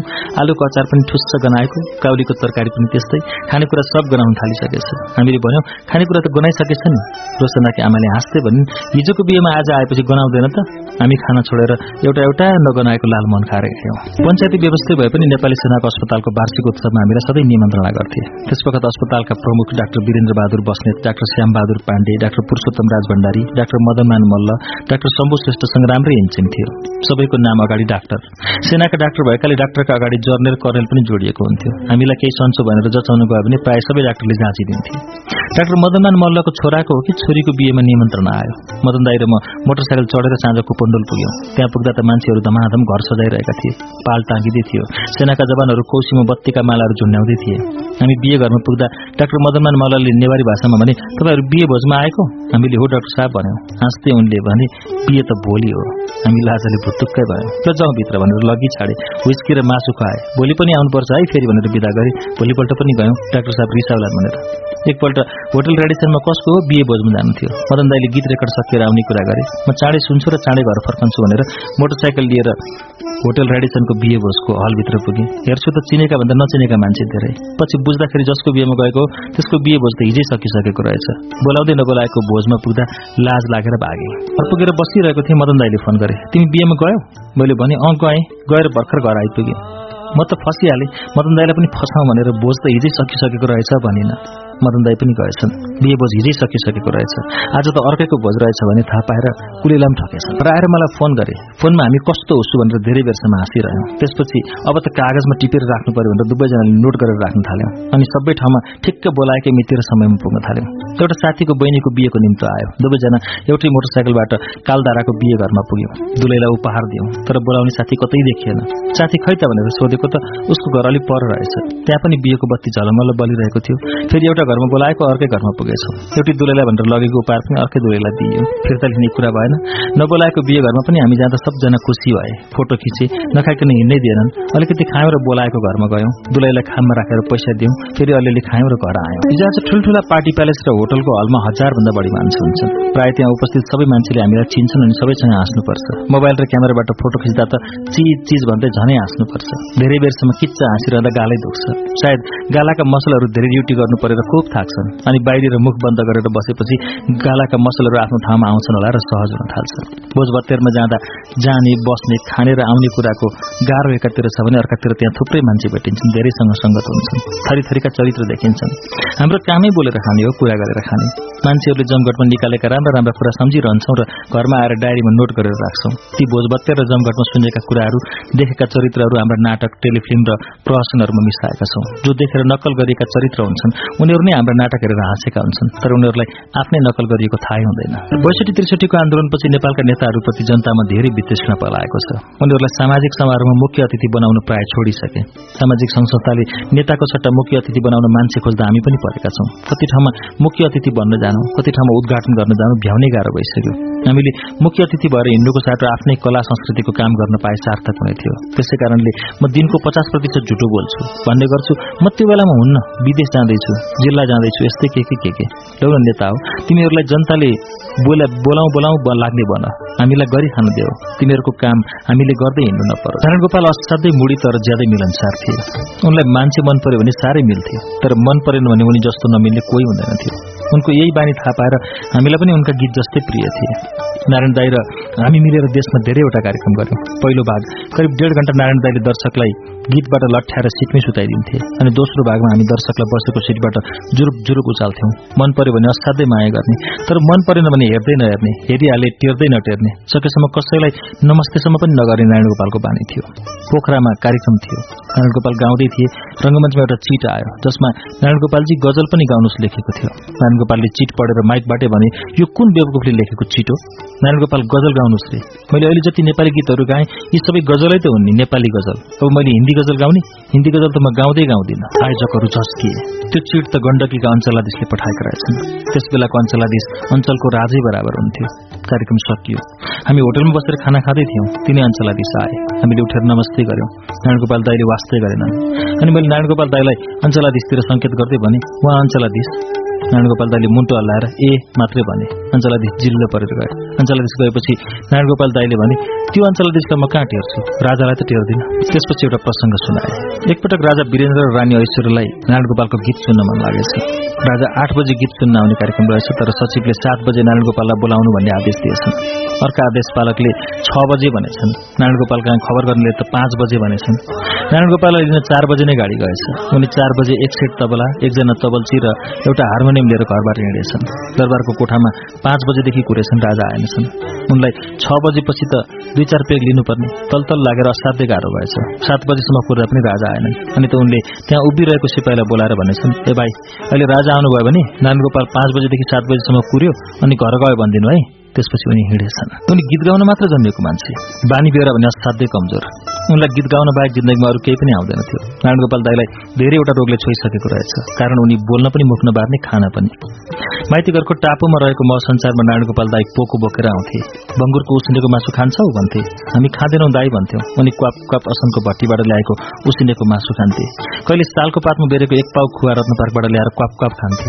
घरमा पेमाला भाउजू शरीरका लागि जे पाए त्यो खानु हुँदैन भन्नुहुँदो रहेछ। तर उनी खानाको सोखिन बाहिरै खाएर भए पनि सोख पूरा गर्थे। दुई हजार छयालिस सालमा प्रजातन्त्र आयो। प्रजातन्त्र सँगसँगै नारायण गोपाल दाई बिरामी पर्न थाले। गणेशमान सिंह कृष्ण प्रसाद भट्टराई अस्पतालमा नारायण दाईलाई भेट्न गए। रेडियो टेलिभिजनले समाचारमा उनको स्वास्थ्य अवस्था प्रसारण गरे। त्यसपछि उनको स्वास्थ्य स्थिति झन्झन बिग्रिँदै गएछ। वीर अस्पतालबाट मिडियालाई प्रत्येक दिन मेडिकल बुलेटिन दिइन्थ्यो। त्यसअघि मिडियाले कुनै पनि कलाकार बिरामी पर्दा त्यस्तो महत्व दिएको थिएन।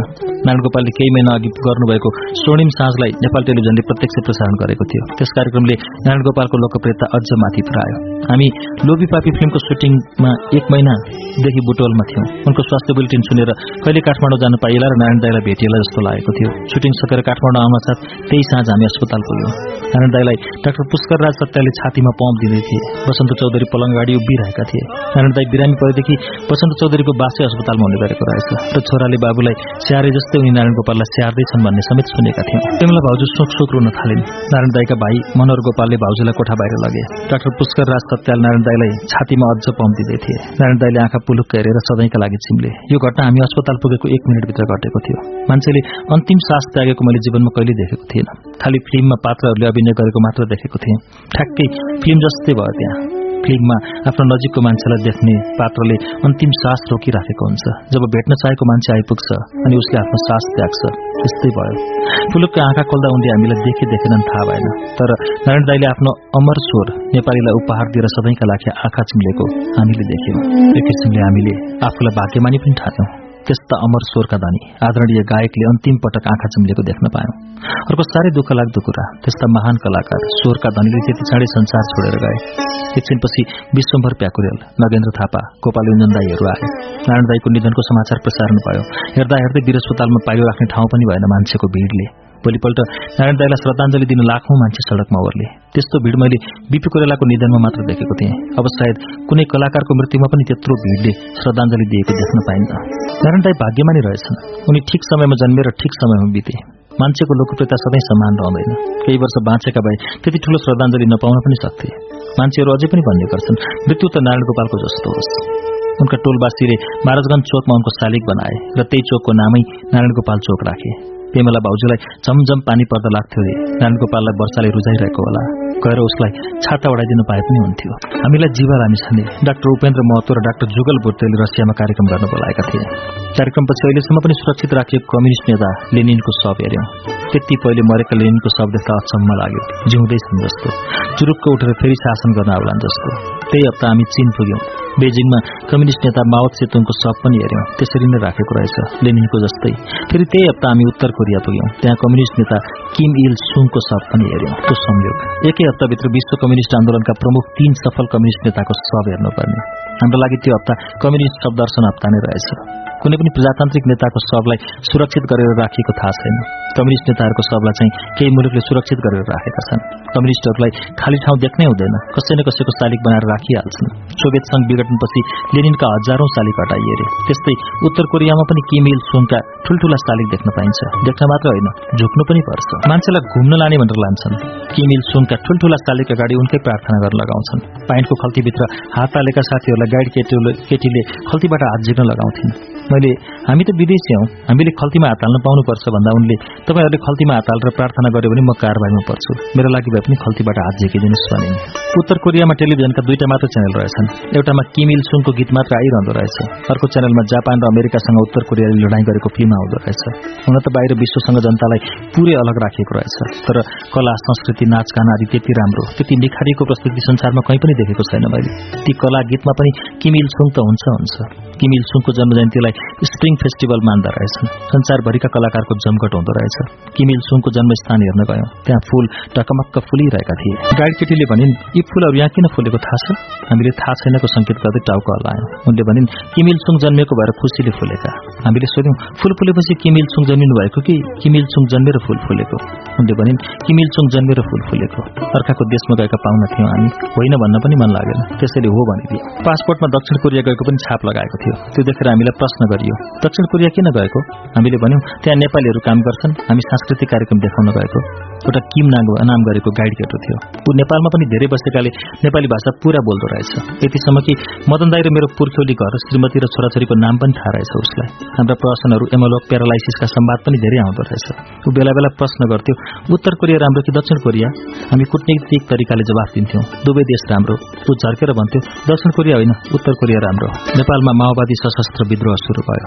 मदन दाई र मलाई भेट्न कृष्णध्वज खड्का भूमिगत रूपमै हाम्रो अफिसमा आए। र भने तपाईँहरू पनि हाम्रो जनयुद्धलाई साथ दिनुहोस्। मलाई हाइकमान्डबाट तपाईँहरूको समर्थन लिनका लागि कुरा गर्न पठाइएको।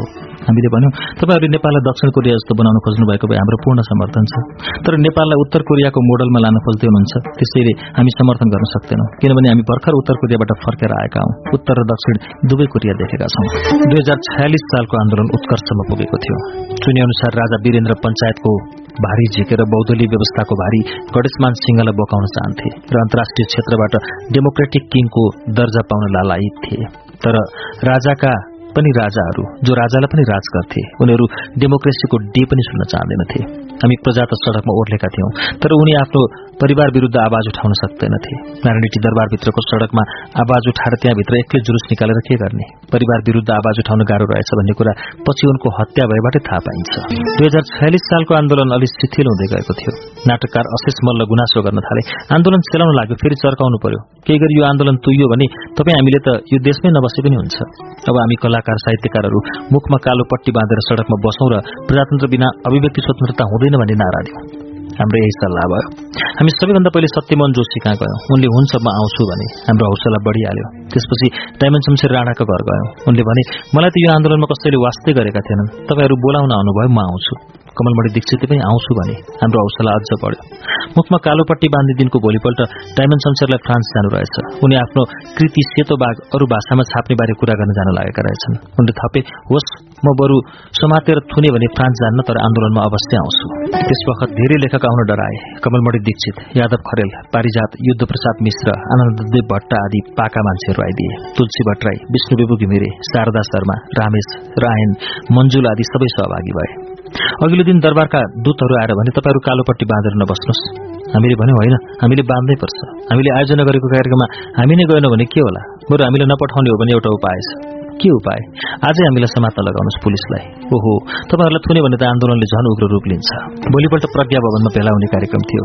त्यो थाहा पाएर अघिल्लै दिन प्रज्ञा भवनलाई सिल गरेर वरिपरि प्रहरीले घेरेछ तर पहिले नै हामीले प्रज्ञा भवनको विकल्प पनि सोचिसकेका थियौँ। मुख्य मुख्य मान्छेलाई पनि भनिसकेका थियौँ।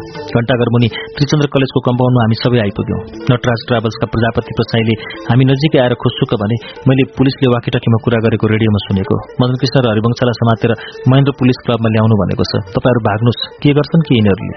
हामीले होइन हामी भाग्दैनौँ भन्यौँ थुनिन जे हुन पनि तयारै भएर कालोपट्टि बाँधेको हो। नभन्दै एकैछिनमा प्रहरीको एक जत्थाले कलेजलाई घेर्यो र भए जति सबै साहित्यकार कलाकारलाई ट्रकमा राखेर लग्यो बग्गी खानातिर। पारिजातको असक्ता देखेर उनलाई त्यहीँ छोडिदियो। पछि कसैले ट्याक्सी खोजेर उनलाई उनको डेरामा पुर्याइदिएछ पहिले त बग्गी खानाभित्र हामी सबैलाई एउटै हलभित्र राखेको थियो। सबै हँसी मजाक ठट्टा गर्दै बसिरहेका थियौँ। एकछिनपछि प्रहरीले युद्ध प्रसाद मिश्र मदन दाई र मलाई गाडीमा राखे। हामीलाई लिएर गएको देखेर सबैजना कराए तर प्रहरीले लग्यो। प्रहरीले युद्ध प्रसाद मिश्रलाई महेन्द्र पुलिस क्लबको चौरमा राख्यो। हामी दुईजनालाई चाहिँ माथि लिएर गएर एउटा कोठाभित्र छिरायो। त्यहाँ डिआइजी अच्युत कृष्ण खरेल काठमाडौँको सिडिओ र अरू प्रहरी थिए। अच्युत खरेलले के छ भाइहरू? बस्नु भन्दै हामीलाई सोफामा राखेर सोधे। चिया खाने? हामीले भन्यौँ खाउँ न त। चिया आउँदै थियो खरेलले कुरा सुरु गरे। तपाईँहरूले मुखमा कालोपट्टि किन बाँध्नु भएको हामीले भन्यौं अभिव्यक्ति स्वतन्त्रताका लागि वाक स्वतन्त्रताका लागि प्रजातन्त्र प्राप्तिका लागि। खरेल सोध्दै गए नेपालमा तपाईँहरूलाई जस्तो बोल्ने छुट अरू कसलाई छ र? अझ पुगेन? हामीले भन्यौं हामीले मात्र बोल्न पाएर भएन नि। सबै नेपालीले बोल्न पाउनु पर्यो। त्यसबेला मान्छेहरू भन्ने गर्थे नेपालमा शरदचन्द्र शाहलाई जे गर्न पनि छुट छ। मदन कृष्ण र हरिवंशलाई जे बोल्न पनि छुट छ चिया खाएपछि लौ त जानुहोस् भने हामीलाई फेरि गाडीमै राखेर बगी खानामै पुऱ्यायो हामी फिर्ता आएको देखेर सबै कलाकार साहित्यकारले ताली पिटे। उनीहरू सबै चिन्तित रहेछन्। हामीलाई केही गर्ला कि भनेर हामीले सबै कुरा भन्यौं। साँझ परेपछि सबैलाई छोड्यो। हामीलाई नछोडेको भए आन्दोलन झन चर्कने डर रहेछ सरकारलाई। छोडे पनि भोलिपल्टदेखि आन्दोलनले नयाँ उचाइ लियो पत्र पत्रिकाले तपाईँहरूलाई महेन्द्र पुलिस क्लबमा लगेर के गर्यो भनेर प्रश्न गरे। हामीले जे भएको थियो त्यही भन्यौं। हामीलाई केही गरेनन्। सोफामा राखेर चिया खुवाए अनि कुरा गरे। अझै कृष्ण खरेलले भोलिपल्ट घरमा फोन गरेर भने ए भाइ ल तपाईँहरू चाहिँ साँच्चैकै स्पष्ट कुरा गर्ने मान्छे हुनुहुँदो रहेछ। पुलिसले चिया खुवाएर सोफामा बसाएको कुरो भनिदिनु भयो। यही कुरा अरूले भएको भए हामीलाई यस्तो यातना दिए आदि इत्यादि भनेर अन्तर्वार्ता दिन्थे। र धन्यवाद है तपाईँहरूलाई। गोपाल चित्रकारले हामीले मुखमा कालो पट्टी बाँधेर बसेको फोटो सेटेलाइट मार्फत विश्वभर छरिदिएर धेरै देशका पत्र पत्रिकाले छापे। जसले गरेर आन्दोलनको उचाइ अझ बढ्यो। दुई हजार छयालिस सालको आन्दोलन सफल भयो। देशमा बौद्धलीय व्यवस्था लागू भयो। केही योगदान दिन पाएकोमा गर्व लाग्छ। तर त्यत्रो मान्छेको बलिदानबाट प्राप्त प्रजातन्त्र बौद्धलीय व्यवस्था दरबारबाट खोसेर ल बहुलवादी नेता हो तिमीहरू धेरै भोकाएका छौ। अब तिमीहरू पनि खाओ धनी बना भनेर दिएको जस्तो भयो जनताका लागि। हुन त सबै नेता त्यस्ता होइनन्। नेता भन्ने बित्तिकै खराब जात हो भन्ने अर्थ नलागोस्। धेरै पीड़ित नेता कार्यकर्ता पनि छन् विभिन्न पार्टीमा। तर जो जो सत्तामा उक्लन्छन् जो जो झण्डा हलाउँछन् जो जो झण्डाको वरिपरि भन्कन पाए धेरैले खाए राल चुहाए अनि त्यही झण्डाले राल पुछेर हिँडे। पञ्चहरूले दश खाए। बहुदलवादीहरूले सय खाए गणतन्त्रवादीहरूले हजार खाए जसले खाए तिनले पचाए। कसले हिसाब माग्ने? हिसाब माग्नेले पनि खाए हिसाब बुझाउनेले पनि खाए। हिसाब बुझाउने र हिसाब माग्ने मिलेर खाएपछि कसले समाउने? राजा वीरेन्द्रका सपरिवार मारिए कसरी मारिए? तुरन्तै पत्ता लाग्यो गोलीद्वारा मारिए। गोली हान्ने पनि पत्ता लाग्यो। छोराले हानेको रहेछ मान्छेहरू भन्छन् छोराले त छोराले नै हान्यो। तर कसको छोराले हान्यो? म पद्मसुन्दर लावतीको छोराको बिहे भोजमा बानेश्वरको एउटा रेस्टुरेन्टमा गएको थिएँ। म पुग्नु अघि तत्कालीन युवराज दिपेन्द्र भर्खर त्यहाँबाट फर्केका रहेछन्। अनि त्यहाँ एउटा भाइले भन्यो हत्तेरी दाई तपाईँ एकैछिन ढिला आउनुभयो। अघि भर्खर यहाँ दिपेन्द्र सरकारले कस्तो कुरा गरिबक्स्यो मैले सोधेँ कस्तो कुरा? सरकारले भनिबक्स्यो यो देश बिग्रेकै मेरो बाबु लुरे भएर हो? साला म भएको भए एक एकलाई ठिक पारिदिन्थे। यो कुराले के अन्दाज लगाउन सकिन्छ भने राजा वीरेन्द्र लुरे रहेछन्। उनलाई त लगाउनुपर्छ भन्ने मनस्थिति छोरामा पलाइसकेको थियो। राजा वीरेन्द्र मारिए अर्थात् दुई सय अडचालिस वर्ष पुरानो राजतन्त्र गोली लागेपछि कोमामा गयो। नारायणी दरबारको अपरेसन थिएटरभित्र राष्ट्रिय र अन्तर्राष्ट्रिय राजनीतिक डाक्टरहरूलाई छिर्नै दिएन। ज्ञानेन्द्र आफै डाक्टर भएर राजतन्त्रको गोली झिक्न खोजे। ढंग पुगेन राजतन्त्रै रह्यो हामीले अभिनय गरेको चलचित्र बलिदानमा मैले एउटा सम्वाद बोलेको छु। प्रत्येक दस दस वर्षमा नेपालमा एउटा एउटा साना ठूला आन्दोलन भएका छन्। दुई हजार सात साल दुई हजार सत्र साल दुई हजार छत्तीस साल दुई हजार छयालिस साल। तर दुई हजार बैसठी त्रिसठीको आन्दोलनमा त आधुनिक स्वचालित हतियार बोकेर आउने पार्टी नै उदाइसकेको थियो। प्रगतको खोलो त्यो आन्दोलन अघिदेखि नै धेरै बगिसकेको थियो। जनता झस्के प्रजातन्त्र जान लाग्यो। ज्ञानेन्द्रले प्रजातन्त्र खान लाग्यो भनेर बहुदलवादी नेताहरू भ्रष्टाचारी भएको परिवारवादमा चुर्लुम्म डुबेको नेताहरूसँग देश चलाउने ढंग नभएको पनि जनताले बिर्सिदिए र फेरि एकपटक नेताहरूलाई साथ दिए। नेता भ्रष्ट भयो भने तिनीहरूलाई चुनावबाट हटाउन सकिन्छ तर राजा स्वेच्छाचारी भयो भने त तिनलाई हटाउन युग कुर्नुपर्छ भन्ने सोचेर जनता फेरि आन्दोलन गर्न सड़कमा ओर्लिए त्यसवखत जनताले प्रजातन्त्र मात्रै मागेका थिए। प्रजातन्त्र पनि नदिएपछि ब्याज समेत थपेर गणतन्त्रै लिएर आन्दोलनबाट फर्किए। यो आन्दोलनमा हामीले एउटा छुट्टै भूमिका निभाउन पायौं। पारिवारिक समस्या बढ्यो भने घर बर्बाद हुन्छ। जातीय वर्गीय धार्मिक भाषिक क्षेत्रीय समस्या बढ्यो भने देश बर्बाद हुन्छ। अहिले देशमा देखा परेका जातीय वर्गीय धार्मिक कुरालाई नेताहरूले कसरी सम्बोधन गर्ने हुन्? देश भएर पनि पहिचान खोजिरहेकाहरूलाई पहिचान दिनै पर्छ तर देशले एउटालाई पहिचान दिँदा अर्कोलाई समस्या नहोस्। यहाँ वर्गीय समस्या झन् ठूलो छ। ठकुरी साथ सबै ठकुरी सम्पन्न र सम्मानित छैनन्। हुम्ला जुम्लामा बस्ने कति ठकुरीहरू यो शताब्दीमा पनि निरक्षर छन् गाडी देख्न पाएका छैनन् मिठो के हो भन्ने थाहा पाएका छैनन्। मान्छे जन्मदा जाति वर्ग भाषा छानेर जन्मन पाउँदैन मान्छे बन्ने भ्रूणको कुनै जात भाषा धर्म हुँदैन जुन वर्ग धर्म भाषा बोल्नेको गर्वभित्र त्यो खस्छ। त्यो गर्वबाट बाहिर निस्केपछि उसको आमा बाबुले जे भाषा धर्म संस्कृति मान्छन् त्यही कुरो उसले सिक्छ। चिस्नोका झ्याङमा भेटिएका अनाथ बालबालिकालाई जुन जाति लगेर पाल्छ ती त्यही जातका हुन्छन्। नेपालबाट धर्मपुत्र धर्मपुत्री बनाएर युरोप अमेरिका लगेका बालबालिका अंग्रेजी फ्रेन्च जर्मन बोल्न थाल्छन् र चर्चमा प्रार्थना गर्छन्। म पनि ब्राह्मणको कोख छानेर जन्मेको होइन। ब्राह्मण हुन पाऊँ भनेर प्रकृतिलाई दरखास्त हालेको पनि होइन। त्यस्तै देशमा लाखौं गरी ब्राह्मण होलान् क्षेत्रीय र जनजाति होलान्। ब्राह्मणवाद खसवादमा उनीहरूको केही भूमिका छैन। मधेसमा पिछडिएका कति वर्ग छन् त्यस्ता पीड़ितलाई एउटै चस्मा लगाएर नहेरियोस्।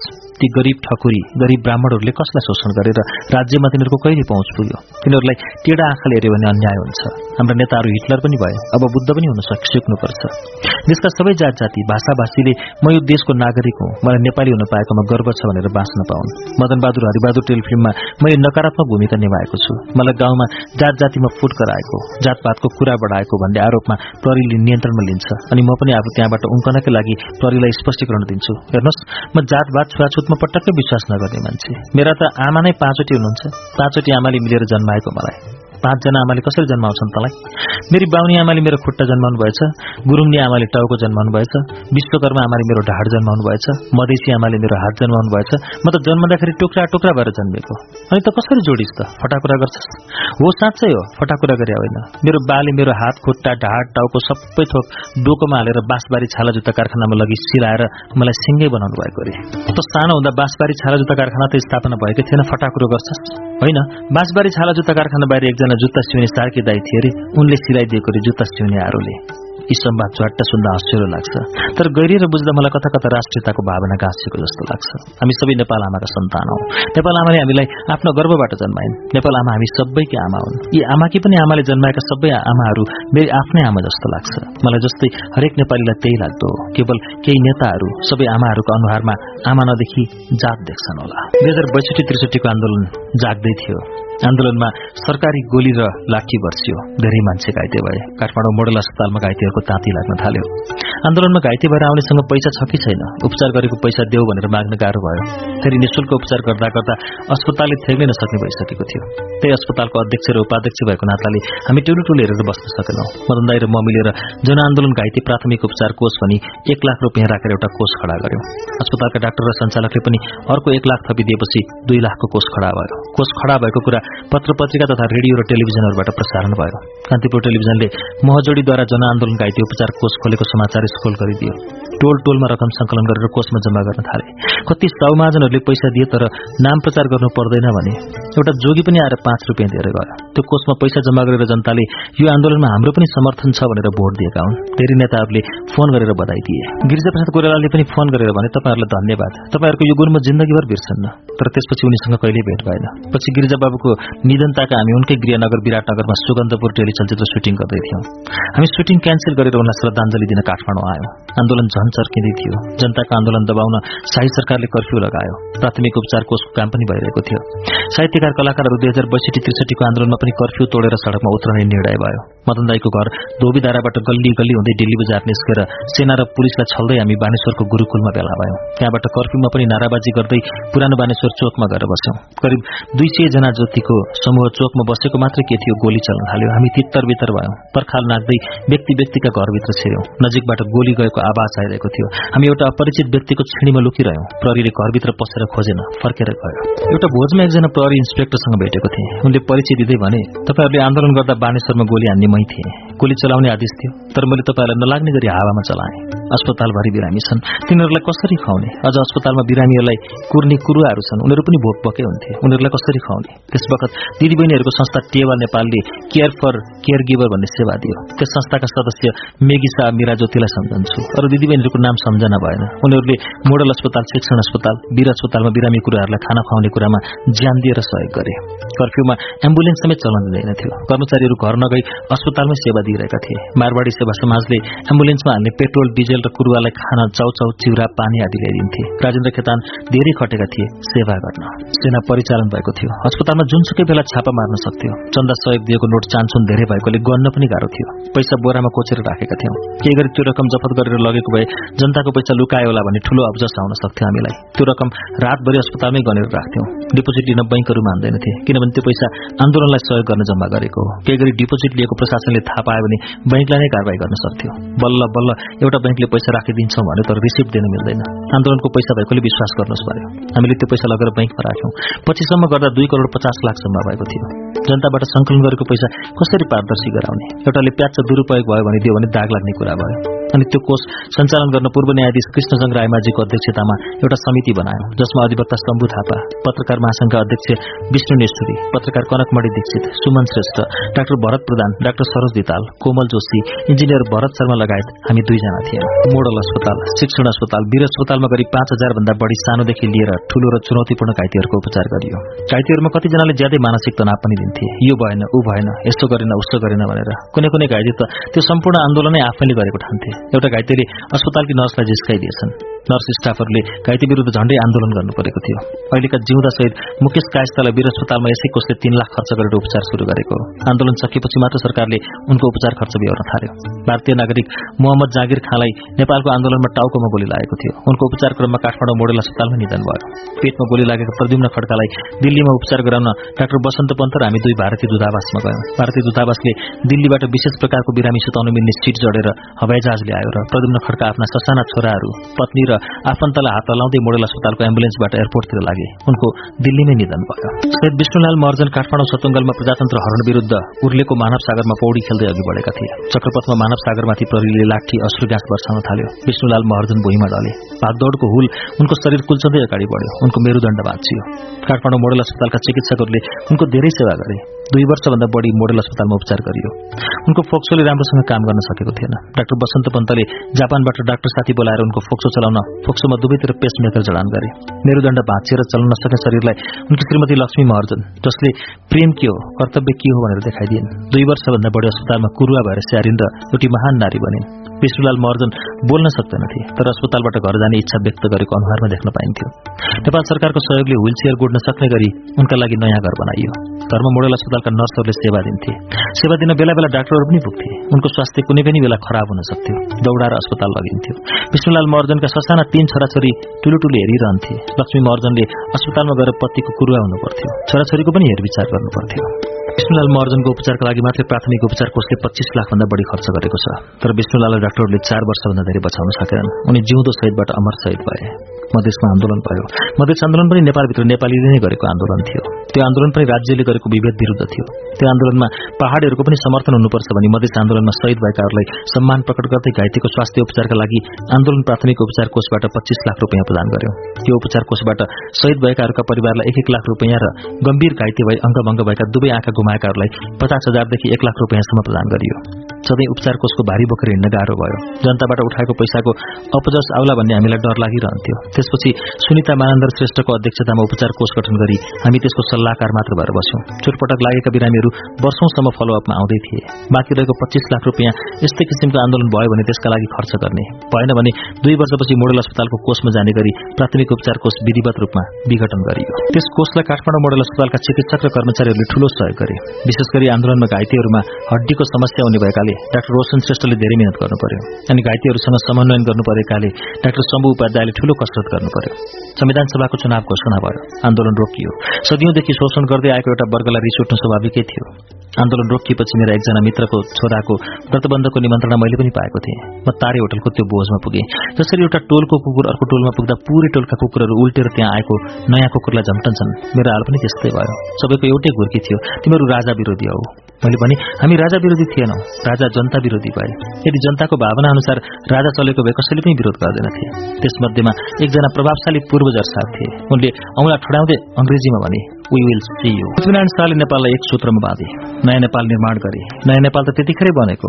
अहिले नयाँ नेपाल बनाउने भन्छन्। नेपाललाई कहाँ बनाउने र कहाँ घटाउने ठाउँ छ र नयाँ बनाउनु? पृथ्वीनारायण शाहलाई सारा नेपालीले सम्मान गर्नै पर्छ राष्ट्र निर्माताको रूपमा।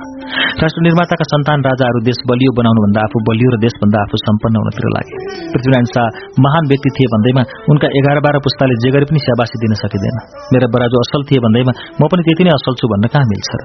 हुन त राजा महेन्द्रले चीनसँग नेपालको बाटो नखोलिदिएका भए आज नेपाल नहुन पनि सक्थ्यो अथवा भए पनि भुटानले जस्तै sir may I go to toilet भनेर भारतलाई सोध्नु पर्थ्यो।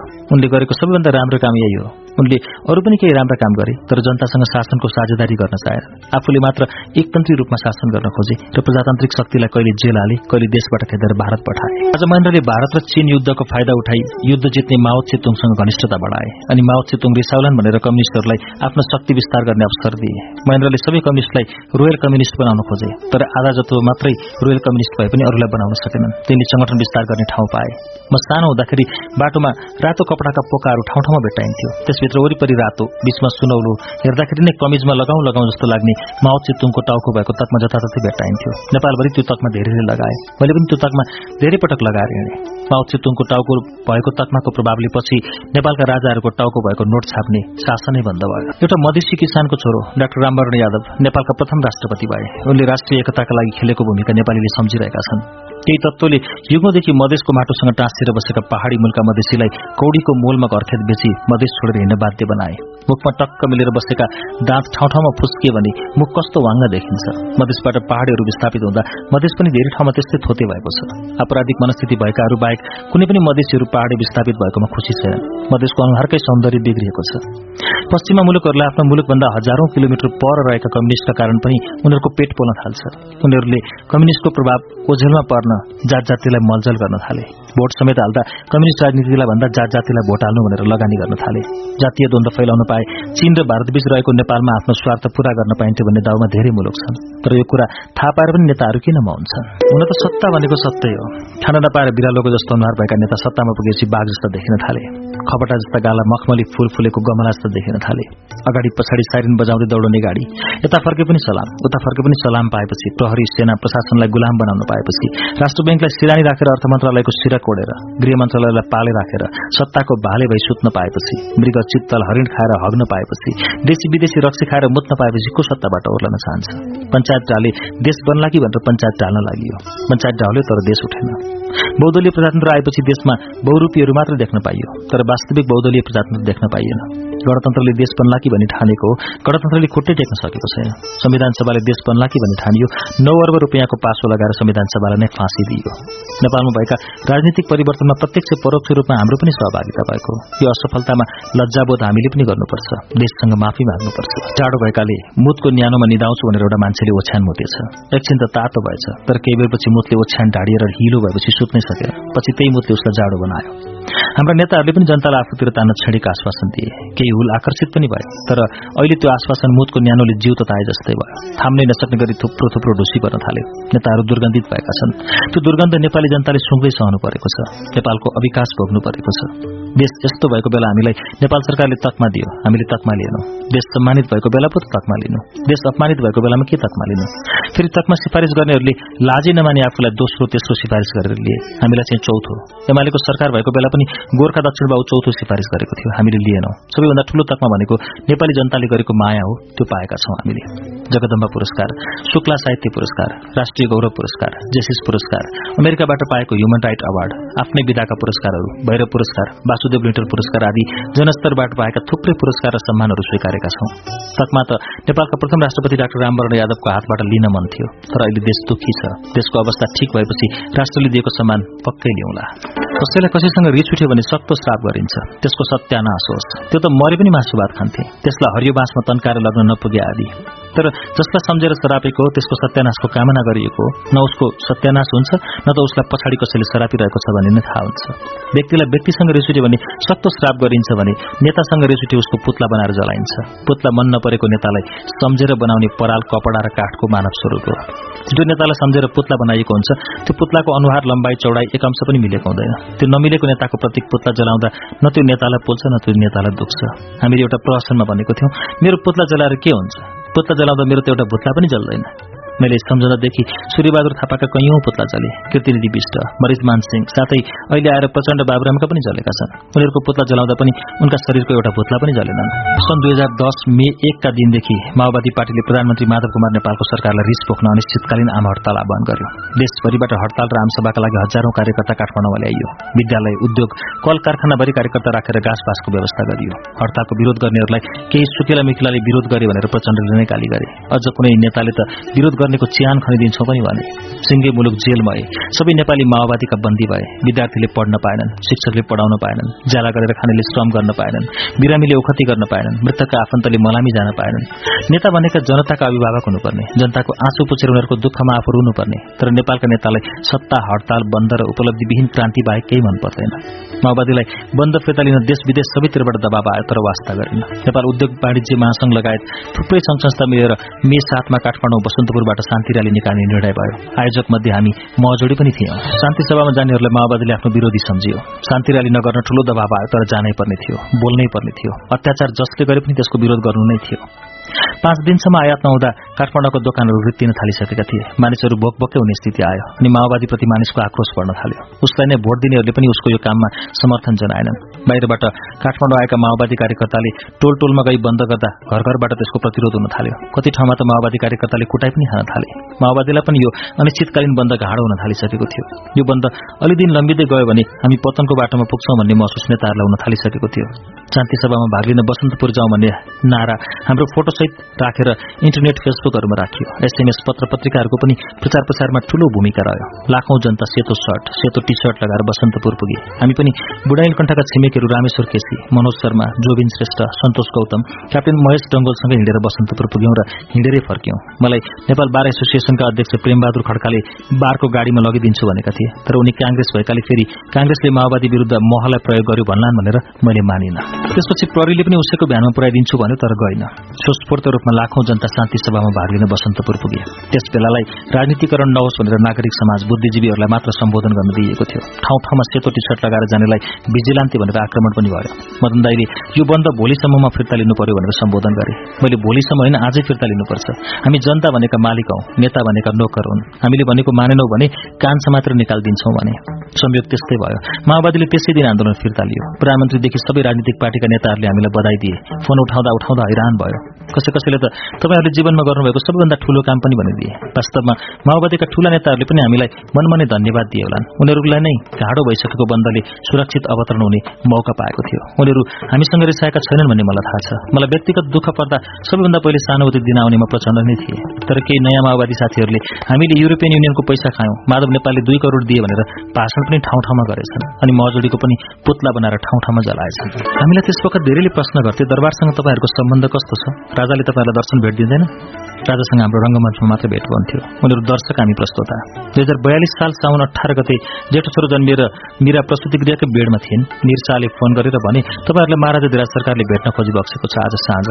हामी कुमार खड्ग विक्रम र शाहजादी शारदा शाहको घर कमलादीबाट निर शाहकै गाडीमा बसेर गयौं। हामीलाई तल्लो तलाको वेटिङ रूममा राखियो। पञ्चायत विरोधी काम गर्ने भएकाले के भन्लान् भन्ने अप्ठ्यारो लागिरहेको थियो। जर्नल शान्तबहादुर मल्ल ताराबहादुर केसी निर शाह पनि हामीसँगै थिए। उनीहरूको पनि बाहिरिया मान्छेको गाडी राजपरिवारको जमघटमा बस्ने हैसियत हुँदो रहेनछ हामीलाई केही बेरपछि माथि बोलाइयो। राजपरिवारका धेरै सदस्यहरू बैठकमा थिए। सबैको हातमा गिलास थियो। मलाई पुत्र लाभ भएको उनीहरूलाई थाहा रहेछ। सबैले बधाई दिए। मैले कृतज्ञता प्रकट गरेँ। हामीले केही प्रस्तुति गरेर हँसाउनुपर्छ होला भनेर गएका थिएनौँ तर त्यहाँ केही कुरा सुनाउन भनियो। कोसिस गर्यौं तर सबैजना मात्र अड्कलेर मात्र हाँस्दै थिए। दरबारका सदस्यहरू हाँस्ने बोल्ने पनि ठाउँ हेरेर गर्दा रहेछन्। उनीहरूलाई मान्छे हेरेर कस्तो बेलामा कसरी बोल्नुपर्छ हाँस्नुपर्छ भन्ने थाहा हुन्छ अरे। एक घण्टा जतिपछि राजा वीरेन्द्रले हामीलाई थ्याङ्क यू भने त्यसको मतलब अब पुग्यो भन्ने रहेछ। हामी फेरि तल पहिलेकै कोठामा पुग्यौं। जनरल शान्तबहादुर मल्लले हामीलाई दुई दुई हजार रुपियाँ दिँदै भने ल यो तपाईँहरूलाई महाराजा धिराज सरकारले बक्सेको। यसलाई खर्च नगर्नुहोस्। सरकार असाध्यै खुसी भएर बक्सेको। सरकारले कसैलाई यसरी पैसा बक्सन्न? तपाईँहरूलाई मात्र बक्सेको। राजाले बक्सेको भनेर यी नोटलाई फ्रेममा हालेर राख्नुहोस्। मैले मनमा नै भने जब दुई हजार त राजाले मलाई दिनु पर्दैन। बरु मै राजालाई तीन हजार दिन सक्थेँ। पनि तिरस्कार गर्नु भएन। मैले भने पैसा जस्तो कुरा त्यसरी फ्रेममा हालेर राख्यो भने त पैसाको अस्तित्व नै हुँदैन नि। घर बनाउँदैछु यो पैसाको सिमेन्ट किनेर प्लास्टर गर्छु र सरकारले बक्सेको भनेर भित्ता हेरिरहन्छु। शान्तबहादुर मल्ल खुब हाँसेर भने म यो कुरा सरकारलाई बिन्ती चढाउँछु। राजारानी त्यहाँबाट गएछन् अनि हामीलाई फेरि अघिकै कोठामा बोलाइयो। अधिराज कुमार ज्ञानेन्द्रले भने दाईको सवारी भयो अब हामी बसौँ अलिअलि पिउने होइन? उनले आफू बसेकै थ्री सिटर सोफामा बस भन्दा हामीलाई त्यस बखतका अधिराज कुमारसँग एउटै सोफामा बस्न अप्ठ्यारो लाग्यो। ज्ञानेन्द्रले हातमा समातेर भने बसौँ बसौँ केही अप्ठ्यारो मान्नु पर्दैन। हामीले हुस्की पनि खायौँ। मैले अधिराज कुमार ज्ञानेन्द्रलाई भने सरकारलाई एउटा कुरा बिन्ती चढाउँ। सानैदेखि थापाहरूसँग सङ्गत भएकाले मलाई दरबारिया भाषा करिब करिब आउँथ्यो। ज्ञानेन्द्रले भने भन न भन के भन्न खोजेको? मैले भने सरकार त बाहिरबाट हेर्दा मात्र एकदम रिजर्भ जस्तो देखि बक्सिन्छ। तर यहाँ त कस्तो फ्रेन्डली लाग्यो। उनले हाँसेर भने ए हो म त्यस्तो देखिन्छु। अरूले पनि त्यस्तै भन्छन्। अलिअलि पारिवारिक कुराहरू भए। शाहजादी शारदा शाहले मासुको एउटा परिकार दिइन्। मैले सोधेँ सरकार यो के हो? उनले भनिन् यो मासुको बरी हो। मैले पनि भनिहालेँ ए यो बरी म चाहिँ हरि। हरिको मुखमा बरी। म बोल्दा खुब हाँसो बुन्सियो त्यसपछि दरबारका कुनै पनि सदस्यसँग फेरि भेट भएको थिएन। देशमा पञ्चायती शासन थियो। भैरवा र बुटवल बीच को ठूलो भन्ने ठूलै प्रतिस्पर्धा हुन्थ्यो। दुवै स्थान कोही भन्दा कोही कम हुन चाहँदैनथे। हाम्रो सांस्कृतिक टोली कार्यक्रम गर्दै पोखराबाट बुटवलतर्फ लागेको थियो। भूलबस भैरवा र बुटवलमा एकै दिन एकै समयमा कार्यक्रमको टिकट बिक्री भएको रहेछ। एकै दिन एकै समयमा दुई ठाउँमा कार्यक्रम प्रदर्शन गर्न सकिँदैन थियो। हामीले बुटवललाई कार्यक्रम एक दिन सार्न अनुरोध गर्यौं बुटवलले मान्दै मानेन। भैरवालाई पनि अनुरोध गर्यौं एक इन्च पनि सरेन आफ्नो अडानबाट। त्यही दिन दिउँसो। एक ठाउँमा साँझ अर्को ठाउँमा कार्यक्रम प्रदर्शन गर्छौं भन्यो। दुवै पक्ष साँझ छ बजे नै हाम्रो ठाउँमा गर्नुपर्छ भन्छन्। हामी साह्रै संकटमा परेका थियौं। एकजनाले यो समस्याको समाधान त्यस क्षेत्रका नेता दीपक बोराले मात्रै गर्न सक्छन् उनलाई भेट्नु भने। हामी दीपक बोरालाई भेट्न भैरवा गयौं। उनी लुम्बिनीतिर लागेका छन्। त्यहाँ राजा वीरेन्द्र र रानी ऐश्वर्य रेविकाई नेपालको कार्यक्रममा आएका छन् भन्ने थाहा भयो। हामी लुम्बिनी पुग्यौं। राजा रानी मञ्चमा बसेका थिए। स्कूलका विद्यार्थी ठाउँ ठाउँबाट आएका झाँकी जुलुस सर्वसाधारणले मञ्च अगाडिको चोर खचाखच थियो। हामी मञ्चमा राजा रानी पछाडि मेचमा बसेका दीपक बोरालाई भेट्न चौरको पछाडिबाट छिर्यौं एक दुईजनाले हामीलाई चिनेछन्। एउटाले अर्कोलाई ऊ म जोडी आए भनेछ। अर्कोले अर्कोलाई भनेछ चौरमा बसेका सारा मान्छे हामीलाई नै हेर्न थाले। स्कूलका विद्यार्थीहरू कागज ल्याउँदै अटोग्राफ भन्न थाले। सबैको घाँटी हामीतिर फर्केको देखेर मञ्चमा बसेका राजारानी पनि ढाड तन्काई तन्काई किन सबै मान्छेले पछाडि हेरे भनेर हेर्न थाले? हामीलाई एकजना प्रहरी अधिकृतले तपाईँहरू गइदिनुहोस् न। राजारानीको कार्यक्रम नै बिथोलिन लाग्यो भने। हाम्रो उद्देश्य राजारानीको कार्यक्रम बिथोल्नु थिएन। अनि हामी हुलबाट हिँड्यौं। पछि दीपक बोराले कुरो मिलाइदिए भैरवामा दिउँसो एक बजेदेखि कार्यक्रम गर्यौं बुटोलमा साँझ छ बजे नै। ज्ञानेन्द्र राजा भएपछि गोकर्णमा सामूहिक भेटमा हामीलाई पनि बोलाइएको थियो। त्यस वखत नारायण बागले प्रत्येक प्रधान लगायत हामी पनि सँगै थियौं। मलाई राजा ज्ञानेन्द्रले सोधे छोरो कत्रो भयो? के गर्छ? बीस वर्ष अगाडि गरेको कुराको पनि सम्झना रहेछ। राजनीतिक कुराको सन्दर्भमा चाहिँ मैले भने सरकारले राजनीतिक पार्टीसँग कम्प्रोमाइज गर्नुपर्छ उनीहरूलाई भेट्नुपर्छ। राजाले टाउको हल्लाएर थ्याङ्क यू भने थ्याङ्क यूको मतलब हो भयो जाऊ। सानो छँदा पित्तलको गाग्रीभित्र मुख छिराएर धेरै बेर गाउँथे। मैले गाएको अरूले नसुनुन् भनेर। गाउन मन लाग्थ्यो अरूले सुन्लान् भन्ने लाज पनि लाग्थ्यो। अभिनय मेरो पेसा हो गीत मेरो सोख अभिनय मेरो रोजीरोटीसँग गाँसिएको छ। गीत नगाए पनि मेरो घर चल्न सक्छ भाँडाकुँडा बज्न सक्छन्। मदन कृष्ण दाई र म बीच मात्रै साझेदारी सफल हुन सकेको छ। म संसार कार्यालय हाम्रो व्यावसायिक संस्था हो। हामीलाई यो संस्थाले व्यावसायिक सन्तुष्टि पनि दिएको छ। तर यो संस्था बाहेक जहाँ लगानी गरे पनि हाम्रो पैसा शेयर लगानीको सामा ब्याज डुबेको छ। मदन दाईको स्वर मेरो भन्दा धेरै राम्रो छ। उनले आफ्नो करियर गीतबाटै शुरू गरेका फुर्सद भयो कि उनी गीतमा ध्यान दिन्छ एकताका उनी फुर्सद भयो कि सिम्फोनिक रेकर्डिङ स्टुडियोमा पुगिहाल्थे। मदन दाईलाई सिम्फोनिक रेकर्डिङ स्टुडियोमा लगानी गर्न त्यहाँका तीन निकट महाविकट पार्टनरले प्रस्ताव राखेछन्। दुई हजार अन्ठाउन्न सालतिर सिम्फोनिकमा हामीले पनि चौध लाख रुपियाँ लगानी गर्यौं हाम्रो जग्गा धितो राखेर छ लाख रुपियाँ ऋण पनि लिइदियौं। स्टुडियो डिजिटल भयो। नेपालको सबैभन्दा राम्रो स्तरीय स्टुडियोमा नाम आउन थाल्यो। त्यहाँ अरूले गाएको देखेर मलाई पनि गीत गाउँ लाग्न थाल्यो। म सानो छँदा गीत गाउँथे तर अरूले नसुन्ने गरी। दुई हजार तेत्तीस सालतिर मैले राम थापा जयनन्द लामासँग एक दुईवटा लोकगीत गाएको थिएँ। खासै राम्रो भएको थिएन। त्यस वखत गीत गाउँदा बिग्रियो भने फेरि सुरुदेखि गाउनु पर्थ्यो बजाउनु पर्थ्यो। तर हिजो आज पहिले गीतको म्युजिक ट्र्याक बनाइन्छ अनि गाउँदा जहाँ बिग्रियो त्यहीँबाट गाउन सकिन्छ। यो प्रविधि ननिस्केको भए म गायक हुन सक्ने थिएँ। आफ्नो पनि लगानी भएको हुनाले मलाई गीत गाउँछु भन्न सजिलो भयो। तर गीत कोसँग माग्ने संगीत कसलाई दिन लगाउने आफूलाई यो विषयको पटक्कै ज्ञान थिएन। कसैसँग सिक्न जान पनि लाज लाग्थ्यो। मैले हार्मोनियम किनेर ल्याएर घट्टेकुलोको घरको कौशीमा एउटा साउन्ड प्रुफ कोठा पनि आफ्नै नक्सामा बनाएँ। अनि संगीतकार शिलाबहादुर मोक्तानको घरमा लाज दबाएर गएँ म उनको घरमा जाँदा कुन्ती बहिनी पनि खुसी भएँ। मैले लाज मानी मानी भने मलाई हार्मोनियम सिक्न रहर लाग्यो सिकाइदिनुहोस् न शिलबहादुरजीले आश्चर्य मान्दै हुन्छ भने बिहान बिहान हप्ताको तीन दिन बोलाए। मैले उनीसँग सारेगमा र हार्मोनियमका कड अलिअलि सिकेँ अनि घरको साउन्ड प्रुफ कोठामा बिहान एक घण्टा हार्मोनियमसँग चल्न थाले। अच्युत दबाडी भाइसँग तबलाका तालहरूको ज्ञान दिए। अनि मेरो घरमै आएर मलाई सिकाइदिन थाले तर मेरो छिपिएको दिमागमा सजिलोसँग घुसेन।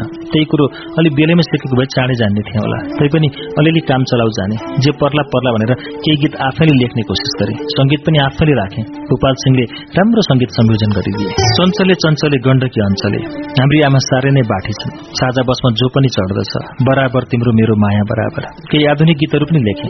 संगीत पनि आफैले भरे।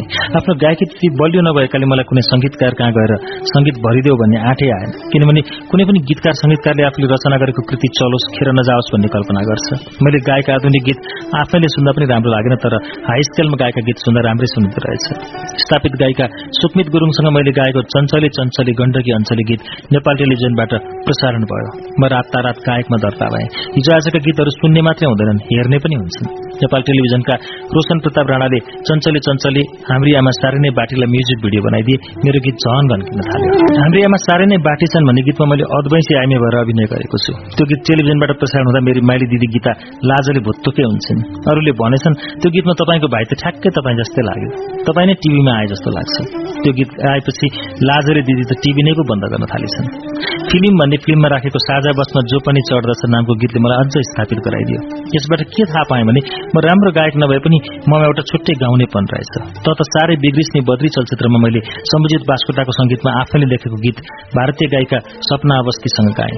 धुँदा पनि गएन पखाल्दा नि भएन ओखतीले छोएन फुमन्तरले झटेन झरेन।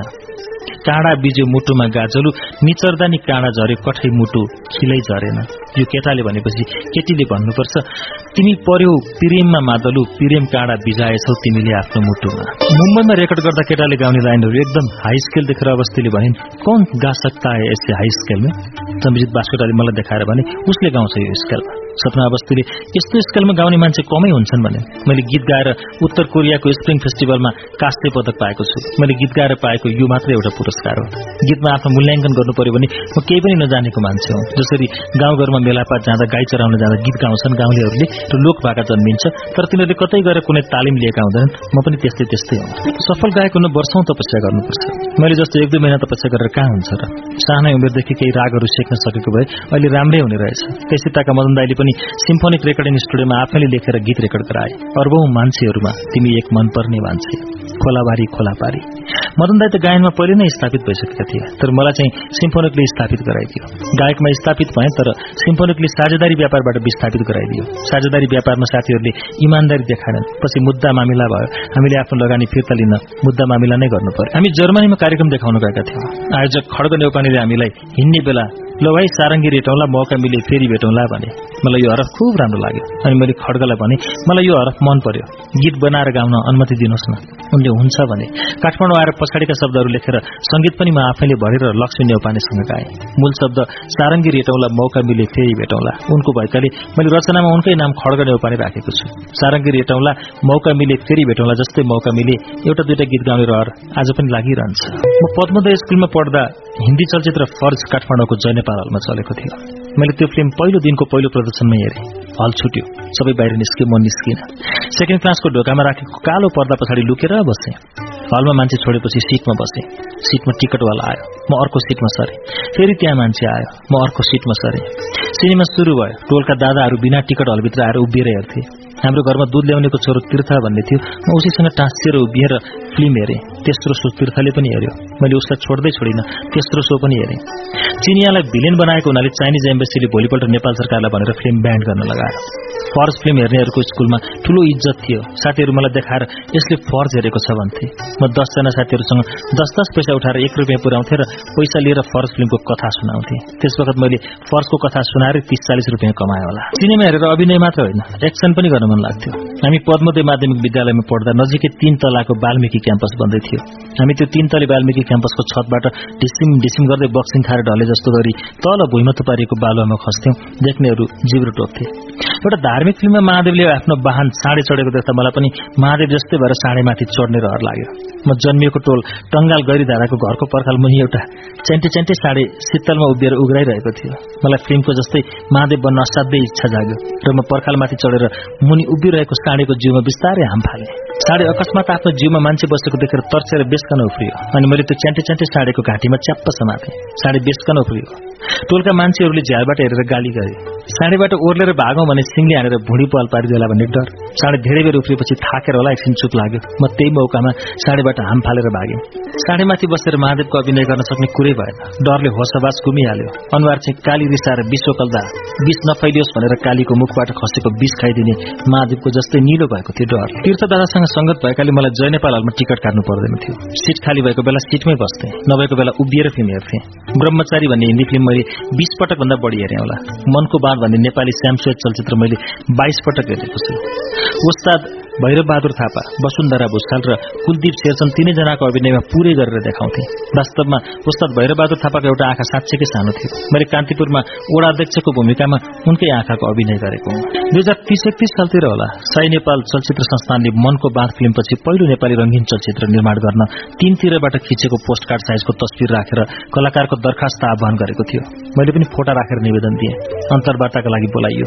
मैले अन्तर्वार्तामा मनको बाँध फिल्ममा उस्ताद भैरबहादुर थापा वसुन्धरा भूषाल र कुलदीप शेरचनको अभिनय एक्लै गरेर देखाए। अन्तर्वार्तामा बस्ने मान्छेहरू खुब हाँसे अन्तर्वार्ताको रिजल्ट कहिले आउला भनेर म दिनहु बालाजु स्थित चलचित्र संस्थानमा पुग्थेँ। त्यस फिल्मका निर्देशक प्रेमबहादुर बस्नेतलाई देखिएला कि भनेर घण्टौं कुर्थे र नमस्कार गरेर फर्कन्थे। रिजल्ट भयो। मेरो नाम पहिलो लिस्टमै आयो। अब फिल्म खेल्न पाइने भयो भनेर हर्षले गदगद भए। त्यस वखत फिल्ममा अभिनय गर्न प्रधानमन्त्रीदेखि दरबारसम्मको भन्छुन चल्थ्यो। मलाई कुमारी चलचित्रमा खलासीको रोल दिने निश्चित भएको थियो अरे। तर पछि ज्यादै कलिलु देखिए भनेर त्यो रोल दिइएन। अन्तर्वार्तामा पहिलो लिस्टमै नाम निकालेको र धाउन पनि दिनका दिन चलचित्र संस्थानको चौरमा गएर लम्पट कसेको हुनाले मलाई केही न केही रोल त दिनै पर्ने भयो। रेस्टुराँमा जहिले पनि रक्सी खान जाने मान्छेले एक दिन पन्ध्र सोह्र वर्षको छोरो पनि लिएर आउँछ। अनि बाबुले जबरजस्ती छोरालाई पनि खुवाउँछ। छोराले रक्सी खाएर दलिन घुमेको देख्ने एक मिनटको दृश्य मेरो लागि थपिएछ त्यतिखेर चलचित्र संस्थानका क्यामेराम्यान एडिटर र अधिकृतहरू अरूलाई उल्ली बिल्ली पार्थे। मलाई पनि यो रक्सी खाने सिनमा त साँच्चीकै रक्सी खायो भने एकदम राम्रो हुन्छ भनेर दुई पेज जति खुकुरी रम खुवाए। रक्सीको मात लागेर टेबलमै बान्ता गरे। भोलिपल्ट रक्सी नखाइकन मेरो दृश्य खिचियो। क्यामेराम्यान एडिटर र अरू त त्यो दिन पनि खाउ खाउ भन्दै थिए। तर निर्देशक प्रेमबहादुर बस्नेतले खानु पर्दैन भने। मेरो एक मिनटको भूमिका फिल्म हेर्दा कता बिलायो कता? तैपनि त्यस वखत नेपाली चलचित्र पाँच वर्षमा एउटा बन्ने भएकाले धेरैले हेर्थे र सानै भूमिका खेले पनि मान्छेले अलिअलि चिन्थे। कुमारी चलचित्रबाट क्यामेराभित्र पसेको म प्रकाश थापाले निर्देशन गरेको सिन्दुरमा पनि सुगा लिएर हात हेर्न बसेको ज्योतिषीको दुई मिनटको मात्र भूमिका दिए। निर्देशक थापा मदेखि निकै प्रभावित भएका थिए र अन्तर्वार्ताहरूमा मेरो खुब प्रशंसा गर्थे। पछि सिन्दुर चलचित्र टीभीमा दिँदा हेरेर मिराले भनिन् त्यो बेला हजुरभन्दा त चङ्की गोपालराज मण्डली ह्यान्डसम रहेछन्। प्रकाश थापाकै निर्देशनमा बनेको जीवन रेखा चलचित्रमा मलाई दुई सिन हजामको रोल दिए। सुटिङ भएको झण्डै तीन चार वर्षपछि मात्र रिलिज भयो। रिलिज हुँदा हाम्रा एमलोक अंशबण्डा जस्ता क्यासेटहरू निस्किसकेका थिए। हामीलाई चिन्ने भएकाले जीवन रेखा हेरेर के त्यस्तो जाब दुई सिन खेलेको? त्यस्तो रोल तपाईँ जस्तो मान्छेले खेल्नै नहुने भनेर धेरैले भने। यो पहिले नै सुटिङ भएको हो भनेर कतिजनालाई भन्दै हाम्रो लोकप्रियता बढ्दै थियो। निरसा साई नेपाल चलचित्र संस्थानको डेपुटी जीएम छँदा टीका सिंह महाप्रबन्धक थिए। निरसाले मदन दाई र मलाई एउटा चलचित्र बनाउनु पर्यो कथा तपाईँहरू नै लेख्नुहोस् भने पछि त्यो टिममा गोपालराज मैनाली पनि थपिए। कथा लेख्दै गयौं। त्यसमा मुख्य नायकको भूमिका मलाई नायिकाको बाबुको भूमिका मदन दाईलाई र नायककी बहिनीको श्रीमान गोपाल राजलाई दिने भन्ने भयो। नायकको चरित्र हास्य प्रधान थियो। चलचित्र संस्थानका मान्छेहरूले नयाँ प्रबन्धक टीका सिंहलाई उकासिदिएछन् यो चलचित्र बन्नुभन्दा पहिले नै फ्लप भयो। हिरो पनि कहीँ हास्य प्रधान हुन्छ फेरि हरिवंश भनेको हास्य कलाकार हो हास्य कलाकारलाई हिरो बनाएपछि फिल्मले त जिरो नम्बर पाउँछ मलाई हिरोबाट बिलियन बनाउने निर्णय भयो तर त्यस बेलासम्म म अलिअलि मोटाएर राम्रै भइसकेको थिएँ वास्तवमा हिरो बनाएको भए पनि म सुहाउने भइसकेको थिएँ म बिलियन भएपछि हिरोको व्यापक खोजी हुन थाल्यो हामीले हाम्रै साथी राजु बुझो हुन्छ कि भन्यौं करिब करिब भइसकेको थियो तर निर्देशक प्रदीप मालले गोरो अग्लो राम्रो पुरन जोशीलाई खोजेर ल्याएछन् फिल्म ठिक ठिकै मात्र भयो तर त्यस वखत फाटफुट मात्रै बने भएकाले नेपाली फिल्म जस्तो बनाए पनि चल्थ्यो। के घर केटेर फिल्म हिट भयो। पैसा पनि उठायो होला। निरसा र महाप्रबन्धकको ठ्याक मिलेन। दुवैजना त्यस बेलाका पावरदार। शाहजातिका देवर निरसाको पावर भन्दा महाप्रबन्धक टीका सिंहको पावर धेरै रहेछ। निरसाले चलचित्र संस्थान छोडेर विनोद चौधरीको लगानीमा ध्रुवचन्द्र गौतमको उपन्यास कट्टेल सरको चोटपटकमा आधारित वासुदेव चलचित्र बनाए त्यसमा हाम्रो भूमिका राम्रै भयो तर आफू प्रधान फिल्ममा काम गर्ने रहर पूरा भएन। दुई हजार छयालिस सालको आन्दोलनपछि रामेश श्रेष्ठ दाईले एउटा बेजोड राजनीतिक चलचित्र बनाउने रहर गरेछन्। निरन कोष्ट विरूद्ध आवाज उठाउँदै आएका गीतहरू गाउँ गाउँबाट उठ कोही त भने जहाजमा हरेर एक युगमा एक दिन एकपल्ट आउँछ आदि समावेश गरी मोदनाथ प्रस्तुतको कथा तुलसी घिमिरेको निर्देशन श्याम सापकोटाको लगानीमा बलिदान चलचित्र बन्ने भयो। उनीहरू नायकको खोजीमा लागे तर कल्पना गरे जस्तो नायक कतै पाएनछन्। रमेश दाईले मेरो अनुहारमा के देखेको नि? उनलाई यसले गर्न सक्छ भन्ने लागेछ। निर्देशक तुलसी घिमिरेले पनि सहमति जनाए। मदन दाई र मलाई कथा सुनाए। मैले रंगमञ्चमा निर्वाह गर्दै आएको भूमिका र हामीमा लागेको हास्य कलाकारको छाप भन्दा हामीले चलचित्र निभाउनु पर्ने भूमिका पुरै फरक थियो। त्यस भूमिकामा हास्यको हा पनि थिएन। गम्भीर राजनीतिक चिन्तनमा डुबेको र कम्युनिष्ट आन्दोलनको साँच्चीकै नायकको भूमिका निभाउनु पर्ने थियो। धेरैले यस्तो गम्भीर भूमिका हरिवंशलाई सुहाउँदैन भनेछन्। तर रामेश दाई तुलसी घिमिरे श्याम सपकोटाले मलाई नै रोज्नु भयो। मलाई डर पनि लाग्यो। यही गरी मेरो कारणले चलचित्र फ्लप भएर चलेन भने त म पनि डुब्छु। म सँगसँगै अरू पनि डुब्छन्। तर मेरो हृदयमा म यस्तो गम्भीर भूमिका पनि निभाउन सक्छु र हामीले निभाउनु पनि पर्छ। खालि हास्य कलाकारको छविमा बस्नु हुँदैन भन्ने लाग्यो र मेहनत गर्न थाले। ऐना हेरेर एक्लै कोठामा अभ्यास गर्न थाले। शरीर मोटो भइसकेको थियो। व्यायाम गरेर नौ किलो तौल घटाए। धेरै जसो सुटिङ धरानतिर भयो। म धरानको छाता चोकबाट दिनौ उकालै उकालो दौडेर फुस्रे पुग्थे। मसँगै दौडने साथी निर्माता तथा कलाकार केशव भट्टराई र शैलेश श्रेष्ठ पनि थिए। धरान नगरपालिकाभित्र अदालतको दृश्य छायाङ्कन भयो। यिनीहरूमा एउटा साँच्चीकै बनेर पनि प्रयोग नगरेको जेल रहेछ। त्यहाँ जेलभित्रका दृश्यहरू छायाङ्कन भयो। निर्देशक निर्माता र रामेश दाई मेरो अभिनयबाट सन्तुष्ट भए। निर जेलर र कैदीको दृश्य छायाङ्कन गर्दा ज्याझे आनन्द लाग्यो। नायिका अञ्जना श्रेष्ठले त बलिदानलाई ज्यान थपिदिएकी हुन्। तत्कालीन अञ्चलाधीशको रूपमा निलकाजी साकेसँग गरेको अभिनय पनि आनन्द लाग्दो थियो। मदन दाई भूतपूर्व सैनिक भएर गरेको अभिनय त झन् कुरै भएन। सुटिङ गर्न पनि ऋतु हुन्छ। वर्षा ऋतुमा आउटडोर सुटिङ अनुभवीहरूले गर्दैनन्। बलिदानको आउटडोर सुटिङ ठ्याक्कै वर्षा ऋतुमा शुरू भयो। धरान छाता चोकबाट भेडेटारसम्म गयो झमझम पानी परेकाले फर्केर आयो। अर्को दिन फेरि भेडेटार गयो। एक दुईवटा सर्ट शुरू हुन्छ फेरि पानी पर्छ फेरि फर्केर आयो। त्यसरी दुई महिनासम्म धरानमा बस्यौं। घरको न्यास्रो लाग्थ्यो। बच्चाहरू सम्झ्यो श्रीमती सम्झ्यो बस्यो। निर्माता श्याम सपकोटाको बीस लाख रुपियाँ सकियो अरे। त्यस वखत बलिदान कम्युनिस्टहरूको फिल्म हो। यस फिल्ममा एमाले पार्टीले लगानी गरेको छ भन्ने हल्ला पनि भएको थियो। हो त्यो फिल्म चाहिँ कम्युनिस्टपट्टि ढल्केको पक्कै हो तर लगानी भन्ने पत्याउँदैन बलिदान फिल्म माओवादी युद्धभन्दा जेठो यसमा करिब करिब माओवादी युद्धकै झल्को दिन खोजिएको छ। तर माओवादी पार्टीसँग प्रभावित भएर होइन। बरु माओवादी बलिदान फिल्मबाट प्रभावित भएको हुन सक्छ। फिल्म अनुशासित राजनीतिक संघर्षमा आधारित छ। त्यस फिल्ममा फरक विचारधारा भएकालाई सिद्ध्याउनुपर्छ भन्ने सन्देश छैन। श्याम सापकोटाले बीस लाख रुपियाँ सकेपछि बैंकमा घर धितो राखेर अर्को बीस लाख जिके क्यारे त्यतिले पनि नपुगेर छत्तीस प्रतिशत ब्याज तिरेर व्यक्तिगत ऋण लिए। सामो ब्याज जोड्दै जाँदा झण्डै त्यस बेलाको एक करोड़ खर्च भयो। त्यो रकम बजारको तुलनामा धेरै बढ़ी लगानी थियो। सार्थक फिल्म बन्यो। राम्ररी चल्यो। गाउँ गाउँबाट उठ बस्ती बस्तीबाट उठ भने जस्तै गाउँ बस्ती सबैतिरबाट उल्टेर आए फिल्म हेर्न। मेरो जीवनको लागि एउटा सार्थक फिल्म भयो। त्यो फिल्ममा काम गरेर हामीले एक पैसा पनि पारिश्रमिक लिएनौं। किनकि श्याम सापकोटा ब्याजको ऋणमा चुर्लुममा डुबेका थिए। जति आमदानी फिल्मले गरे पनि श्याम सापकोटालाई ब्याज तिर्दैको हैरानी थियो। फिफ्टी फिफ्टी पन्ध्र गति घाँस काट्ने खुर्केर लाल पूर्जा र चिरञ्जीवी वनपाले कान्तिपुर दशैं असल लोग्ने आदि टेलिफिल्म प्रसारण भएपछि टीभीमा हामी जम्यौं। तर हलमा चल्ने फिल्म भने बलिदान मात्रै सफल भयो। चलचित्र नशा जस्तै हुँदो रहेछ। हलमा चल्ने फिल्मलाई ठूलो पर्दा र टीभीमा प्रसारण हुनेलाई सानो पर्दा भनी परिभाषित गरिन्छ। वास्तवमा टीभीमा आउने फिल्म एकै पटकमा लाखौं दर्शकले हेर्छन् हलमा चल्ने फिल्म देशैभरिको हिसाब गर्ने हो भने पनि एक दिन बिस तीस हजार मान्छेले मात्र हेर्छन्। तर हामीले पहिलेदेखि नै फाइट गीत नाच भएको हिन्दी सिनेमा हेरिरहेको बानीले गर्दा हलमा चल्ने फिल्मलाई बढ़ी नम्बर दिने चलन छ। कार्यक्रम लिएर रसिया जाँदा उपेन्द्र महतो जीवा लामी छाने र जुगल बोर्तेलसँग आत्मीय सम्बन्ध बन्यो। जीवा लामी छाने मलाई नेपालीहरू मध्ये असल नेपाली लाग्छ। उनले भने तपाईँहरूसँग सहकार्य गरेर नेपाली चलचित्रमा म पनि योगदान दिन चाहन्छु। उनले त्यस बेलाको पैंतिस लाख रुपियाँ एउटा कागज पनि नगरी हाम्रो हातमा राखिदिए। हामीले महजी फिल्म्स भनेर नयाँ संस्था दर्ता गर्यौं। बलिदान चलचित्रमा खेलेर पाएको प्रशंसाले म चलचित्र निर्माण गर्ने काममा अलि हतारिएको थिएँ। मैले कथा पनि लेखेँ। त्यसैका कारण मदन दाई मसँग अलि असन्तुष्ट भए। गीत दिनेश अधिकारीले लेखिदिए। संगीत मदन दाईको छोरा यमन श्रेष्ठले गरेको थियो। म मदन दाई संगीता श्रेष्ठ मदन दाईकी छोरी सरना श्रेष्ठले त्यस फिल्म चलचित्रमा गीत गाएका थियौं। साझा बसमा जो पनि चढ्दछ बोलको गीत मैले लेखेर संगीत गरेको थिएँ। यसलाई पनि फिल्ममा राखिएको छ। निर्देशन गर्ने हाम्रो ढंग नपुगेर हो कि?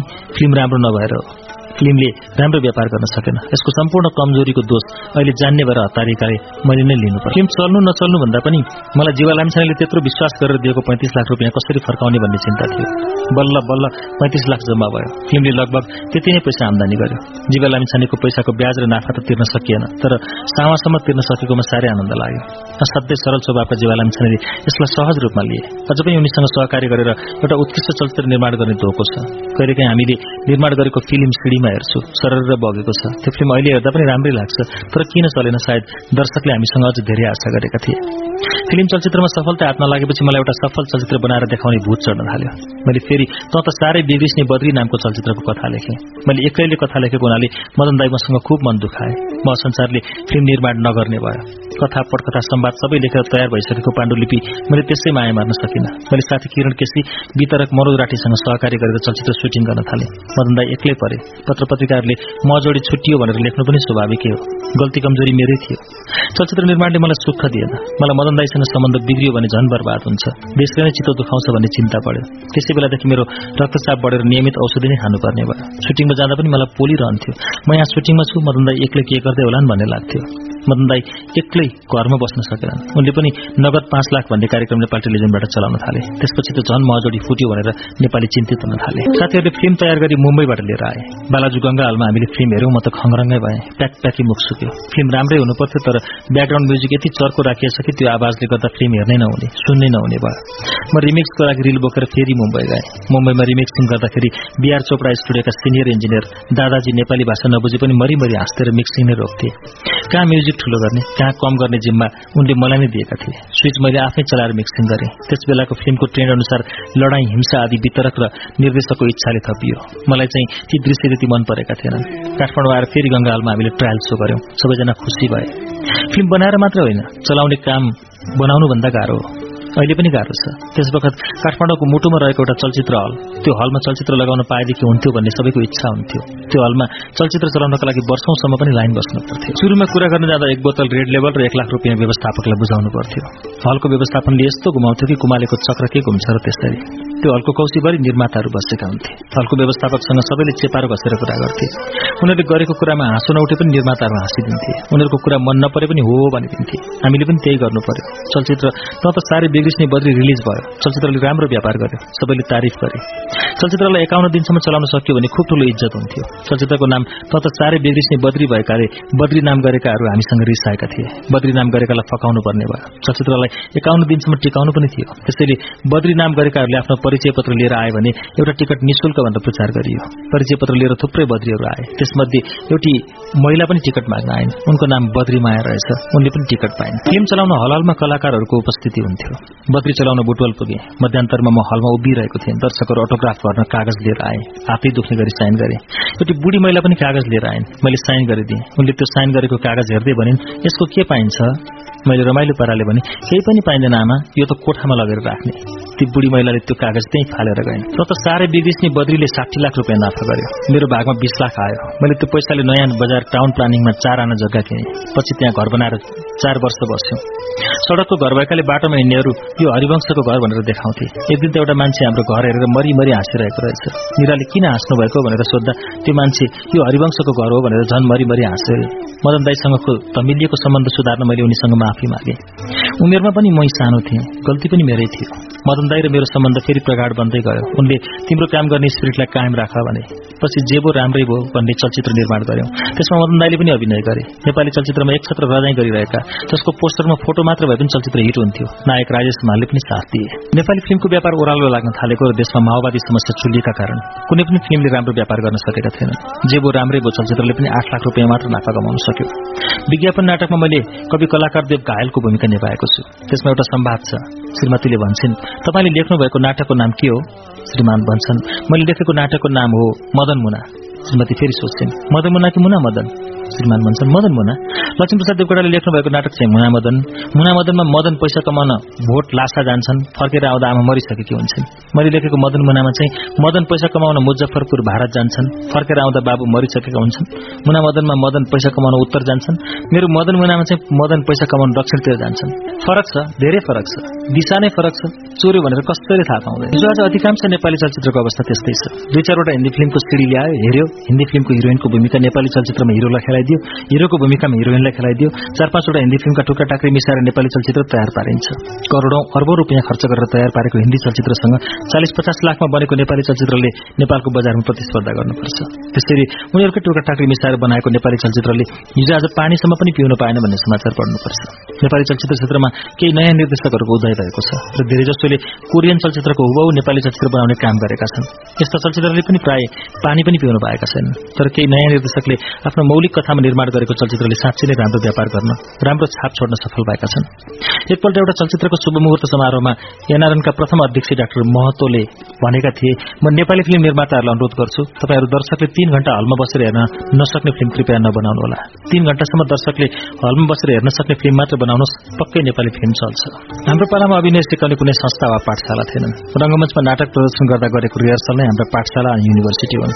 हामीले जे जति गर्न सकेका छौँ त्यो पढेर सिकेका होइनौँ गरेर जानेका रंगमञ्च एउटा सशक्त माध्यम हो। संसारले रंगमञ्चबाट आएका कलाकारहरू निकै अगाडि बढेको देखिएको छ। रंगमञ्चमा नाटक गर्दा दर्शक अगाडि हुने भएकाले आफ्नो अभिनयको प्रतिक्रिया तुरुन्तै पाइन्छ। प्रस्तुति खस्क्यो भने रंगमञ्चको एक मिनट एक घण्टा जस्तो लामो हुन्छ। एक मिनट टिक्न पनि गाह्रो पर्छ। गेट आउटको हुटिङ वा तालीको स्वागत तुरुन्तै सामना गर्नु परिहाल्छ। गुरूकुलमा नाटक मञ्चन गर्नु र प्रज्ञा भवनमा नाटक मञ्चन गर्नु धेरै फरक हुन्छ। गुरूकुलमा हल सानो भएकाले को को आएका छन् को को बोले को को रोए को को हाँसे त्यस्तै देखिन्छ। र त्यहाँ टिकटको मूल्य पनि कम हुने भएकाले दर्शकमा अहम पनि कम हुन्छ। त्यसरी दर्शक अनुशासित भएर बस्छन्। तर ठूला हलमा नाटक मञ्चन गर्दा दर्शक टाढा हुन्छन् चिन्न गाह्रो हुन्छ र कोही कोही त मादक पदार्थ समेत सेवन गरेर आएका हुन्छन्। टिकटका लागि पैसा पनि धेरै तिरेको हुन्छ। त्यसैले दर्शकको अहम बढी नै हुन्छ र त्यति अनुशासित पनि हुँदैनन्। एउटा छुच्चो दर्शक पर्यो भने उसले सारा दर्शकले डिस्टर्ब गरिरहेको हुन्छ। त्यस्तो परिस्थितिमा कलाकारले आफूलाई सम्हाल्दै दर्शक जतिसुकै माथि पनि नातिकन कला प्रस्तुत गर्नुपर्छ। एकपटक भारतीय दूतावासको निमन्त्रणामा राष्ट्रिय सभागृहमा आधी अधुरी हिन्दी नाटक प्रदर्शन गरिएको थियो। नाटकको बीचमा एकजना नेपाली दर्शक दर्शक दीर्घबाट कराए कलाकार तथा निर्देशक ओम पुरीले नाटक रोकते भने अच्छे नाटक देखने के लिए अच्छे दर्शक चाहिए आपको हमारी नाटक पसंद न आए तो आप प्लीज़ बाहर जाइए ती हल्ला गर्ने दर्शक टाउको निहुराउँदै हलबाट बाहिर निस्किए। नाटक फेरि शुरू भयो। तर हामी हाम्रो दर्शकले त्यस्तो भन्ने हिम्मत गर्न सक्दैनौँ। एक दुईपटक चाहिँ रंगमञ्चमा हाम्रो कार्यक्रम गर्दा कृपया भिडियो नखिचिदिनु होला भन्दा नमानी जबरजस्ती खिचेकाले नाटक रोकी मैले भिडियो क्यामेरा खोसेर ल्याएको छु। नाटक गर्दा गर्दै रंगमञ्चबाट भिडियो नखिच्नुहोस् भनेर कराएको छु। दर्शकहरूसँग रमाउँदै र चुनौतीको सामना गर्दै अगाडि बढ्नुपर्ने भएकाले रंगमञ्चका कलाकारहरू निडर हुन्छन्। रंगमञ्चमा काम गर्दा गर्दा नर्भसनेस पचाइसकेका हुन्छन् र क्यामेरामा पनि सजिलै घुलमिल हुन सक्छ हाम्रो अभिनय यात्रा पनि रंगमञ्चबाट शुरू भयो। आफूलाई जन्माउने रंगमञ्चको हामीलाई धेरै माया लाग्छ। तर सानो सन्जेल मात्र छोराछोरी आमा बाबुसँगै बस्छन्। ठूलो भएपछि घरमा मात्रै सीमित रहेर पुग्दैन। बाबुआमालाई भेट्न पनि कहिलेकाहीँ मात्र आउँछ हामी पनि कलाकार जन्माउने आमा रंगमञ्चसँग अलि टाढा भएर टेलिभिजनतिर आकर्षित भएका छौं। रंगमञ्चमा एक शोमा एक हजार मान्छेले कार्यक्रम हेर्छन् भने टेलिभिजनमा एकैपटक देश विदेशमा बस्ने लाखौं नेपालीले हेर्छन्। त्यसैले हिजो आज कलाकार रंगमञ्च भन्दा टेलिभिजन सिनेमामा आकर्षित हुनु स्वाभाविकै हो र समयको खेल पनि हो। क्यामेरामा अभिनयको विविधता देखाउन सजिलो हुन्छ। नजिकै माइक हुने भएकाले बिस्तारै बोल्न पाइन्छ। साउन्डका लागि फेरि डब गरिन्छ। आवाजमा उतार चढाव ल्याउन सकिन्छ। र हिजो आजका क्यामेराहरूको रिजोल्युसन राम्रो भएकाले अनुहारमा भएको तिल जत्रो कोटी पनि छर्लङ्गै देखिन्छ। अभिनयमा अनुहारको भाव पनि प्रष्ट देखाउन सकिन्छ। क्यामेरामा अभिनयको विविधता देखाउन सजिलो हुन्छ तर रंगमञ्चमा अलिक ठूलो स्वरले बोल्नुपर्ने हुन्छ। अनुहारको एक्सप्रेसन पनि अलिक बढी नै चाहिन्छ। कलाकारले दुःखको दृश्यमा अभिनय गर्दा साँच्चैकै दुखी हुनुपर्छ। रुनु पर्दा कतिले आँखामा ग्लिसरिन नराखी अभिनयमा डुबेर साँच्चैकै आँसु निकाल्छन्। अनुहारको एक्सप्रेसन व्यक्त गर्नुपर्दा साँच्चैकै निधार खुम्च्याउनु पर्ने हुन्छ। नक्कली तनाव नक्कली आँसु झार्नुपर्ने भएकाले रंगमञ्चका कलाकारहरूको ब्लड प्रेसर हाई हुने सम्भावना बढ़ी हुन्छ। अनुहार अनावश्यक खुम्च्याउनु पर्दा चाँडै चाउरी पर्छ भनेर अनुसन्धानले देखाएको छ। त्यसैले कलाकारहरूले नियमित शारीरिक व्यायाम ध्यान योग गर्नुपर्छ भन्छन्। अझ महिला कलाकारहरू त सुन्दरता कायम राख्न फेसियल आदि पनि गर्छन्। सुटिङ गर्दा कलाकारहरू मेकअप गर्छन्। मेकअप म्यानले विशेष प्रकारको मेकअप अनुहारमा लगाइदिन्छन्। त्यो क्रिमले अनुहारमा भएका ससाना दाग खत खाल्टाखुल्टी चाउरी आदि छोपिदिन्छ र क्यामेराले खिच्दा उमेर ढल्केका कलाकारहरू पनि जवान देखिन्छन्। मैले एउटा जोक सुनेको थिएँ। एकजना मान्छेले चलचित्रकी नायिकासँग बिहे गरेछन्। नायिकाले राति सुत्नु अगाडि मुख धोएर मुखमा लगाएको क्रिम पाउडर पखालिछन्। मेकअप नहुँदा श्रीमानले नायिका श्रीमतीलाई चिन्नै नसकेर को मेरो कोठामा किन आएको? भनेर कराएछन्। नायिकाले हत्तपत्त फेरि मेकअप गरेपछि मात्र श्रीमानले चिनेछन्। त्यसैले कलाकारहरू चलचित्रमा जस्तो देखिन्छन् त्यस्तो ठ्याक्कै नहुन पनि सक्छन्। हामी रसिया जाँदा एउटा कुरा सुनेका थियौं।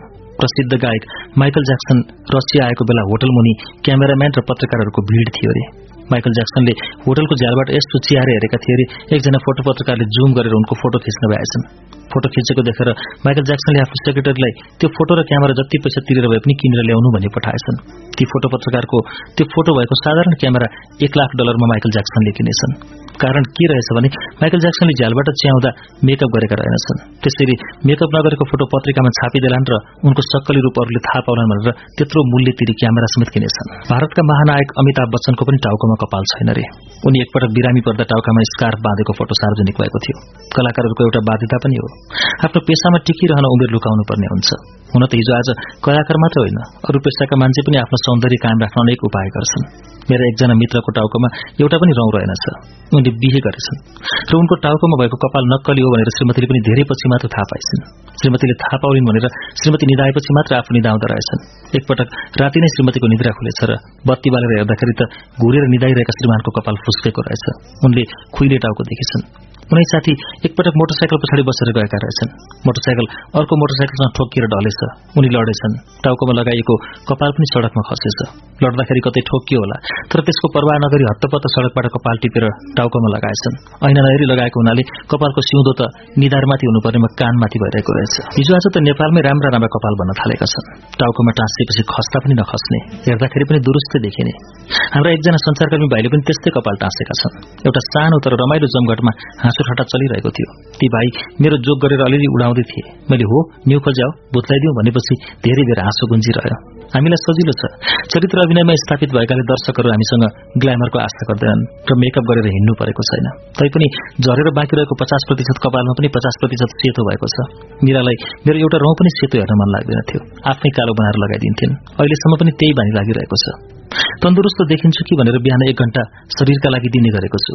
मैले आफ्ना लागि दिने समय त्यही मात्र हो। अरू समय सबै कामलाई र समाजलाई दिने गरेको छु। मान्छेले सिक्ने कुरा कहिल्यै सकिँदैन। जन्मदेखि मर्ने दिनसम्म पनि सिकिरहन्छ। कोही मान्छे पनि कुनै कुरामा कहिल्यै पूर्ण हुँदैन म पनि अभिनयको एउटा विद्यार्थी हुँ। मलाई अभिनय सिकाउने गुरुहरू जताततै भेटिन्छन्। म सानो हुँदादेखि अहिलेसम्म चिनेका र अलि भिन्न किसिमका हावभाव भएका मान्छेहरूलाई निहालेर हेर्छु सम्झन्छु। त्यस्ता चरित्रलाई अभिनयमा प्रस्तुत गर्छु। आफै लेख्ने भएकाले लेखिन सक्दै आफूले खेल्ने भूमिकामा डुबिसकेको हुन्छु। र यो भूमिकामा म यसरी प्रस्तुत हुन्छु भनेर मोटामोटी तय पनि गरिसकेको हुन्छु। म सानै हुँदा टंगाल गैरीधारामा हाम्रो छिमेकमा एउटी आमा थिइन्। उनलाई हामी बैठकी आमा भन्थ्यौं। उनका पति सायद कुनै राणा कहाँ बैठकी काम गर्थे। त्यसैले उनलाई बैठकी आमा भनेको होला। कुप्रिएकी बैठकी आमा लट्ठी टेकेर हिँड्थिन्। हाम्रो पर्खाल जोडिएका छिमेकी शिवप्रसादजीका छोराछोरी ईश्वरी र गोकुल मेरा साथी थिए। शिवप्रसादकी पत्नी आफ्ना छोराछोरीलाई च्याटिएको स्वरले काम हराउँथिन् गाली गर्थिन्। मैले त्यसै बेलादेखि उनको नक्कल गर्न थालेको थिएँ। म त्यो च्याटिएको स्वरमा बोल्ने मात्र होइन गाउन पनि सक्थेँ। ती बैठकी आमाको कुप्राई र शिवप्रसादजीकी पत्नीको स्वर मिसार एउटा चरित्र बनाए। मेरो उचाइ पाँच फिट नौ इन्च छ। आइमेली लगाउने धोती लगाएर उभिँदाखेरि झन् ठूलो देखिने र नराम्रो हुने हुँदा उचाइ घटाउन जति धेरै निउरी उति राम्रो देखिने भएकाले म पूरै हँसी आकारमा निउरिन्थे आधा घण्टासम्म निउरिएर दोहोरी गीतमा नाच्नु पर्दा ढाड दुखेर फत्तकै हुन्थ्यो। म घर गएर ढाडको थेरापी गर्थे। त्यो कुप्राई र स्वरलाई पहिले त हामीले गीतमा मात्र प्रस्तुत गरेका थियौं पछि चलचित्रमा उतार्न मन लाग्यो।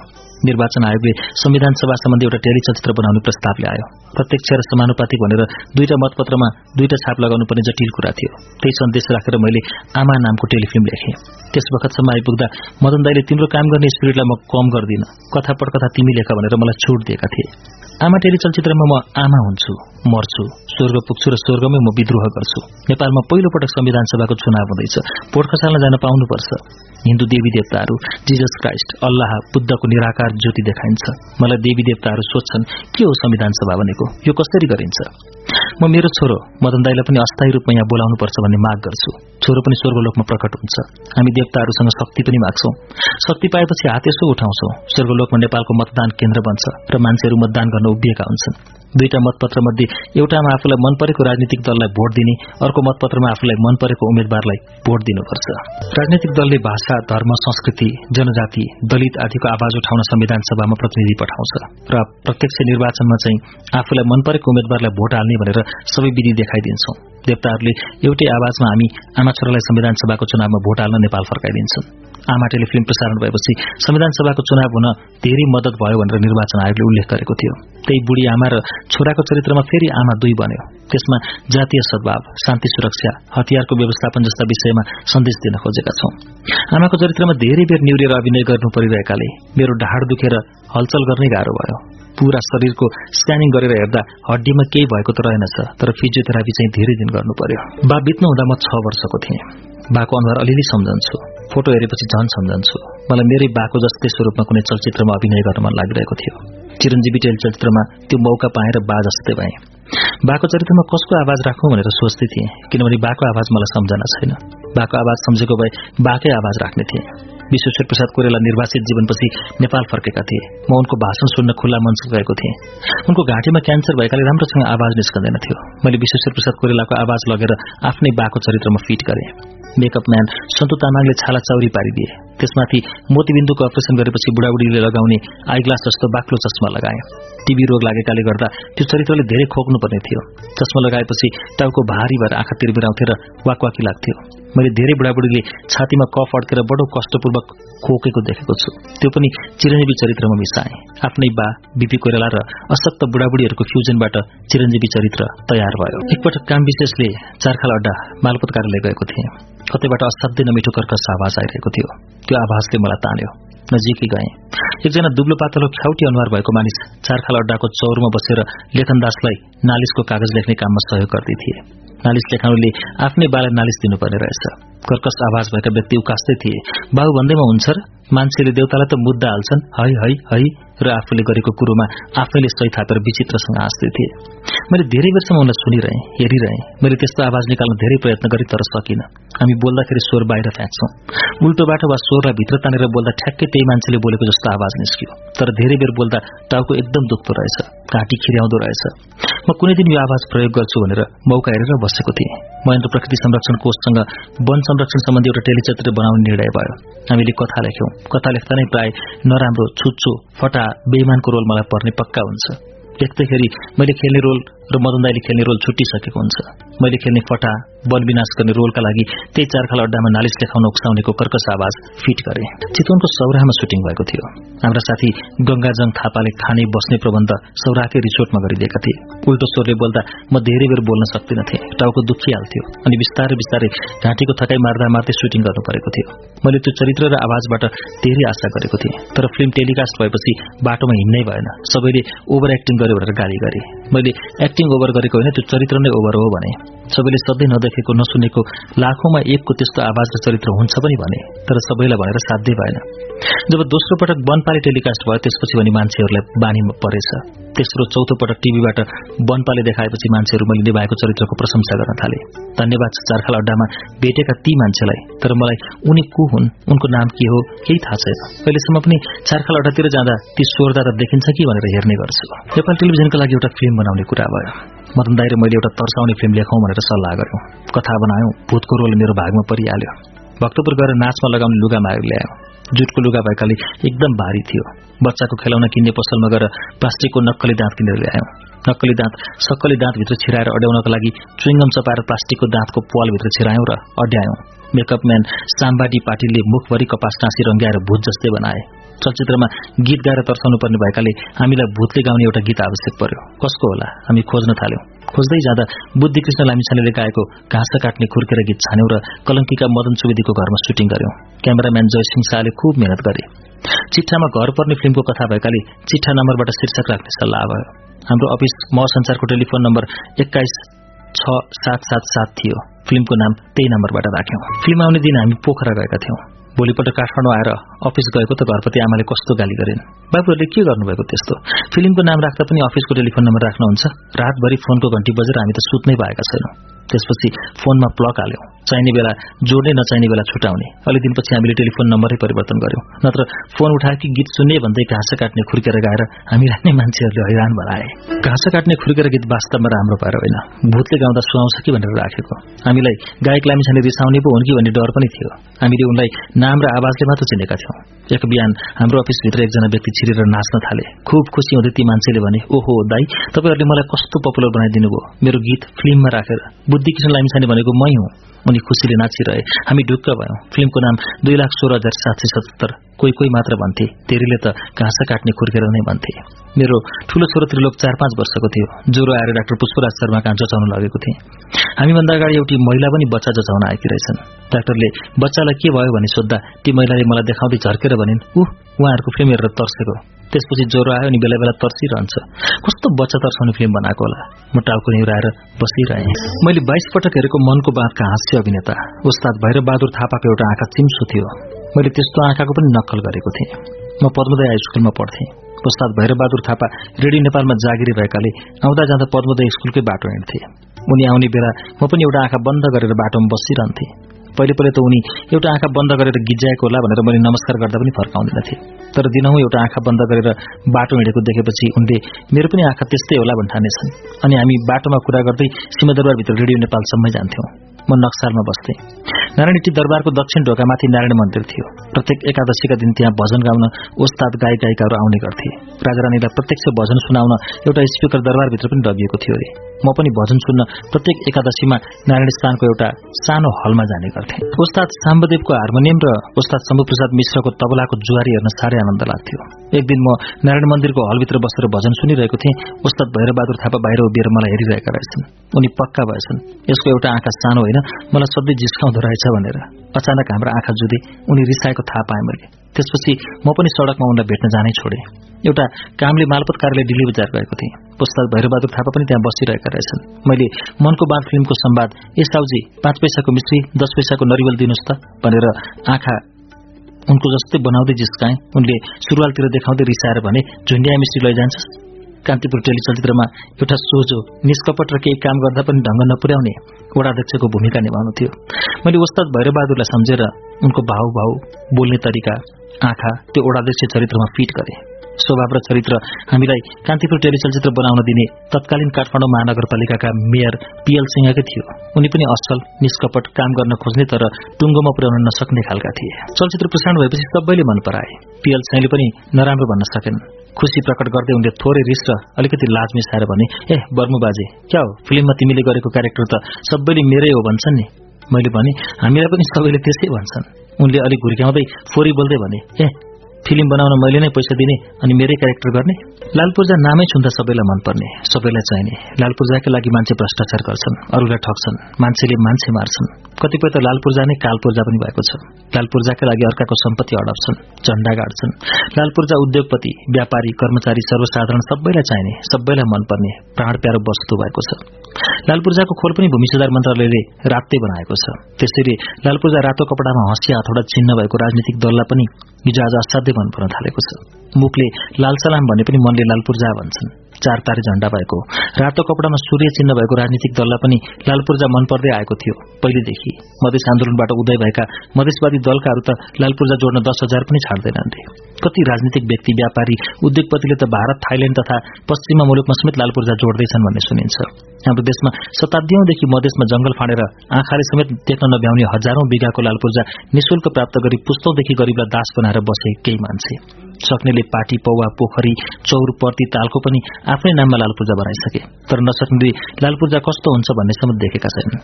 उनीहरूसँग देश त छ तर एउटा कोठा राख्ने ठाउँको लाल पूर्जा समेत छैन। कोही दुर्गन्ध सुँगेर खोलाको किनारमा बस्छन्। त्यो खोलाको किनारमा नसके त छँदैछन् सक्ने पनि मिसिन आउँछन् र डलाने घर ठडाउँछन् अनि बहालमा समेत लगाउँछन्। साँच्चैकै सुकुम्बासीहरू खोलाको दुर्गन्धमा पनि बस्न पाउँदैनन्।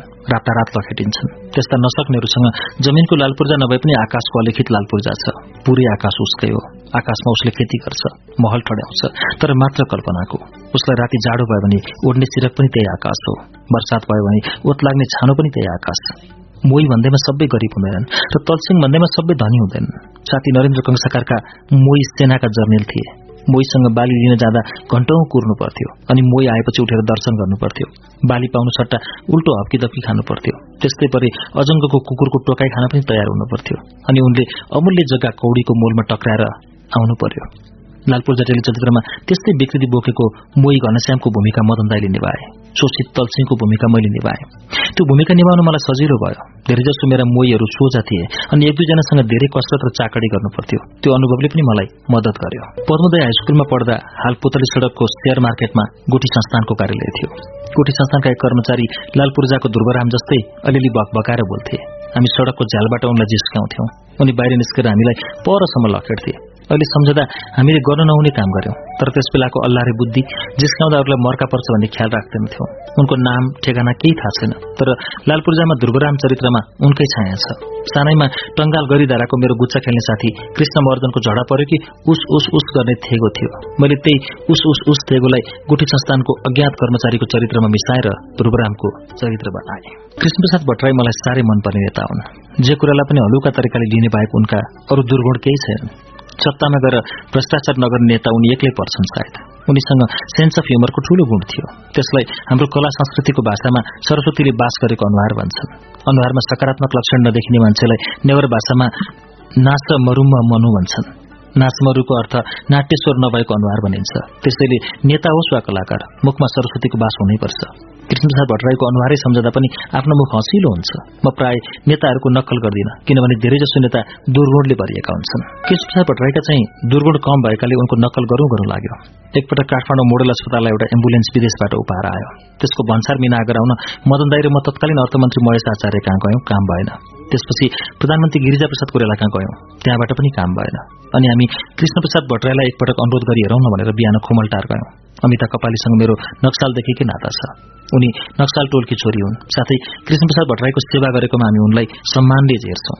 हामीले अमितालाई भट्टराईसँग भेटाइदिन अनुरोध गरेपछि उनले केही क्षण कुर्न भनिन्। एकछिनपछि कृष्णप्रसाद भट्टराई गीताका मन्त्र जप्दै आए। भित्र अरू केही नलगाई पातर धोती मात्र बेरेकाले सबै आकार प्रकार प्रष्ट देखिन्थ्यो। हामीले उठेर नमस्कार गर्यौं।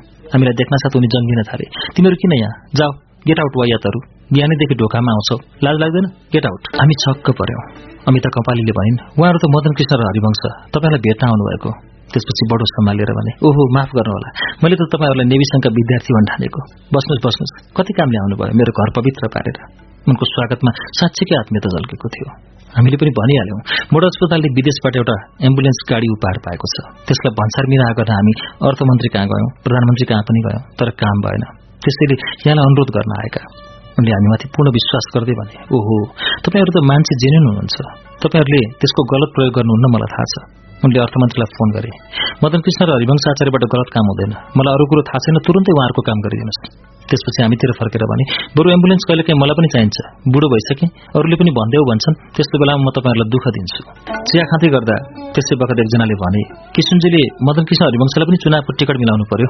भट्टराईले भने हेर्नुहोस् बाबु कला भनेको सुन हो राजनीति भनेको गु। तपाईँहरू सुन चोर्न छोडेर गु चोर्न नआउनुहोस्। तैपनि तपाईँहरूको इन्ट्रेस्ट छ भने म तपाईँहरूको लागि पहल गरिदिन्छु।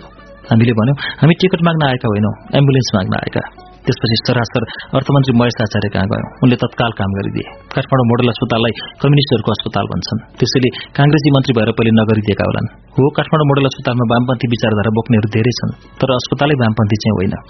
दुई चार पटक कसैलाई जरुरी पर्दा भट्टराईले फोन गरेर एम्बुलेन्स मगाएका थिए। उनले फोन गरेर जहाँको पनि एम्बुलेन्स मगाउन सक्थे तर हामीलाई फोन गरेर मगाउँदा उनलाई पनि हामी आफ्नो मान्छे जस्तो लाग्थ्यो होला। मैले नेपाल बन्द प्रहसनमा कृष्णप्रसाद भट्टराईले नेपाल बन्द गरेको भूमिका निभाएको थिएँ। सो प्रहसन हेर्न कृष्णप्रसाद भट्टराई पनि आएका थिए। प्रहसन हेरेर खुसी हुँदै बधाई भनिदिनु भनेर गएछन्। उनको नकल गर्न सजिलो पनि छ गरौँ गरौँ लाग्ने पनि छ। त्यसैले म नेपाल बन्दमा उनको भूमिकामा देखा परे समाचार पत्रले म रंगमञ्चको कृष्णप्रसाद भट्टराई र दर्शक दीर्घामा बसेर रंगमञ्चको आफूलाई हेरिरहेका कृष्णप्रसाद भट्टराई दुवैको फोटो छापेको थियो। पत्रिकामा दुईजना कृष्णप्रसाद भट्टराई देखिन्थे। हामीले धेरैवटा चलचित्रमा धेरैवटा भूमिका निभाएका छौं। सबै भूमिका जोड्ने हो भने सयवटा जति हुन आउँछन् होला। त्यसमध्ये केही भने आफैलाई पनि चित्त बुझ्दो लाग्छ। बैंकिङ प्रवर्धन समितिले निर्माण गरेको लक्ष्मी टेरी चलचित्र टेलिभिजनबाट प्रसारण भयो। त्यसमा मैले बैंक ठग्ने ठगको भूमिका निभाएको छु। त्यसमा पैसाका लागि म सबैलाई ठग्छु। बैंक समाज स्वास्नी छोराछोरी सासू ससुरा कसैलाई पनि बाँकी राख्दिन। बैंकमा सुन जाँच्ने जाँचके कि बोल्न नसक्ने छोरीलाई बिहे गर्छु र बाध्य बनाएर सुनको सट्टा पित्तल बैंकमा धितो राखेर पैसा झेक्छु अनि जाँचकी ससुरालाई नै फसाएर जेल पठाइदिन्छु। त्यही तोडमा सासू हृदयाघात भएर मर्छिन्। म बोल्न नसक्ने श्रीमतीलाई छोडेर ब्याङ्क म्यानेजरकी छोरीसँग बिहे गर्छु र ब्याङ्क म्यानेजरलाई पनि ठगेर आत्महत्या गर्न बाध्य बनाइदिन्छु। ट्रक ड्राइभर फिल्मको सुटिङ भइरहेको थियो। नायक शिवश्रेष्ठ र म गुहेश्वरी मन्दिरको सिँढी चढ्दै थियौँ। एउटी अद्वैंशी महिलाले मलाई इँटको टुक्राले हानिन् मैले छले। उनले फेरि ढुङ्गाले हानिन् शिवश्रेष्ठले मलाई बचाउँदै लगे। अरूले किन ढुङ्गाले हिर्काएको भनेर सोद्धा उनले नेवारी भाषामा भनिन् थुक्क यो कुलङ्गारले बोल्न नसक्ने लाठी केटीलाई कस्तो दुःख दिएको? त्यस्तो अन्याय पनि गर्नुहुन्छ? मैले पनि नेवारी भाषामै भने फिल्म र नाटकमा त जस्तो पनि गर्नुपर्छ। म त्यस्तो मान्छे कहाँ छु र? उनले रिसाउँदै भनिन् फिल्म भनेर हुन्छ फिल्ममा पनि त्यस्तो अन्याय गर्न पाइन्छ। त्यहाँबाट त अरूले जोगाएर लिएर गए तर मलाई धेरै समयसम्म नमजा लागिरह्यो। पछि थाहा पाएँ उनी गुहेश्वरी मन्दिर परिसरमा फूल बेच्दै रहेछन्। उनकी पनि एउटी छोरी बोल्न नसक्ने रहेछन्। उनले आफ्नै छोरीलाई लक्ष्मी टेरी चलचित्रकी लक्ष्मीसँग तुलना गरेछन्। त्यसपछि मलाई नकारात्मक भूमिका गर्न डर लाग्न थाल्यो। तर चलचित्रमा नकारात्मक र सकारात्मक भूमिका नराखी कथालाई उत्कर्षमा लैजान सकिँदैन। कसै न कसैले नकारात्मक भूमिका गर्नै पर्छ त्यो भूमिका प्राय मेरै भागमा पर्छ। मान्छेहरू सोध्छन् तपाईँहरूलाई आफ्नो सबैभन्दा मनपर्ने चलचित्र कुन हो? आफूले गरेको सबैभन्दा चित्त बुझ्दो अभिनय केमा छ? सबै भिन्ना भिन्नै विषयवस्तु र भिन्ना भिन्नै चरित्र भएकाले यो राम्रो भन्यो भने अर्कोलाई अन्याय पर्छ। बाबुआमालाई कुन छोराछोरीको माया धेरै लाग्छ भनेर सोध्यो भने यो छोरा वा छोरीको भनेर जवाफ दिन गाह्रो भए जस्तै हामीले प्रदर्शनका गरेका टेलिचलचित्र र प्रहसनहरूका बाबुआमा हामी नै हौ। त्यसैले हामीलाई पनि जवाफ दिन गाह्रो छ। रंगमञ्च टेलिचलचित्रमा धेरैवटा भूमिका निभाइयो। अब हिटलर र बुद्धको भूमिका गर्न पाए हुन्थ्यो। किनभने हिटलर युद्धका प्रतीक बुद्ध शान्तिका तर फिल्म अंग्रेजी भाषामा बनाउनु पाए हुन्थ्यो। हामीले अहिलेसम्म जति गर्यौं नेपालीले मात्र बुझ्न पाए। अंग्रेजी भाषामा गर्न पाए संसारका मान्छेले बुझ्ने थिए। हामीले पढ्दा पढाइको स्तर त्यति राम्रो भएन। अहिलेको पुस्तालाई बाबाआमाले धेरै खर्च गरेर महँगा महँगा स्कूलमा पढाएका छन्। उनीहरूको अंग्रेजी भाषा राम्रो हुँदैछ। अबको विश्व धेरै खुम्चिसकेको छ। इन्टरनेट मोबाइल फेसबुकले संसारका सबै मान्छे नजिक भएका छन्। हामी पछिका कलाकार निर्देशकहरूले हाम्रो कला संस्कृतिलाई संसारमा चिनाउनु पर्नेछ।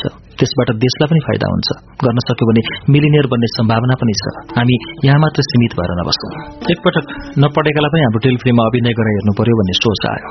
प्लान नेपालले निर्माण गरेको जन्मदर्ता सम्बन्धी सृष्टि टेलिफिल्ममा बालश्रम शोषणका दृश्यमा सड़क बालकलाई नै अभिनय गराउनु पाए वास्तविकता झल्किन्थ्यो भनेर हामीले सड़कमा पोलिथिनको झोलामा डेन्ट्राइट जुत्ता टाँस्ने सुलोसन हालेर सुँग्दै हिँड्ने करिब दस बाह्र वर्षको बालक उसको नाम बिर्से उसँग अन्तर्वार्ता लियो।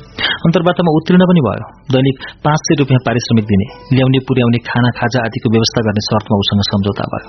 सुटिङ शुरू भयो। केही बढी मेहनत गर्नु पनि त्यो बालकले राम्रै काम गर्यो। दुईटा सिन सुटिङ भइसकेका थिए। तीन बजीतिर त्यस बालकले हाम्रो प्रोडक्सन म्यानेजर कलाकार सुरेन्द्र केसीलाई अर्डर गरेछ। यदाई यता आउनुहोस् त। मलाई वाइ वाइ एक प्याकेट कोक एक बोतल अनि एक बट्टा पाँच सय पचपन्न चुरोट ल्याउनुहोस् त। सुरेन्द्र केसीले चाउचा र कोक मगाइदिएर भनेछन् पाँच सय पचपन्न चुरोट चाहिँ ल्याउन सक्दिनँ। बच्चालाई चुरोट खान दियो भनेर मलाई दाईहरूले गाली गर्नुहुन्छ। त्यो बालकले भनेछ चुरोट भएन भने म सुटिङ गर्न सक्दिनँ। म त जान्छु। दुई सिन सुटिङ भइसकेपछि हिँडिदियो भने दुई दिनको काम खेर जान्छ। त्यसैले पाँच सय पचपन्न नै चाहिन्छ भनेकाले त्यही नै मगाइदिएछन् हामीलाई नभनिकन। एक घण्टापछि सुटिङ ब्रेक भयो। अनि उसले सुरेन्द्र केसीलाई फेरि भनेछ दाई मलाई भोडका हाफ ल्याइदिनुहोस् त। कहाँ भोडका त जस्तो दस बाह्र वर्षको पुच्चेले हाफ भोडका खानुहुन्छ भनेर गाली गर्दा उल्टो भनेछ मेरो त अघि नै खाने बेला भइसकेको थियो। यो पिन्जल सहेर बसेको। म त अब नखाइ कामै गर्न सक्दिनँ। खाना नपाए म त हिँडिदिन्छु। सुरेन्द्र भाइले आएर हामीलाई दिउँसोदेखिका कुरा सुनाएर भने के गर्ने दाई? फुच्चे हिँडिदियो भने त काम बर्बाद हुन्छ। कुन नैतिकताले त्यो फुच्चेलाई भोड्का र चुरोट किनेर खान दिने? सबैसँग हामीले सल्लाह गर्यौं हामीले उसलाई भोड्का खान दिएनौँ भने पनि त्यो गएर डेन्ट्राइट सुँगेर हलिन थालिहाल्छ। के गर्ने त? तिनीहरूले जेसुकै गरेर फकाए पनि हामीले भोड्का किनिदेऊ भन्न सकेनौं। सुरेन्द्र केसीले सुटिङ सकिएपछि भने दाई मैले भोड्का किनिदिएँ नत्र टिक्नै सकिएन। पहिले एक क्वार्टर मात्र दिएको रिसाएर ढोकामा पुगेछ। सुरेन्द्रले अर्को सिसी देखाएछन् अनि फर्केर आए राति नौ बजीतिर सुटिङ सक्यौं र उसलाई पुर्याउन गाडी मगायौं। जाने बेलामा उसले भन्यो मलाई भोलि एघार बजीतिर मात्र लिन आउनु है। मैले सोधेँ किन? उसले भन्यो भोलि बिहान हाम्रो ग्याङ फाइट छ। फाइट सकेर आउँदा अभिर हुन्छ। हामीलाई अर्को पिर पर्यो। के गरी ग्याङ फाइट भएर उसको अनुहारमा घाउ लाग्यो भने हातखुट्टा भाँच्यो भने त सुटिङ नियमित गर्न सकिँदैन हामीले ग्याङ फाइट नगर्न अनुरोध गर्यौं। उसले त अंग्रेजीमा शब्द पनि प्रयोग गर्दै भन्यो होइन यो सुटिङ भनेको दुई चार दिनको काम हो। पछि मेरा साथीहरूसँग मिसअन्डरस्ट्यान्डिङ हुन्छ। भोलिपल्ट ऊ नआइन्जेल हामीलाई चिन्ता भइरह्यो। आएन भने के गर्ने? घाइते भएर आयो भने के गर्ने? केही समयपछि आङ तान्दै गाडीबाट ओर्लियो। धन्न जस्तो गएको थियो त्यस्तै आयो। हामीले सोध्यौं ग्याङ फाइट भयो? उसले विजय भावको मुद्रामा भन्यो सालेहरू भागे हाम्रो ग्याङ देखेर। त्यस दिन पनि उसको फरमाइस पाँच सय पचपन्न चुरोट र हाफ बोतल भोडका थियो अरे। हामीले योसँग धेरै दिन काम गर्न सकिँदैन भनेर उसको रोल छोट्यायौं र दुई दिनमै सकेर उसलाई भन्यो ल तिम्रो अब काम सकियो। भोलिदेखि नआए हुन्छ। उसले प्रश्न गर्यो। चार दिनलाई भनेर बोलाएको होइन? हामीले भन्यौं चार दिन भने पनि तिमीले छिटो काम गर्न सक्यौ। त्यसरी दुई दिनमै सकियो। उसले अझ झोकिएर भन्यो त्यसो भए पैसा चारै दिनको दिनुपर्छ। चारै दिनको पैसा दुई हजार दियौं। अनि हामीले पनि भोड्का र चुरोटको कुरा झिकेर गाली गर्यौं। करिब तीन हप्तापछि म ठमेलबाट फर्कँदै थिएँ। केशर महलको ट्राफिकमा रातो बत्ती बल्यो। मैले गाडी रोकेँ। त्यही बालक डेन्ट्राइट सुँगेर सड़कमा बसिरहेको रहेछ। मलाई देखेर गाडीतिर आयो। मैले गाडीको सिसा बन्द गरेको थिएँ। उसलाई दायाँतिर देखे पनि मैले नदेखे जस्तै गरेर अगाडि हेरिरहेँ। उसले झ्यालको ऐनामा टक गर्दै भन्यो हरिवंशजी ए हरिवंशजी खै सय रुपियाँ दिनुहोस् त? मैले नसुने जस्तो गरी देब्रेपट्टि मुन्टो फर्काएँ। ऊ फेरि देब्रेतिरै आयो झ्यालमा टक गर्दै भन्यो हरिवंशजी ओ हरिवंशजी। मैले मुन्टो सिधा पारेर अगाडि हेरिरहेँ। ऊ अगाडि नै आयो र भन्न थाल्यो क्या हो? काम पर्दा गाडी लिली लिन आउने अहिले काम सकेपछि बोलाउँदा पनि नबोल्ने? मैले केही प्रतिक्रिया जनाएन देखेको नदेखे जस्तै गरी बसिरहेँ। उसले फेरि बोलायो हरिवंशजी ओ हरिवंशजी ए हरिवंशी ए साले हरिवंशी हरियो बत्ती पर्यो मैले उसलाई नहेरी गाडी अगाडि बढाएँ। उसले मेरो मारुति जिप्सी गाडीमा भुवाक्क एक्ला तान्यो हामीले सड़क बालबालिकालाई टेलिफिल्ममा अभिनय गर्न बोलाउँदा सड़कका यस्ता बालबालिकालाई जम्मा पारेर एउटा कलाकार टोली नै बनाउन पाए पनि हुन्थ्यो भन्ने कल्पना गरेका थियौं। तर उसको क्रियाकलाप देख्दा एउटालाई त नियन्त्रण गर्न सकिँदो रहेनछ। धेरैलाई कलाकार बनाउनु त ज्यादै गाह्रो होला जस्तो लाग्यो। तैपनि कुनै दिन सकिएछ भने यी कलिला बालबालिकालाई कलाकार बनाउने धोको मनमा रहिरहेको छ। हामी टेलिफिल्मको सुटिङ गर्न गाउँघर खोज्दै हिँड्छौं। टेलिफिल्म बनाउने बजेटमा एकरूपता हुँदैन। त्यसैले पर्याप्त बजेट छ भने सुटिङ गर्न देशका रमणीय ठाउँहरूमा पनि पुग्छौं। बजेट थोरै छ भने यतै काठमाडौँकै वरिपरिका डाँडा पाखा र गाउँघरतिर जान्छौं। तर काठमाडौँ नजिकका मोटर जाने डाँडाहरूमा घरका नाममा सिमेन्ट र इँटको टाट उम्रिसकेको छ न व्यवस्थित सहर भएको छ न सुन्दर गाउँ नै बाँकी छ। कक्नीदेखि सुन्दरीजल र नगरकोटसम्मका डाँडाका घरका आँगनको छेउबाट धुवा आइरहेको हुन्छ।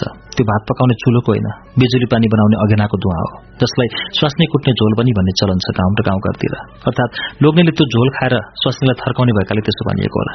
तर काठमाडौँ वरिपरिका डाँडामा यो झोल लोग्नेले मात्र पिउँदैनन् स्वास्नीले पनि ठाडो घाँटी लगाउँछन्। यी डाँडा वरिपरिका घरहरूका प्राय मान्छेको पेसा घरेलु रक्सी बनाउने हो र महिलाहरू नै प्राय संलग्न हुन्छन्। रक्सी बनाउँदा पानी पुगे कि पुगेन भनेर पकाउने महिलाले बिहानैदेखि चाख्छन्। यसरी चाख्दा चाख्दा चाख्ने मात्र होइन खाने आदतै बसिसकेको हुन्छन्। अनि पानी चाहिने महिलालाई बिहान उठ्नसाथ रक्सीको लागि पानी पिउँ पिउँ जस्तो लाग्छ। त्यस्ता धेरै महिलाहरूको मुख रातो जलजल परेर सुन्निए जस्तो हुन्छ। साथै महिलाहरूले पनि पिएको सुरमा फोहोर शब्द प्रयोग गर्छन्। ककनीदेखि त्यस्तो घरेलु रक्सी बालौजा आउँछ। बुढानीलकण्ठ डाँडाको रक्सी महाराजगंजसम्मका भट्टीमा ओर्लिन्छ सुन्दरीजलको डाँडाको रक्सी बौद्ध गोकर्ण जोरपाटीका चिया पसलहरूलाई भट्टी बनाउन आइपुग्छ। नगरकोटका डाँडाहरूबाट पनि पहाड़ी खोला बगे चाहिँ भक्तपुरतिरका भट्टीहरूमा रक्सी बग्छ। हामी मह चौतारी टेलिफिल्म सुटिङ गर्न नगरकोट पुग्यौं। सामाजिक विषयवस्तु सिनो जुन जातले पनि उठाउनुहुन्छ सार्कीले मात्रै उठाउनुपर्छ भन्ने छैन भन्ने त्यस टेलिफिल्मको मुख्य सन्देश छ। हामीलाई एउटा मरेको गुरु देखाउनु थियो। हामीसँग एकजना भेटनरी डाक्टर पनि थिए। चार हजार रुपियाँ भाडा तिरेर नगरकोटकै एउटा भेटनरी डाक्टर पनि थिए। चार हजार रुपियाँ भाडा तिरेर नगरकोटकै एउटा घरबाट सुटिङका लागि गोरु ल्यायौं गोरुलाई बेहोस पारेर मरेको जस्तै देखाउनु पर्ने थियो। डाक्टरले बेहोस बनाउने औषधि सिरिन्जमा राखेर गोरुलाई इन्जेक्सन दिए। सुटिङ गर्न क्यामेरा ठिक थियो तर गोरु बेहोसै भएन। डाक्टरले फेरि औषधि थपेर इन्जेक्सन दिए। गोरु सुतेको जस्तो भएको थियो। क्यामेरा खोल्न साथ जुरुक्कै उठ्यो। अब अरू इन्जेक्सन थप्न डाक्टरले मानेनन्। योभन्दा धेरै त दिनु हुँदैन। उनले छक्क पर्दै थपे। यत्रो औषधिले त यो गोरु सुत्नुपर्ने हो।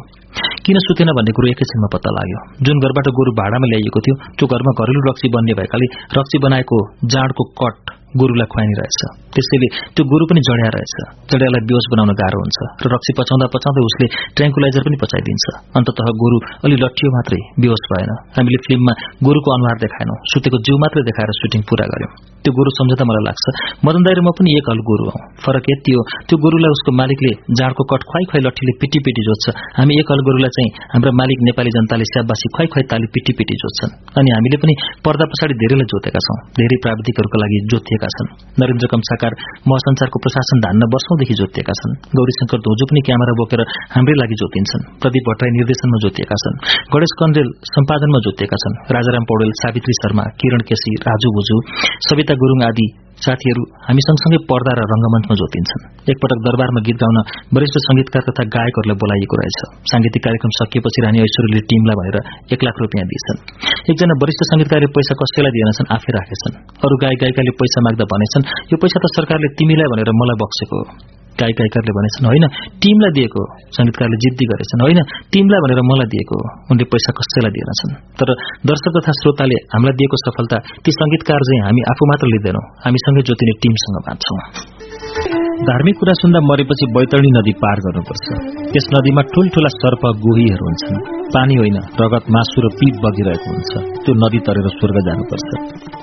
मरेपछि तर्ने बैतरणी नदी जिउँदैमा तर्ने कोसिस गर्दैछु। बैतरणी नदी तर्नु भनेको यही जीवनलाई पार लगाउनु हो। बैतरणी नदीमा हुने गोही सर्प भनेको संघर्ष र चुनौती हुन्। अलिकति डगमगायो भने चुनौतीले निधिहाल्छ रगत मासु पिप मलमूत्र भनेका जीवनमा आइलाग्ने घिनलाग्दा कुरा हुन्। र यिनीहरूसँग बस्दै अगाडि बढ्नुपर्छ। प्रतीकात्मक रूपको बैतरणी नदी जिउँदैमा तरेर स्वर्ग जस्तो देश नेपालमा स्थापित हुन खोज्नु हो। म त्यही खोज्दछु। हामी त्यही खोज्दैछौ। मैले एउटा गीत लेखेर गाएको थिएँ तर त्यति चलेन। सायद त्यो गीतको लय मेरो स्वरलाई नसुहाउने भयो तर यसको शब्द आफैले लेखेको भए पनि राम्रै लाग्छ। रोँदै जन्मिएको मान्छे म। हाँस्न सिकेँ छ महिनामा। हाँसो भन्दा आँसु जेठो अलिअलि हाँसो छ ओठमा। आँसुको त मुहानै आँखामा। मान्छे जन्मने बित्तिकै रुन्छ जो रुँदैन उसलाई चिमोटेर खुट्टा समाति उल्टो झुन्ड्याएर पैतालामा पिटेर भए पनि रुवाइन्छ जन्मना साथ रुनै पर्ने भनेको जीवनमा जसले पनि रुनुपर्ने संकेत हो। त्यसैले हाँसो भन्दा आँसु जेठो हो। मलाई लाग्छ जसको पनि जीवनमा आँसुले हाँसोलाई जिती जित हाल्छ। गरीबलाई गरीबीले रुवाइरहेको छ तनीलाई धनले रुवाइरहेको छ। अपराधी मन भएकाहरू धेरै मान्छे मार्न पाइन भन्ने पिरले रुन्छन्। कोमल मन भएकाहरू कति धेरै मान्छे मर्दैछन् भनेर रुन्छन्। मान्छेको हेराइमा म हँसाउने मान्छे हुँ। सोच्लान् योसँग त हाँसोको खानी छ। यो त रुँदै रुँदैन। तर म पनि जन्मना साथ रोएको थिएँ। धेरै बेरसम्म चिच्चाइ चिच्चाइ रोएको थिएँ होला। त्यसैले मसँग भएको हाँसोलाई आँसुले नराम्रोसँग जितेको छ। बाल्यकालमा आमा नमरुन् बुढेसकालमा स्वास्नी नमरुन् भन्छन्। तर म एघार वर्षको हुँदा मेरी आमा बित्नु भयो त्रिपन्न वर्षको हुँदा मेरी मिरा। छोरा त्रिलोक र मोहित मिरालाई मामु भन्थे। म पनि उनलाई मामु नै भन्थे। मामु भन्दा मलाई उनी आमा जस्तै लाग्थ्यो। मिरा मेरो अभिभावक पनि थिइन्। नारीका रूप धेरै हुन्छन् भन्ने सुनेको मात्र थिएन तर मैले मिराको साथ पाएपछि आफैले अनुभव गरेँ। आमा श्रीमती अभिभावक साथी आदि सबै भएर उनले मलाई साथ दिइन् उनी मसँग नआएकी भए मेरो जीवन आवाराको जस्तो हुन्थ्यो होला भन्ने लाग्छ। म उनलाई असाध्य आदर गर्थे। मलाई सिटिमिथि कसैसँग पनि डर लाग्दैन थियो। तर मिरासित म डराउँथे। उनले मलाई तर्साएर मेरो मनभित्र भय गाडी दिएको होइन। उनले मेरो हृदयभित्र माया भरिदिएकी हुन्। गहिरो मायामा सबैभन्दा बढी भर र सबैभन्दा बढी डर दुवै हुँदो रहेछ। म तिमीलाई आफूभन्दा पृथक ठान्दै ठान्दिन। म तिमीलाई आफूभन्दा पृथक ठान्दै ठान्दिन। हाम्रो प्राण अलग छ भनी भन्दै भन्दिन। म आफ्नो हत्केलाको आयुरेखा हेर्दै हेर्दिन। तिमी बाँचुन्जेलसम्म म पनि मर्दै मर्दिन। मैले यो गीत लेखेर मिरालाई सुनाए। उनी मेरो उब्रेको ट्राउजर सिलाउँदै थिइन्। गीत सुनेर उनले आँखाबाट बर्र आँसु झारिन्। मैले सोधेँ मामा किन यस्तो गरेको? यो गीतमा तिम्रो मन दुखाउने केही त्यस्तो कुरा छ र? उनले मलाई अँगाल्दै भनिन् बाबा हजुर मलाई यस्तो माया गर्नुहुन्छ। कहिले काहीँ लाग्छ म हजुरभन्दा पहिले मर्छु अनि हजुरले दुःख पाउनुहुन्छ। उनलाई आफ्नो मुटुमा राखेको यन्त्र पेसमेकर सम्झेर यस्तो लाग्दो रहेछ। उनले सानैमा चिना देखाउँदा सडचालिस वर्षको उमेरमा ठूलो खड्गो छ भनेर ज्योतिषीले भनेको सुनेकी रहेछन्। त्यो सडचालिस वर्षको खड्गो उनको मनमा गढेको रहेछ। मैले सम्झाएँ हेर मामु संसारभरिका कैयौं मान्छेले पेसमेकर जोडेका छन्। विज्ञानलाई धन्यवाद छ जसले त्यत्रा मान्छेलाई बचाइरहेको छ। तिमी पनि ज्योतिषलाई भन्दा विज्ञानलाई बढी विश्वास गर। पेसमेकर छाती चिरेर भित्र खल्ती जस्तो बनाएर जडान गरेको हुन्छ। बाहिरबाट त्यस्तो केही देखिन्न। हेर्दा मिरा पनि सामान्य देखिन्थिन्। मिठो स्वरले एफएममा कार्यक्रम सञ्चालन गर्थिन्। सधैँ उनको आवाजको प्रशंसा सबैले गर्थे। उनले पनि आफ्नो छुट्टै चिनारी बनाएकी थिइन् तर स्वास्थ्यले दुःख दिइरहन्थ्यो। मिराको स्वभाव साह्रै तीक्ष्ण थियो। अरूलाई नगनाएको गन्ध उनको नाकले थाहा पाउँथ्यो। हामीलाई साधारण लाग्ने आवाज उनलाई ठूलो लाग्थ्यो। सानो दुःखमा पनि उनलाई रातभर निन्द्र लाग्दैनथ्यो कहिलेकाहीँ राति सुतेको बेला उनको मुटु ढुक ढुक गरेको बाहिरै सुन्थे। म त्यो कुरा थाहा पाएर पनि उनलाई उठाएर भन्न सक्दिनथे। किनभने मैले भनेपछि आफ्नै बिरामी मुटुसँग डराएर उनको ढुकढुकी झन बढ्न सक्थ्यो उनलाई म निधाउन दिन्थे तर उनको मुटुको ढुकढुकी सुनेर मेरो पनि मुटु ढुक ढुक गर्थ्यो र रातभरि निधाउन सक्दिनथे। काँचको सामानमा ह्यान्डल विथ केयर अर्थात जतन गरेर चलाऊ भनेर लेखेको हुन्छ। मेरा पनि काँचकै सामान जस्तै जतन गरेर चलाउनु पर्ने मैले डाक्टरसँग उनका यी बानी बारेमा सोद्धा डाक्टरले भने कुनै कुनै मान्छेको शरीरमा सेन्सिटिभिटी महसुस गर्ने क्षमता बढी हुन्छ। उहाँमा पनि सेन्सिटिभिटी बढी भएको हो। मिरा आफू पनि नम्र। उनीसँग सबैले नम्र भएरै बोल्नु पर्थ्यो। उनको मुखबाट कर्कस आवाज कहिल्यै सुनिएन। उनी साँच्चैकै दयालु थिइन्। आफ्नो हाम्रो जन्मदिनमा वा विशेष चाडपर्वहरूमा अनाथ बालबालिकालाई लत्ता कपडा जुत्ता बाँध्थ्यौं ठूलो छोराले अमेरिकाबाट मेरो जीवनको पहिलो कमाई भनेर आमालाई एक हजार डलर पठायो। त्यसबाट बीस हजार रुपियाँको लत्ता कपडा किनेर जय बाल भोजनका बालबालिकालाई बाँडिछन्। मिराले कसैसँग वाद विवाद गर्न रुचाएनन्। कसैले जिद्दी गरे उनी आफू हारिदिन्थिन्। उनी कहिले कठोर बोल्दिनथिन्। उनी मेरो जीवनको पिपलको छहारी हुन्। उनी आएपछि मेरो जीवनै शीतल भयो। म पहिले अलिक कठोर बोल्थेँ। उनको आगमनले म पनि नम्र हुँदै जान थालेँ। उनलाई मुटुको ढुकढुकीले अलिक बढी दुःख दिन्थ्यो। रक्तचापको घटीबढीले पनि सताउँथ्यो बेला बेला जचाउन अस्पतालमा धेरै गइरहनु पर्ने कारणले उनी ग्लानी महसुस गर्थिन् र फेरि त्यस्तै शब्द दोहोऱ्याउँथिन्। मैले हजुरलाई कति धेरै दुःख दिएँ। मुटुमा जडेको पेसमेकरको ब्याट्री प्रत्येक आठ दस वर्षमा सकिँदो रहेछ। ब्याट्री फेर्न फेरि अपरेसन गर्नुपर्छ। एकपटक ब्याट्रीको तार चुडिएछ त्यो जोड्न पनि अपरेसनै गर्नु पर्यो पेसमेकर जडान गरेको बाइस वर्षमा तीन पटक अपरेसन भयो। हाम्रो जिन्दगी काठमाडौँको सड़क जस्तो भयो। टालटुल गर्यो चिल्लो बनायो फेरि अर्कोतिर उक्कन्छ फेरि यता टाल्यो उतातिर उक्कन्छ काठमाडौँको बाटो त कमिसन र हेलचेक्राइले गर्दा त्यस्तो हुन्छ। मिराको उपचारमा मैले न कमिसन खाएको छु न त डाक्टरले नै हेलचेक्राइ गरेका छन्। तर पनि किन यस्तो हुन्छ? पेसमेकर जिन्दगी राख्ने भाँडो भयो। प्राकृतिक शरीरमा सधैँ बोकेर हिँड्नुपर्ने घाँडो पनि भयो। मान्छे जतिसुकै धनी होस् वा गरिब जत्रोसुकै दाता होस् वा माग्ने जतिसुकै क्रूर होस् वा दयालु सबैको पहिलो घर एउटै हुन्छ पाठेघर आफ्नै आमाको पाठेघर पहिलो घरबाट निस्केपछिको घर भने फरक फरक हुन्छ। कोही महलमा जन्मन्छन् कोही झुपडीमा। कोही बगरमा जन्मन्छन् कोही सड़कमा। समय आएपछि जतिसुकै शक्तिशाली मान्छे पनि यो संसारको घरमा बस्न नपाए जस्तै। समय पुगेपछि जोसुकैले पनि आमाको पाठेघरमा बस्न पाउँदैन। मेरा छोराहरू त्रिलोक र मोहित पहिलो घर आमाको पाठेघर छोडेर सुविधा सम्पन्न उनीहरूको जीवनको दोस्रो घर घट्टेकुलोमा जन्मे। पैंतालिस वसन्त र शिशिर पार गरेपछि मिराको त्यो पाठेघरमा ट्युमरले झण्डा गाडेर कब्जा गर्यो र जबरजस्ती बस्न थाल्यो। ती ट्युमरका गुरिल्लाहरूले पाठेघरका नसाहरू सबै कब्जा गरिसकेका रहेछन्। ती ट्युमरका गुरिल्लाहरूले कलेजो फोक्सो जताततै कब्जा गर्ने चुनौती दिए। त्यसपछि डाक्टरले रोगका गुरिल्लाहरूले कब्जा गरेको घर नै सुरक्षित तरिकाले झिकेर फ्याँकिदिए। त्रिलोक र मोहितको पहिलो घर उनीहरूले छाडेको दुई दशकपछि उजाडियो। भाग्यले प्रहार गरेको ढुङ्गा मिराको पित्त थैलीमा गएर अड्केछ। त्यसलाई समयमै झिकिएन भने बम झैँ पड्केर जिन्दगी नै ध्वस्त हुन सक्छ। त्यसैले त्यसलाई पनि डिस्पोज गर्नुपर्छ भनेका थिए डाक्टरले आफ्नो शरीर जतिचोटि चिर्नु परे पनि उनले दुःख महसुस गरिन्। उनलाई एउटै मात्र ग्लानी भयो। मैले गर्दा हजुरलाई दुःख भयो। अस्पतालको क्याबिनमा कुरुवा सुत्ने ठाउँ सानो र साँगुरो हुन्छ। खुट्टा पुरा तन्काएर सुत्दा सानो खाटबाट बाहिर निस्कन्छ। यताउता चल्यो भने आफ्नो डुल जिउ ठूलो खसिएला भन्ने डर।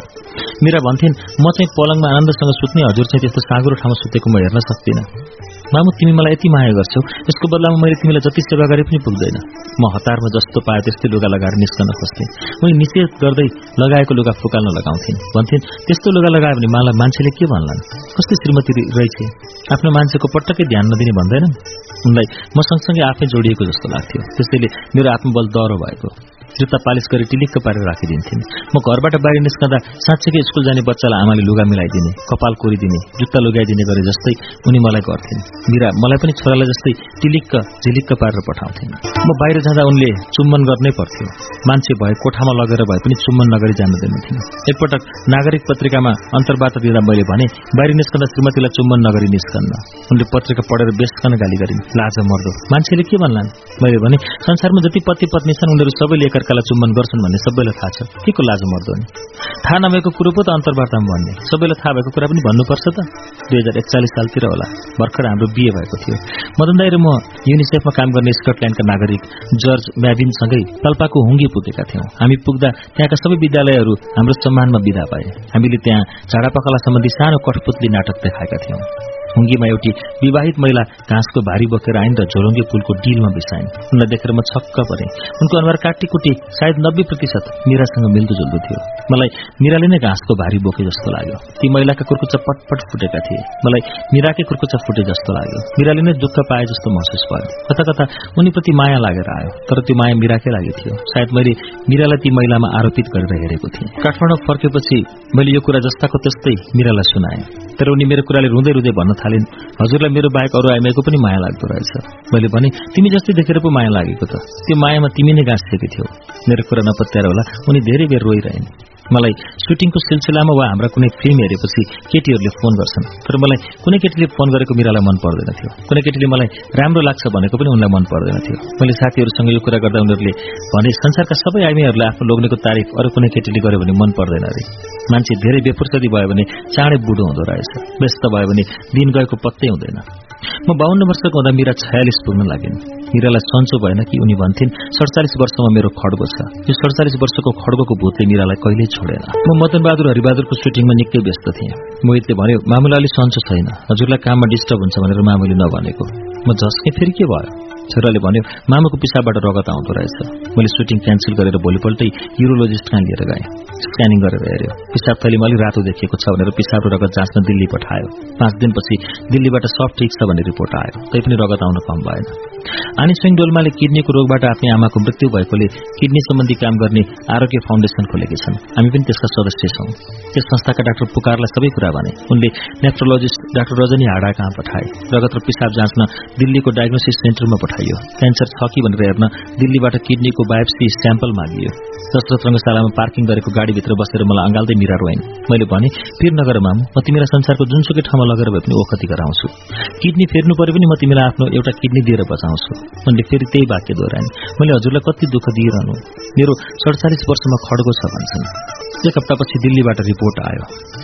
लिन आउनु भन्ने फोन आयो मेरो मनमा ढ्याङ्गो ठोक्न थाल्यो निको हुने रोग हो कि होइन मैले कसरी गाडी चलाएर चाबेलसम्म पुगेँ आफैलाई थाहा भएन म त्यति आस्तिक त होइन तर समस्यामा देवी देवतालाई खुब गुहारे सात दिनभित्र मैले काठमाडौँमा भए जति देवी देवताको दर्शन गरेँ भाकल गरेँ मलाई साढे सातको दशा लागेको छ पूजा पाठ गर्नु भनेर शनिको मन्त्र मिराले नै सिकाइदिएकी थिइन् बिहान हामी बसेको कोलोनीमा मर्निङ वाक गर्दा पनि म त्यही मन्त्र जप्दै एक घण्टा चक्कर लगाउँथेँ त्यस दिन बायोप्सीको रिपोर्ट लिन जाँदा बाटोभरि देवी देवताका नाम लिँदै गाडी चलाएँ रिपोर्ट हिँड्ने ठाउँमा खाम खोलेर हेरेँ केही पनि बुझिन रिपोर्ट दिनेलाई सोधेँ के लेखेको छ यसमा उनले भनिन् हामीलाई थाहा हुँदैन डाक्टरलाई सोध्नुहोस् म फेरि देवी देवताका नाम लिँदै डाक्टर रजनीलाई भेट्न वीर अस्पताल पुगेर रिपोर्ट देखाएँ मेरो मुख सुकेर प्याक प्याक भएको थियो डाक्टरले लामो सास तान्दै भनिन् थ्याङ्क्स गड मलाई त क्यान्सर हो कि भन्ने डर लागेको थियो क्युरेबल डिजिज रहेछ त्यसलाई जिएन भास्कुलर डिजिज भन्छन् कसैलाई दुईटाले नै ठिक हुन्छ कसैलाई चारवटासम्म इन्जेक्सन दिनुपर्छ म देवी देवताहरूसँग कृतज्ञ भए। मैले मनमा नै साँच्चैकै देवी देवताहरू हुँदा रहेछन् क्यारे। अबदेखि म पनि पूर्ण रूपले आस्तिक हुन्छु। देवी देवता छन् भन्ठान्छु भने। नत्र म पहिले देवी देवता भनेको केही होइनन्। मेरो देवी देवता भनेका नेपाली जनता हुन्। यिनै देवी देवता रूपी नेपाली जनताले हामीलाई आशीर्वाद दिएर हामी यो स्थानमा पुग्यौं जस्तो लाग्थ्यो। इन्जेक्सन दिन मेरालाई अस्पतालमै भर्ना गर्नुपर्ने भयो। मलाई प्रत्येक पटक अस्पताल जाँदा एउटै समस्या हुन्छ। अस्पतालमा मेरो देवी देवता भेट्नु नपरे हुन्थ्यो त्यसैले जति पटक अस्पताल जाँदा पनि म टाउकोमा क्याप लगाएर निधारसम्म ढाक्छु अनि नाकमा मास्क लगाउँछु। मलाई अस्पतालमा कसैले पनि नचिनुन् भनेर। अस्पतालमा पहिल्यै पछि मान्छे भेटिन्छन् अनि सबैले सहानुभूति राख्दै सोध्छन् के भएको? को राखेको? एउटै कुरा सयजनालाई भन्नुपर्दा साह्रै गाह्रो हुन्छ। हिजो आज त सबैसँग क्यामेरा भएको मोबाइल हुन्छ। अस्पतालमा एउटा फोटो हानु न भन्छन्। कतिसँग फोटो खिच्दै हिँड्ने? अस्पतालमा त्यस्तै पनि मन खिन्न भइरहेको हुन्छ। तर मानिसहरू रङ्गमञ्च र टेलिभिजनमा हामीले गरेको क्रियाकलाप सम्झेर होला मरिमरि हाँस्छन्। आफ्नो दर्शक शुभचिन्तकसँग रिसाउन पाइँदैन। हाँस्नु जिस्काउनु उनीहरूको अधिकार हो। सबैले चिन्ने मान्छे हुनुको पीडा यस्तै बेला हुँदो रहेछ। मनमा नै मन भन्न मन लाग्छ। धिक्कार। किन सबैले चिन्ने भएछु? मेरो व्यक्तिगत जिन्दगी खोइ यस्तो बेला गुनासो गर्न मन लाग्छ। आफैसँग। एकपटक। मेरो आफन्त बित्नु भएकाले म पशुपति हारेघाटमा मलामी गएको थिएँ। घाटमा दागबत्ती दिने मान्छेले शरीरमा लगाएको लुगा फुकालेर त्यही खोलामा बगाउने चलन छ। त्यो बगाएको लुगा बटुलेर हिँड्ने पेसा भएका मान्छे पनि छन्। त्यस्तै पेसा भएको चौध पन्ध्र वर्षको एउटा केटो थियो। दिनौ थुप्रै लास देख्दा देख्दा उसलाई बानी परिसकेको हुँदो रहेछ। मृतकका आफन्तहरूले छाती पिटी पिटी रोएको देखेर ऊ पनि भावुक हुँदैन। त्यो केटाले मलाई चिनेछ र मैले गाएका गीत मैले सुन्ने गरी एक एक गरी गाउन थाल्यो। आफूले गाएको गीत अरूले गाउँदा गाउनेलाई त रमाइलो लाग्छ तर त्यो परिस्थितिमा आफूले गाएको गीत कसैले गाएर सुनाउँदा ज्यादै अप्ठ्यारो हुँदो रहेछ। मैले इसाराले गीत नगाऊ भने आँखा पनि तरे तर उसले टेरेन।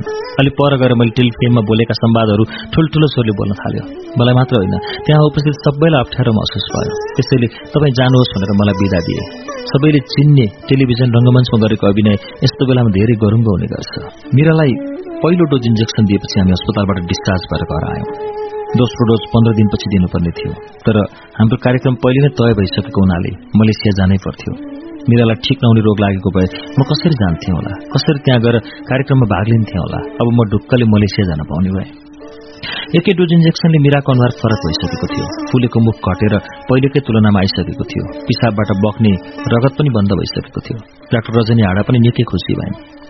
वैशाख लागेपछि मिरा छयालिस पूरा गरेर सडचालिस वर्षमा टेक्थिन् वर्षले सडचालिस वर्षमा आउने उनको खड्गो रोग मात्रै लागेर टर्यो भन्ने ठाने मिराले। उनी खुसी भइन् हामी पनि सबै खुसी भयौँ। म मलेसियाबाट फर्केर आउँदा दोस्रो डोजको इन्जेक्सन दिन दुई दिन बाँकी थियो। दुई हजार अडसठी वैशाख पाँच गते मोहित म र मिरा बसेर कुरा गर्दै थियौं। मिराले कफी बनाएर हामीलाई खुवाइन्। भान्सामा सहयोग गर्ने दिदी भात पकाउँदै थिइन्। खाना खाएर मोहित र म सँगै एउटै गाडीमा काममा जाने सोचिरहेका थियौं। कफी खुवाएर मिरा अर्को कोठामा गइन्। दुई पटक आछ्यौं गरेछन्। त्यसपछि अचानक उनको बोली लरबरिन थालेछ। शरीरको दायाँ अङ्ग चल्न छाडेछ मोहितले देखेर गरायो बुवा मामुलाई के भयो? म आत्तिएँ। फेरि के भयो मिरालाई? किन यस्तो दुःख दिएको होला हाम्रो भाग्यले? मोहितले गाडी स्टार्ट गर्यो। मैले मिरालाई बोकेर गाडीको पछाडि सिटमा राखेँ। उनको हात समाइरहेको थिएँ। मोहितले इमर्जेन्सी लाइट बालेर गंगालाल हृदय केन्द्रतिर दौडायो। दुई पटक शल्यक्रिया गरेर पेसमेकरको ब्याट्री फेरेको। नेपालको एकमात्र मुटु अस्पताल। त्यो अस्पताल शहीद गंगालालको नाम पाएर अझ प्रतिष्ठित भएको छ। तर त्यहाँ एउटा स्क्यानिङ मेसिन समेत रहेनछ के भएर? मेरी मामु मेरी छोराहरूकी मामुको शरीरको आधा भाग चलेनछ भन्ने थाहा भएन। अनुहार अलिकति बाङ्गो भएको थियो। डाक्टरहरूले हचुवाका भरमा अनुहारको कुनै नसा चुडिए जस्तो छ। मलाई न्युरोलोजिस्टलाई देखाउनुहोस् भनेर त्यहाँबाट विदा भए। नजिकै भएको शिक्षण अस्पतालको स्क्यानिङ मेसिन पनि बिग्रिएको रहेछ। अब जुन अस्पतालसँग स्थापना कालदेखि नै मेरो जीवन जोडिएको छ। त्यही मोडल अस्पतालमा मिरालाई लगियो। कम्फर्ट हाउसिङका मेरा असल छिमेकी पनि गंगालाल अस्पतालदेखि हामीसँगै थिए मोडल अस्पतालमा डाक्टर राजेश जोशीले मिराको स्क्यानिङ गराए सबै आफन्तहरू मिराको मुख टुलु टुलु हेरिरहेका थिए मोहित र म टोलाइरहेका थियौं सायद मोहित पनि आफ्नै मामुको स्वास्थ्य लाभको कामना गर्दै मैले जस्तै देवी देवताहरू पुकारिरहेको थियो मैले डाक्टरलाई सोधेँ मिराको अवस्था कस्तो छ डाक्टर डाक्टरले भने उहाँको ब्रेन हेमरेज भएको छ। दिमागको नसा चुडिएर रगत जमेको छ। यस्तो केसमा चौबिस घण्टाभित्र अर्को अट्याक पनि हुन सक्ने सम्भावना धेरै हुन्छ। हेरौँ अब लकको कुरा हो। यस्तो केसमा अमेरिकामा पनि शल्यक्रिया गर्यो भने दुई पर्सेन्ट मात्रै होप हुन्छ। टेलिभिजनहरूले ब्रेकिङ न्यूज दिन थालेछन्। संचारकर्मी मीरा आचार्य हरिवंश आचार्यकी पत्नी मोडल अस्पतालमा। उनको अवस्था गम्भीर। आफन्त इष्टमित्र हामीलाई मन पराउनेहरू मिराको स्वरका प्रशंसकहरूको अस्पतालमा भिड लाग्यो। अस्पतालको बाटो जाम हुन थाल्यो। ट्राफिकले सिटी पुगेको अस्पतालको माथि तल्लासम्म सुनिन्थ्यो। म र मोहित आइसियू बाहिर स्तब्ध भएर बसेका थियौं। ठूलो छोरो त्रिलोकलाई अमेरिकाबाट बोलाउन मदन दाईले फोन गरे। मेरो रक्तचाप धेरै बढेको थियो। डाक्टरले मलाई प्रेसर घटाउने र निद्रा लाग्ने औखति दिएर अस्पतालको क्याबिनमा सुताए। मेरो सहारा मोहित मसँगै बसिरहेको थियो। म राति उठ्दै आइसियूको ढोका बाहिर पुग्थेँ। राति बाह्र बजेपछि आइसियूको ढोका बन्द गरे। मलाई भने मेरो जिन्दगीकै ढोका बन्द भए जस्तो लाग्यो। आइसियूको ढोकामा सिसलाएको सानो पालबाट हेरे। लाग्यो ज्योतिषीले भाग्य हेरे चाहिँ म आफ्नो अस्ताउँदो भाग्य हेरिरहेछु। आइसियूमा मेसिनहरू चलिरहेको देखेँ। मेरा सुतिरहेकी छिन्। थाहा छैन उनलाई कस्तो भइरहेको छ। बिहान छ बजे दुध दिएर म आइसियूभित्र छिरेँ। मिराको अनुहार बाङ्गिएको थिएन। हिजोको तुलनामा धेरै राम्रो भएछ। हात समाते। नचल्ने हातमा पनि बल अलिअलि आएको रहेछ।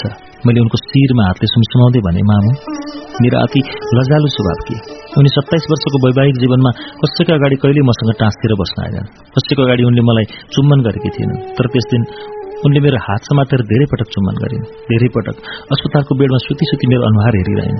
मेरो आँखा रसाए आँसु तप तप चुइए उनले पनि टाउको उता फर्काइन् र आँसु बगाउन थालिन्। कान्ता दिदीलाई खबर गरिदिनु भने कान्ता दिदी त्रिलोकको साथीकी आमा।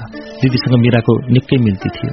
पहिले पहिले पनि मिरा अस्पताल भर्ना हुँदा बिरामी मिरा र म कुरुवालाई समेत खाना बनाएर कान्ता दिदी नै ल्याइदिन्थिन् मैले मिरालाई कतिको होस् छ भनेर जाँच्नकै लागि कान्ता दिदीको नम्बर कति हो भनेर सोधेँ। उनले कण्ठै भने बाङ्गिएको मुख पनि सिधा हुनु। हातका औँला पनि अलिकति बल बढ्नु र होस पनि हुनुले ममा आश आयो केही दिन अस्पताल राख्यो भने उनलाई ठिक हुन्छ अनि एक दुई महिना फिजियोथेरापी गरेपछि त पुरै ठिक हुन्छ भन्ने लाग्यो मलाई। मिरालाई हेर्न मोडल अस्पतालमा नभएका डाक्टरहरू पनि आएका थिए। डाक्टर सन्दुक रोहित तिलगंगा नगई आइसियू बाहिर दिनभरि बसिरहेका थिए। मेरा आस्थाहरूमा ठूलो पहिरो खस्यो।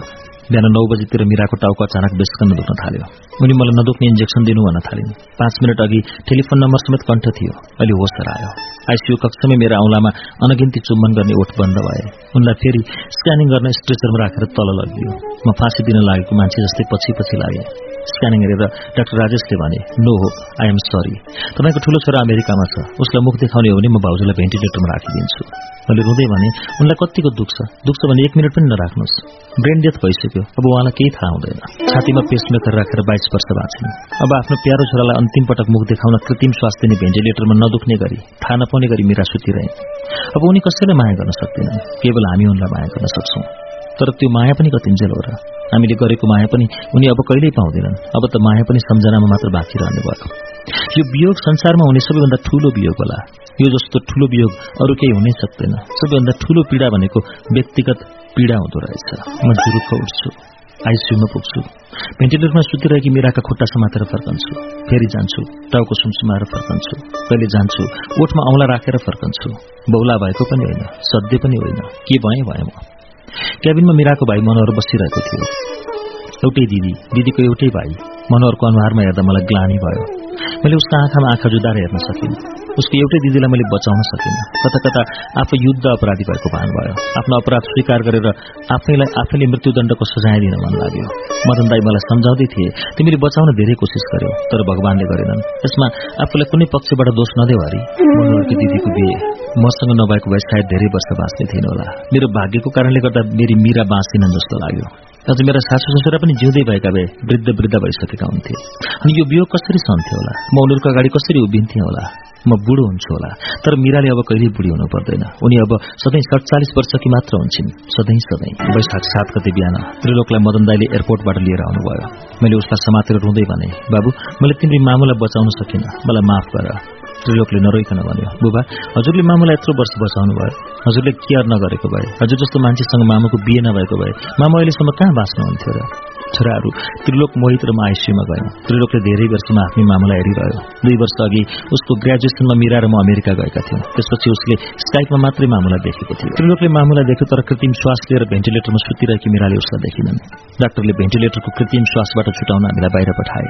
दुई हजार चालिस माघ नौ गते सूर्यविनायक मन्दिरमा मदन दाई र यशोदा भाउजूलाई साक्षी राखेर मैले मिराको सिउँदोमा सिन्दुर हालेको थिएँ। छब्बीस वर्षपछि काठमाडौँ मोडल अस्पतालको आँगनमा थुप्रै टिभी च्यानलका क्यामेरा फोटोग्राफर र स्वयं शुभचिन्तकलाई साक्षी राखेर स्ट्रेचरमा चिर निद्रामा सुतिरहेकी मिरालाई फेरि मैले सिन्दुर हाले पति जिउँदो हुँदै श्रीमती बितिन भने उनलाई सौभाग्यवती भनिन्छ हामी दशैंमा टिका लगाउन जाँदा धेरैले मलाई भाग्यमानी हुनु अझ ख्याति कमाउनु भनेर आशिष दिन्थे मिरालाई सौभाग्यवती हुनु भनेर आशीर्वाद दिन्थे मैले यादै गरेको रहेनछु सौभाग्यवती हुनु भनेको पतिभन्दा अघि नै बित्नु र पतिलाई पत्नी वियोगमा पार्नु भनेको रहेछ मेरा सौभाग्यवती भइन् भाग्यमानी भइन् उनले मैले जस्तै वियोग सहनु परेन साथी ज्ञानेन्द्रलाल प्रधानले हामीलाई गाडीमा लिएर गए। गाडीमा म मदन दाई मोहित त्रिलोक र प्रदीप भट्टराई थियौं। अघि अघि फुले फुलले सजाइएको भ्यानमा मिरालाई राखिएको थियो। भाइ मुकुन्द अधिकारी मिराको भाइ मनोहर फूलको बिछोनामा निदाइरहेको मिरासँगै थिए। मनोहर आफ्नो दिदीलाई एक टक्क हेरिरहेको थियो। उसकी दुई वर्ष छोरी अनुज्ञा फुपू भनेपछि हुरुक्कै हुन्थिन्। उनले फुपू खै हाम्रो घरमा फुपू किन नआएको? फुपूको घरमा जाउन भन्ने अनेक प्रश्न गर्लिन् अब के जवाफ दिने भनेर ऊ सोचिरहेको थियो होला।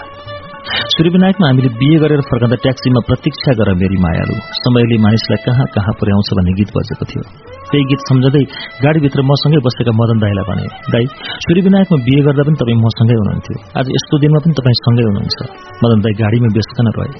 आर्यघाटमा मेरालाई श्रद्धाञ्जली दिन आउने हजारौं मान्छेको भीड़ थियो। ज्ञानेन्द्रलाल प्रधानले चिता फुलै फुले सजाउन लगाएका रहेछन्। लाउड स्पिकरमा भजन बजिरहेको थियो। हामीले पहिले नै आँखा दान गरिसकेकाले आर्यघाटमै मिराको आँखाको नानी झुकियो।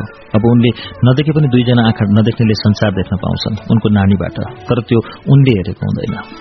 फुले फुलले सजाइएको चितामा मेरी मिरालाई सुताइयो। म चितामाथि उक्लेर उनको गालामा गाला राखेर बस्थे। मलाई आफन्तहरूले समातेर छुटाएर लगे। त्रिलोक र मोहितले आफ्नै आमालाई कसरी दागबत्ती दिए मैले देखिन। हेर्दा हेर्दै मिरा धुवा भएर बिलाइन्। एउटा सुन्दर गाउँमा बस्थे हरि मिरा।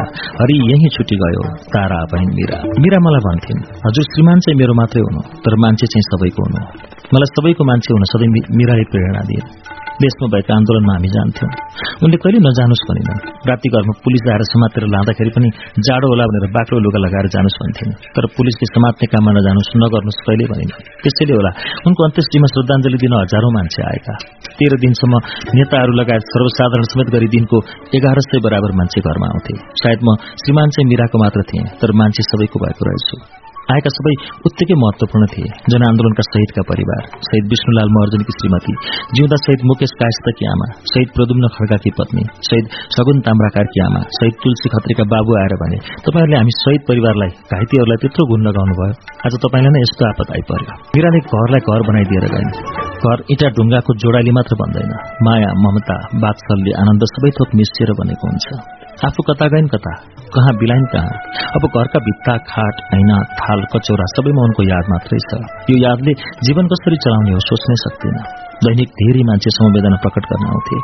त्यत्रा मान्छेलाई दस बाह्र दिनसम्म व्यवस्थापन गर्न कम गाह्रो थिएन। कम्फर्ट हाउसिङका मेरा असल छिमेकी रामेश्वर केसी मनोज शर्मा सन्तोष गौतम उनका परिवार कर्मचारी श्री प्रसाद यादव र अरू छिमेकी इष्टमित्रले गरेको सहयोग म कहिल्यै बिर्सने छैन। नचिन्ने त रोए अरे चिन्नेलाई के भो होला? नचिन्ने त रोए अरे चिन्नेलाई के भो होला? साथी संगी मुर्सा परे म त कति मरे होला। नचिन्नेले त छाक छोडे चिन्नेलाई के रुच्यो होला? शून्यलाई पहाड़ खस्यो। मलाई त केले थिच्यो होला? कस्तो जिन्दगी कस्तो हुँदो रहेछ। पलङमा गएर आँखा चिम्लेपछि एकै मिनटमा भुसुक्क निदाउने मान्छे म। अब त निन्द्रा भन्ने कस्तो हुन्छ जस्तो लाग्न थाल्यो। निदाउन पनि निदाउँछु तर छिनछिनमा झस्केर बिउजन्छु मैले भगवानलाई जहिले पनि जगेडा शक्तिको रूपमा हेरेँ। कुनै बेला आपत विपद पर्यो भने त्यो जगडा शक्तिलाई गुहार्थेँ मलाई कहिले समस्या टरी पनि हाल्थ्यो कहिले टर्दैन थियो कहिले भगवान छन् जस्तो पनि लाग्छ कहिले छैनन् जस्तो पनि लाग्छ। मिरा बिरामी पर्दा मैले त्यो जगडा शक्ति खुब प्रयोग गर्न खोजेँ खुब गुहारेँ। तर आएनन् हेरेनन्। अब मलाई भगवान छैनन् भन्ने लागेको छ। यदि रहेछन् भने पनि भगवानहरू शोषक रहेछन्। हामीलाई रैती मान्ने उनीहरू जमिनदार रहेछन्। हामी कमैया देख्ने। मलाई भगवानसँग साह्रै रिस उठ्यो। मैले भगवानसँग बदला लिने पनि कल्पना गरेँ। मलाई लाग्छ देवताहरू पनि तानाशाही भए। जे मनमा लाग्छ त्यही गर्दै भए।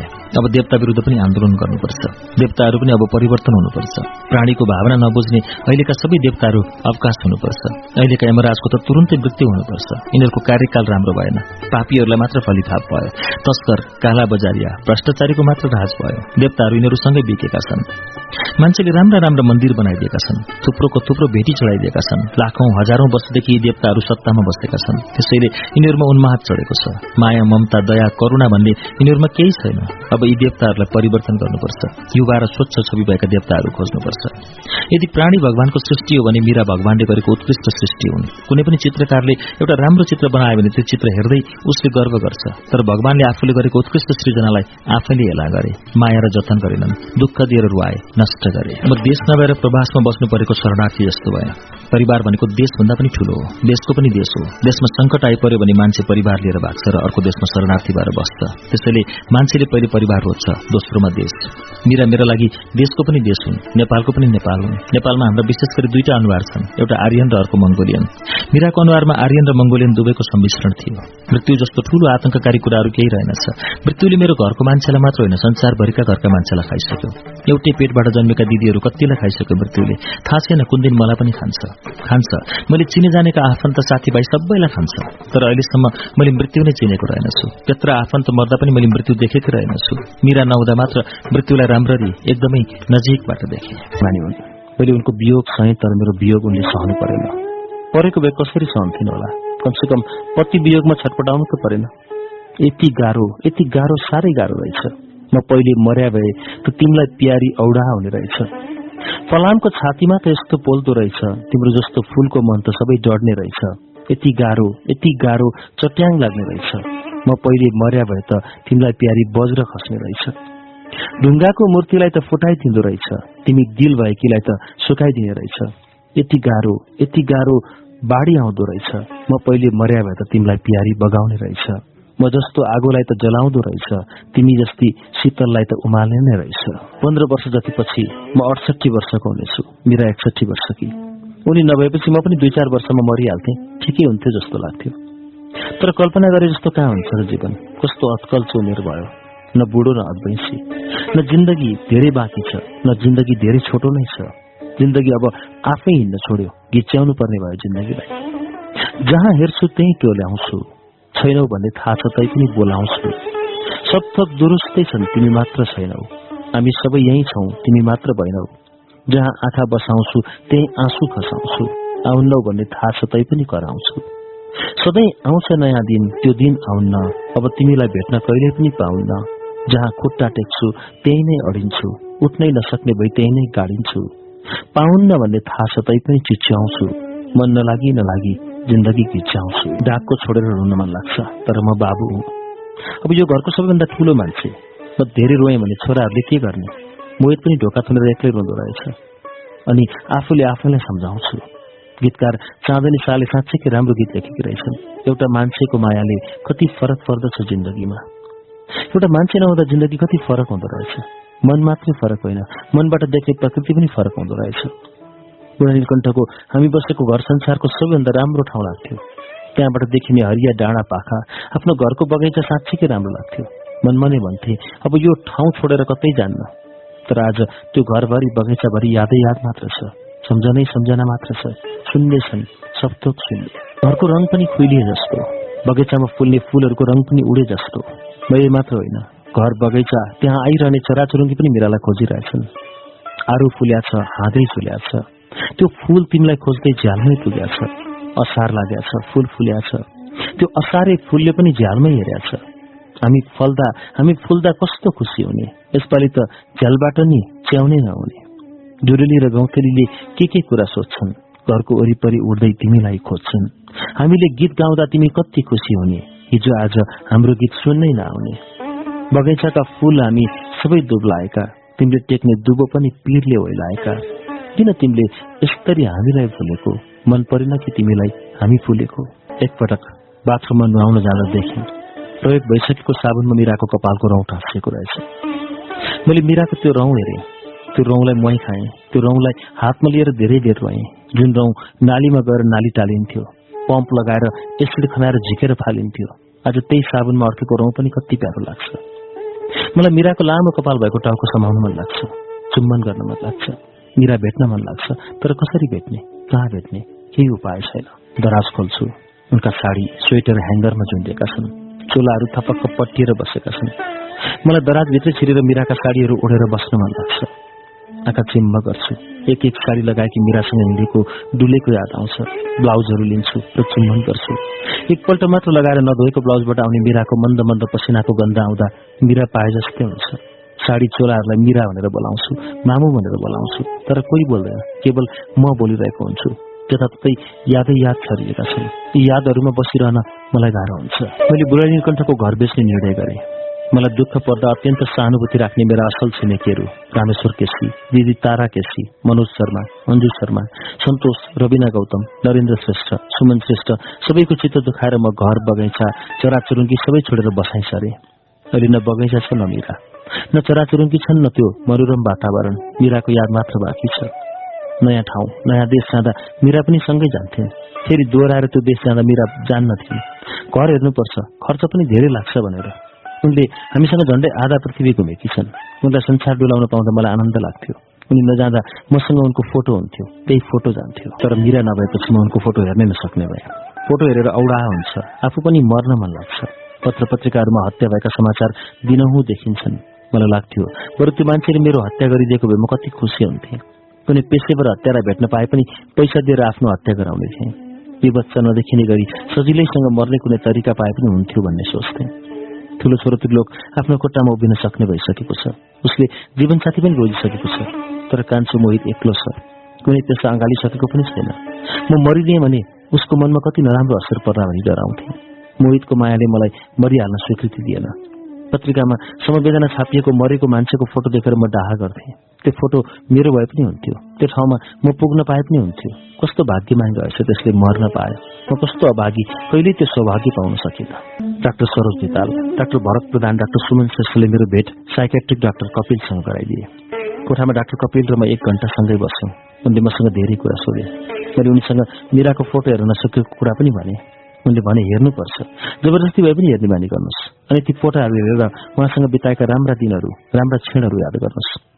घरका भित्ताहरूमा मिराको फोटो राख्न थाले रुँदै रुँदै हेर्न थाले। धेरै दिन एउटै फोटो हेरेर त्यो फोटो हेर्ने बानी लाग्दो रहेछ। नयाँ फोटो हेऱ्यो भने पीडा हुन्छ।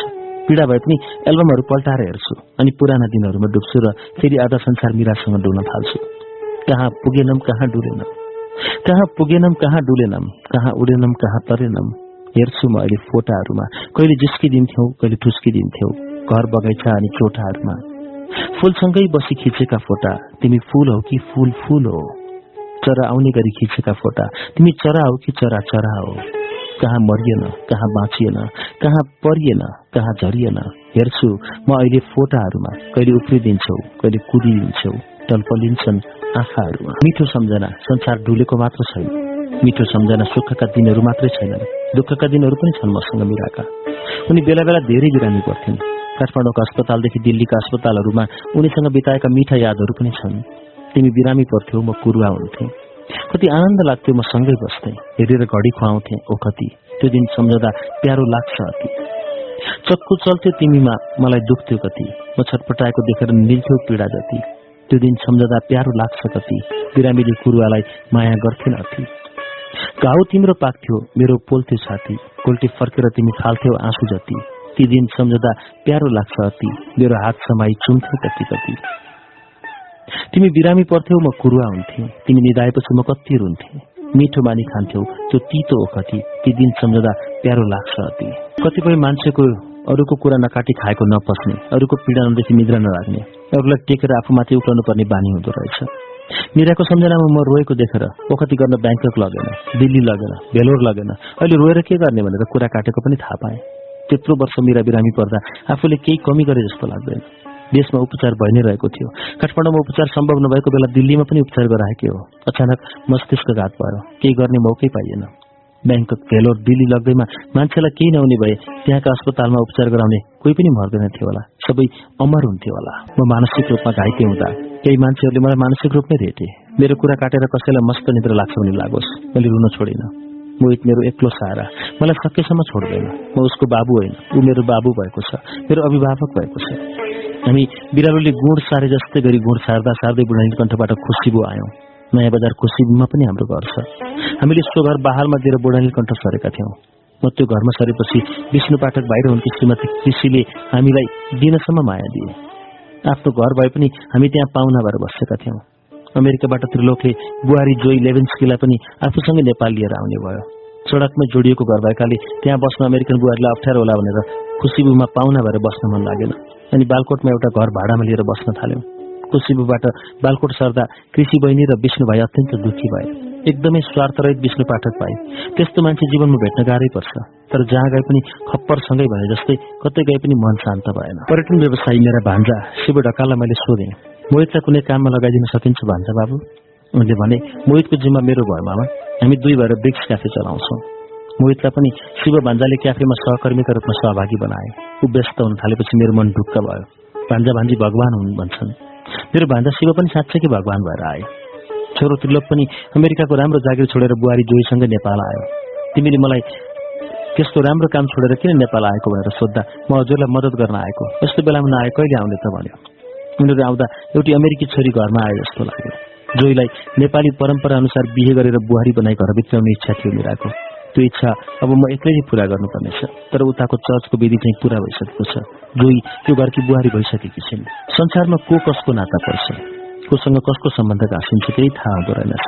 मेरा नाति नातिनाको अनुहार अब अलिअलि एसियन जस्तो अलिअलि अमेरिकन जस्तो हुँदैछ। मलाई नेपालको जात मात्र होइन संसारकै जात मिसिएको अनुहार मनपर्छ। असम्भव भन्ने कुरा केही हुँदैन। हुनसक्छ कुनै दिन मिरा र मेरा नाति नातिना अमेरिका जस्तो विकसित देशको राष्ट्रपति बन्नेछन्। कति निराश हुन आफ्नो कारणले? बाँच्नै पर्ने रहेछ सहनै पर्ने रहेछ। बिस्तारै बिस्तारै आफूलाई घिच्याएर काम सुरु गर्नु पर्यो भनेर मदन दाईको घर जान थाले। म संसारको कार्यालय जान थालेँ। न्युजको कार्यालयमा सहायक निर्देशक भाइ प्रदीपसँग भेट हुन्छ। प्राविधिक काम गर्ने चलचित्र सम्पादक गणेश कण्डेलसँग भेट हुन्छ। प्रदीप भट्टराई महासञ्चारको निर्देशनदेखि लिएर सम्पूर्ण प्राविधिक बोझ बोकिरहेका छन्। नरेन्द्र कंसाकारले प्रशासनिक आर्थिक सम्पूर्ण अभिवारा पन्ध्र वर्षदेखि बोकिरहेका छन्। छायाकार गौरीशंकर धुजु जसले महासञ्चारले निर्माण गर्ने हरेक टेलिफिल्महरूको स्तर बढाइदिएका छन्। उनीहरूसँग मिटिङ हुन्छ गफ हुन्छ दिन बित्छ मोहित ब्रिक्स क्याफेमा मिहिनेत गर्दैछ। क्याफेको व्यापार सास परेपछि बढ्छ। ऊ आउँदा रात बुढो भइसकेको हुन्छ। नेपालमा रात पर्दा अमेरिकामा दिन हुन्छ। नेपालमै बसेर अमेरिकी कम्पनीमा सफ्टवेयरको काम गर्ने भएकाले राति पनि त्रिलोक ल्यापटप र फोनमै व्यस्त भइरहेको हुन्छ। अलिअलि समय बच्यो भने पत्नी जोइला पनि दिनुपर्छ। म एक्लै कोठामा धुमधुम्ती बस्छु। अब घरमा निर्जीव वस्तुहरू मेरा साथी भए। भित्ता दराज तकियाहरूसँग एकहोरो कति कुरा गर्ने। जति कुरा गरे पनि जवाफ आउँदैन। उनीहरूको जवाफ पनि आफैले दिनुपर्ने हुन्छ। मैले निदाउन कहिल्यै ट्याब्लेट खानु पर्दैन थियो। ओछ्यानमा ढल्न साथ निद्राले स्वागत गरिहाल्थ्यो। अब निद्रा लाग्ने औषधि पनि मेरो साथी भएको छ। एक्लै लट्टिएपछि मिरा खाटको देब्रेपट्टि सुत्थिन् भन्दै उनले ओड्ने सिरक फिजाउँछु तकियामा एउटा कपडाको डल्लो राख्छु र त्यही डल्लोलाई पनि सिरकले सोप्छु मिराको शरीर जस्तो बनाउँछु अनि मिरा पनि मसँगै सुतिरहेकी छन् भनेर कल्पना गरेर निधाउँछु कहिले दुई घन्टामा बिउ जान्छु कहिले तिन चार घन्टामा। बिहानको चार कहिले बजला जस्तो हुन्छ। चार बजे ओछ्यान छोडेर हिँड्छु। सानो परिवार सुखी परिवार भन्छन्।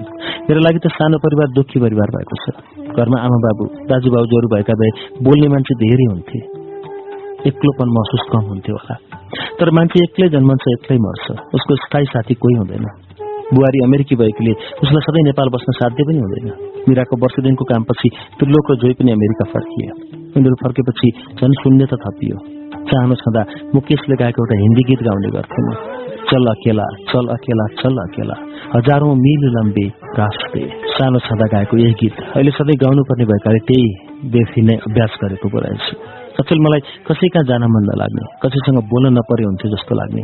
कुनै जमघट वा समारोहमा जान मन नलाग्ने। कोही हाले पनि जमिरहेको जमघटमा गएपछि एकाएक नरमाइलो हुने। जमघटमा सबैको जोडी देख्दा त्यहाँ मेरो आँखाले पनि अनायासै मिरालाई खोज्ने गर्न थाले। जसले गर्दा मलाई त्यही मुर्छा पर्छ जस्तो हुनु लाग्यो। साथीहरूलाई पिर छ मलाई डिप्रेसन होला भन्ने। कहिले राजु भुजेले बोलाउँछ साँझमा ज्योति भुजुले हरिदाई आउनुभयो भनेर मिठो मिठो खुवाउँछन्। कुनै साँझ गौरीशङ्कर धोजु कुनै साँझ नरेन्द्र कंसाकार कुनै साँझ शिव भान्जाको घर गयो। बुहारी सुविताले बनाएको मिठो खाना खाएर फर्कियो। पेट्रोलियम पदार्थ व्यवसायी भाइ मुकुन्द अधिकारी सधैँ भइरहने पेट्रोलको हाकारमा चिनापर्ची भएका साथी हुन्। तर अहिले जीवनकै आकारमा घनिष्ठता बढेको छ। उनको घरमा आमा श्रीमती मन्दिरा छोरा बुहारीहरूले मलाई खाना मात्र होइन माया ममता पनि दिएका छन्। मुकुन्द अधिकारी सायद मेरो पूर्वजन्मका भाइ रहेछन्। नत्र यो जुनीमा दिनरात किन मलाई यत्रो माया दिन्थे? तर जति माया ममता पाए पनि यसरी हरेक साँझ अरूको घर गएर साध्य पनि भएन। मान्छेको सबैभन्दा प्यारो ठाउँ भनेको उसको ओछ्यानो हो जहाँ ऊ सबै दुःख तनाव बिर्सेर पाँच छ घण्टाका लागि मर्न पाओस् अनि मात्र बाँचेको अनुभूति हुन्छ। तर कर्मले ठगेको एक्लो मान्छेलाई पायो भने बिछुनाले पनि पोल्दो रहेछ सिरकले पनि घाँटी थिच्दो रहेछ। फेरि एउटा अर्को दुःख थपियो संसारलाई। धुलीखेल अस्पतालका संस्थापक डाक्टर रामकण्ठले महजोडीलाई निरोगी राख्नु पर्यो भनेर स्वास्थ्य परीक्षण गर्न हामीलाई अस्पतालमा बोलाए। हामी गएका थिएनौँ। धेरै पटक खबर आएपछि जानै पर्यो भनेर गएको त धुलीखेल अस्पताल देखेर छक्क पर्यो। राजनीति र गुटबन्दीले रोगी भएका सरकारी अस्पतालहरूले यसबाट धेरै कुरा सिक्न सक्छन्। मदन दाई र मेरो स्वास्थ्य सामान्य नै देखियो तर यशोदा भाउजूको स्वास्थ्यमा केही समस्या थपियो। उनको उपचार हुँदैछ। मन नलागी नलागी करले स्वास्थ्य परीक्षण गर्दा भाउजूको रोग पत्ता लगाइदिएर डाक्टर रामकण्ठले ठुलै गुण लगाए। लोग्ने मान्छे श्रीमती बेतेपछि घाटदेखि नै अर्को बिहे गर्ने कुरो चल्दो रहेछ। मेरो पनि चल्यो होला। तर तेह्र दिनपछि मात्र कुरो चलेको सुन्न थाले। मेरा दिदीहरूको म एक्लो भाइ एक्लो माइती। उनीहरूलाई मेरो पिर लाग्नु स्वाभाविकै हो। कसैले नचिन्ने मान्छे भएको भए केही मतलब हुँदैन थियो। संसारमा कति मान्छेको मृत्यु हुन्छ कतिले पुनर्विवाह गर्छन् आफन्तलाई बाहेक अरूलाई केही मतलब हुँदैन। तर सबैले चिन्ने मान्छे भएकाले मेरो कुरा आफन्तमा मात्र सीमित रहेन। टेलिभिजनमा मेरो चित्र आयो कि यो मान्छेले अर्को बिहे गर्छ कि गर्दैन भन्न थाले। नचिनेका व्यक्तिले पनि मुखै फोरेर भने जीवन लामो छ एक्लै बस्नुहुन्न। बुढेसकालमा कसले हेर्छ? छोराछोरीहरू सबै आफ्नै तालमा हुन्छन्। तातो पानी तताएर खान दिने मान्छे पनि हुँदैन। डिपार्टमेन्टल स्टोरमा म तरकारी दाल तेल बेसार किन्दै थिएँ। एउटा नचिनेको मान्छेले आएर भन्यो भान्साको सामान तपाईँ कति किन्नुहुन्छ? तपाईँले गर्ने काम अर्कै हो। साथी खोज्नुहोस् एउटा अनि तपाईँ आफ्नै काम गर्न थाल्नुहोस्। एउटा साथीले भन्यो हामी जस्तो भएको भए यसो बाहिरतिर लपसप गरेर पनि हिँडे हुन्थ्यो। तिमीलाई त सबैले चिन्छन् के गर्छौ? मदन दाई। जो मेरो साथी मात्र होइन। मभन्दा सात आठ वर्ष जेठो भएकाले उनलाई दाई भनेर सम्बोधन गर्छु। उनीहरू अहिले मेरा अभिभावक बनेका छन्। मदन दाई र यशोदा भाउजू मेरो लागि साँच्चीकै आदरणीय छन्। एक दिन मदन दाईले भने अब तिमीले आफ्नो लागि सोच्नुपर्छ। हाम्रो कामका लागि पनि सोच्नुपर्छ। तिमी यसरी झोक्राइरह्यो भने डिप्रेसन हुन्छ। म संसारलाई पनि घाटा हुन्छ। हामीले काम गर्न सकेनौँ भने देशलाई पनि घाटा हुन्छ। त्रिपन्न वर्ष पुग्यो। जीवन अझै लामो छ तिम्रो। गीता भन्छ मान्छे मरे पनि आत्मा मर्दैन। आत्माले देखिरहेको हुन्छ। मिरा मलाई भन्ने गर्थिन् हजुर श्रीमान चाहिँ मेरो मात्र हुनु मान्छे सबैको हुनु। मिराले देखिरहने हो भने म कसरी उनको ठाउँमा अर्को मान्छे घरमा ल्याउँ कि मिराले यो सबै पचाउन सकिन्? यदि मिराको आत्मा छ भने उनी देखिरहेकी छन्। उनी पक्कै पनि मलाई भेट्न कुनै न कुनै तरिकाले आउँछन्। म यसरी रोएको देखेर उनी पक्कै हावा भएर पनि मेरो छातीमा छुन आउँछन् होला। म अध्यारो कोठामा घन्टौँ एक्लै बस्छु। घन्टौँ बस्दा पनि मिराका चुरा बजेको सुनिँदैन। पाइला चल्दा सराक सुरु गरेको सुनिँदैन। ढोका खोलेको लगाएको केही पनि सुनिँदैन कतैबाट केही सङ्केतसम्म आउँदैन। मलाई लाग्छ उनको आत्मा भनेको मै हुँ जसलाई उनी आत्मैदेखि माया गर्थिन्। जीवन त पानीको फोका रहेछ। पानीको फोका उठ्छ फुट्छ अनि पानीमै बिलाउँछ। हावाको झोका जस्तो पनि रहेछ जीवन। एउटा झोका आउँछ अनि हावामै बिलाउँछ। उनको आत्मा भनेको हाम्रा दुई छोरा हुन् जो उनकै शरीरबाट बाहिर निस्किए। जहाँ उनको र मेरो रगत छ जुन अनन्त कालसम्म नासिने छैन। किनभने हाम्रा नाति नातिना हुनेछन्। तिनले पनि फेरि हाम्रा पनाति पनातिना जन्माउनेछन् यो क्रम सृष्टि रहेसम्म चलिरहन्छ। हेरिरह्यो भने छोराहरूको आधा अनुहार मिरासँग आधा मेरो अनुहारसँग मिल्छ। छोराहरू आधा म जस्तो आधा मिरा जस्तो भएकाले मिरा र मेरो पनि अनुहार मिल्छ। भनिन्छ धेरै वर्षपछि लोग्ने स्वास्नीको अनुहार मिल्न थाल्छ। छोराछोरीका कारण। अमेरिकामा बसेको र त्यहाँको संस्कार देखेको हुनाले ठुलो छोराको सोचाइ अलिक फरक छ। मलाई ठुलो छोराले भन्यो बुबाको जीवन अझ धेरै बाँकी छ। डिप्रेस भएर बस्नु हुँदैन। आफ्नो बारेमा पनि सोच्नुपर्छ हजुरले। मोहित यो कुरा सुनेर सुरुमा झस्केको थियो। उसको झस्काइले मेरो मन कता कता चस्किन्छ मिराको आगमनपछि मैले कहिले पनि आफ्नो बारेमा सोचिनँ र सोच्नु पनि परेन। मिरा नै सोच्थिन्। त्रिपन्न वर्षमा विवाह। सुन्दैमा पनि गाह्रो लाग्छ। यो उमेरमा गर्ने विवाहलाई सम्झौता भन्ने हुन्छ होला जीवन साथीको सम्झौता। मैले गरेको जीवन साथीको सम्झौताले मेरा छोराहरू जीवनभर नठगियोन् जसमा मैले मिराको प्रतिरूप देखेको छु। मिरासँग मेरो जीवनका स्वर्ण दिनहरू बिते। ती दिनहरूमा म जवान थिएँ अहिले भन्दा फोर्तिरो थिएँ अहोरात्र काम गर्न सक्थेँ। ती स्वर्ण दिनहरूको भोग गरेर मिरा गइन्। अबका दिनहरू गाह्रा हुनेछन्। उमेर घट्दै जान्छ। शरीरका अङ्गहरू गल्दै जान्छन्। ती दिनहरूमा साथीको जरुरत अझ धेरै पर्छ। सहारा र सहयात्रीको जरुरत पर्छ। मेरा आफन्तहरू मेरो विवाह गर्न खोजिरहेका थिए। म सम्झौता गर्न खोजिरहेको थिएँ। आफन्तहरू मिरासँग अलिअलि नमिलेको जात पनि परम्परागत विवाह गरेर मिलाउन खोज्दै थिए। म अझ फरक जात र फरक परिस्थितिसँग सम्झौता गर्न खोज्दै थिएँ। मेरा आफन्तहरू म विधुर भए पनि केटी कन्या होस्। म बिटुलो भए पनि केटी चोखी होस्। चाडपर्व रीतिरिवाज पितृ सबैलाई राम्रो होस् भन्ने चाहन्थे। म शरीर बलात्कारमा परेको पीडित भए पनि मन चोखो होस् तर पीडा दिने नहोस्। चाडपर्व रीतिरिवाज पितृकर्म शुद्ध मनले जसले गरे पनि हुन्छ भन्ने सोच्दै थिएँ। धेरैतिरबाट कुरा आउन थाल्यो। म एक सय रुपियाँमा किन्न पाइने चिट्ठा जस्तै भए पर्यो कि करोडपति। मलाई दुईटा चिन्ता थिए। एउटा मेरा दर्शकहरूले नेपाली दाजुभाइ दिदीबहिनीहरूले गलत काम गरेको नठानु र मैले जीवनभर गरेको काममा दाग नलागोस् अर्को मेरो छोराहरूको मनमा घाउ नलागोस्। घाउ त लागिहाल्छ आमाको ठाउँमा अर्को मान्छे आउँदा। तर त्यो घाउ यस्तो घाउ होस् जुन अपरेसन गर्दा डाक्टरले बिरामीको शरीर चिर्छ अनि बिरामीको शरीरभित्र भएको रोगलाई काटेर फालिदिन्छ। डाक्टरले अपरेसन गर्दा बनेको घाउलाई खतलाई हामी सकारात्मक रूपमा लिन्छौँ। मेरा छोराहरूको मनमा लागेको खत पनि त्यस्तै होस् जसलाई उनीहरूले आफ्नो भत्ताभुङ्ग लथालिङ्ग भएको घरको उपचार भएको छ भनी सम्झिदिउन्। मदन दाई र भाउजूसँग मैले सल्लाह गरेँ। उनीहरूले पनि तिमीले गर्ने पुनर्विवाह अरूको भन्दा फरक हुनुपर्छ भने रमिला पाठकका पति एघार वर्ष अघि बितेका थिए। उनी एघार वर्षदेखि माइतीको संरक्षणमा आमा बाबु दाजुभाइ भतिजा भतिजी छोरासँग बसेकी हुनाले आफूलाई एकै महिला भन्न रुचाउँदैन उनले छोरालाई हुर्काइन् बढाइन् शिक्षित बनाइन्। अब उनले पनि आफ्नो भविष्यबारे सोच्न पाउनुपर्छ। आमा बाबु दाजुभाइ दिदी छोरा सबैले उनलाई पुनर्विवाह गर्न प्रोत्साहन गरे। एक्लो भएर छटपटाएर हिँडेको बाबुलाई जीवनसाथी खोजिदिन त छोराहरूलाई गाह्रो हुन्छ। गाह्रो भए पनि बाबु एक्लो भएको देखेर राजी भए। हामी आमाप्रति तपाईँले आफ्नो कर्तव्य पूरा गर्नुभयो। अब जीवनसाथीसँग बस्नुहोस् भन्न सक्ने छोरा कति महान होलान् सोचाइ कति फरक छ।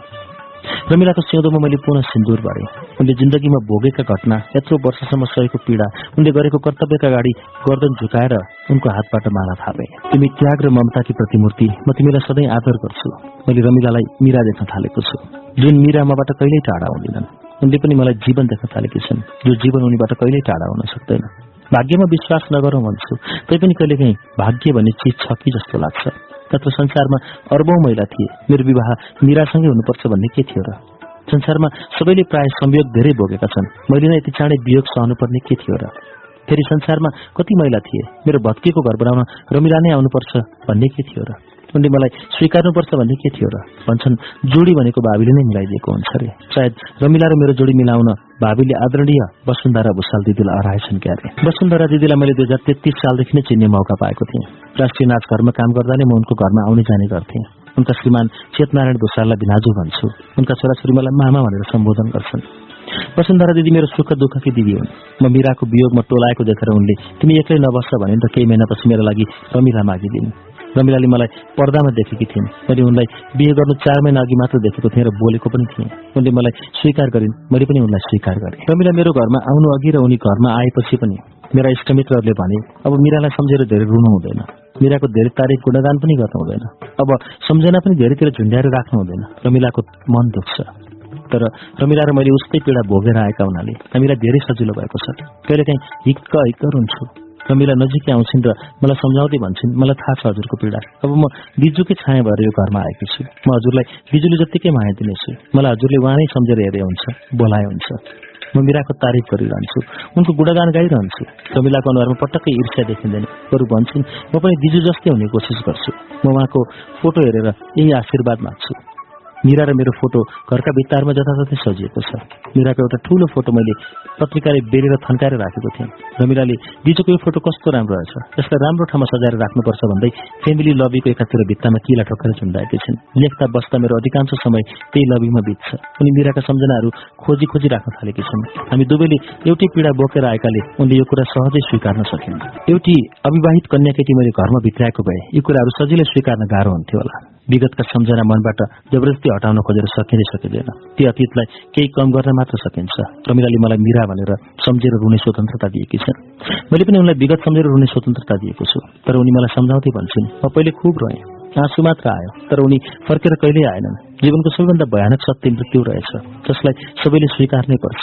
अब हामी उहाँहरूलाई असल मानिस भनेर सम्झिरहन र श्रद्धा गरिरहन मात्र सक्छौँ। उनको भावनामा मेरो विगत र मिरासँगको प्रेमप्रति न ईर्ष्या छ न दाह। मेरो धमिलिएको मनलाई उनी सधैँ हिउँको सफा र कञ्चन नदी बनाउन चाहन्छन् एउटा निजी घरको कोठामा पन्ध्र मिनटको सिन्दुरपति समारोहमा रमिला दुलै र म दुला भएर खिचेको फोटोमा हामी त्यति प्रफुल्ल देखिँदैन।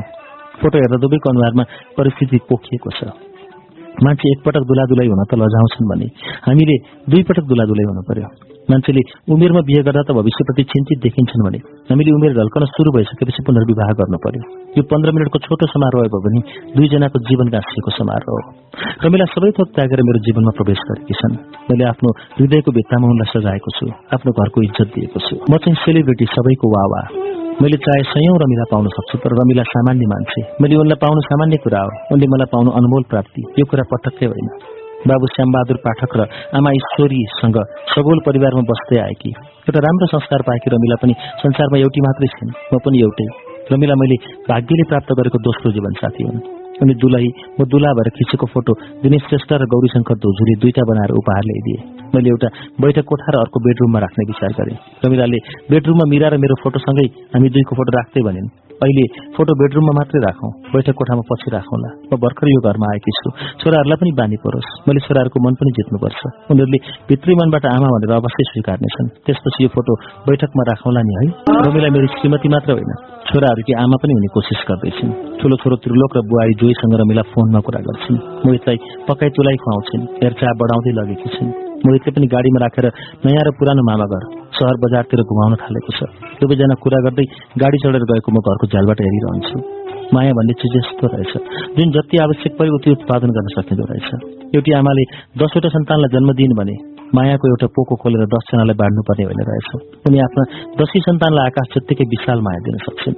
उनी आफ्नो हृदयमा जतिवटा पनि मायाको आकाश बनाउन सक्छ मैले मिरालाई दिएको माया कटौती गरेर रमिलालाई दिनुपर्ने होइन रहेछ मिरालाई मैले दिएको माया जतिको तत्ति नै छ बरु अझ बढेको होला घटेको छैन।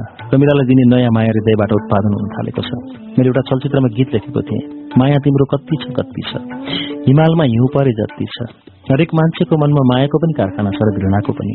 ईर्ष्या द्वेष लोभको पनि कारखाना छ जुन असीमित उत्पादन हुन सक्छ? केवल हृदयमा भएको मायाको कारखाना सञ्चालन गर्ने कि घृणाको कारखाना? त्यो आफ्नो सोचाइमा भर पर्छ।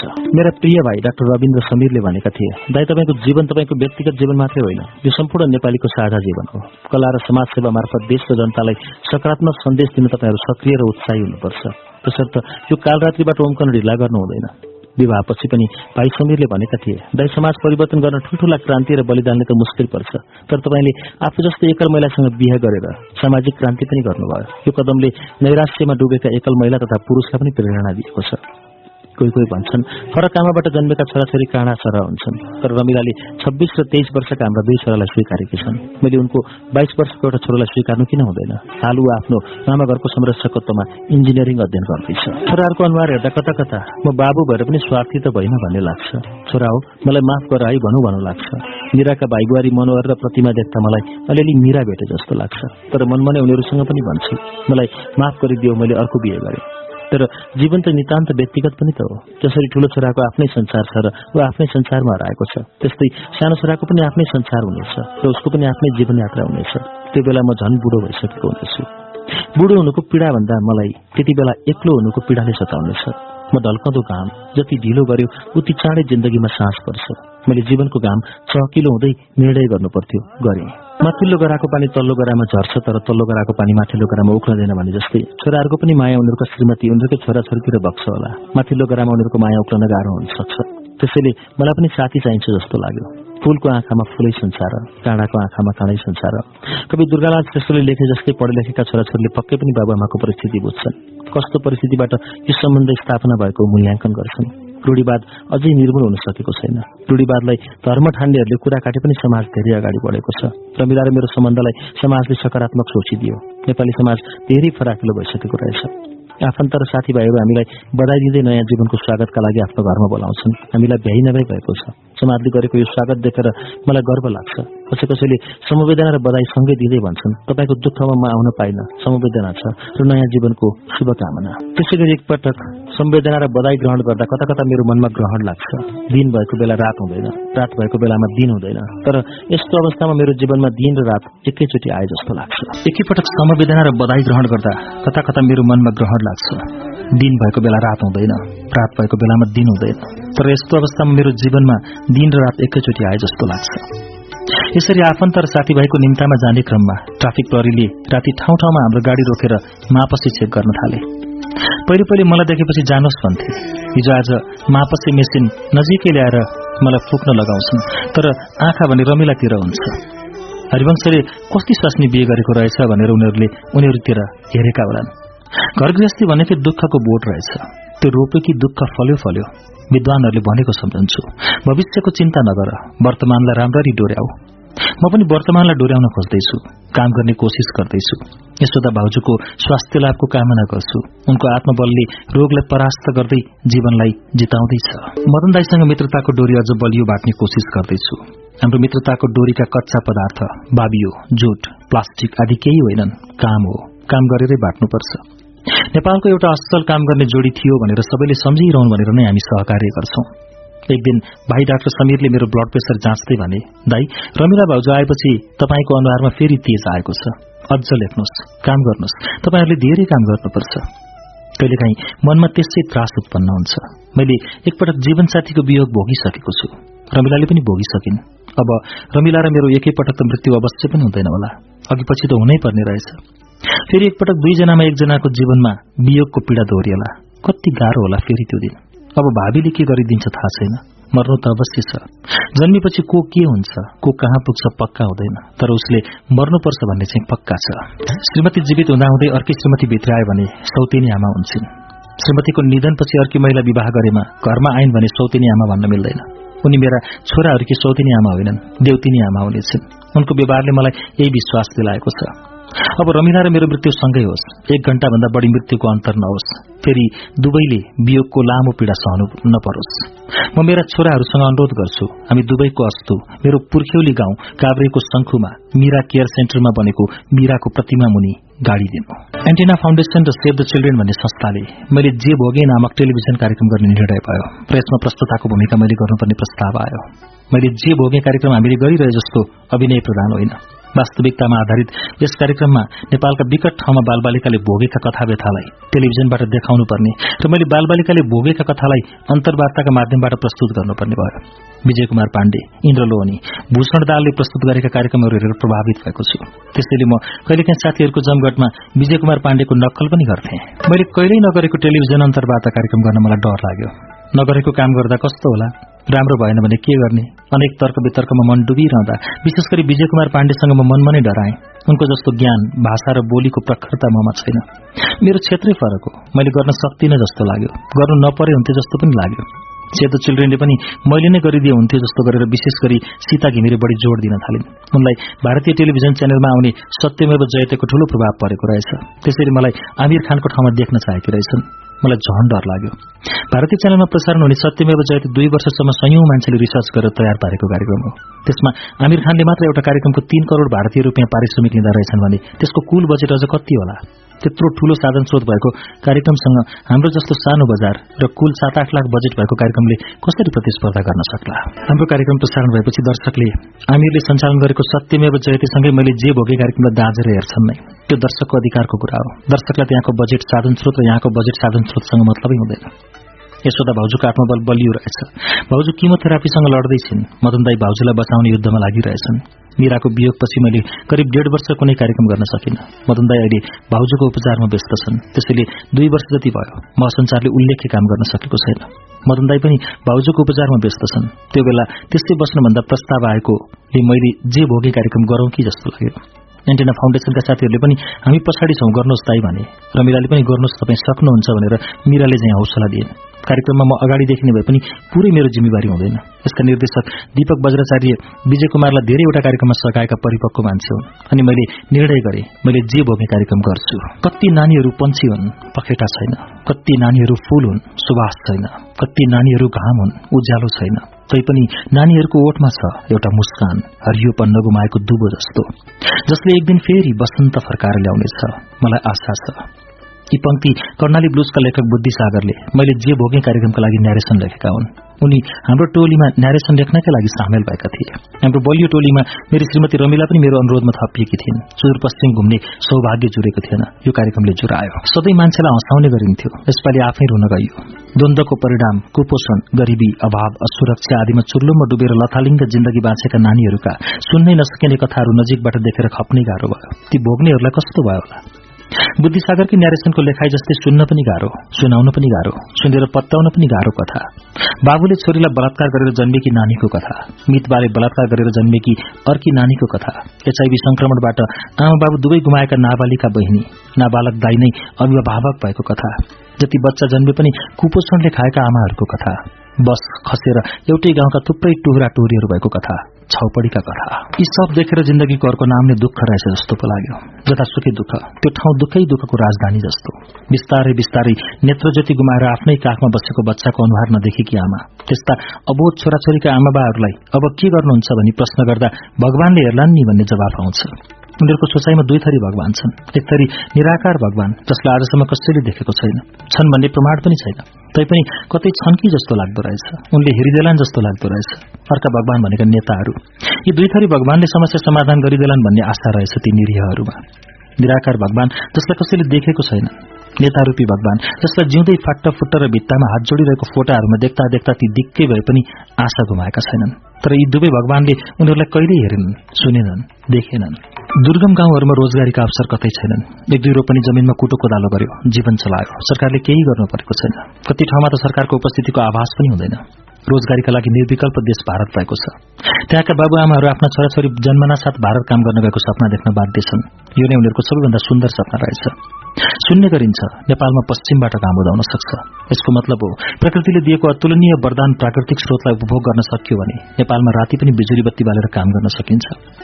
भारतलाई गाली गरेर आफूलाई राष्ट्रवादी ठाने नेताहरूले प्रकृतिले दिएको वरदानको सदुपयोग गरेर नेपालीलाई भारतको गल्ली गल्लीमा ढोका ढकटकाएर काम खोज्न जानुपर्ने बाध्यताबाट खोइ बचाउन सकेका? बरु उनीहरू युवाहरूलाई विदेशी बाध्य बनाएर बाल र वृद्ध वृद्धालाई मात्र शासन गर्न खोज्दैछन्। यी युवाहरूलाई विदेशीबाट बचाउनु पो राष्ट्रवाद। तराईको अपराध जताततै गुइठा बलेर धुवाले छोपिएको छ। जंगल फाँडिएर चारकोसे झाडी मरूभूमि जस्तो नाङ्गो हुन लागेको छ। देश अन्धकारमा डुबेको देख्दा कर्णाली नदी सुत्केरी आमाले बच्चालाई दुचो छाउन नपाएर गानिए जस्तै भएकी छन्। देश अन्धकार देख्दा कर्णालीको छातीमा असहज पीड़ा हुन्छ। देशको दुःख देखेर मसँगै यात्रा गरिरहेकी रमिलाले भनिन् कस्तो दुःख रहेछ है? मैले भने हामी आफूलाई दुःखी ठान्थ्यौं। यी दुःखका अगाडि हाम्रा दुःख त कति साधारण रहेछन् है? अब हामी आफ्नो दुःखमा कहिले दुःखी नहुने है त? दुबोलाई जति कुल्ची पनि अलिअलि हरियोपन बाँकी नै रहन्छ। लाग्यो यी मानिसहरू दुबो हुन्। यिनमा अझै पनि हरियोपन छ। राजनीतिक मौसम राम्रो भए यी मानिसहरूको जीवनको बगैँचामा अवश्य बसन्त आउनेछ। उनीहरूको जीवनको दुबो मौलाउनेछ।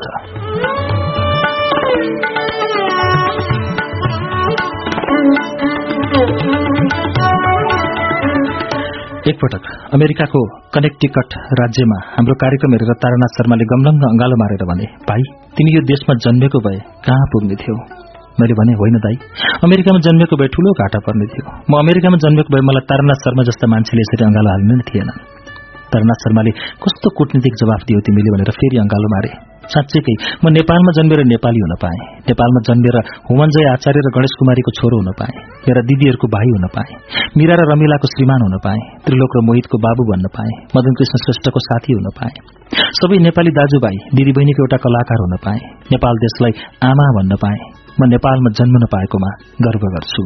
जय नेपाल। यो अन्तिम वाक्य हो। हरिवंश आचार्यको चिना रायको मान्छेभित्र संग्रहित यो पुस्तकको वाचन अब पूरा गरेको छौं।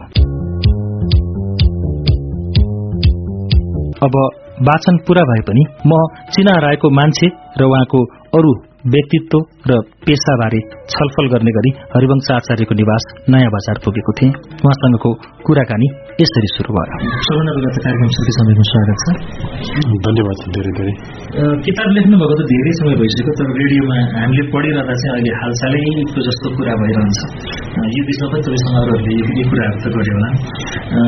कलाकारिता र लेखन क्षेत्रमा फरक कलाकारिता भन्ने एउटा भिन्दै शब्द हो। तर हामीले कलाकारिता चाहिँ अरूको फिल्ममा अरूको ड्रामामा अरूको प्रदर्शनमा खेल्नुभन्दा हामी आफै नै त्यसलाई सृजना गर्छौँ। र सृजना गरिसकेपछि सबभन्दा पहिले लेखिन्छ। कागजमा लेखिन्छ। स्क्रिप्ट बनाइन्छ। अनि त्यसलाई स्क्रिप्टलाई परिमार्जित गरिन्छ फेरि। अनि फेरि मान्छेलाई सुनाइन्छ फिडब्याक बुझिन्छ अनि फेरि लेखिन्छ। पहिलो काम हाम्रो लेख्ने नै हो। अनि त्यसपछि दोस्रो काम भनेको अनि हामीले त्यसलाई मञ्चन गर्ने हो। सुटिङ गर्ने हो। त्यो कारणले कलाकारहरू चाहिँ खालि अरूले कम्पोज गरेको ड्रामा फिल्म टेली चलचित्रमा खेल्ने पनि कलाकारहरू हुनुहुन्छ। तर हाम्रो देशमा चाहिँ अब यो मार्केट ठुलो नभएर हो कि धेरै जस्तो सबै आफैले गर्नुपर्छ। विदेशमा चाहिँ स्क्रिप्ट राइटर भन्ने भिन्दै हुन्छ। अनि कन्सेप्ट राइटर भन्ने भिन्दै हुन्छ फेरि। अनि त्यसपछि डाइरेक्टर भिन्दै हुन्छ कलाकार भिन्दै हुन्छ होइन? तर हाम्रो देशमा चाहिँ एउटा मार्केट सानो भएको फाइदा हो यो हामीलाई। यो सबै काम हामीले आफूले गर्नुपर्छ। र सबै काम सिक्ने अलिअलि सिक्ने मौका पाछौँ। र हामी चाहिँ कलाकार पनि अब हुन्छौँ। तर सबभन्दा पहिले चाहिँ अब हामी सृजना पनि गर्छौँ। त्यो कारणले अब हामीलाई चाहिँ हाम्रो मेरो परिचय चाहिँ त्यो हो जस्तो लाग्छ मलाई।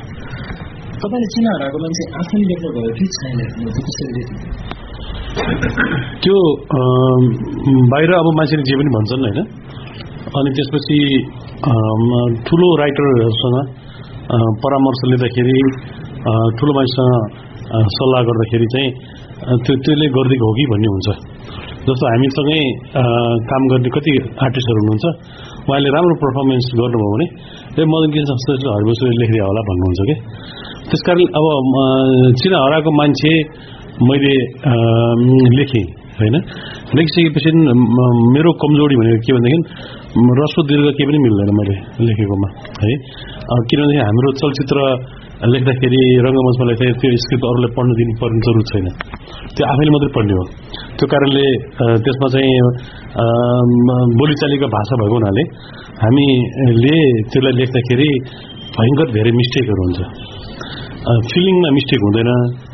अनि भावनामा पनि मिस्टेक हुँदैन। तर शब्द लेख्दाखेरि मिस्टेक हुन्छ। अनि मैले चिना हराएको मान्छे लेख्दाखेरि लेखिसकेपछि अनि सबभन्दा पहिले डक्टर रविन्द्र समीर डक्टर साहबलाई मैले पढ्न दिएँ। र उहाँले नै दाइले किताब लेख्नुपर्छ लेख्नुपर्छ भनेर भन्नुहुन्थ्यो जहिले पनि होइन? अनि मैले लेखिसकेपछि चाहिँ उहाँले यो त बियोको कुराहरू भए दाइ अब अगाडिको कुराहरू पनि लेख्नुहोस् न भने भनिसकेपछि मैले केही समय कुरेर अनि अगाडिको कुराहरू पनि लेखेँ। लेखिदिएपछि अब यसलाई भाषा मिलाउनु पर्छ भाइ भनिसकेपछि अब फाइन प्रिन्टसँग कुरा भयो। अनि अमर नेपालीज्यूसँग म सात दिनसँगै बसेको छु कम्प्युटरमा ल्यापटपमा हामी बसेर। अनि दाइ यो भाषाको सट्टा यस्तो राख्दाखेरि राम्रो होला। यो भाषा असाध्यै राम्रो छ। यसमा चाहिँ यसरी मिलाउने भन्- भन्ने च्याप्टर मिलाउने। भाषा मिलाउने काम चाहिँ हामीले गरेको हो होइन? अनि अमरजीले मलाई त्यति गरेर ठुलो गुण पनि लगाइदिनु भएको छ। र भाषा चाहिँ विशुद्ध चाहिँ यो बोलीचालीको भाषा हो। यसमा कुनै गरुङ्गो डिक्सनरी पल्टाएर हेर्नुपर्ने भाषाहरू केही पनि छैन होइन? साहित्य भन्न साथै मान्छेले चाहिँ एकदम गरुङ्गो भाषाहरू साहित्यिक भाषाहरू धेरै शब्दहरू धेरै राखेर लेख्ने चलन छ मेरो किताब पढ्दाखेरि थाहा पनि हुनुपर्ने हो कि त्यसमा त्यस्तो किसिमको ठुलो कुराहरू गरुङ्गो कुराहरू केही पनि छैनन् होइन त्यसैले मैले भोगेका कुराहरू लेखेको हुँ त्यसमा सम्पादन अमर नेपालीले गर्दै भएको हो एउटा सामान्य काभ्रेबाट आउनुभएको सामान्य कृषकको परिवारबाट आउनुभएको मान्छे यहाँसम्म आइपुग्दाखेरिको जुन स्टार डम बनाउन सक्नुभयो त्यो बनाउनको लागि चाहिँ के के चिजले तपाईँलाई तपाईँभन्दा अगाडि त कोही स्टारको सङ्गत गरी गरी पनि सिक्नु भएको होइन होला कसरी आफ्नो व्यक्तित्वलाई सम्हाल्नको लागि अथवा सँगसँगै बढ्दो लोकप्रियतालाई चाहिँ थाम्नको लागि तपाईँले एक किसिमको आफूमा सिप विकास गर्ने शैली कहाँबाट विकास? आफैले गर्नुभयो कि केही चिजहरू अध्ययन गरेर गर्नुभयो? किताबमा यी कुरा स्पष्ट नपरेको जस्तो लागेर त्यो यस्तो हुन्छ जिम्मेवारी भइसकेपछि मान्छे सुध्रिँदो रहेछ। अब पहिला मलाई कसैले पनि नचिन्ने हुँदाखेरि मैले जे गरेर हिँडे पनि हुन्थ्यो। मलाई कसैले मतलब पनि गर्दैन थियो होइन? तर जब मलाई मान्छेले चिन्न थाल्नुभयो मेरो पत्र पत्रिकामा नाम आउनु थाल्यो फोटो आउन थाल्यो त्यसपछि म व्यवस्थित हुनुपर्छ भन्ने एउटा जिम्मेवारी ममा आउनु पर्दछ भन्ने कुरा पलाउन थाल्यो। र त्यसपछि फेरि अब मैले मदन दाईसँग सहकार्य गरिसकेपछि हाम्रा प्रोग्रामहरू चाहिँ धेरै पोलिटिकल प्रोग्रामहरू बेसमा प्रोग्रामहरू हुन्थ्यो होइन? अनि पोलिटिकल प्रोग्राम हुन साथै अब हामीलाई राजनीतिज्ञहरूले पनि अर्कै आँखाले हेर्न थाल्नुभयो है? तपाईँहरू चाहिँ एउटा चाहिँ प्रतिपक्षीको भूमिका गर्दै हुनुहुन्छ आफ्नो यो कलाबाट भनेपछि। हामीमा थप जानकारी जिम्मेवारी फेरि आउन थाल्यो। त्यसले गर्दाखेरि अब प्यारलली हाम्रो हाम्रो यात्रा पनि अगाडि बढ्दै गयो। र मान्छेले हामीलाई विश्वास पनि गर्न थाल्नुभयो ठुला ठुला व्यक्तिहरूले हामीलाई माया गर्न थाल्नुभयो भन्दाखेरि अनि नचाहिने काम गर्नु हुँदैन। अब हामीले जे पाइ गरेर समाजमा हामी चुरोट खाएर देखायो भनेदेखि बच्चाहरूले सिक्छन्। हामीले केपिजेहरू जिस्काएको देख्यो भनेदेखि अरूहरूले सिक्छन्। यस्तो काम गर्नु हुँदैन। अनि त्यसपछि अपाङ्गता भएका मान्छेहरूलाई जिस्काउनु हुँदैन। अपाङ्गता भनेको चाहिँ कसैको गल्तीले भएको होइन। त्यो एउटा प्रकृतिले चाहिँ दिएको चिज हो। उहाँ उहाँहरूलाई हामीले समाजमा इज्जत गर्नुपर्छ जस्तो हामी हिन्दी सिनेमाहरू हेर्छौँ। त्यसमा अहिले पनि जस्ता तस्तै हुन्छ नि। अम, टेक्न राम्रो सुन्न सक्ने मान्छेलाई तथा नाम गरेर गाली गर्छन्। अनि सरकारलाई असफल हुन देख्यो भनेदेखि आँखा नदेखि सरकार भनेर अझ ठाडो भाषामा प्रयोग गर्छन् होइन। अनि हामीले चाहिँ सामाजिक दायित्व पनि वहन गर्नुपर्छ भनेर हामी त्यसरी नै हाम्रो कामले नै हामीलाई जिम्मेवार बनाउँदै बनाउँदै हामी अगाडि बढेको। मैले अर्को तपाईँसँग सोध्न खोजेको प्रश्न चाहिँ तपाईँले त्यहाँ केही कुराहरू चाहिँ पुस्तकमा पनि ल्याउनु भएको छ। अब यो स्टार्टअपमा आइसकेपछि प्राइभेसी हुँदो रहेछ पर्सनल लाइफ चाहिँ सकिँदो रहेछ। तपाईँलाई सधैँ फर्मल जिन्दगी बिताउँदा बिताउँदा कहिले वाक्का लाएर सामान्य नै भएको भए म ठिक थिएँ जस्तो अवस्था आउँछ कि आउँदैन? एकदम आउँछ। मलाई कहिले काहीँ कस्तो हुन्छ भनेदेखि जस्तो म हिजो बर्दिवासबाट फर्केँ होइन? अनि फर्किँदाखेरि बाटोमा चाहिँ किराना पसल राखेर सामान बेचेर बसिरहनु भएको सुन्तला बेचेर बसिरहनु भएको जुनार बेचेर बसिरहनु भएको दाजुभाइहरूलाई यसो हेर्दाखेरि उहाँहरू पनि सुखी नै हुनुहुन्छ है। कस्तो आनन्दको जिन्दगी यस्तै भएको भए पनि हुन्थ्यो कि यति दौडधुप पनि गर्नु पर्दैन थियो कि यति टेन्सन पनि हुँदैन थियो कि भने जस्तो कहिले काहीँ लाग्छ त्यो। तर अब यो भाग्यले पाउने चिज हो फेरि। यो यो भनेको चिज चाहिँ सबैले पाउने कुरा मैले पाएको छैन। अरूले नपाउने कुरा मैले पाएको छु भने चाहिँ अनि मैले हे त्यस्तो सोच्नु हुँदैन। मैले त्यस्तो सोचेँ भनेदेखि त मैले आफ्नो पेसाप्रति म इमान्दारी हुन सक्दिनँ। त्यस कारणले मलाई म मैले यो भाग्यले पाएको चिज हो र यसलाई मैले जोगाउनुपर्छ। भगवान्ले मलाई जे दिनुभयो त्यो नै ठिक छ भने जस्तो मलाई दुःख होस् मलाई तर यो जीवन ठिक छ। हरिवंश भन्दा अब भनौँ न अब कुनै बिहा भोजहरूमा जाँदाखेरि मान्छेको अरू मान्छे खाइराखेका हुन्छन् हाम्रो कामै फोटो खिचिरहेको हुन्छ। होइन हामी खालि फोटो खिचिया खिचे खिचिया खिचे। एउटा कुनै एक टुक्रा खानेकुरा खान पनि मौका मिल्दैन कि कुनै कुनै ठाउँमा। अनि मनमा नै दिक्क पनि लागिरहेको हुन्छ। एउटै मान्छेले दसचोटि पनि फोटो खिच्छन् फेरि होइन? अनि मनमा दिक्क लाग्छ तर मनमा त्यति नै एउटा फेरि अर्को मनले के भन्छ भने यो त्यो सबैले पाउँदैन नि। यत्र मान्छे छन् यो भोजमा आएको किन अरूसँग फोटो खिचेन त हामीसँग मात्रै फोटो किन खिचे? यो- पनि माया हो एउटा। यो सबै मान्छेको घर घरमा हाम्रो फोटो हुन्छ। सबै मान्छेले चाहिँ फेसबुकमा हाम्रो फोटो राख्छन्। भने उहाँहरूले गर्नुभएको श्रद्धा हो यो। त्यस कारणले यो चिजमा हामी रिसाउनु पाइँदैन भनेर मनमा नै फेरि करेक्सन गर्छौँ गर्छौँ होइन। तर यो पेसामा लागिसकेपछि रिसाउनु चाहिँ पाइँदैन हेर्नुहोस्। पटक्कै रिसाउनु पाइँदैन। किनभनेदेखि दर्शक भनेको इनोसेन्ट हुन्छ। उहाँहरूले हामीमाथि जे काम पनि गर्ने उहाँहरूको अधिकार हो। कि त्यो मन पराएर गरेको भनेपछि त्यसको मतलब तथा नाम गर्नु हुँदैन। हामीलाई मन दुख्ने कुराहरू गर्नु हुँदैन। अब हामीलाई अब माया नै गरिरहनु भएको हुन्छ। त्यस कारणले यो चिज चाहिँ हामीले हामीले वरदानै पाएको हौँ भन्ने फिल गर्नुपर्छ हामीले। मैले मेरा सँगसँगै म श्रोताको प्रश्नहरू पनि लिएर आएको छु। तपाईँकोमा आउने भन्ने बित्तिकै मैले फेसबुक ट्विटरमा चाहिँ हरिवंश आचार्यलाई श्रुति सम्वेकमा कस्ता प्रश्न गर्नु पर्ला भनेर सोद्धाखेरि धेरै प्रश्नहरू दिनुभएको छ। मैले केही प्रतिनिधि प्रश्न लिएर आएको छु नाम चाहिँ लिएर आएको छु। त्योभन्दा अगाडि चाहिँ मेरै जिज्ञासा राख्नु पऱ्यो। तपाईँले अघि नै भन्नुभयो नि हामी चाहिँ पहिला पहिला आइमाईलाई त भन्थ्यौँ। पछाडि चाहिँ अहिले म कुरा गर्दा तपाईँ भनिदिन्छु अथवा मुख बनाएर जसो जात जातिको नाममा जिस्काउँदा जिस्काउँदा तपाईँलाई चाहिँ हरिवंश भन्दा बढी हरिवंशी भनेर चिन्छ नामै बिगाऱ्यो तपाईँलाई त्यो नाम त्यसरी अरूले हरिवंशी भन्दा कस्तो लाग्छ मलाई एकदम खुसी लाग्छ त्यो हरिवंशी मेरो नाम मान्छेले बिगारिदिए जस्तो लाग्दैन लाग्दैन पटक्कै लाग्दैन मैले किताबमा लेखेको छु कि छैन थाहा छैन मलाई होइन एकचोटि गिरिजा प्रसाद प्रधानमन्त्री हुनुभएको थियो होइन अनि अँ, त्यो समारोहमा हामी पनि गएको थियौँ। एउटा कलाकारहरूसँग भेटघाट गर्ने प्रोग्राममा बोलाएको थियो। त्यहाँ एकजना एनाउन्सर मान्छेले अब गिरिजा प्रसाद प्रधानमन्त्रीलाई देखेर चाहिँ उहाँ अलिक नर्भस हुनुभयो लाग्यो है।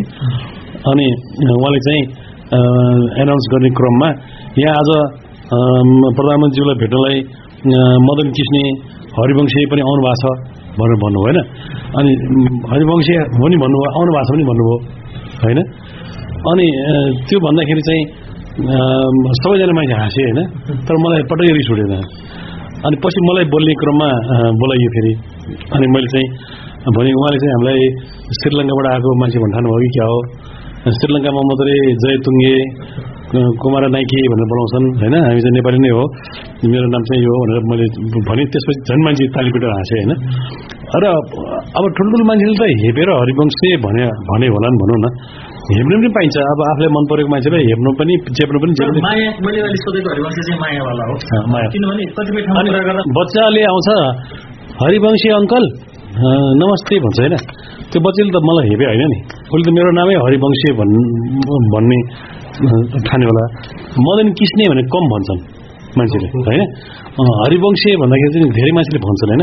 तर त्यो भन्न सजिलो पनि भएको होला। अथवा मैले टेलिभिजनमा हेरुमा नाटकहरूमा निभाउने चरित्र हुन्छ नि अलिक बढी नेगेटिभ चरित्र म मैले उल्फट्याङ चरित्र गरेर हुन्छ होइन? अनि उल्फट्याङ मान्छेले अलिक हेर्नै पर्छ भन्ने पनि हुनसक्छ। त्यस कारणले पनि मेरो नाममा से बढी थपिएको थपेको जस्तो लाग्छ मलाई। मैले मलाई सोध्न पठाउनु भएको श्रोताको प्रश्नमा चाहिँ एउटा एउटा त मैले सोधेँ पनि अघि अर्को चाहिँ यो आत्मकथा चुनाव आएको मान्छे लेख्न तपाईँलाई कहाँबाट प्रेरणा आयो भनेर सोध्नु भएको छ धेरैले अब आत्मकथा भन्दा पनि मैले चाहिँ कस्तो हुन्छ मेरो जब मेरो श्रीमती अ, लाई मैले गुमाउनु पर्यो नि अनि त्यो बेलामा मैले चाहिँ अब मेरो मनमा धेरै पीडाहरू उत्पन्न हुन्छन् हुन्थे होइन। अनि त्यसलाई चाहिँ मैले अब अरूलाई सुनाउनु भन्दा अरूलाई चाहिँ कस्तो भने एउटा कोही मान्छे को मृत्यु हुन्छ। हामीले संवेदना हेर्छौँ चिनेको मान्छे भए पनि एकछिन ओहो बिचरा कठैबाट है भन्छौँ भन्छु। तर एकछिनपछि मैले त्यसलाई बिर्सिन्छु। त्यो चिज ए फलाना मान्छे बित्नु भएछ है। भन्यो कठै गएर सिद्धियो क्या। अब त्यो जो मान्छे बितेको छ नि त्यसको परिवारले मात्रै त्यो चिजलाई जीवनभरि नै त्यसलाई टोकिराखेको हुन्छ कि? त्यसले म, त्यो घाउ चलाइराखेको हुन्छ। त्यस कारणले आफूलाई परेको पीर छ नि अरूलाई सेयर गर्नु बेकार हुन्छ। अरूलाई सेयर गर्दाखेरि ए मलाई नै सेयर गर्छन् कति मान्छेले? यस्तो भयो यस्तो भयो मेरो यस्तो बित्यो भन्छ। एकछिन सम्झिन्छु बिचरा कठै भनिन्छ होइन? तर एकछिनपछि आफ्नो काममा लागिन्छ वास्तव हुँदैन क्या त्यो? अनि त्यसरी मैले मेरो पीडा अब कसलाई सुनाउनु त? मैले मलाई मेरो मनमा लागेको पीडाहरू पोख्न मन लाग्थ्यो क्या मलाई? अनि त्यसरी मैले चाहिँ अनि काव्यमा पोख्न थालेँ। काव्यमा लेख्न थालेँ मैले। अनि त्यो मैले किताब निकाल्छु भन्ने हिसाबले पनि होइन। अनि कापीमा लेख्न थालेँ। लेखिसकेपछि त्यो मलाई कापीलाई मैले मेरो पीडा सुनाउन थालेँ। त्यसपछि त्यो मसी चाहिँ मेरो आँसु भयो। होइन? अनि आँसु मसीले मैले लेख्न थालेँ। लेख्दा लेख्दा लेख्दा लेख्दै अलिअलि लेखिरहेको मान्छे भएको हुनाले अनि त्यो वियोगका कुराहरू मैले पहिले लेखेँ। त्यसले गर्दाखेरि मलाई लेख्दै रुँदै गर्ने एउटा साथी पाएँ मैले कापी होइन।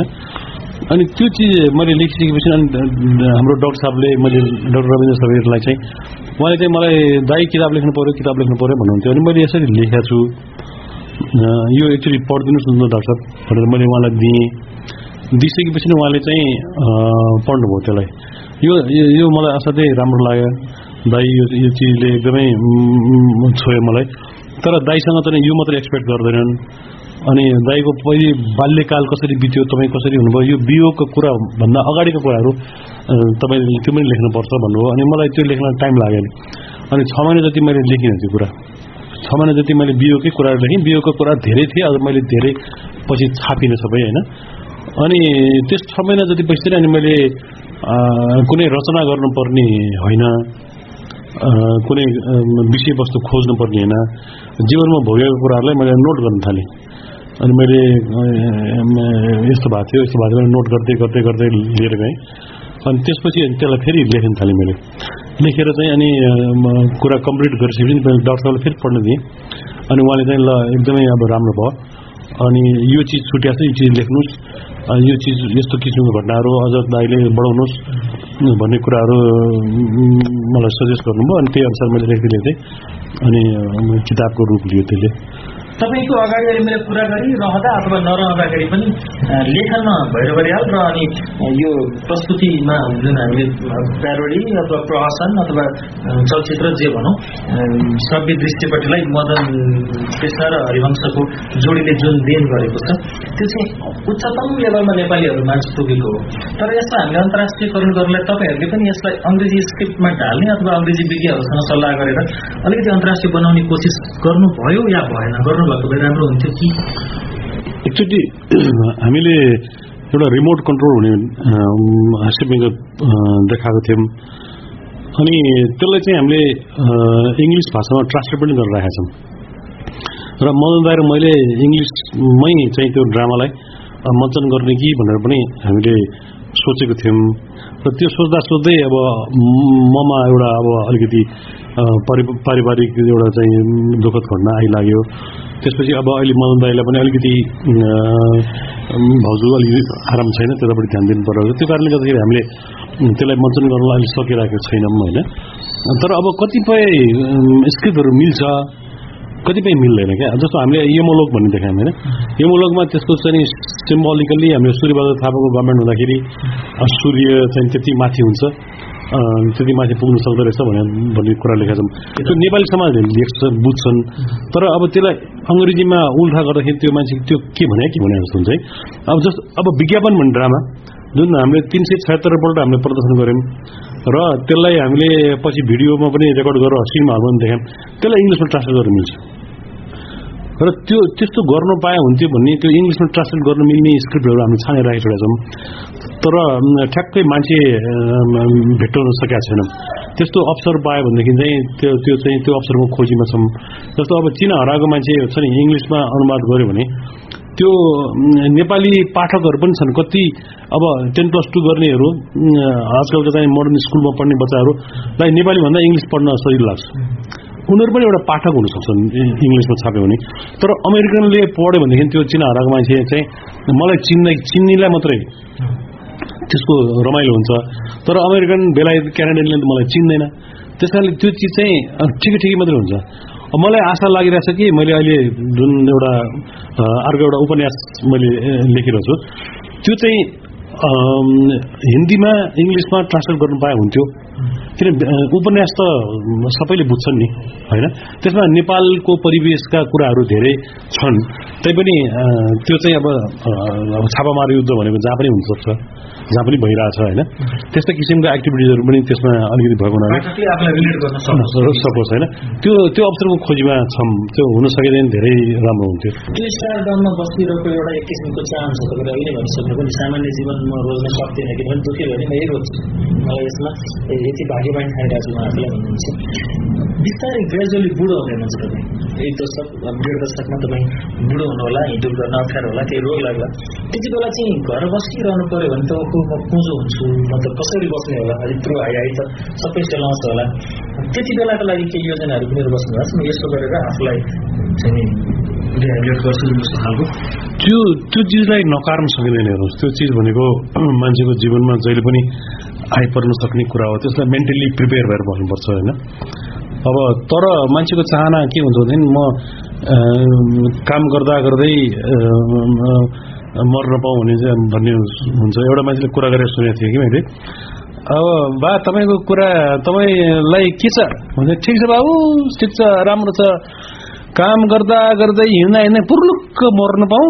त्यति भए पुग्यो मलाई भन्ने भनेको सुनेको थिएँ कि मैले एकजना मान्छेले। अब विष्णु भक्त फुयालजी अस्ति बित्नुभयो हाम्रो आदरणीय रङ्गकर्मी हुनुहुन्छ चलचित्रहरूमा खेल्नु भएको छ। बलिदान चलचित्रमा मेरै बुवा भएर खेल्नु भएको छ होइन उहाँ एकदम भाग्यमानी मान्छे। रङ्गमञ्चमा नाटक गर्दा गर्दै ढल्नुभयो र आर्यघाटमा त्यो नाटकको मेकअपमा त्यो नाट नाटक गरेको लुगामा उहाँ आर्यघाट जानुभयो होइन। अब उमेरको हिसाबले पनि उहाँ असी वर्ष हाराहारी पुग्नु भएछ मलाई पनि त्यस्तै जिन्दगीको कल्पना आउँछ कि काम गर्दा गर्दै मर्न पाए हुन्थ्यो भन्ने हुन्छ होइन। तर मर्न भनेको चिज के भनेदेखि कुनै बेलामा मलाई मर्ने रहर थियो होइन? अब बाँच्ने रहर छ किनभनेदेखि मसँग दायित्व छ। मसँग मैले हालसालै बिहे गरेँ। जब पाँच वर्ष भयो हामीले बिहे गरेको होइन। मलाई कमसेकम नब्बे वर्ष बाँच्न मन लागेको छ अहिले। किन? उस- उसको र मेरो उमेरको अन्तरालमा चौध वर्ष फरक छ होइन त्यस म चाँडै मर्दिएँ भने त उसलाई त तोड पर्छ होइन त्यस कारण तर त्यो आफूले चाहेको जस्तो हुन सक्दैन भोलि जे पनि हुनसक्छ होइन त्यो कारणले अब मैले त्यो अनुसार आफूलाई कसरी निरोगी राख्ने कसरी स्ट्रेन्थ बढाउने कसरी काम गर्ने भन्ने चिज त लागि नै रहन्छ तर मलाई चाहिँ के लाग्छ भनेदेखि हाम्रो आर्ट फिल्ड भनेको चाहिँ कहिले पनि रिटायरमेन्ट हुने फिल्ड होइन उमेरले रोक्दैन हिजो म बच्चा भएर खेल्थेँ भने भोलि म अब अहिले बाउ भएर खेल्न थालेको छु भोलिपछि हजुरबाउ अर्कोपल्ट बाउको नि हजुरबाउको पनि बाउ भएर खेल्न पनि खेल्न सकेला तर दिमागले र शरीरले काम गरुन्जेलसम्म अनि जहिले पनि काम गर्ने रहर छ किन हराएको मान्छेको पछिल्लो अनुच्छेदतिर आइपुग्दाखेरि तपाईँले जुन आफ्नो घरको दोस्रो बिहे गरिसकेपछिको पारिवारिक अवस्थालाई चित्रण गर्नुभएको छ नि त्यति नै सुन्दर संयोजनमा चलिरहेको छ तपाईँको घर त्योभन्दा राम्रो छ किनभने त्यो बेलामा चिना हराएको मान्छेलाई त मैले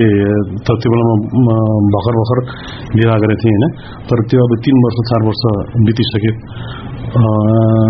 त्योभन्दा राम्रो अम्, अहिले मेरो घरमा अब सुख शान्ति छ छोराहरू खुसी छन् म खुसी छु मेरो श्रीमती खुसी छन् उनले आमाको माया देखेछन् छोरा छोरीहरूलाई अनि घर सम्हालिएको छ होइन म काम गर्न सक्ने भएको छु त्यसले गर्दाखेरि त्यो किताब लेखेको दिनभन्दा झन् राम्रो हुँदै गएको छ अब अन्त्यमा चाहिँ मसँग एकजना इन्जिनियर भाइ पनि आउनुभएको छ तपाईँलाई हेर्न मात्र एक झलक भेट्न पाउँछु भनेर सुजन दुलाल आउनुभएको छ यस्तै आम नेपाली हरिवंश आचार्यलाई एकपटक भेट्न पाए छुन मात्रै पाए पनि कस्तो हुन्थ्यो होला भन्नेहरू छ अँ, कोहीको त कति तार्किक कुराहरू पनि हुनसक्छ त्यस्तो मान्छेले सहजैसँग तपाईँलाई भेट्न देख्न पर्यो भने केही उपाय निस्कन्छ।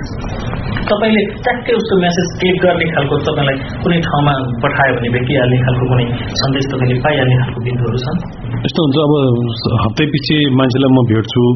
म अन्तर्क्रिया क्रिया गर्छु कुरा गर्छु भन्नु चाहिँ अलिक पोसिबल कुरा छैन होइन तर अब कुनै ठाउँमा मान्छेहरूलाई भेटिन्छ समारोहमा भेटिन्छ त्यो बेलामा अब अन्तर्क्रिया हुन्छ सानसानो अन्तर्क्रिया पनि हुन्छ कुनै ठाउँमा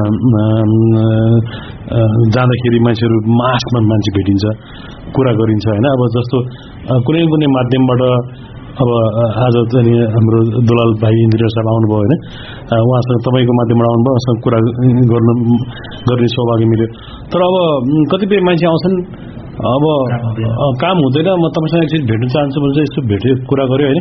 अब पारिवारिक समस्याहरूको तपाईँले सुझाइदिनुहोस् यसो गरिदिनुहोस् त्यसो भन्ने अब त्यो मेरो पोसिबलै छैन कि त्यो मैले गर्नै सक्ने पनि कुरा होइन।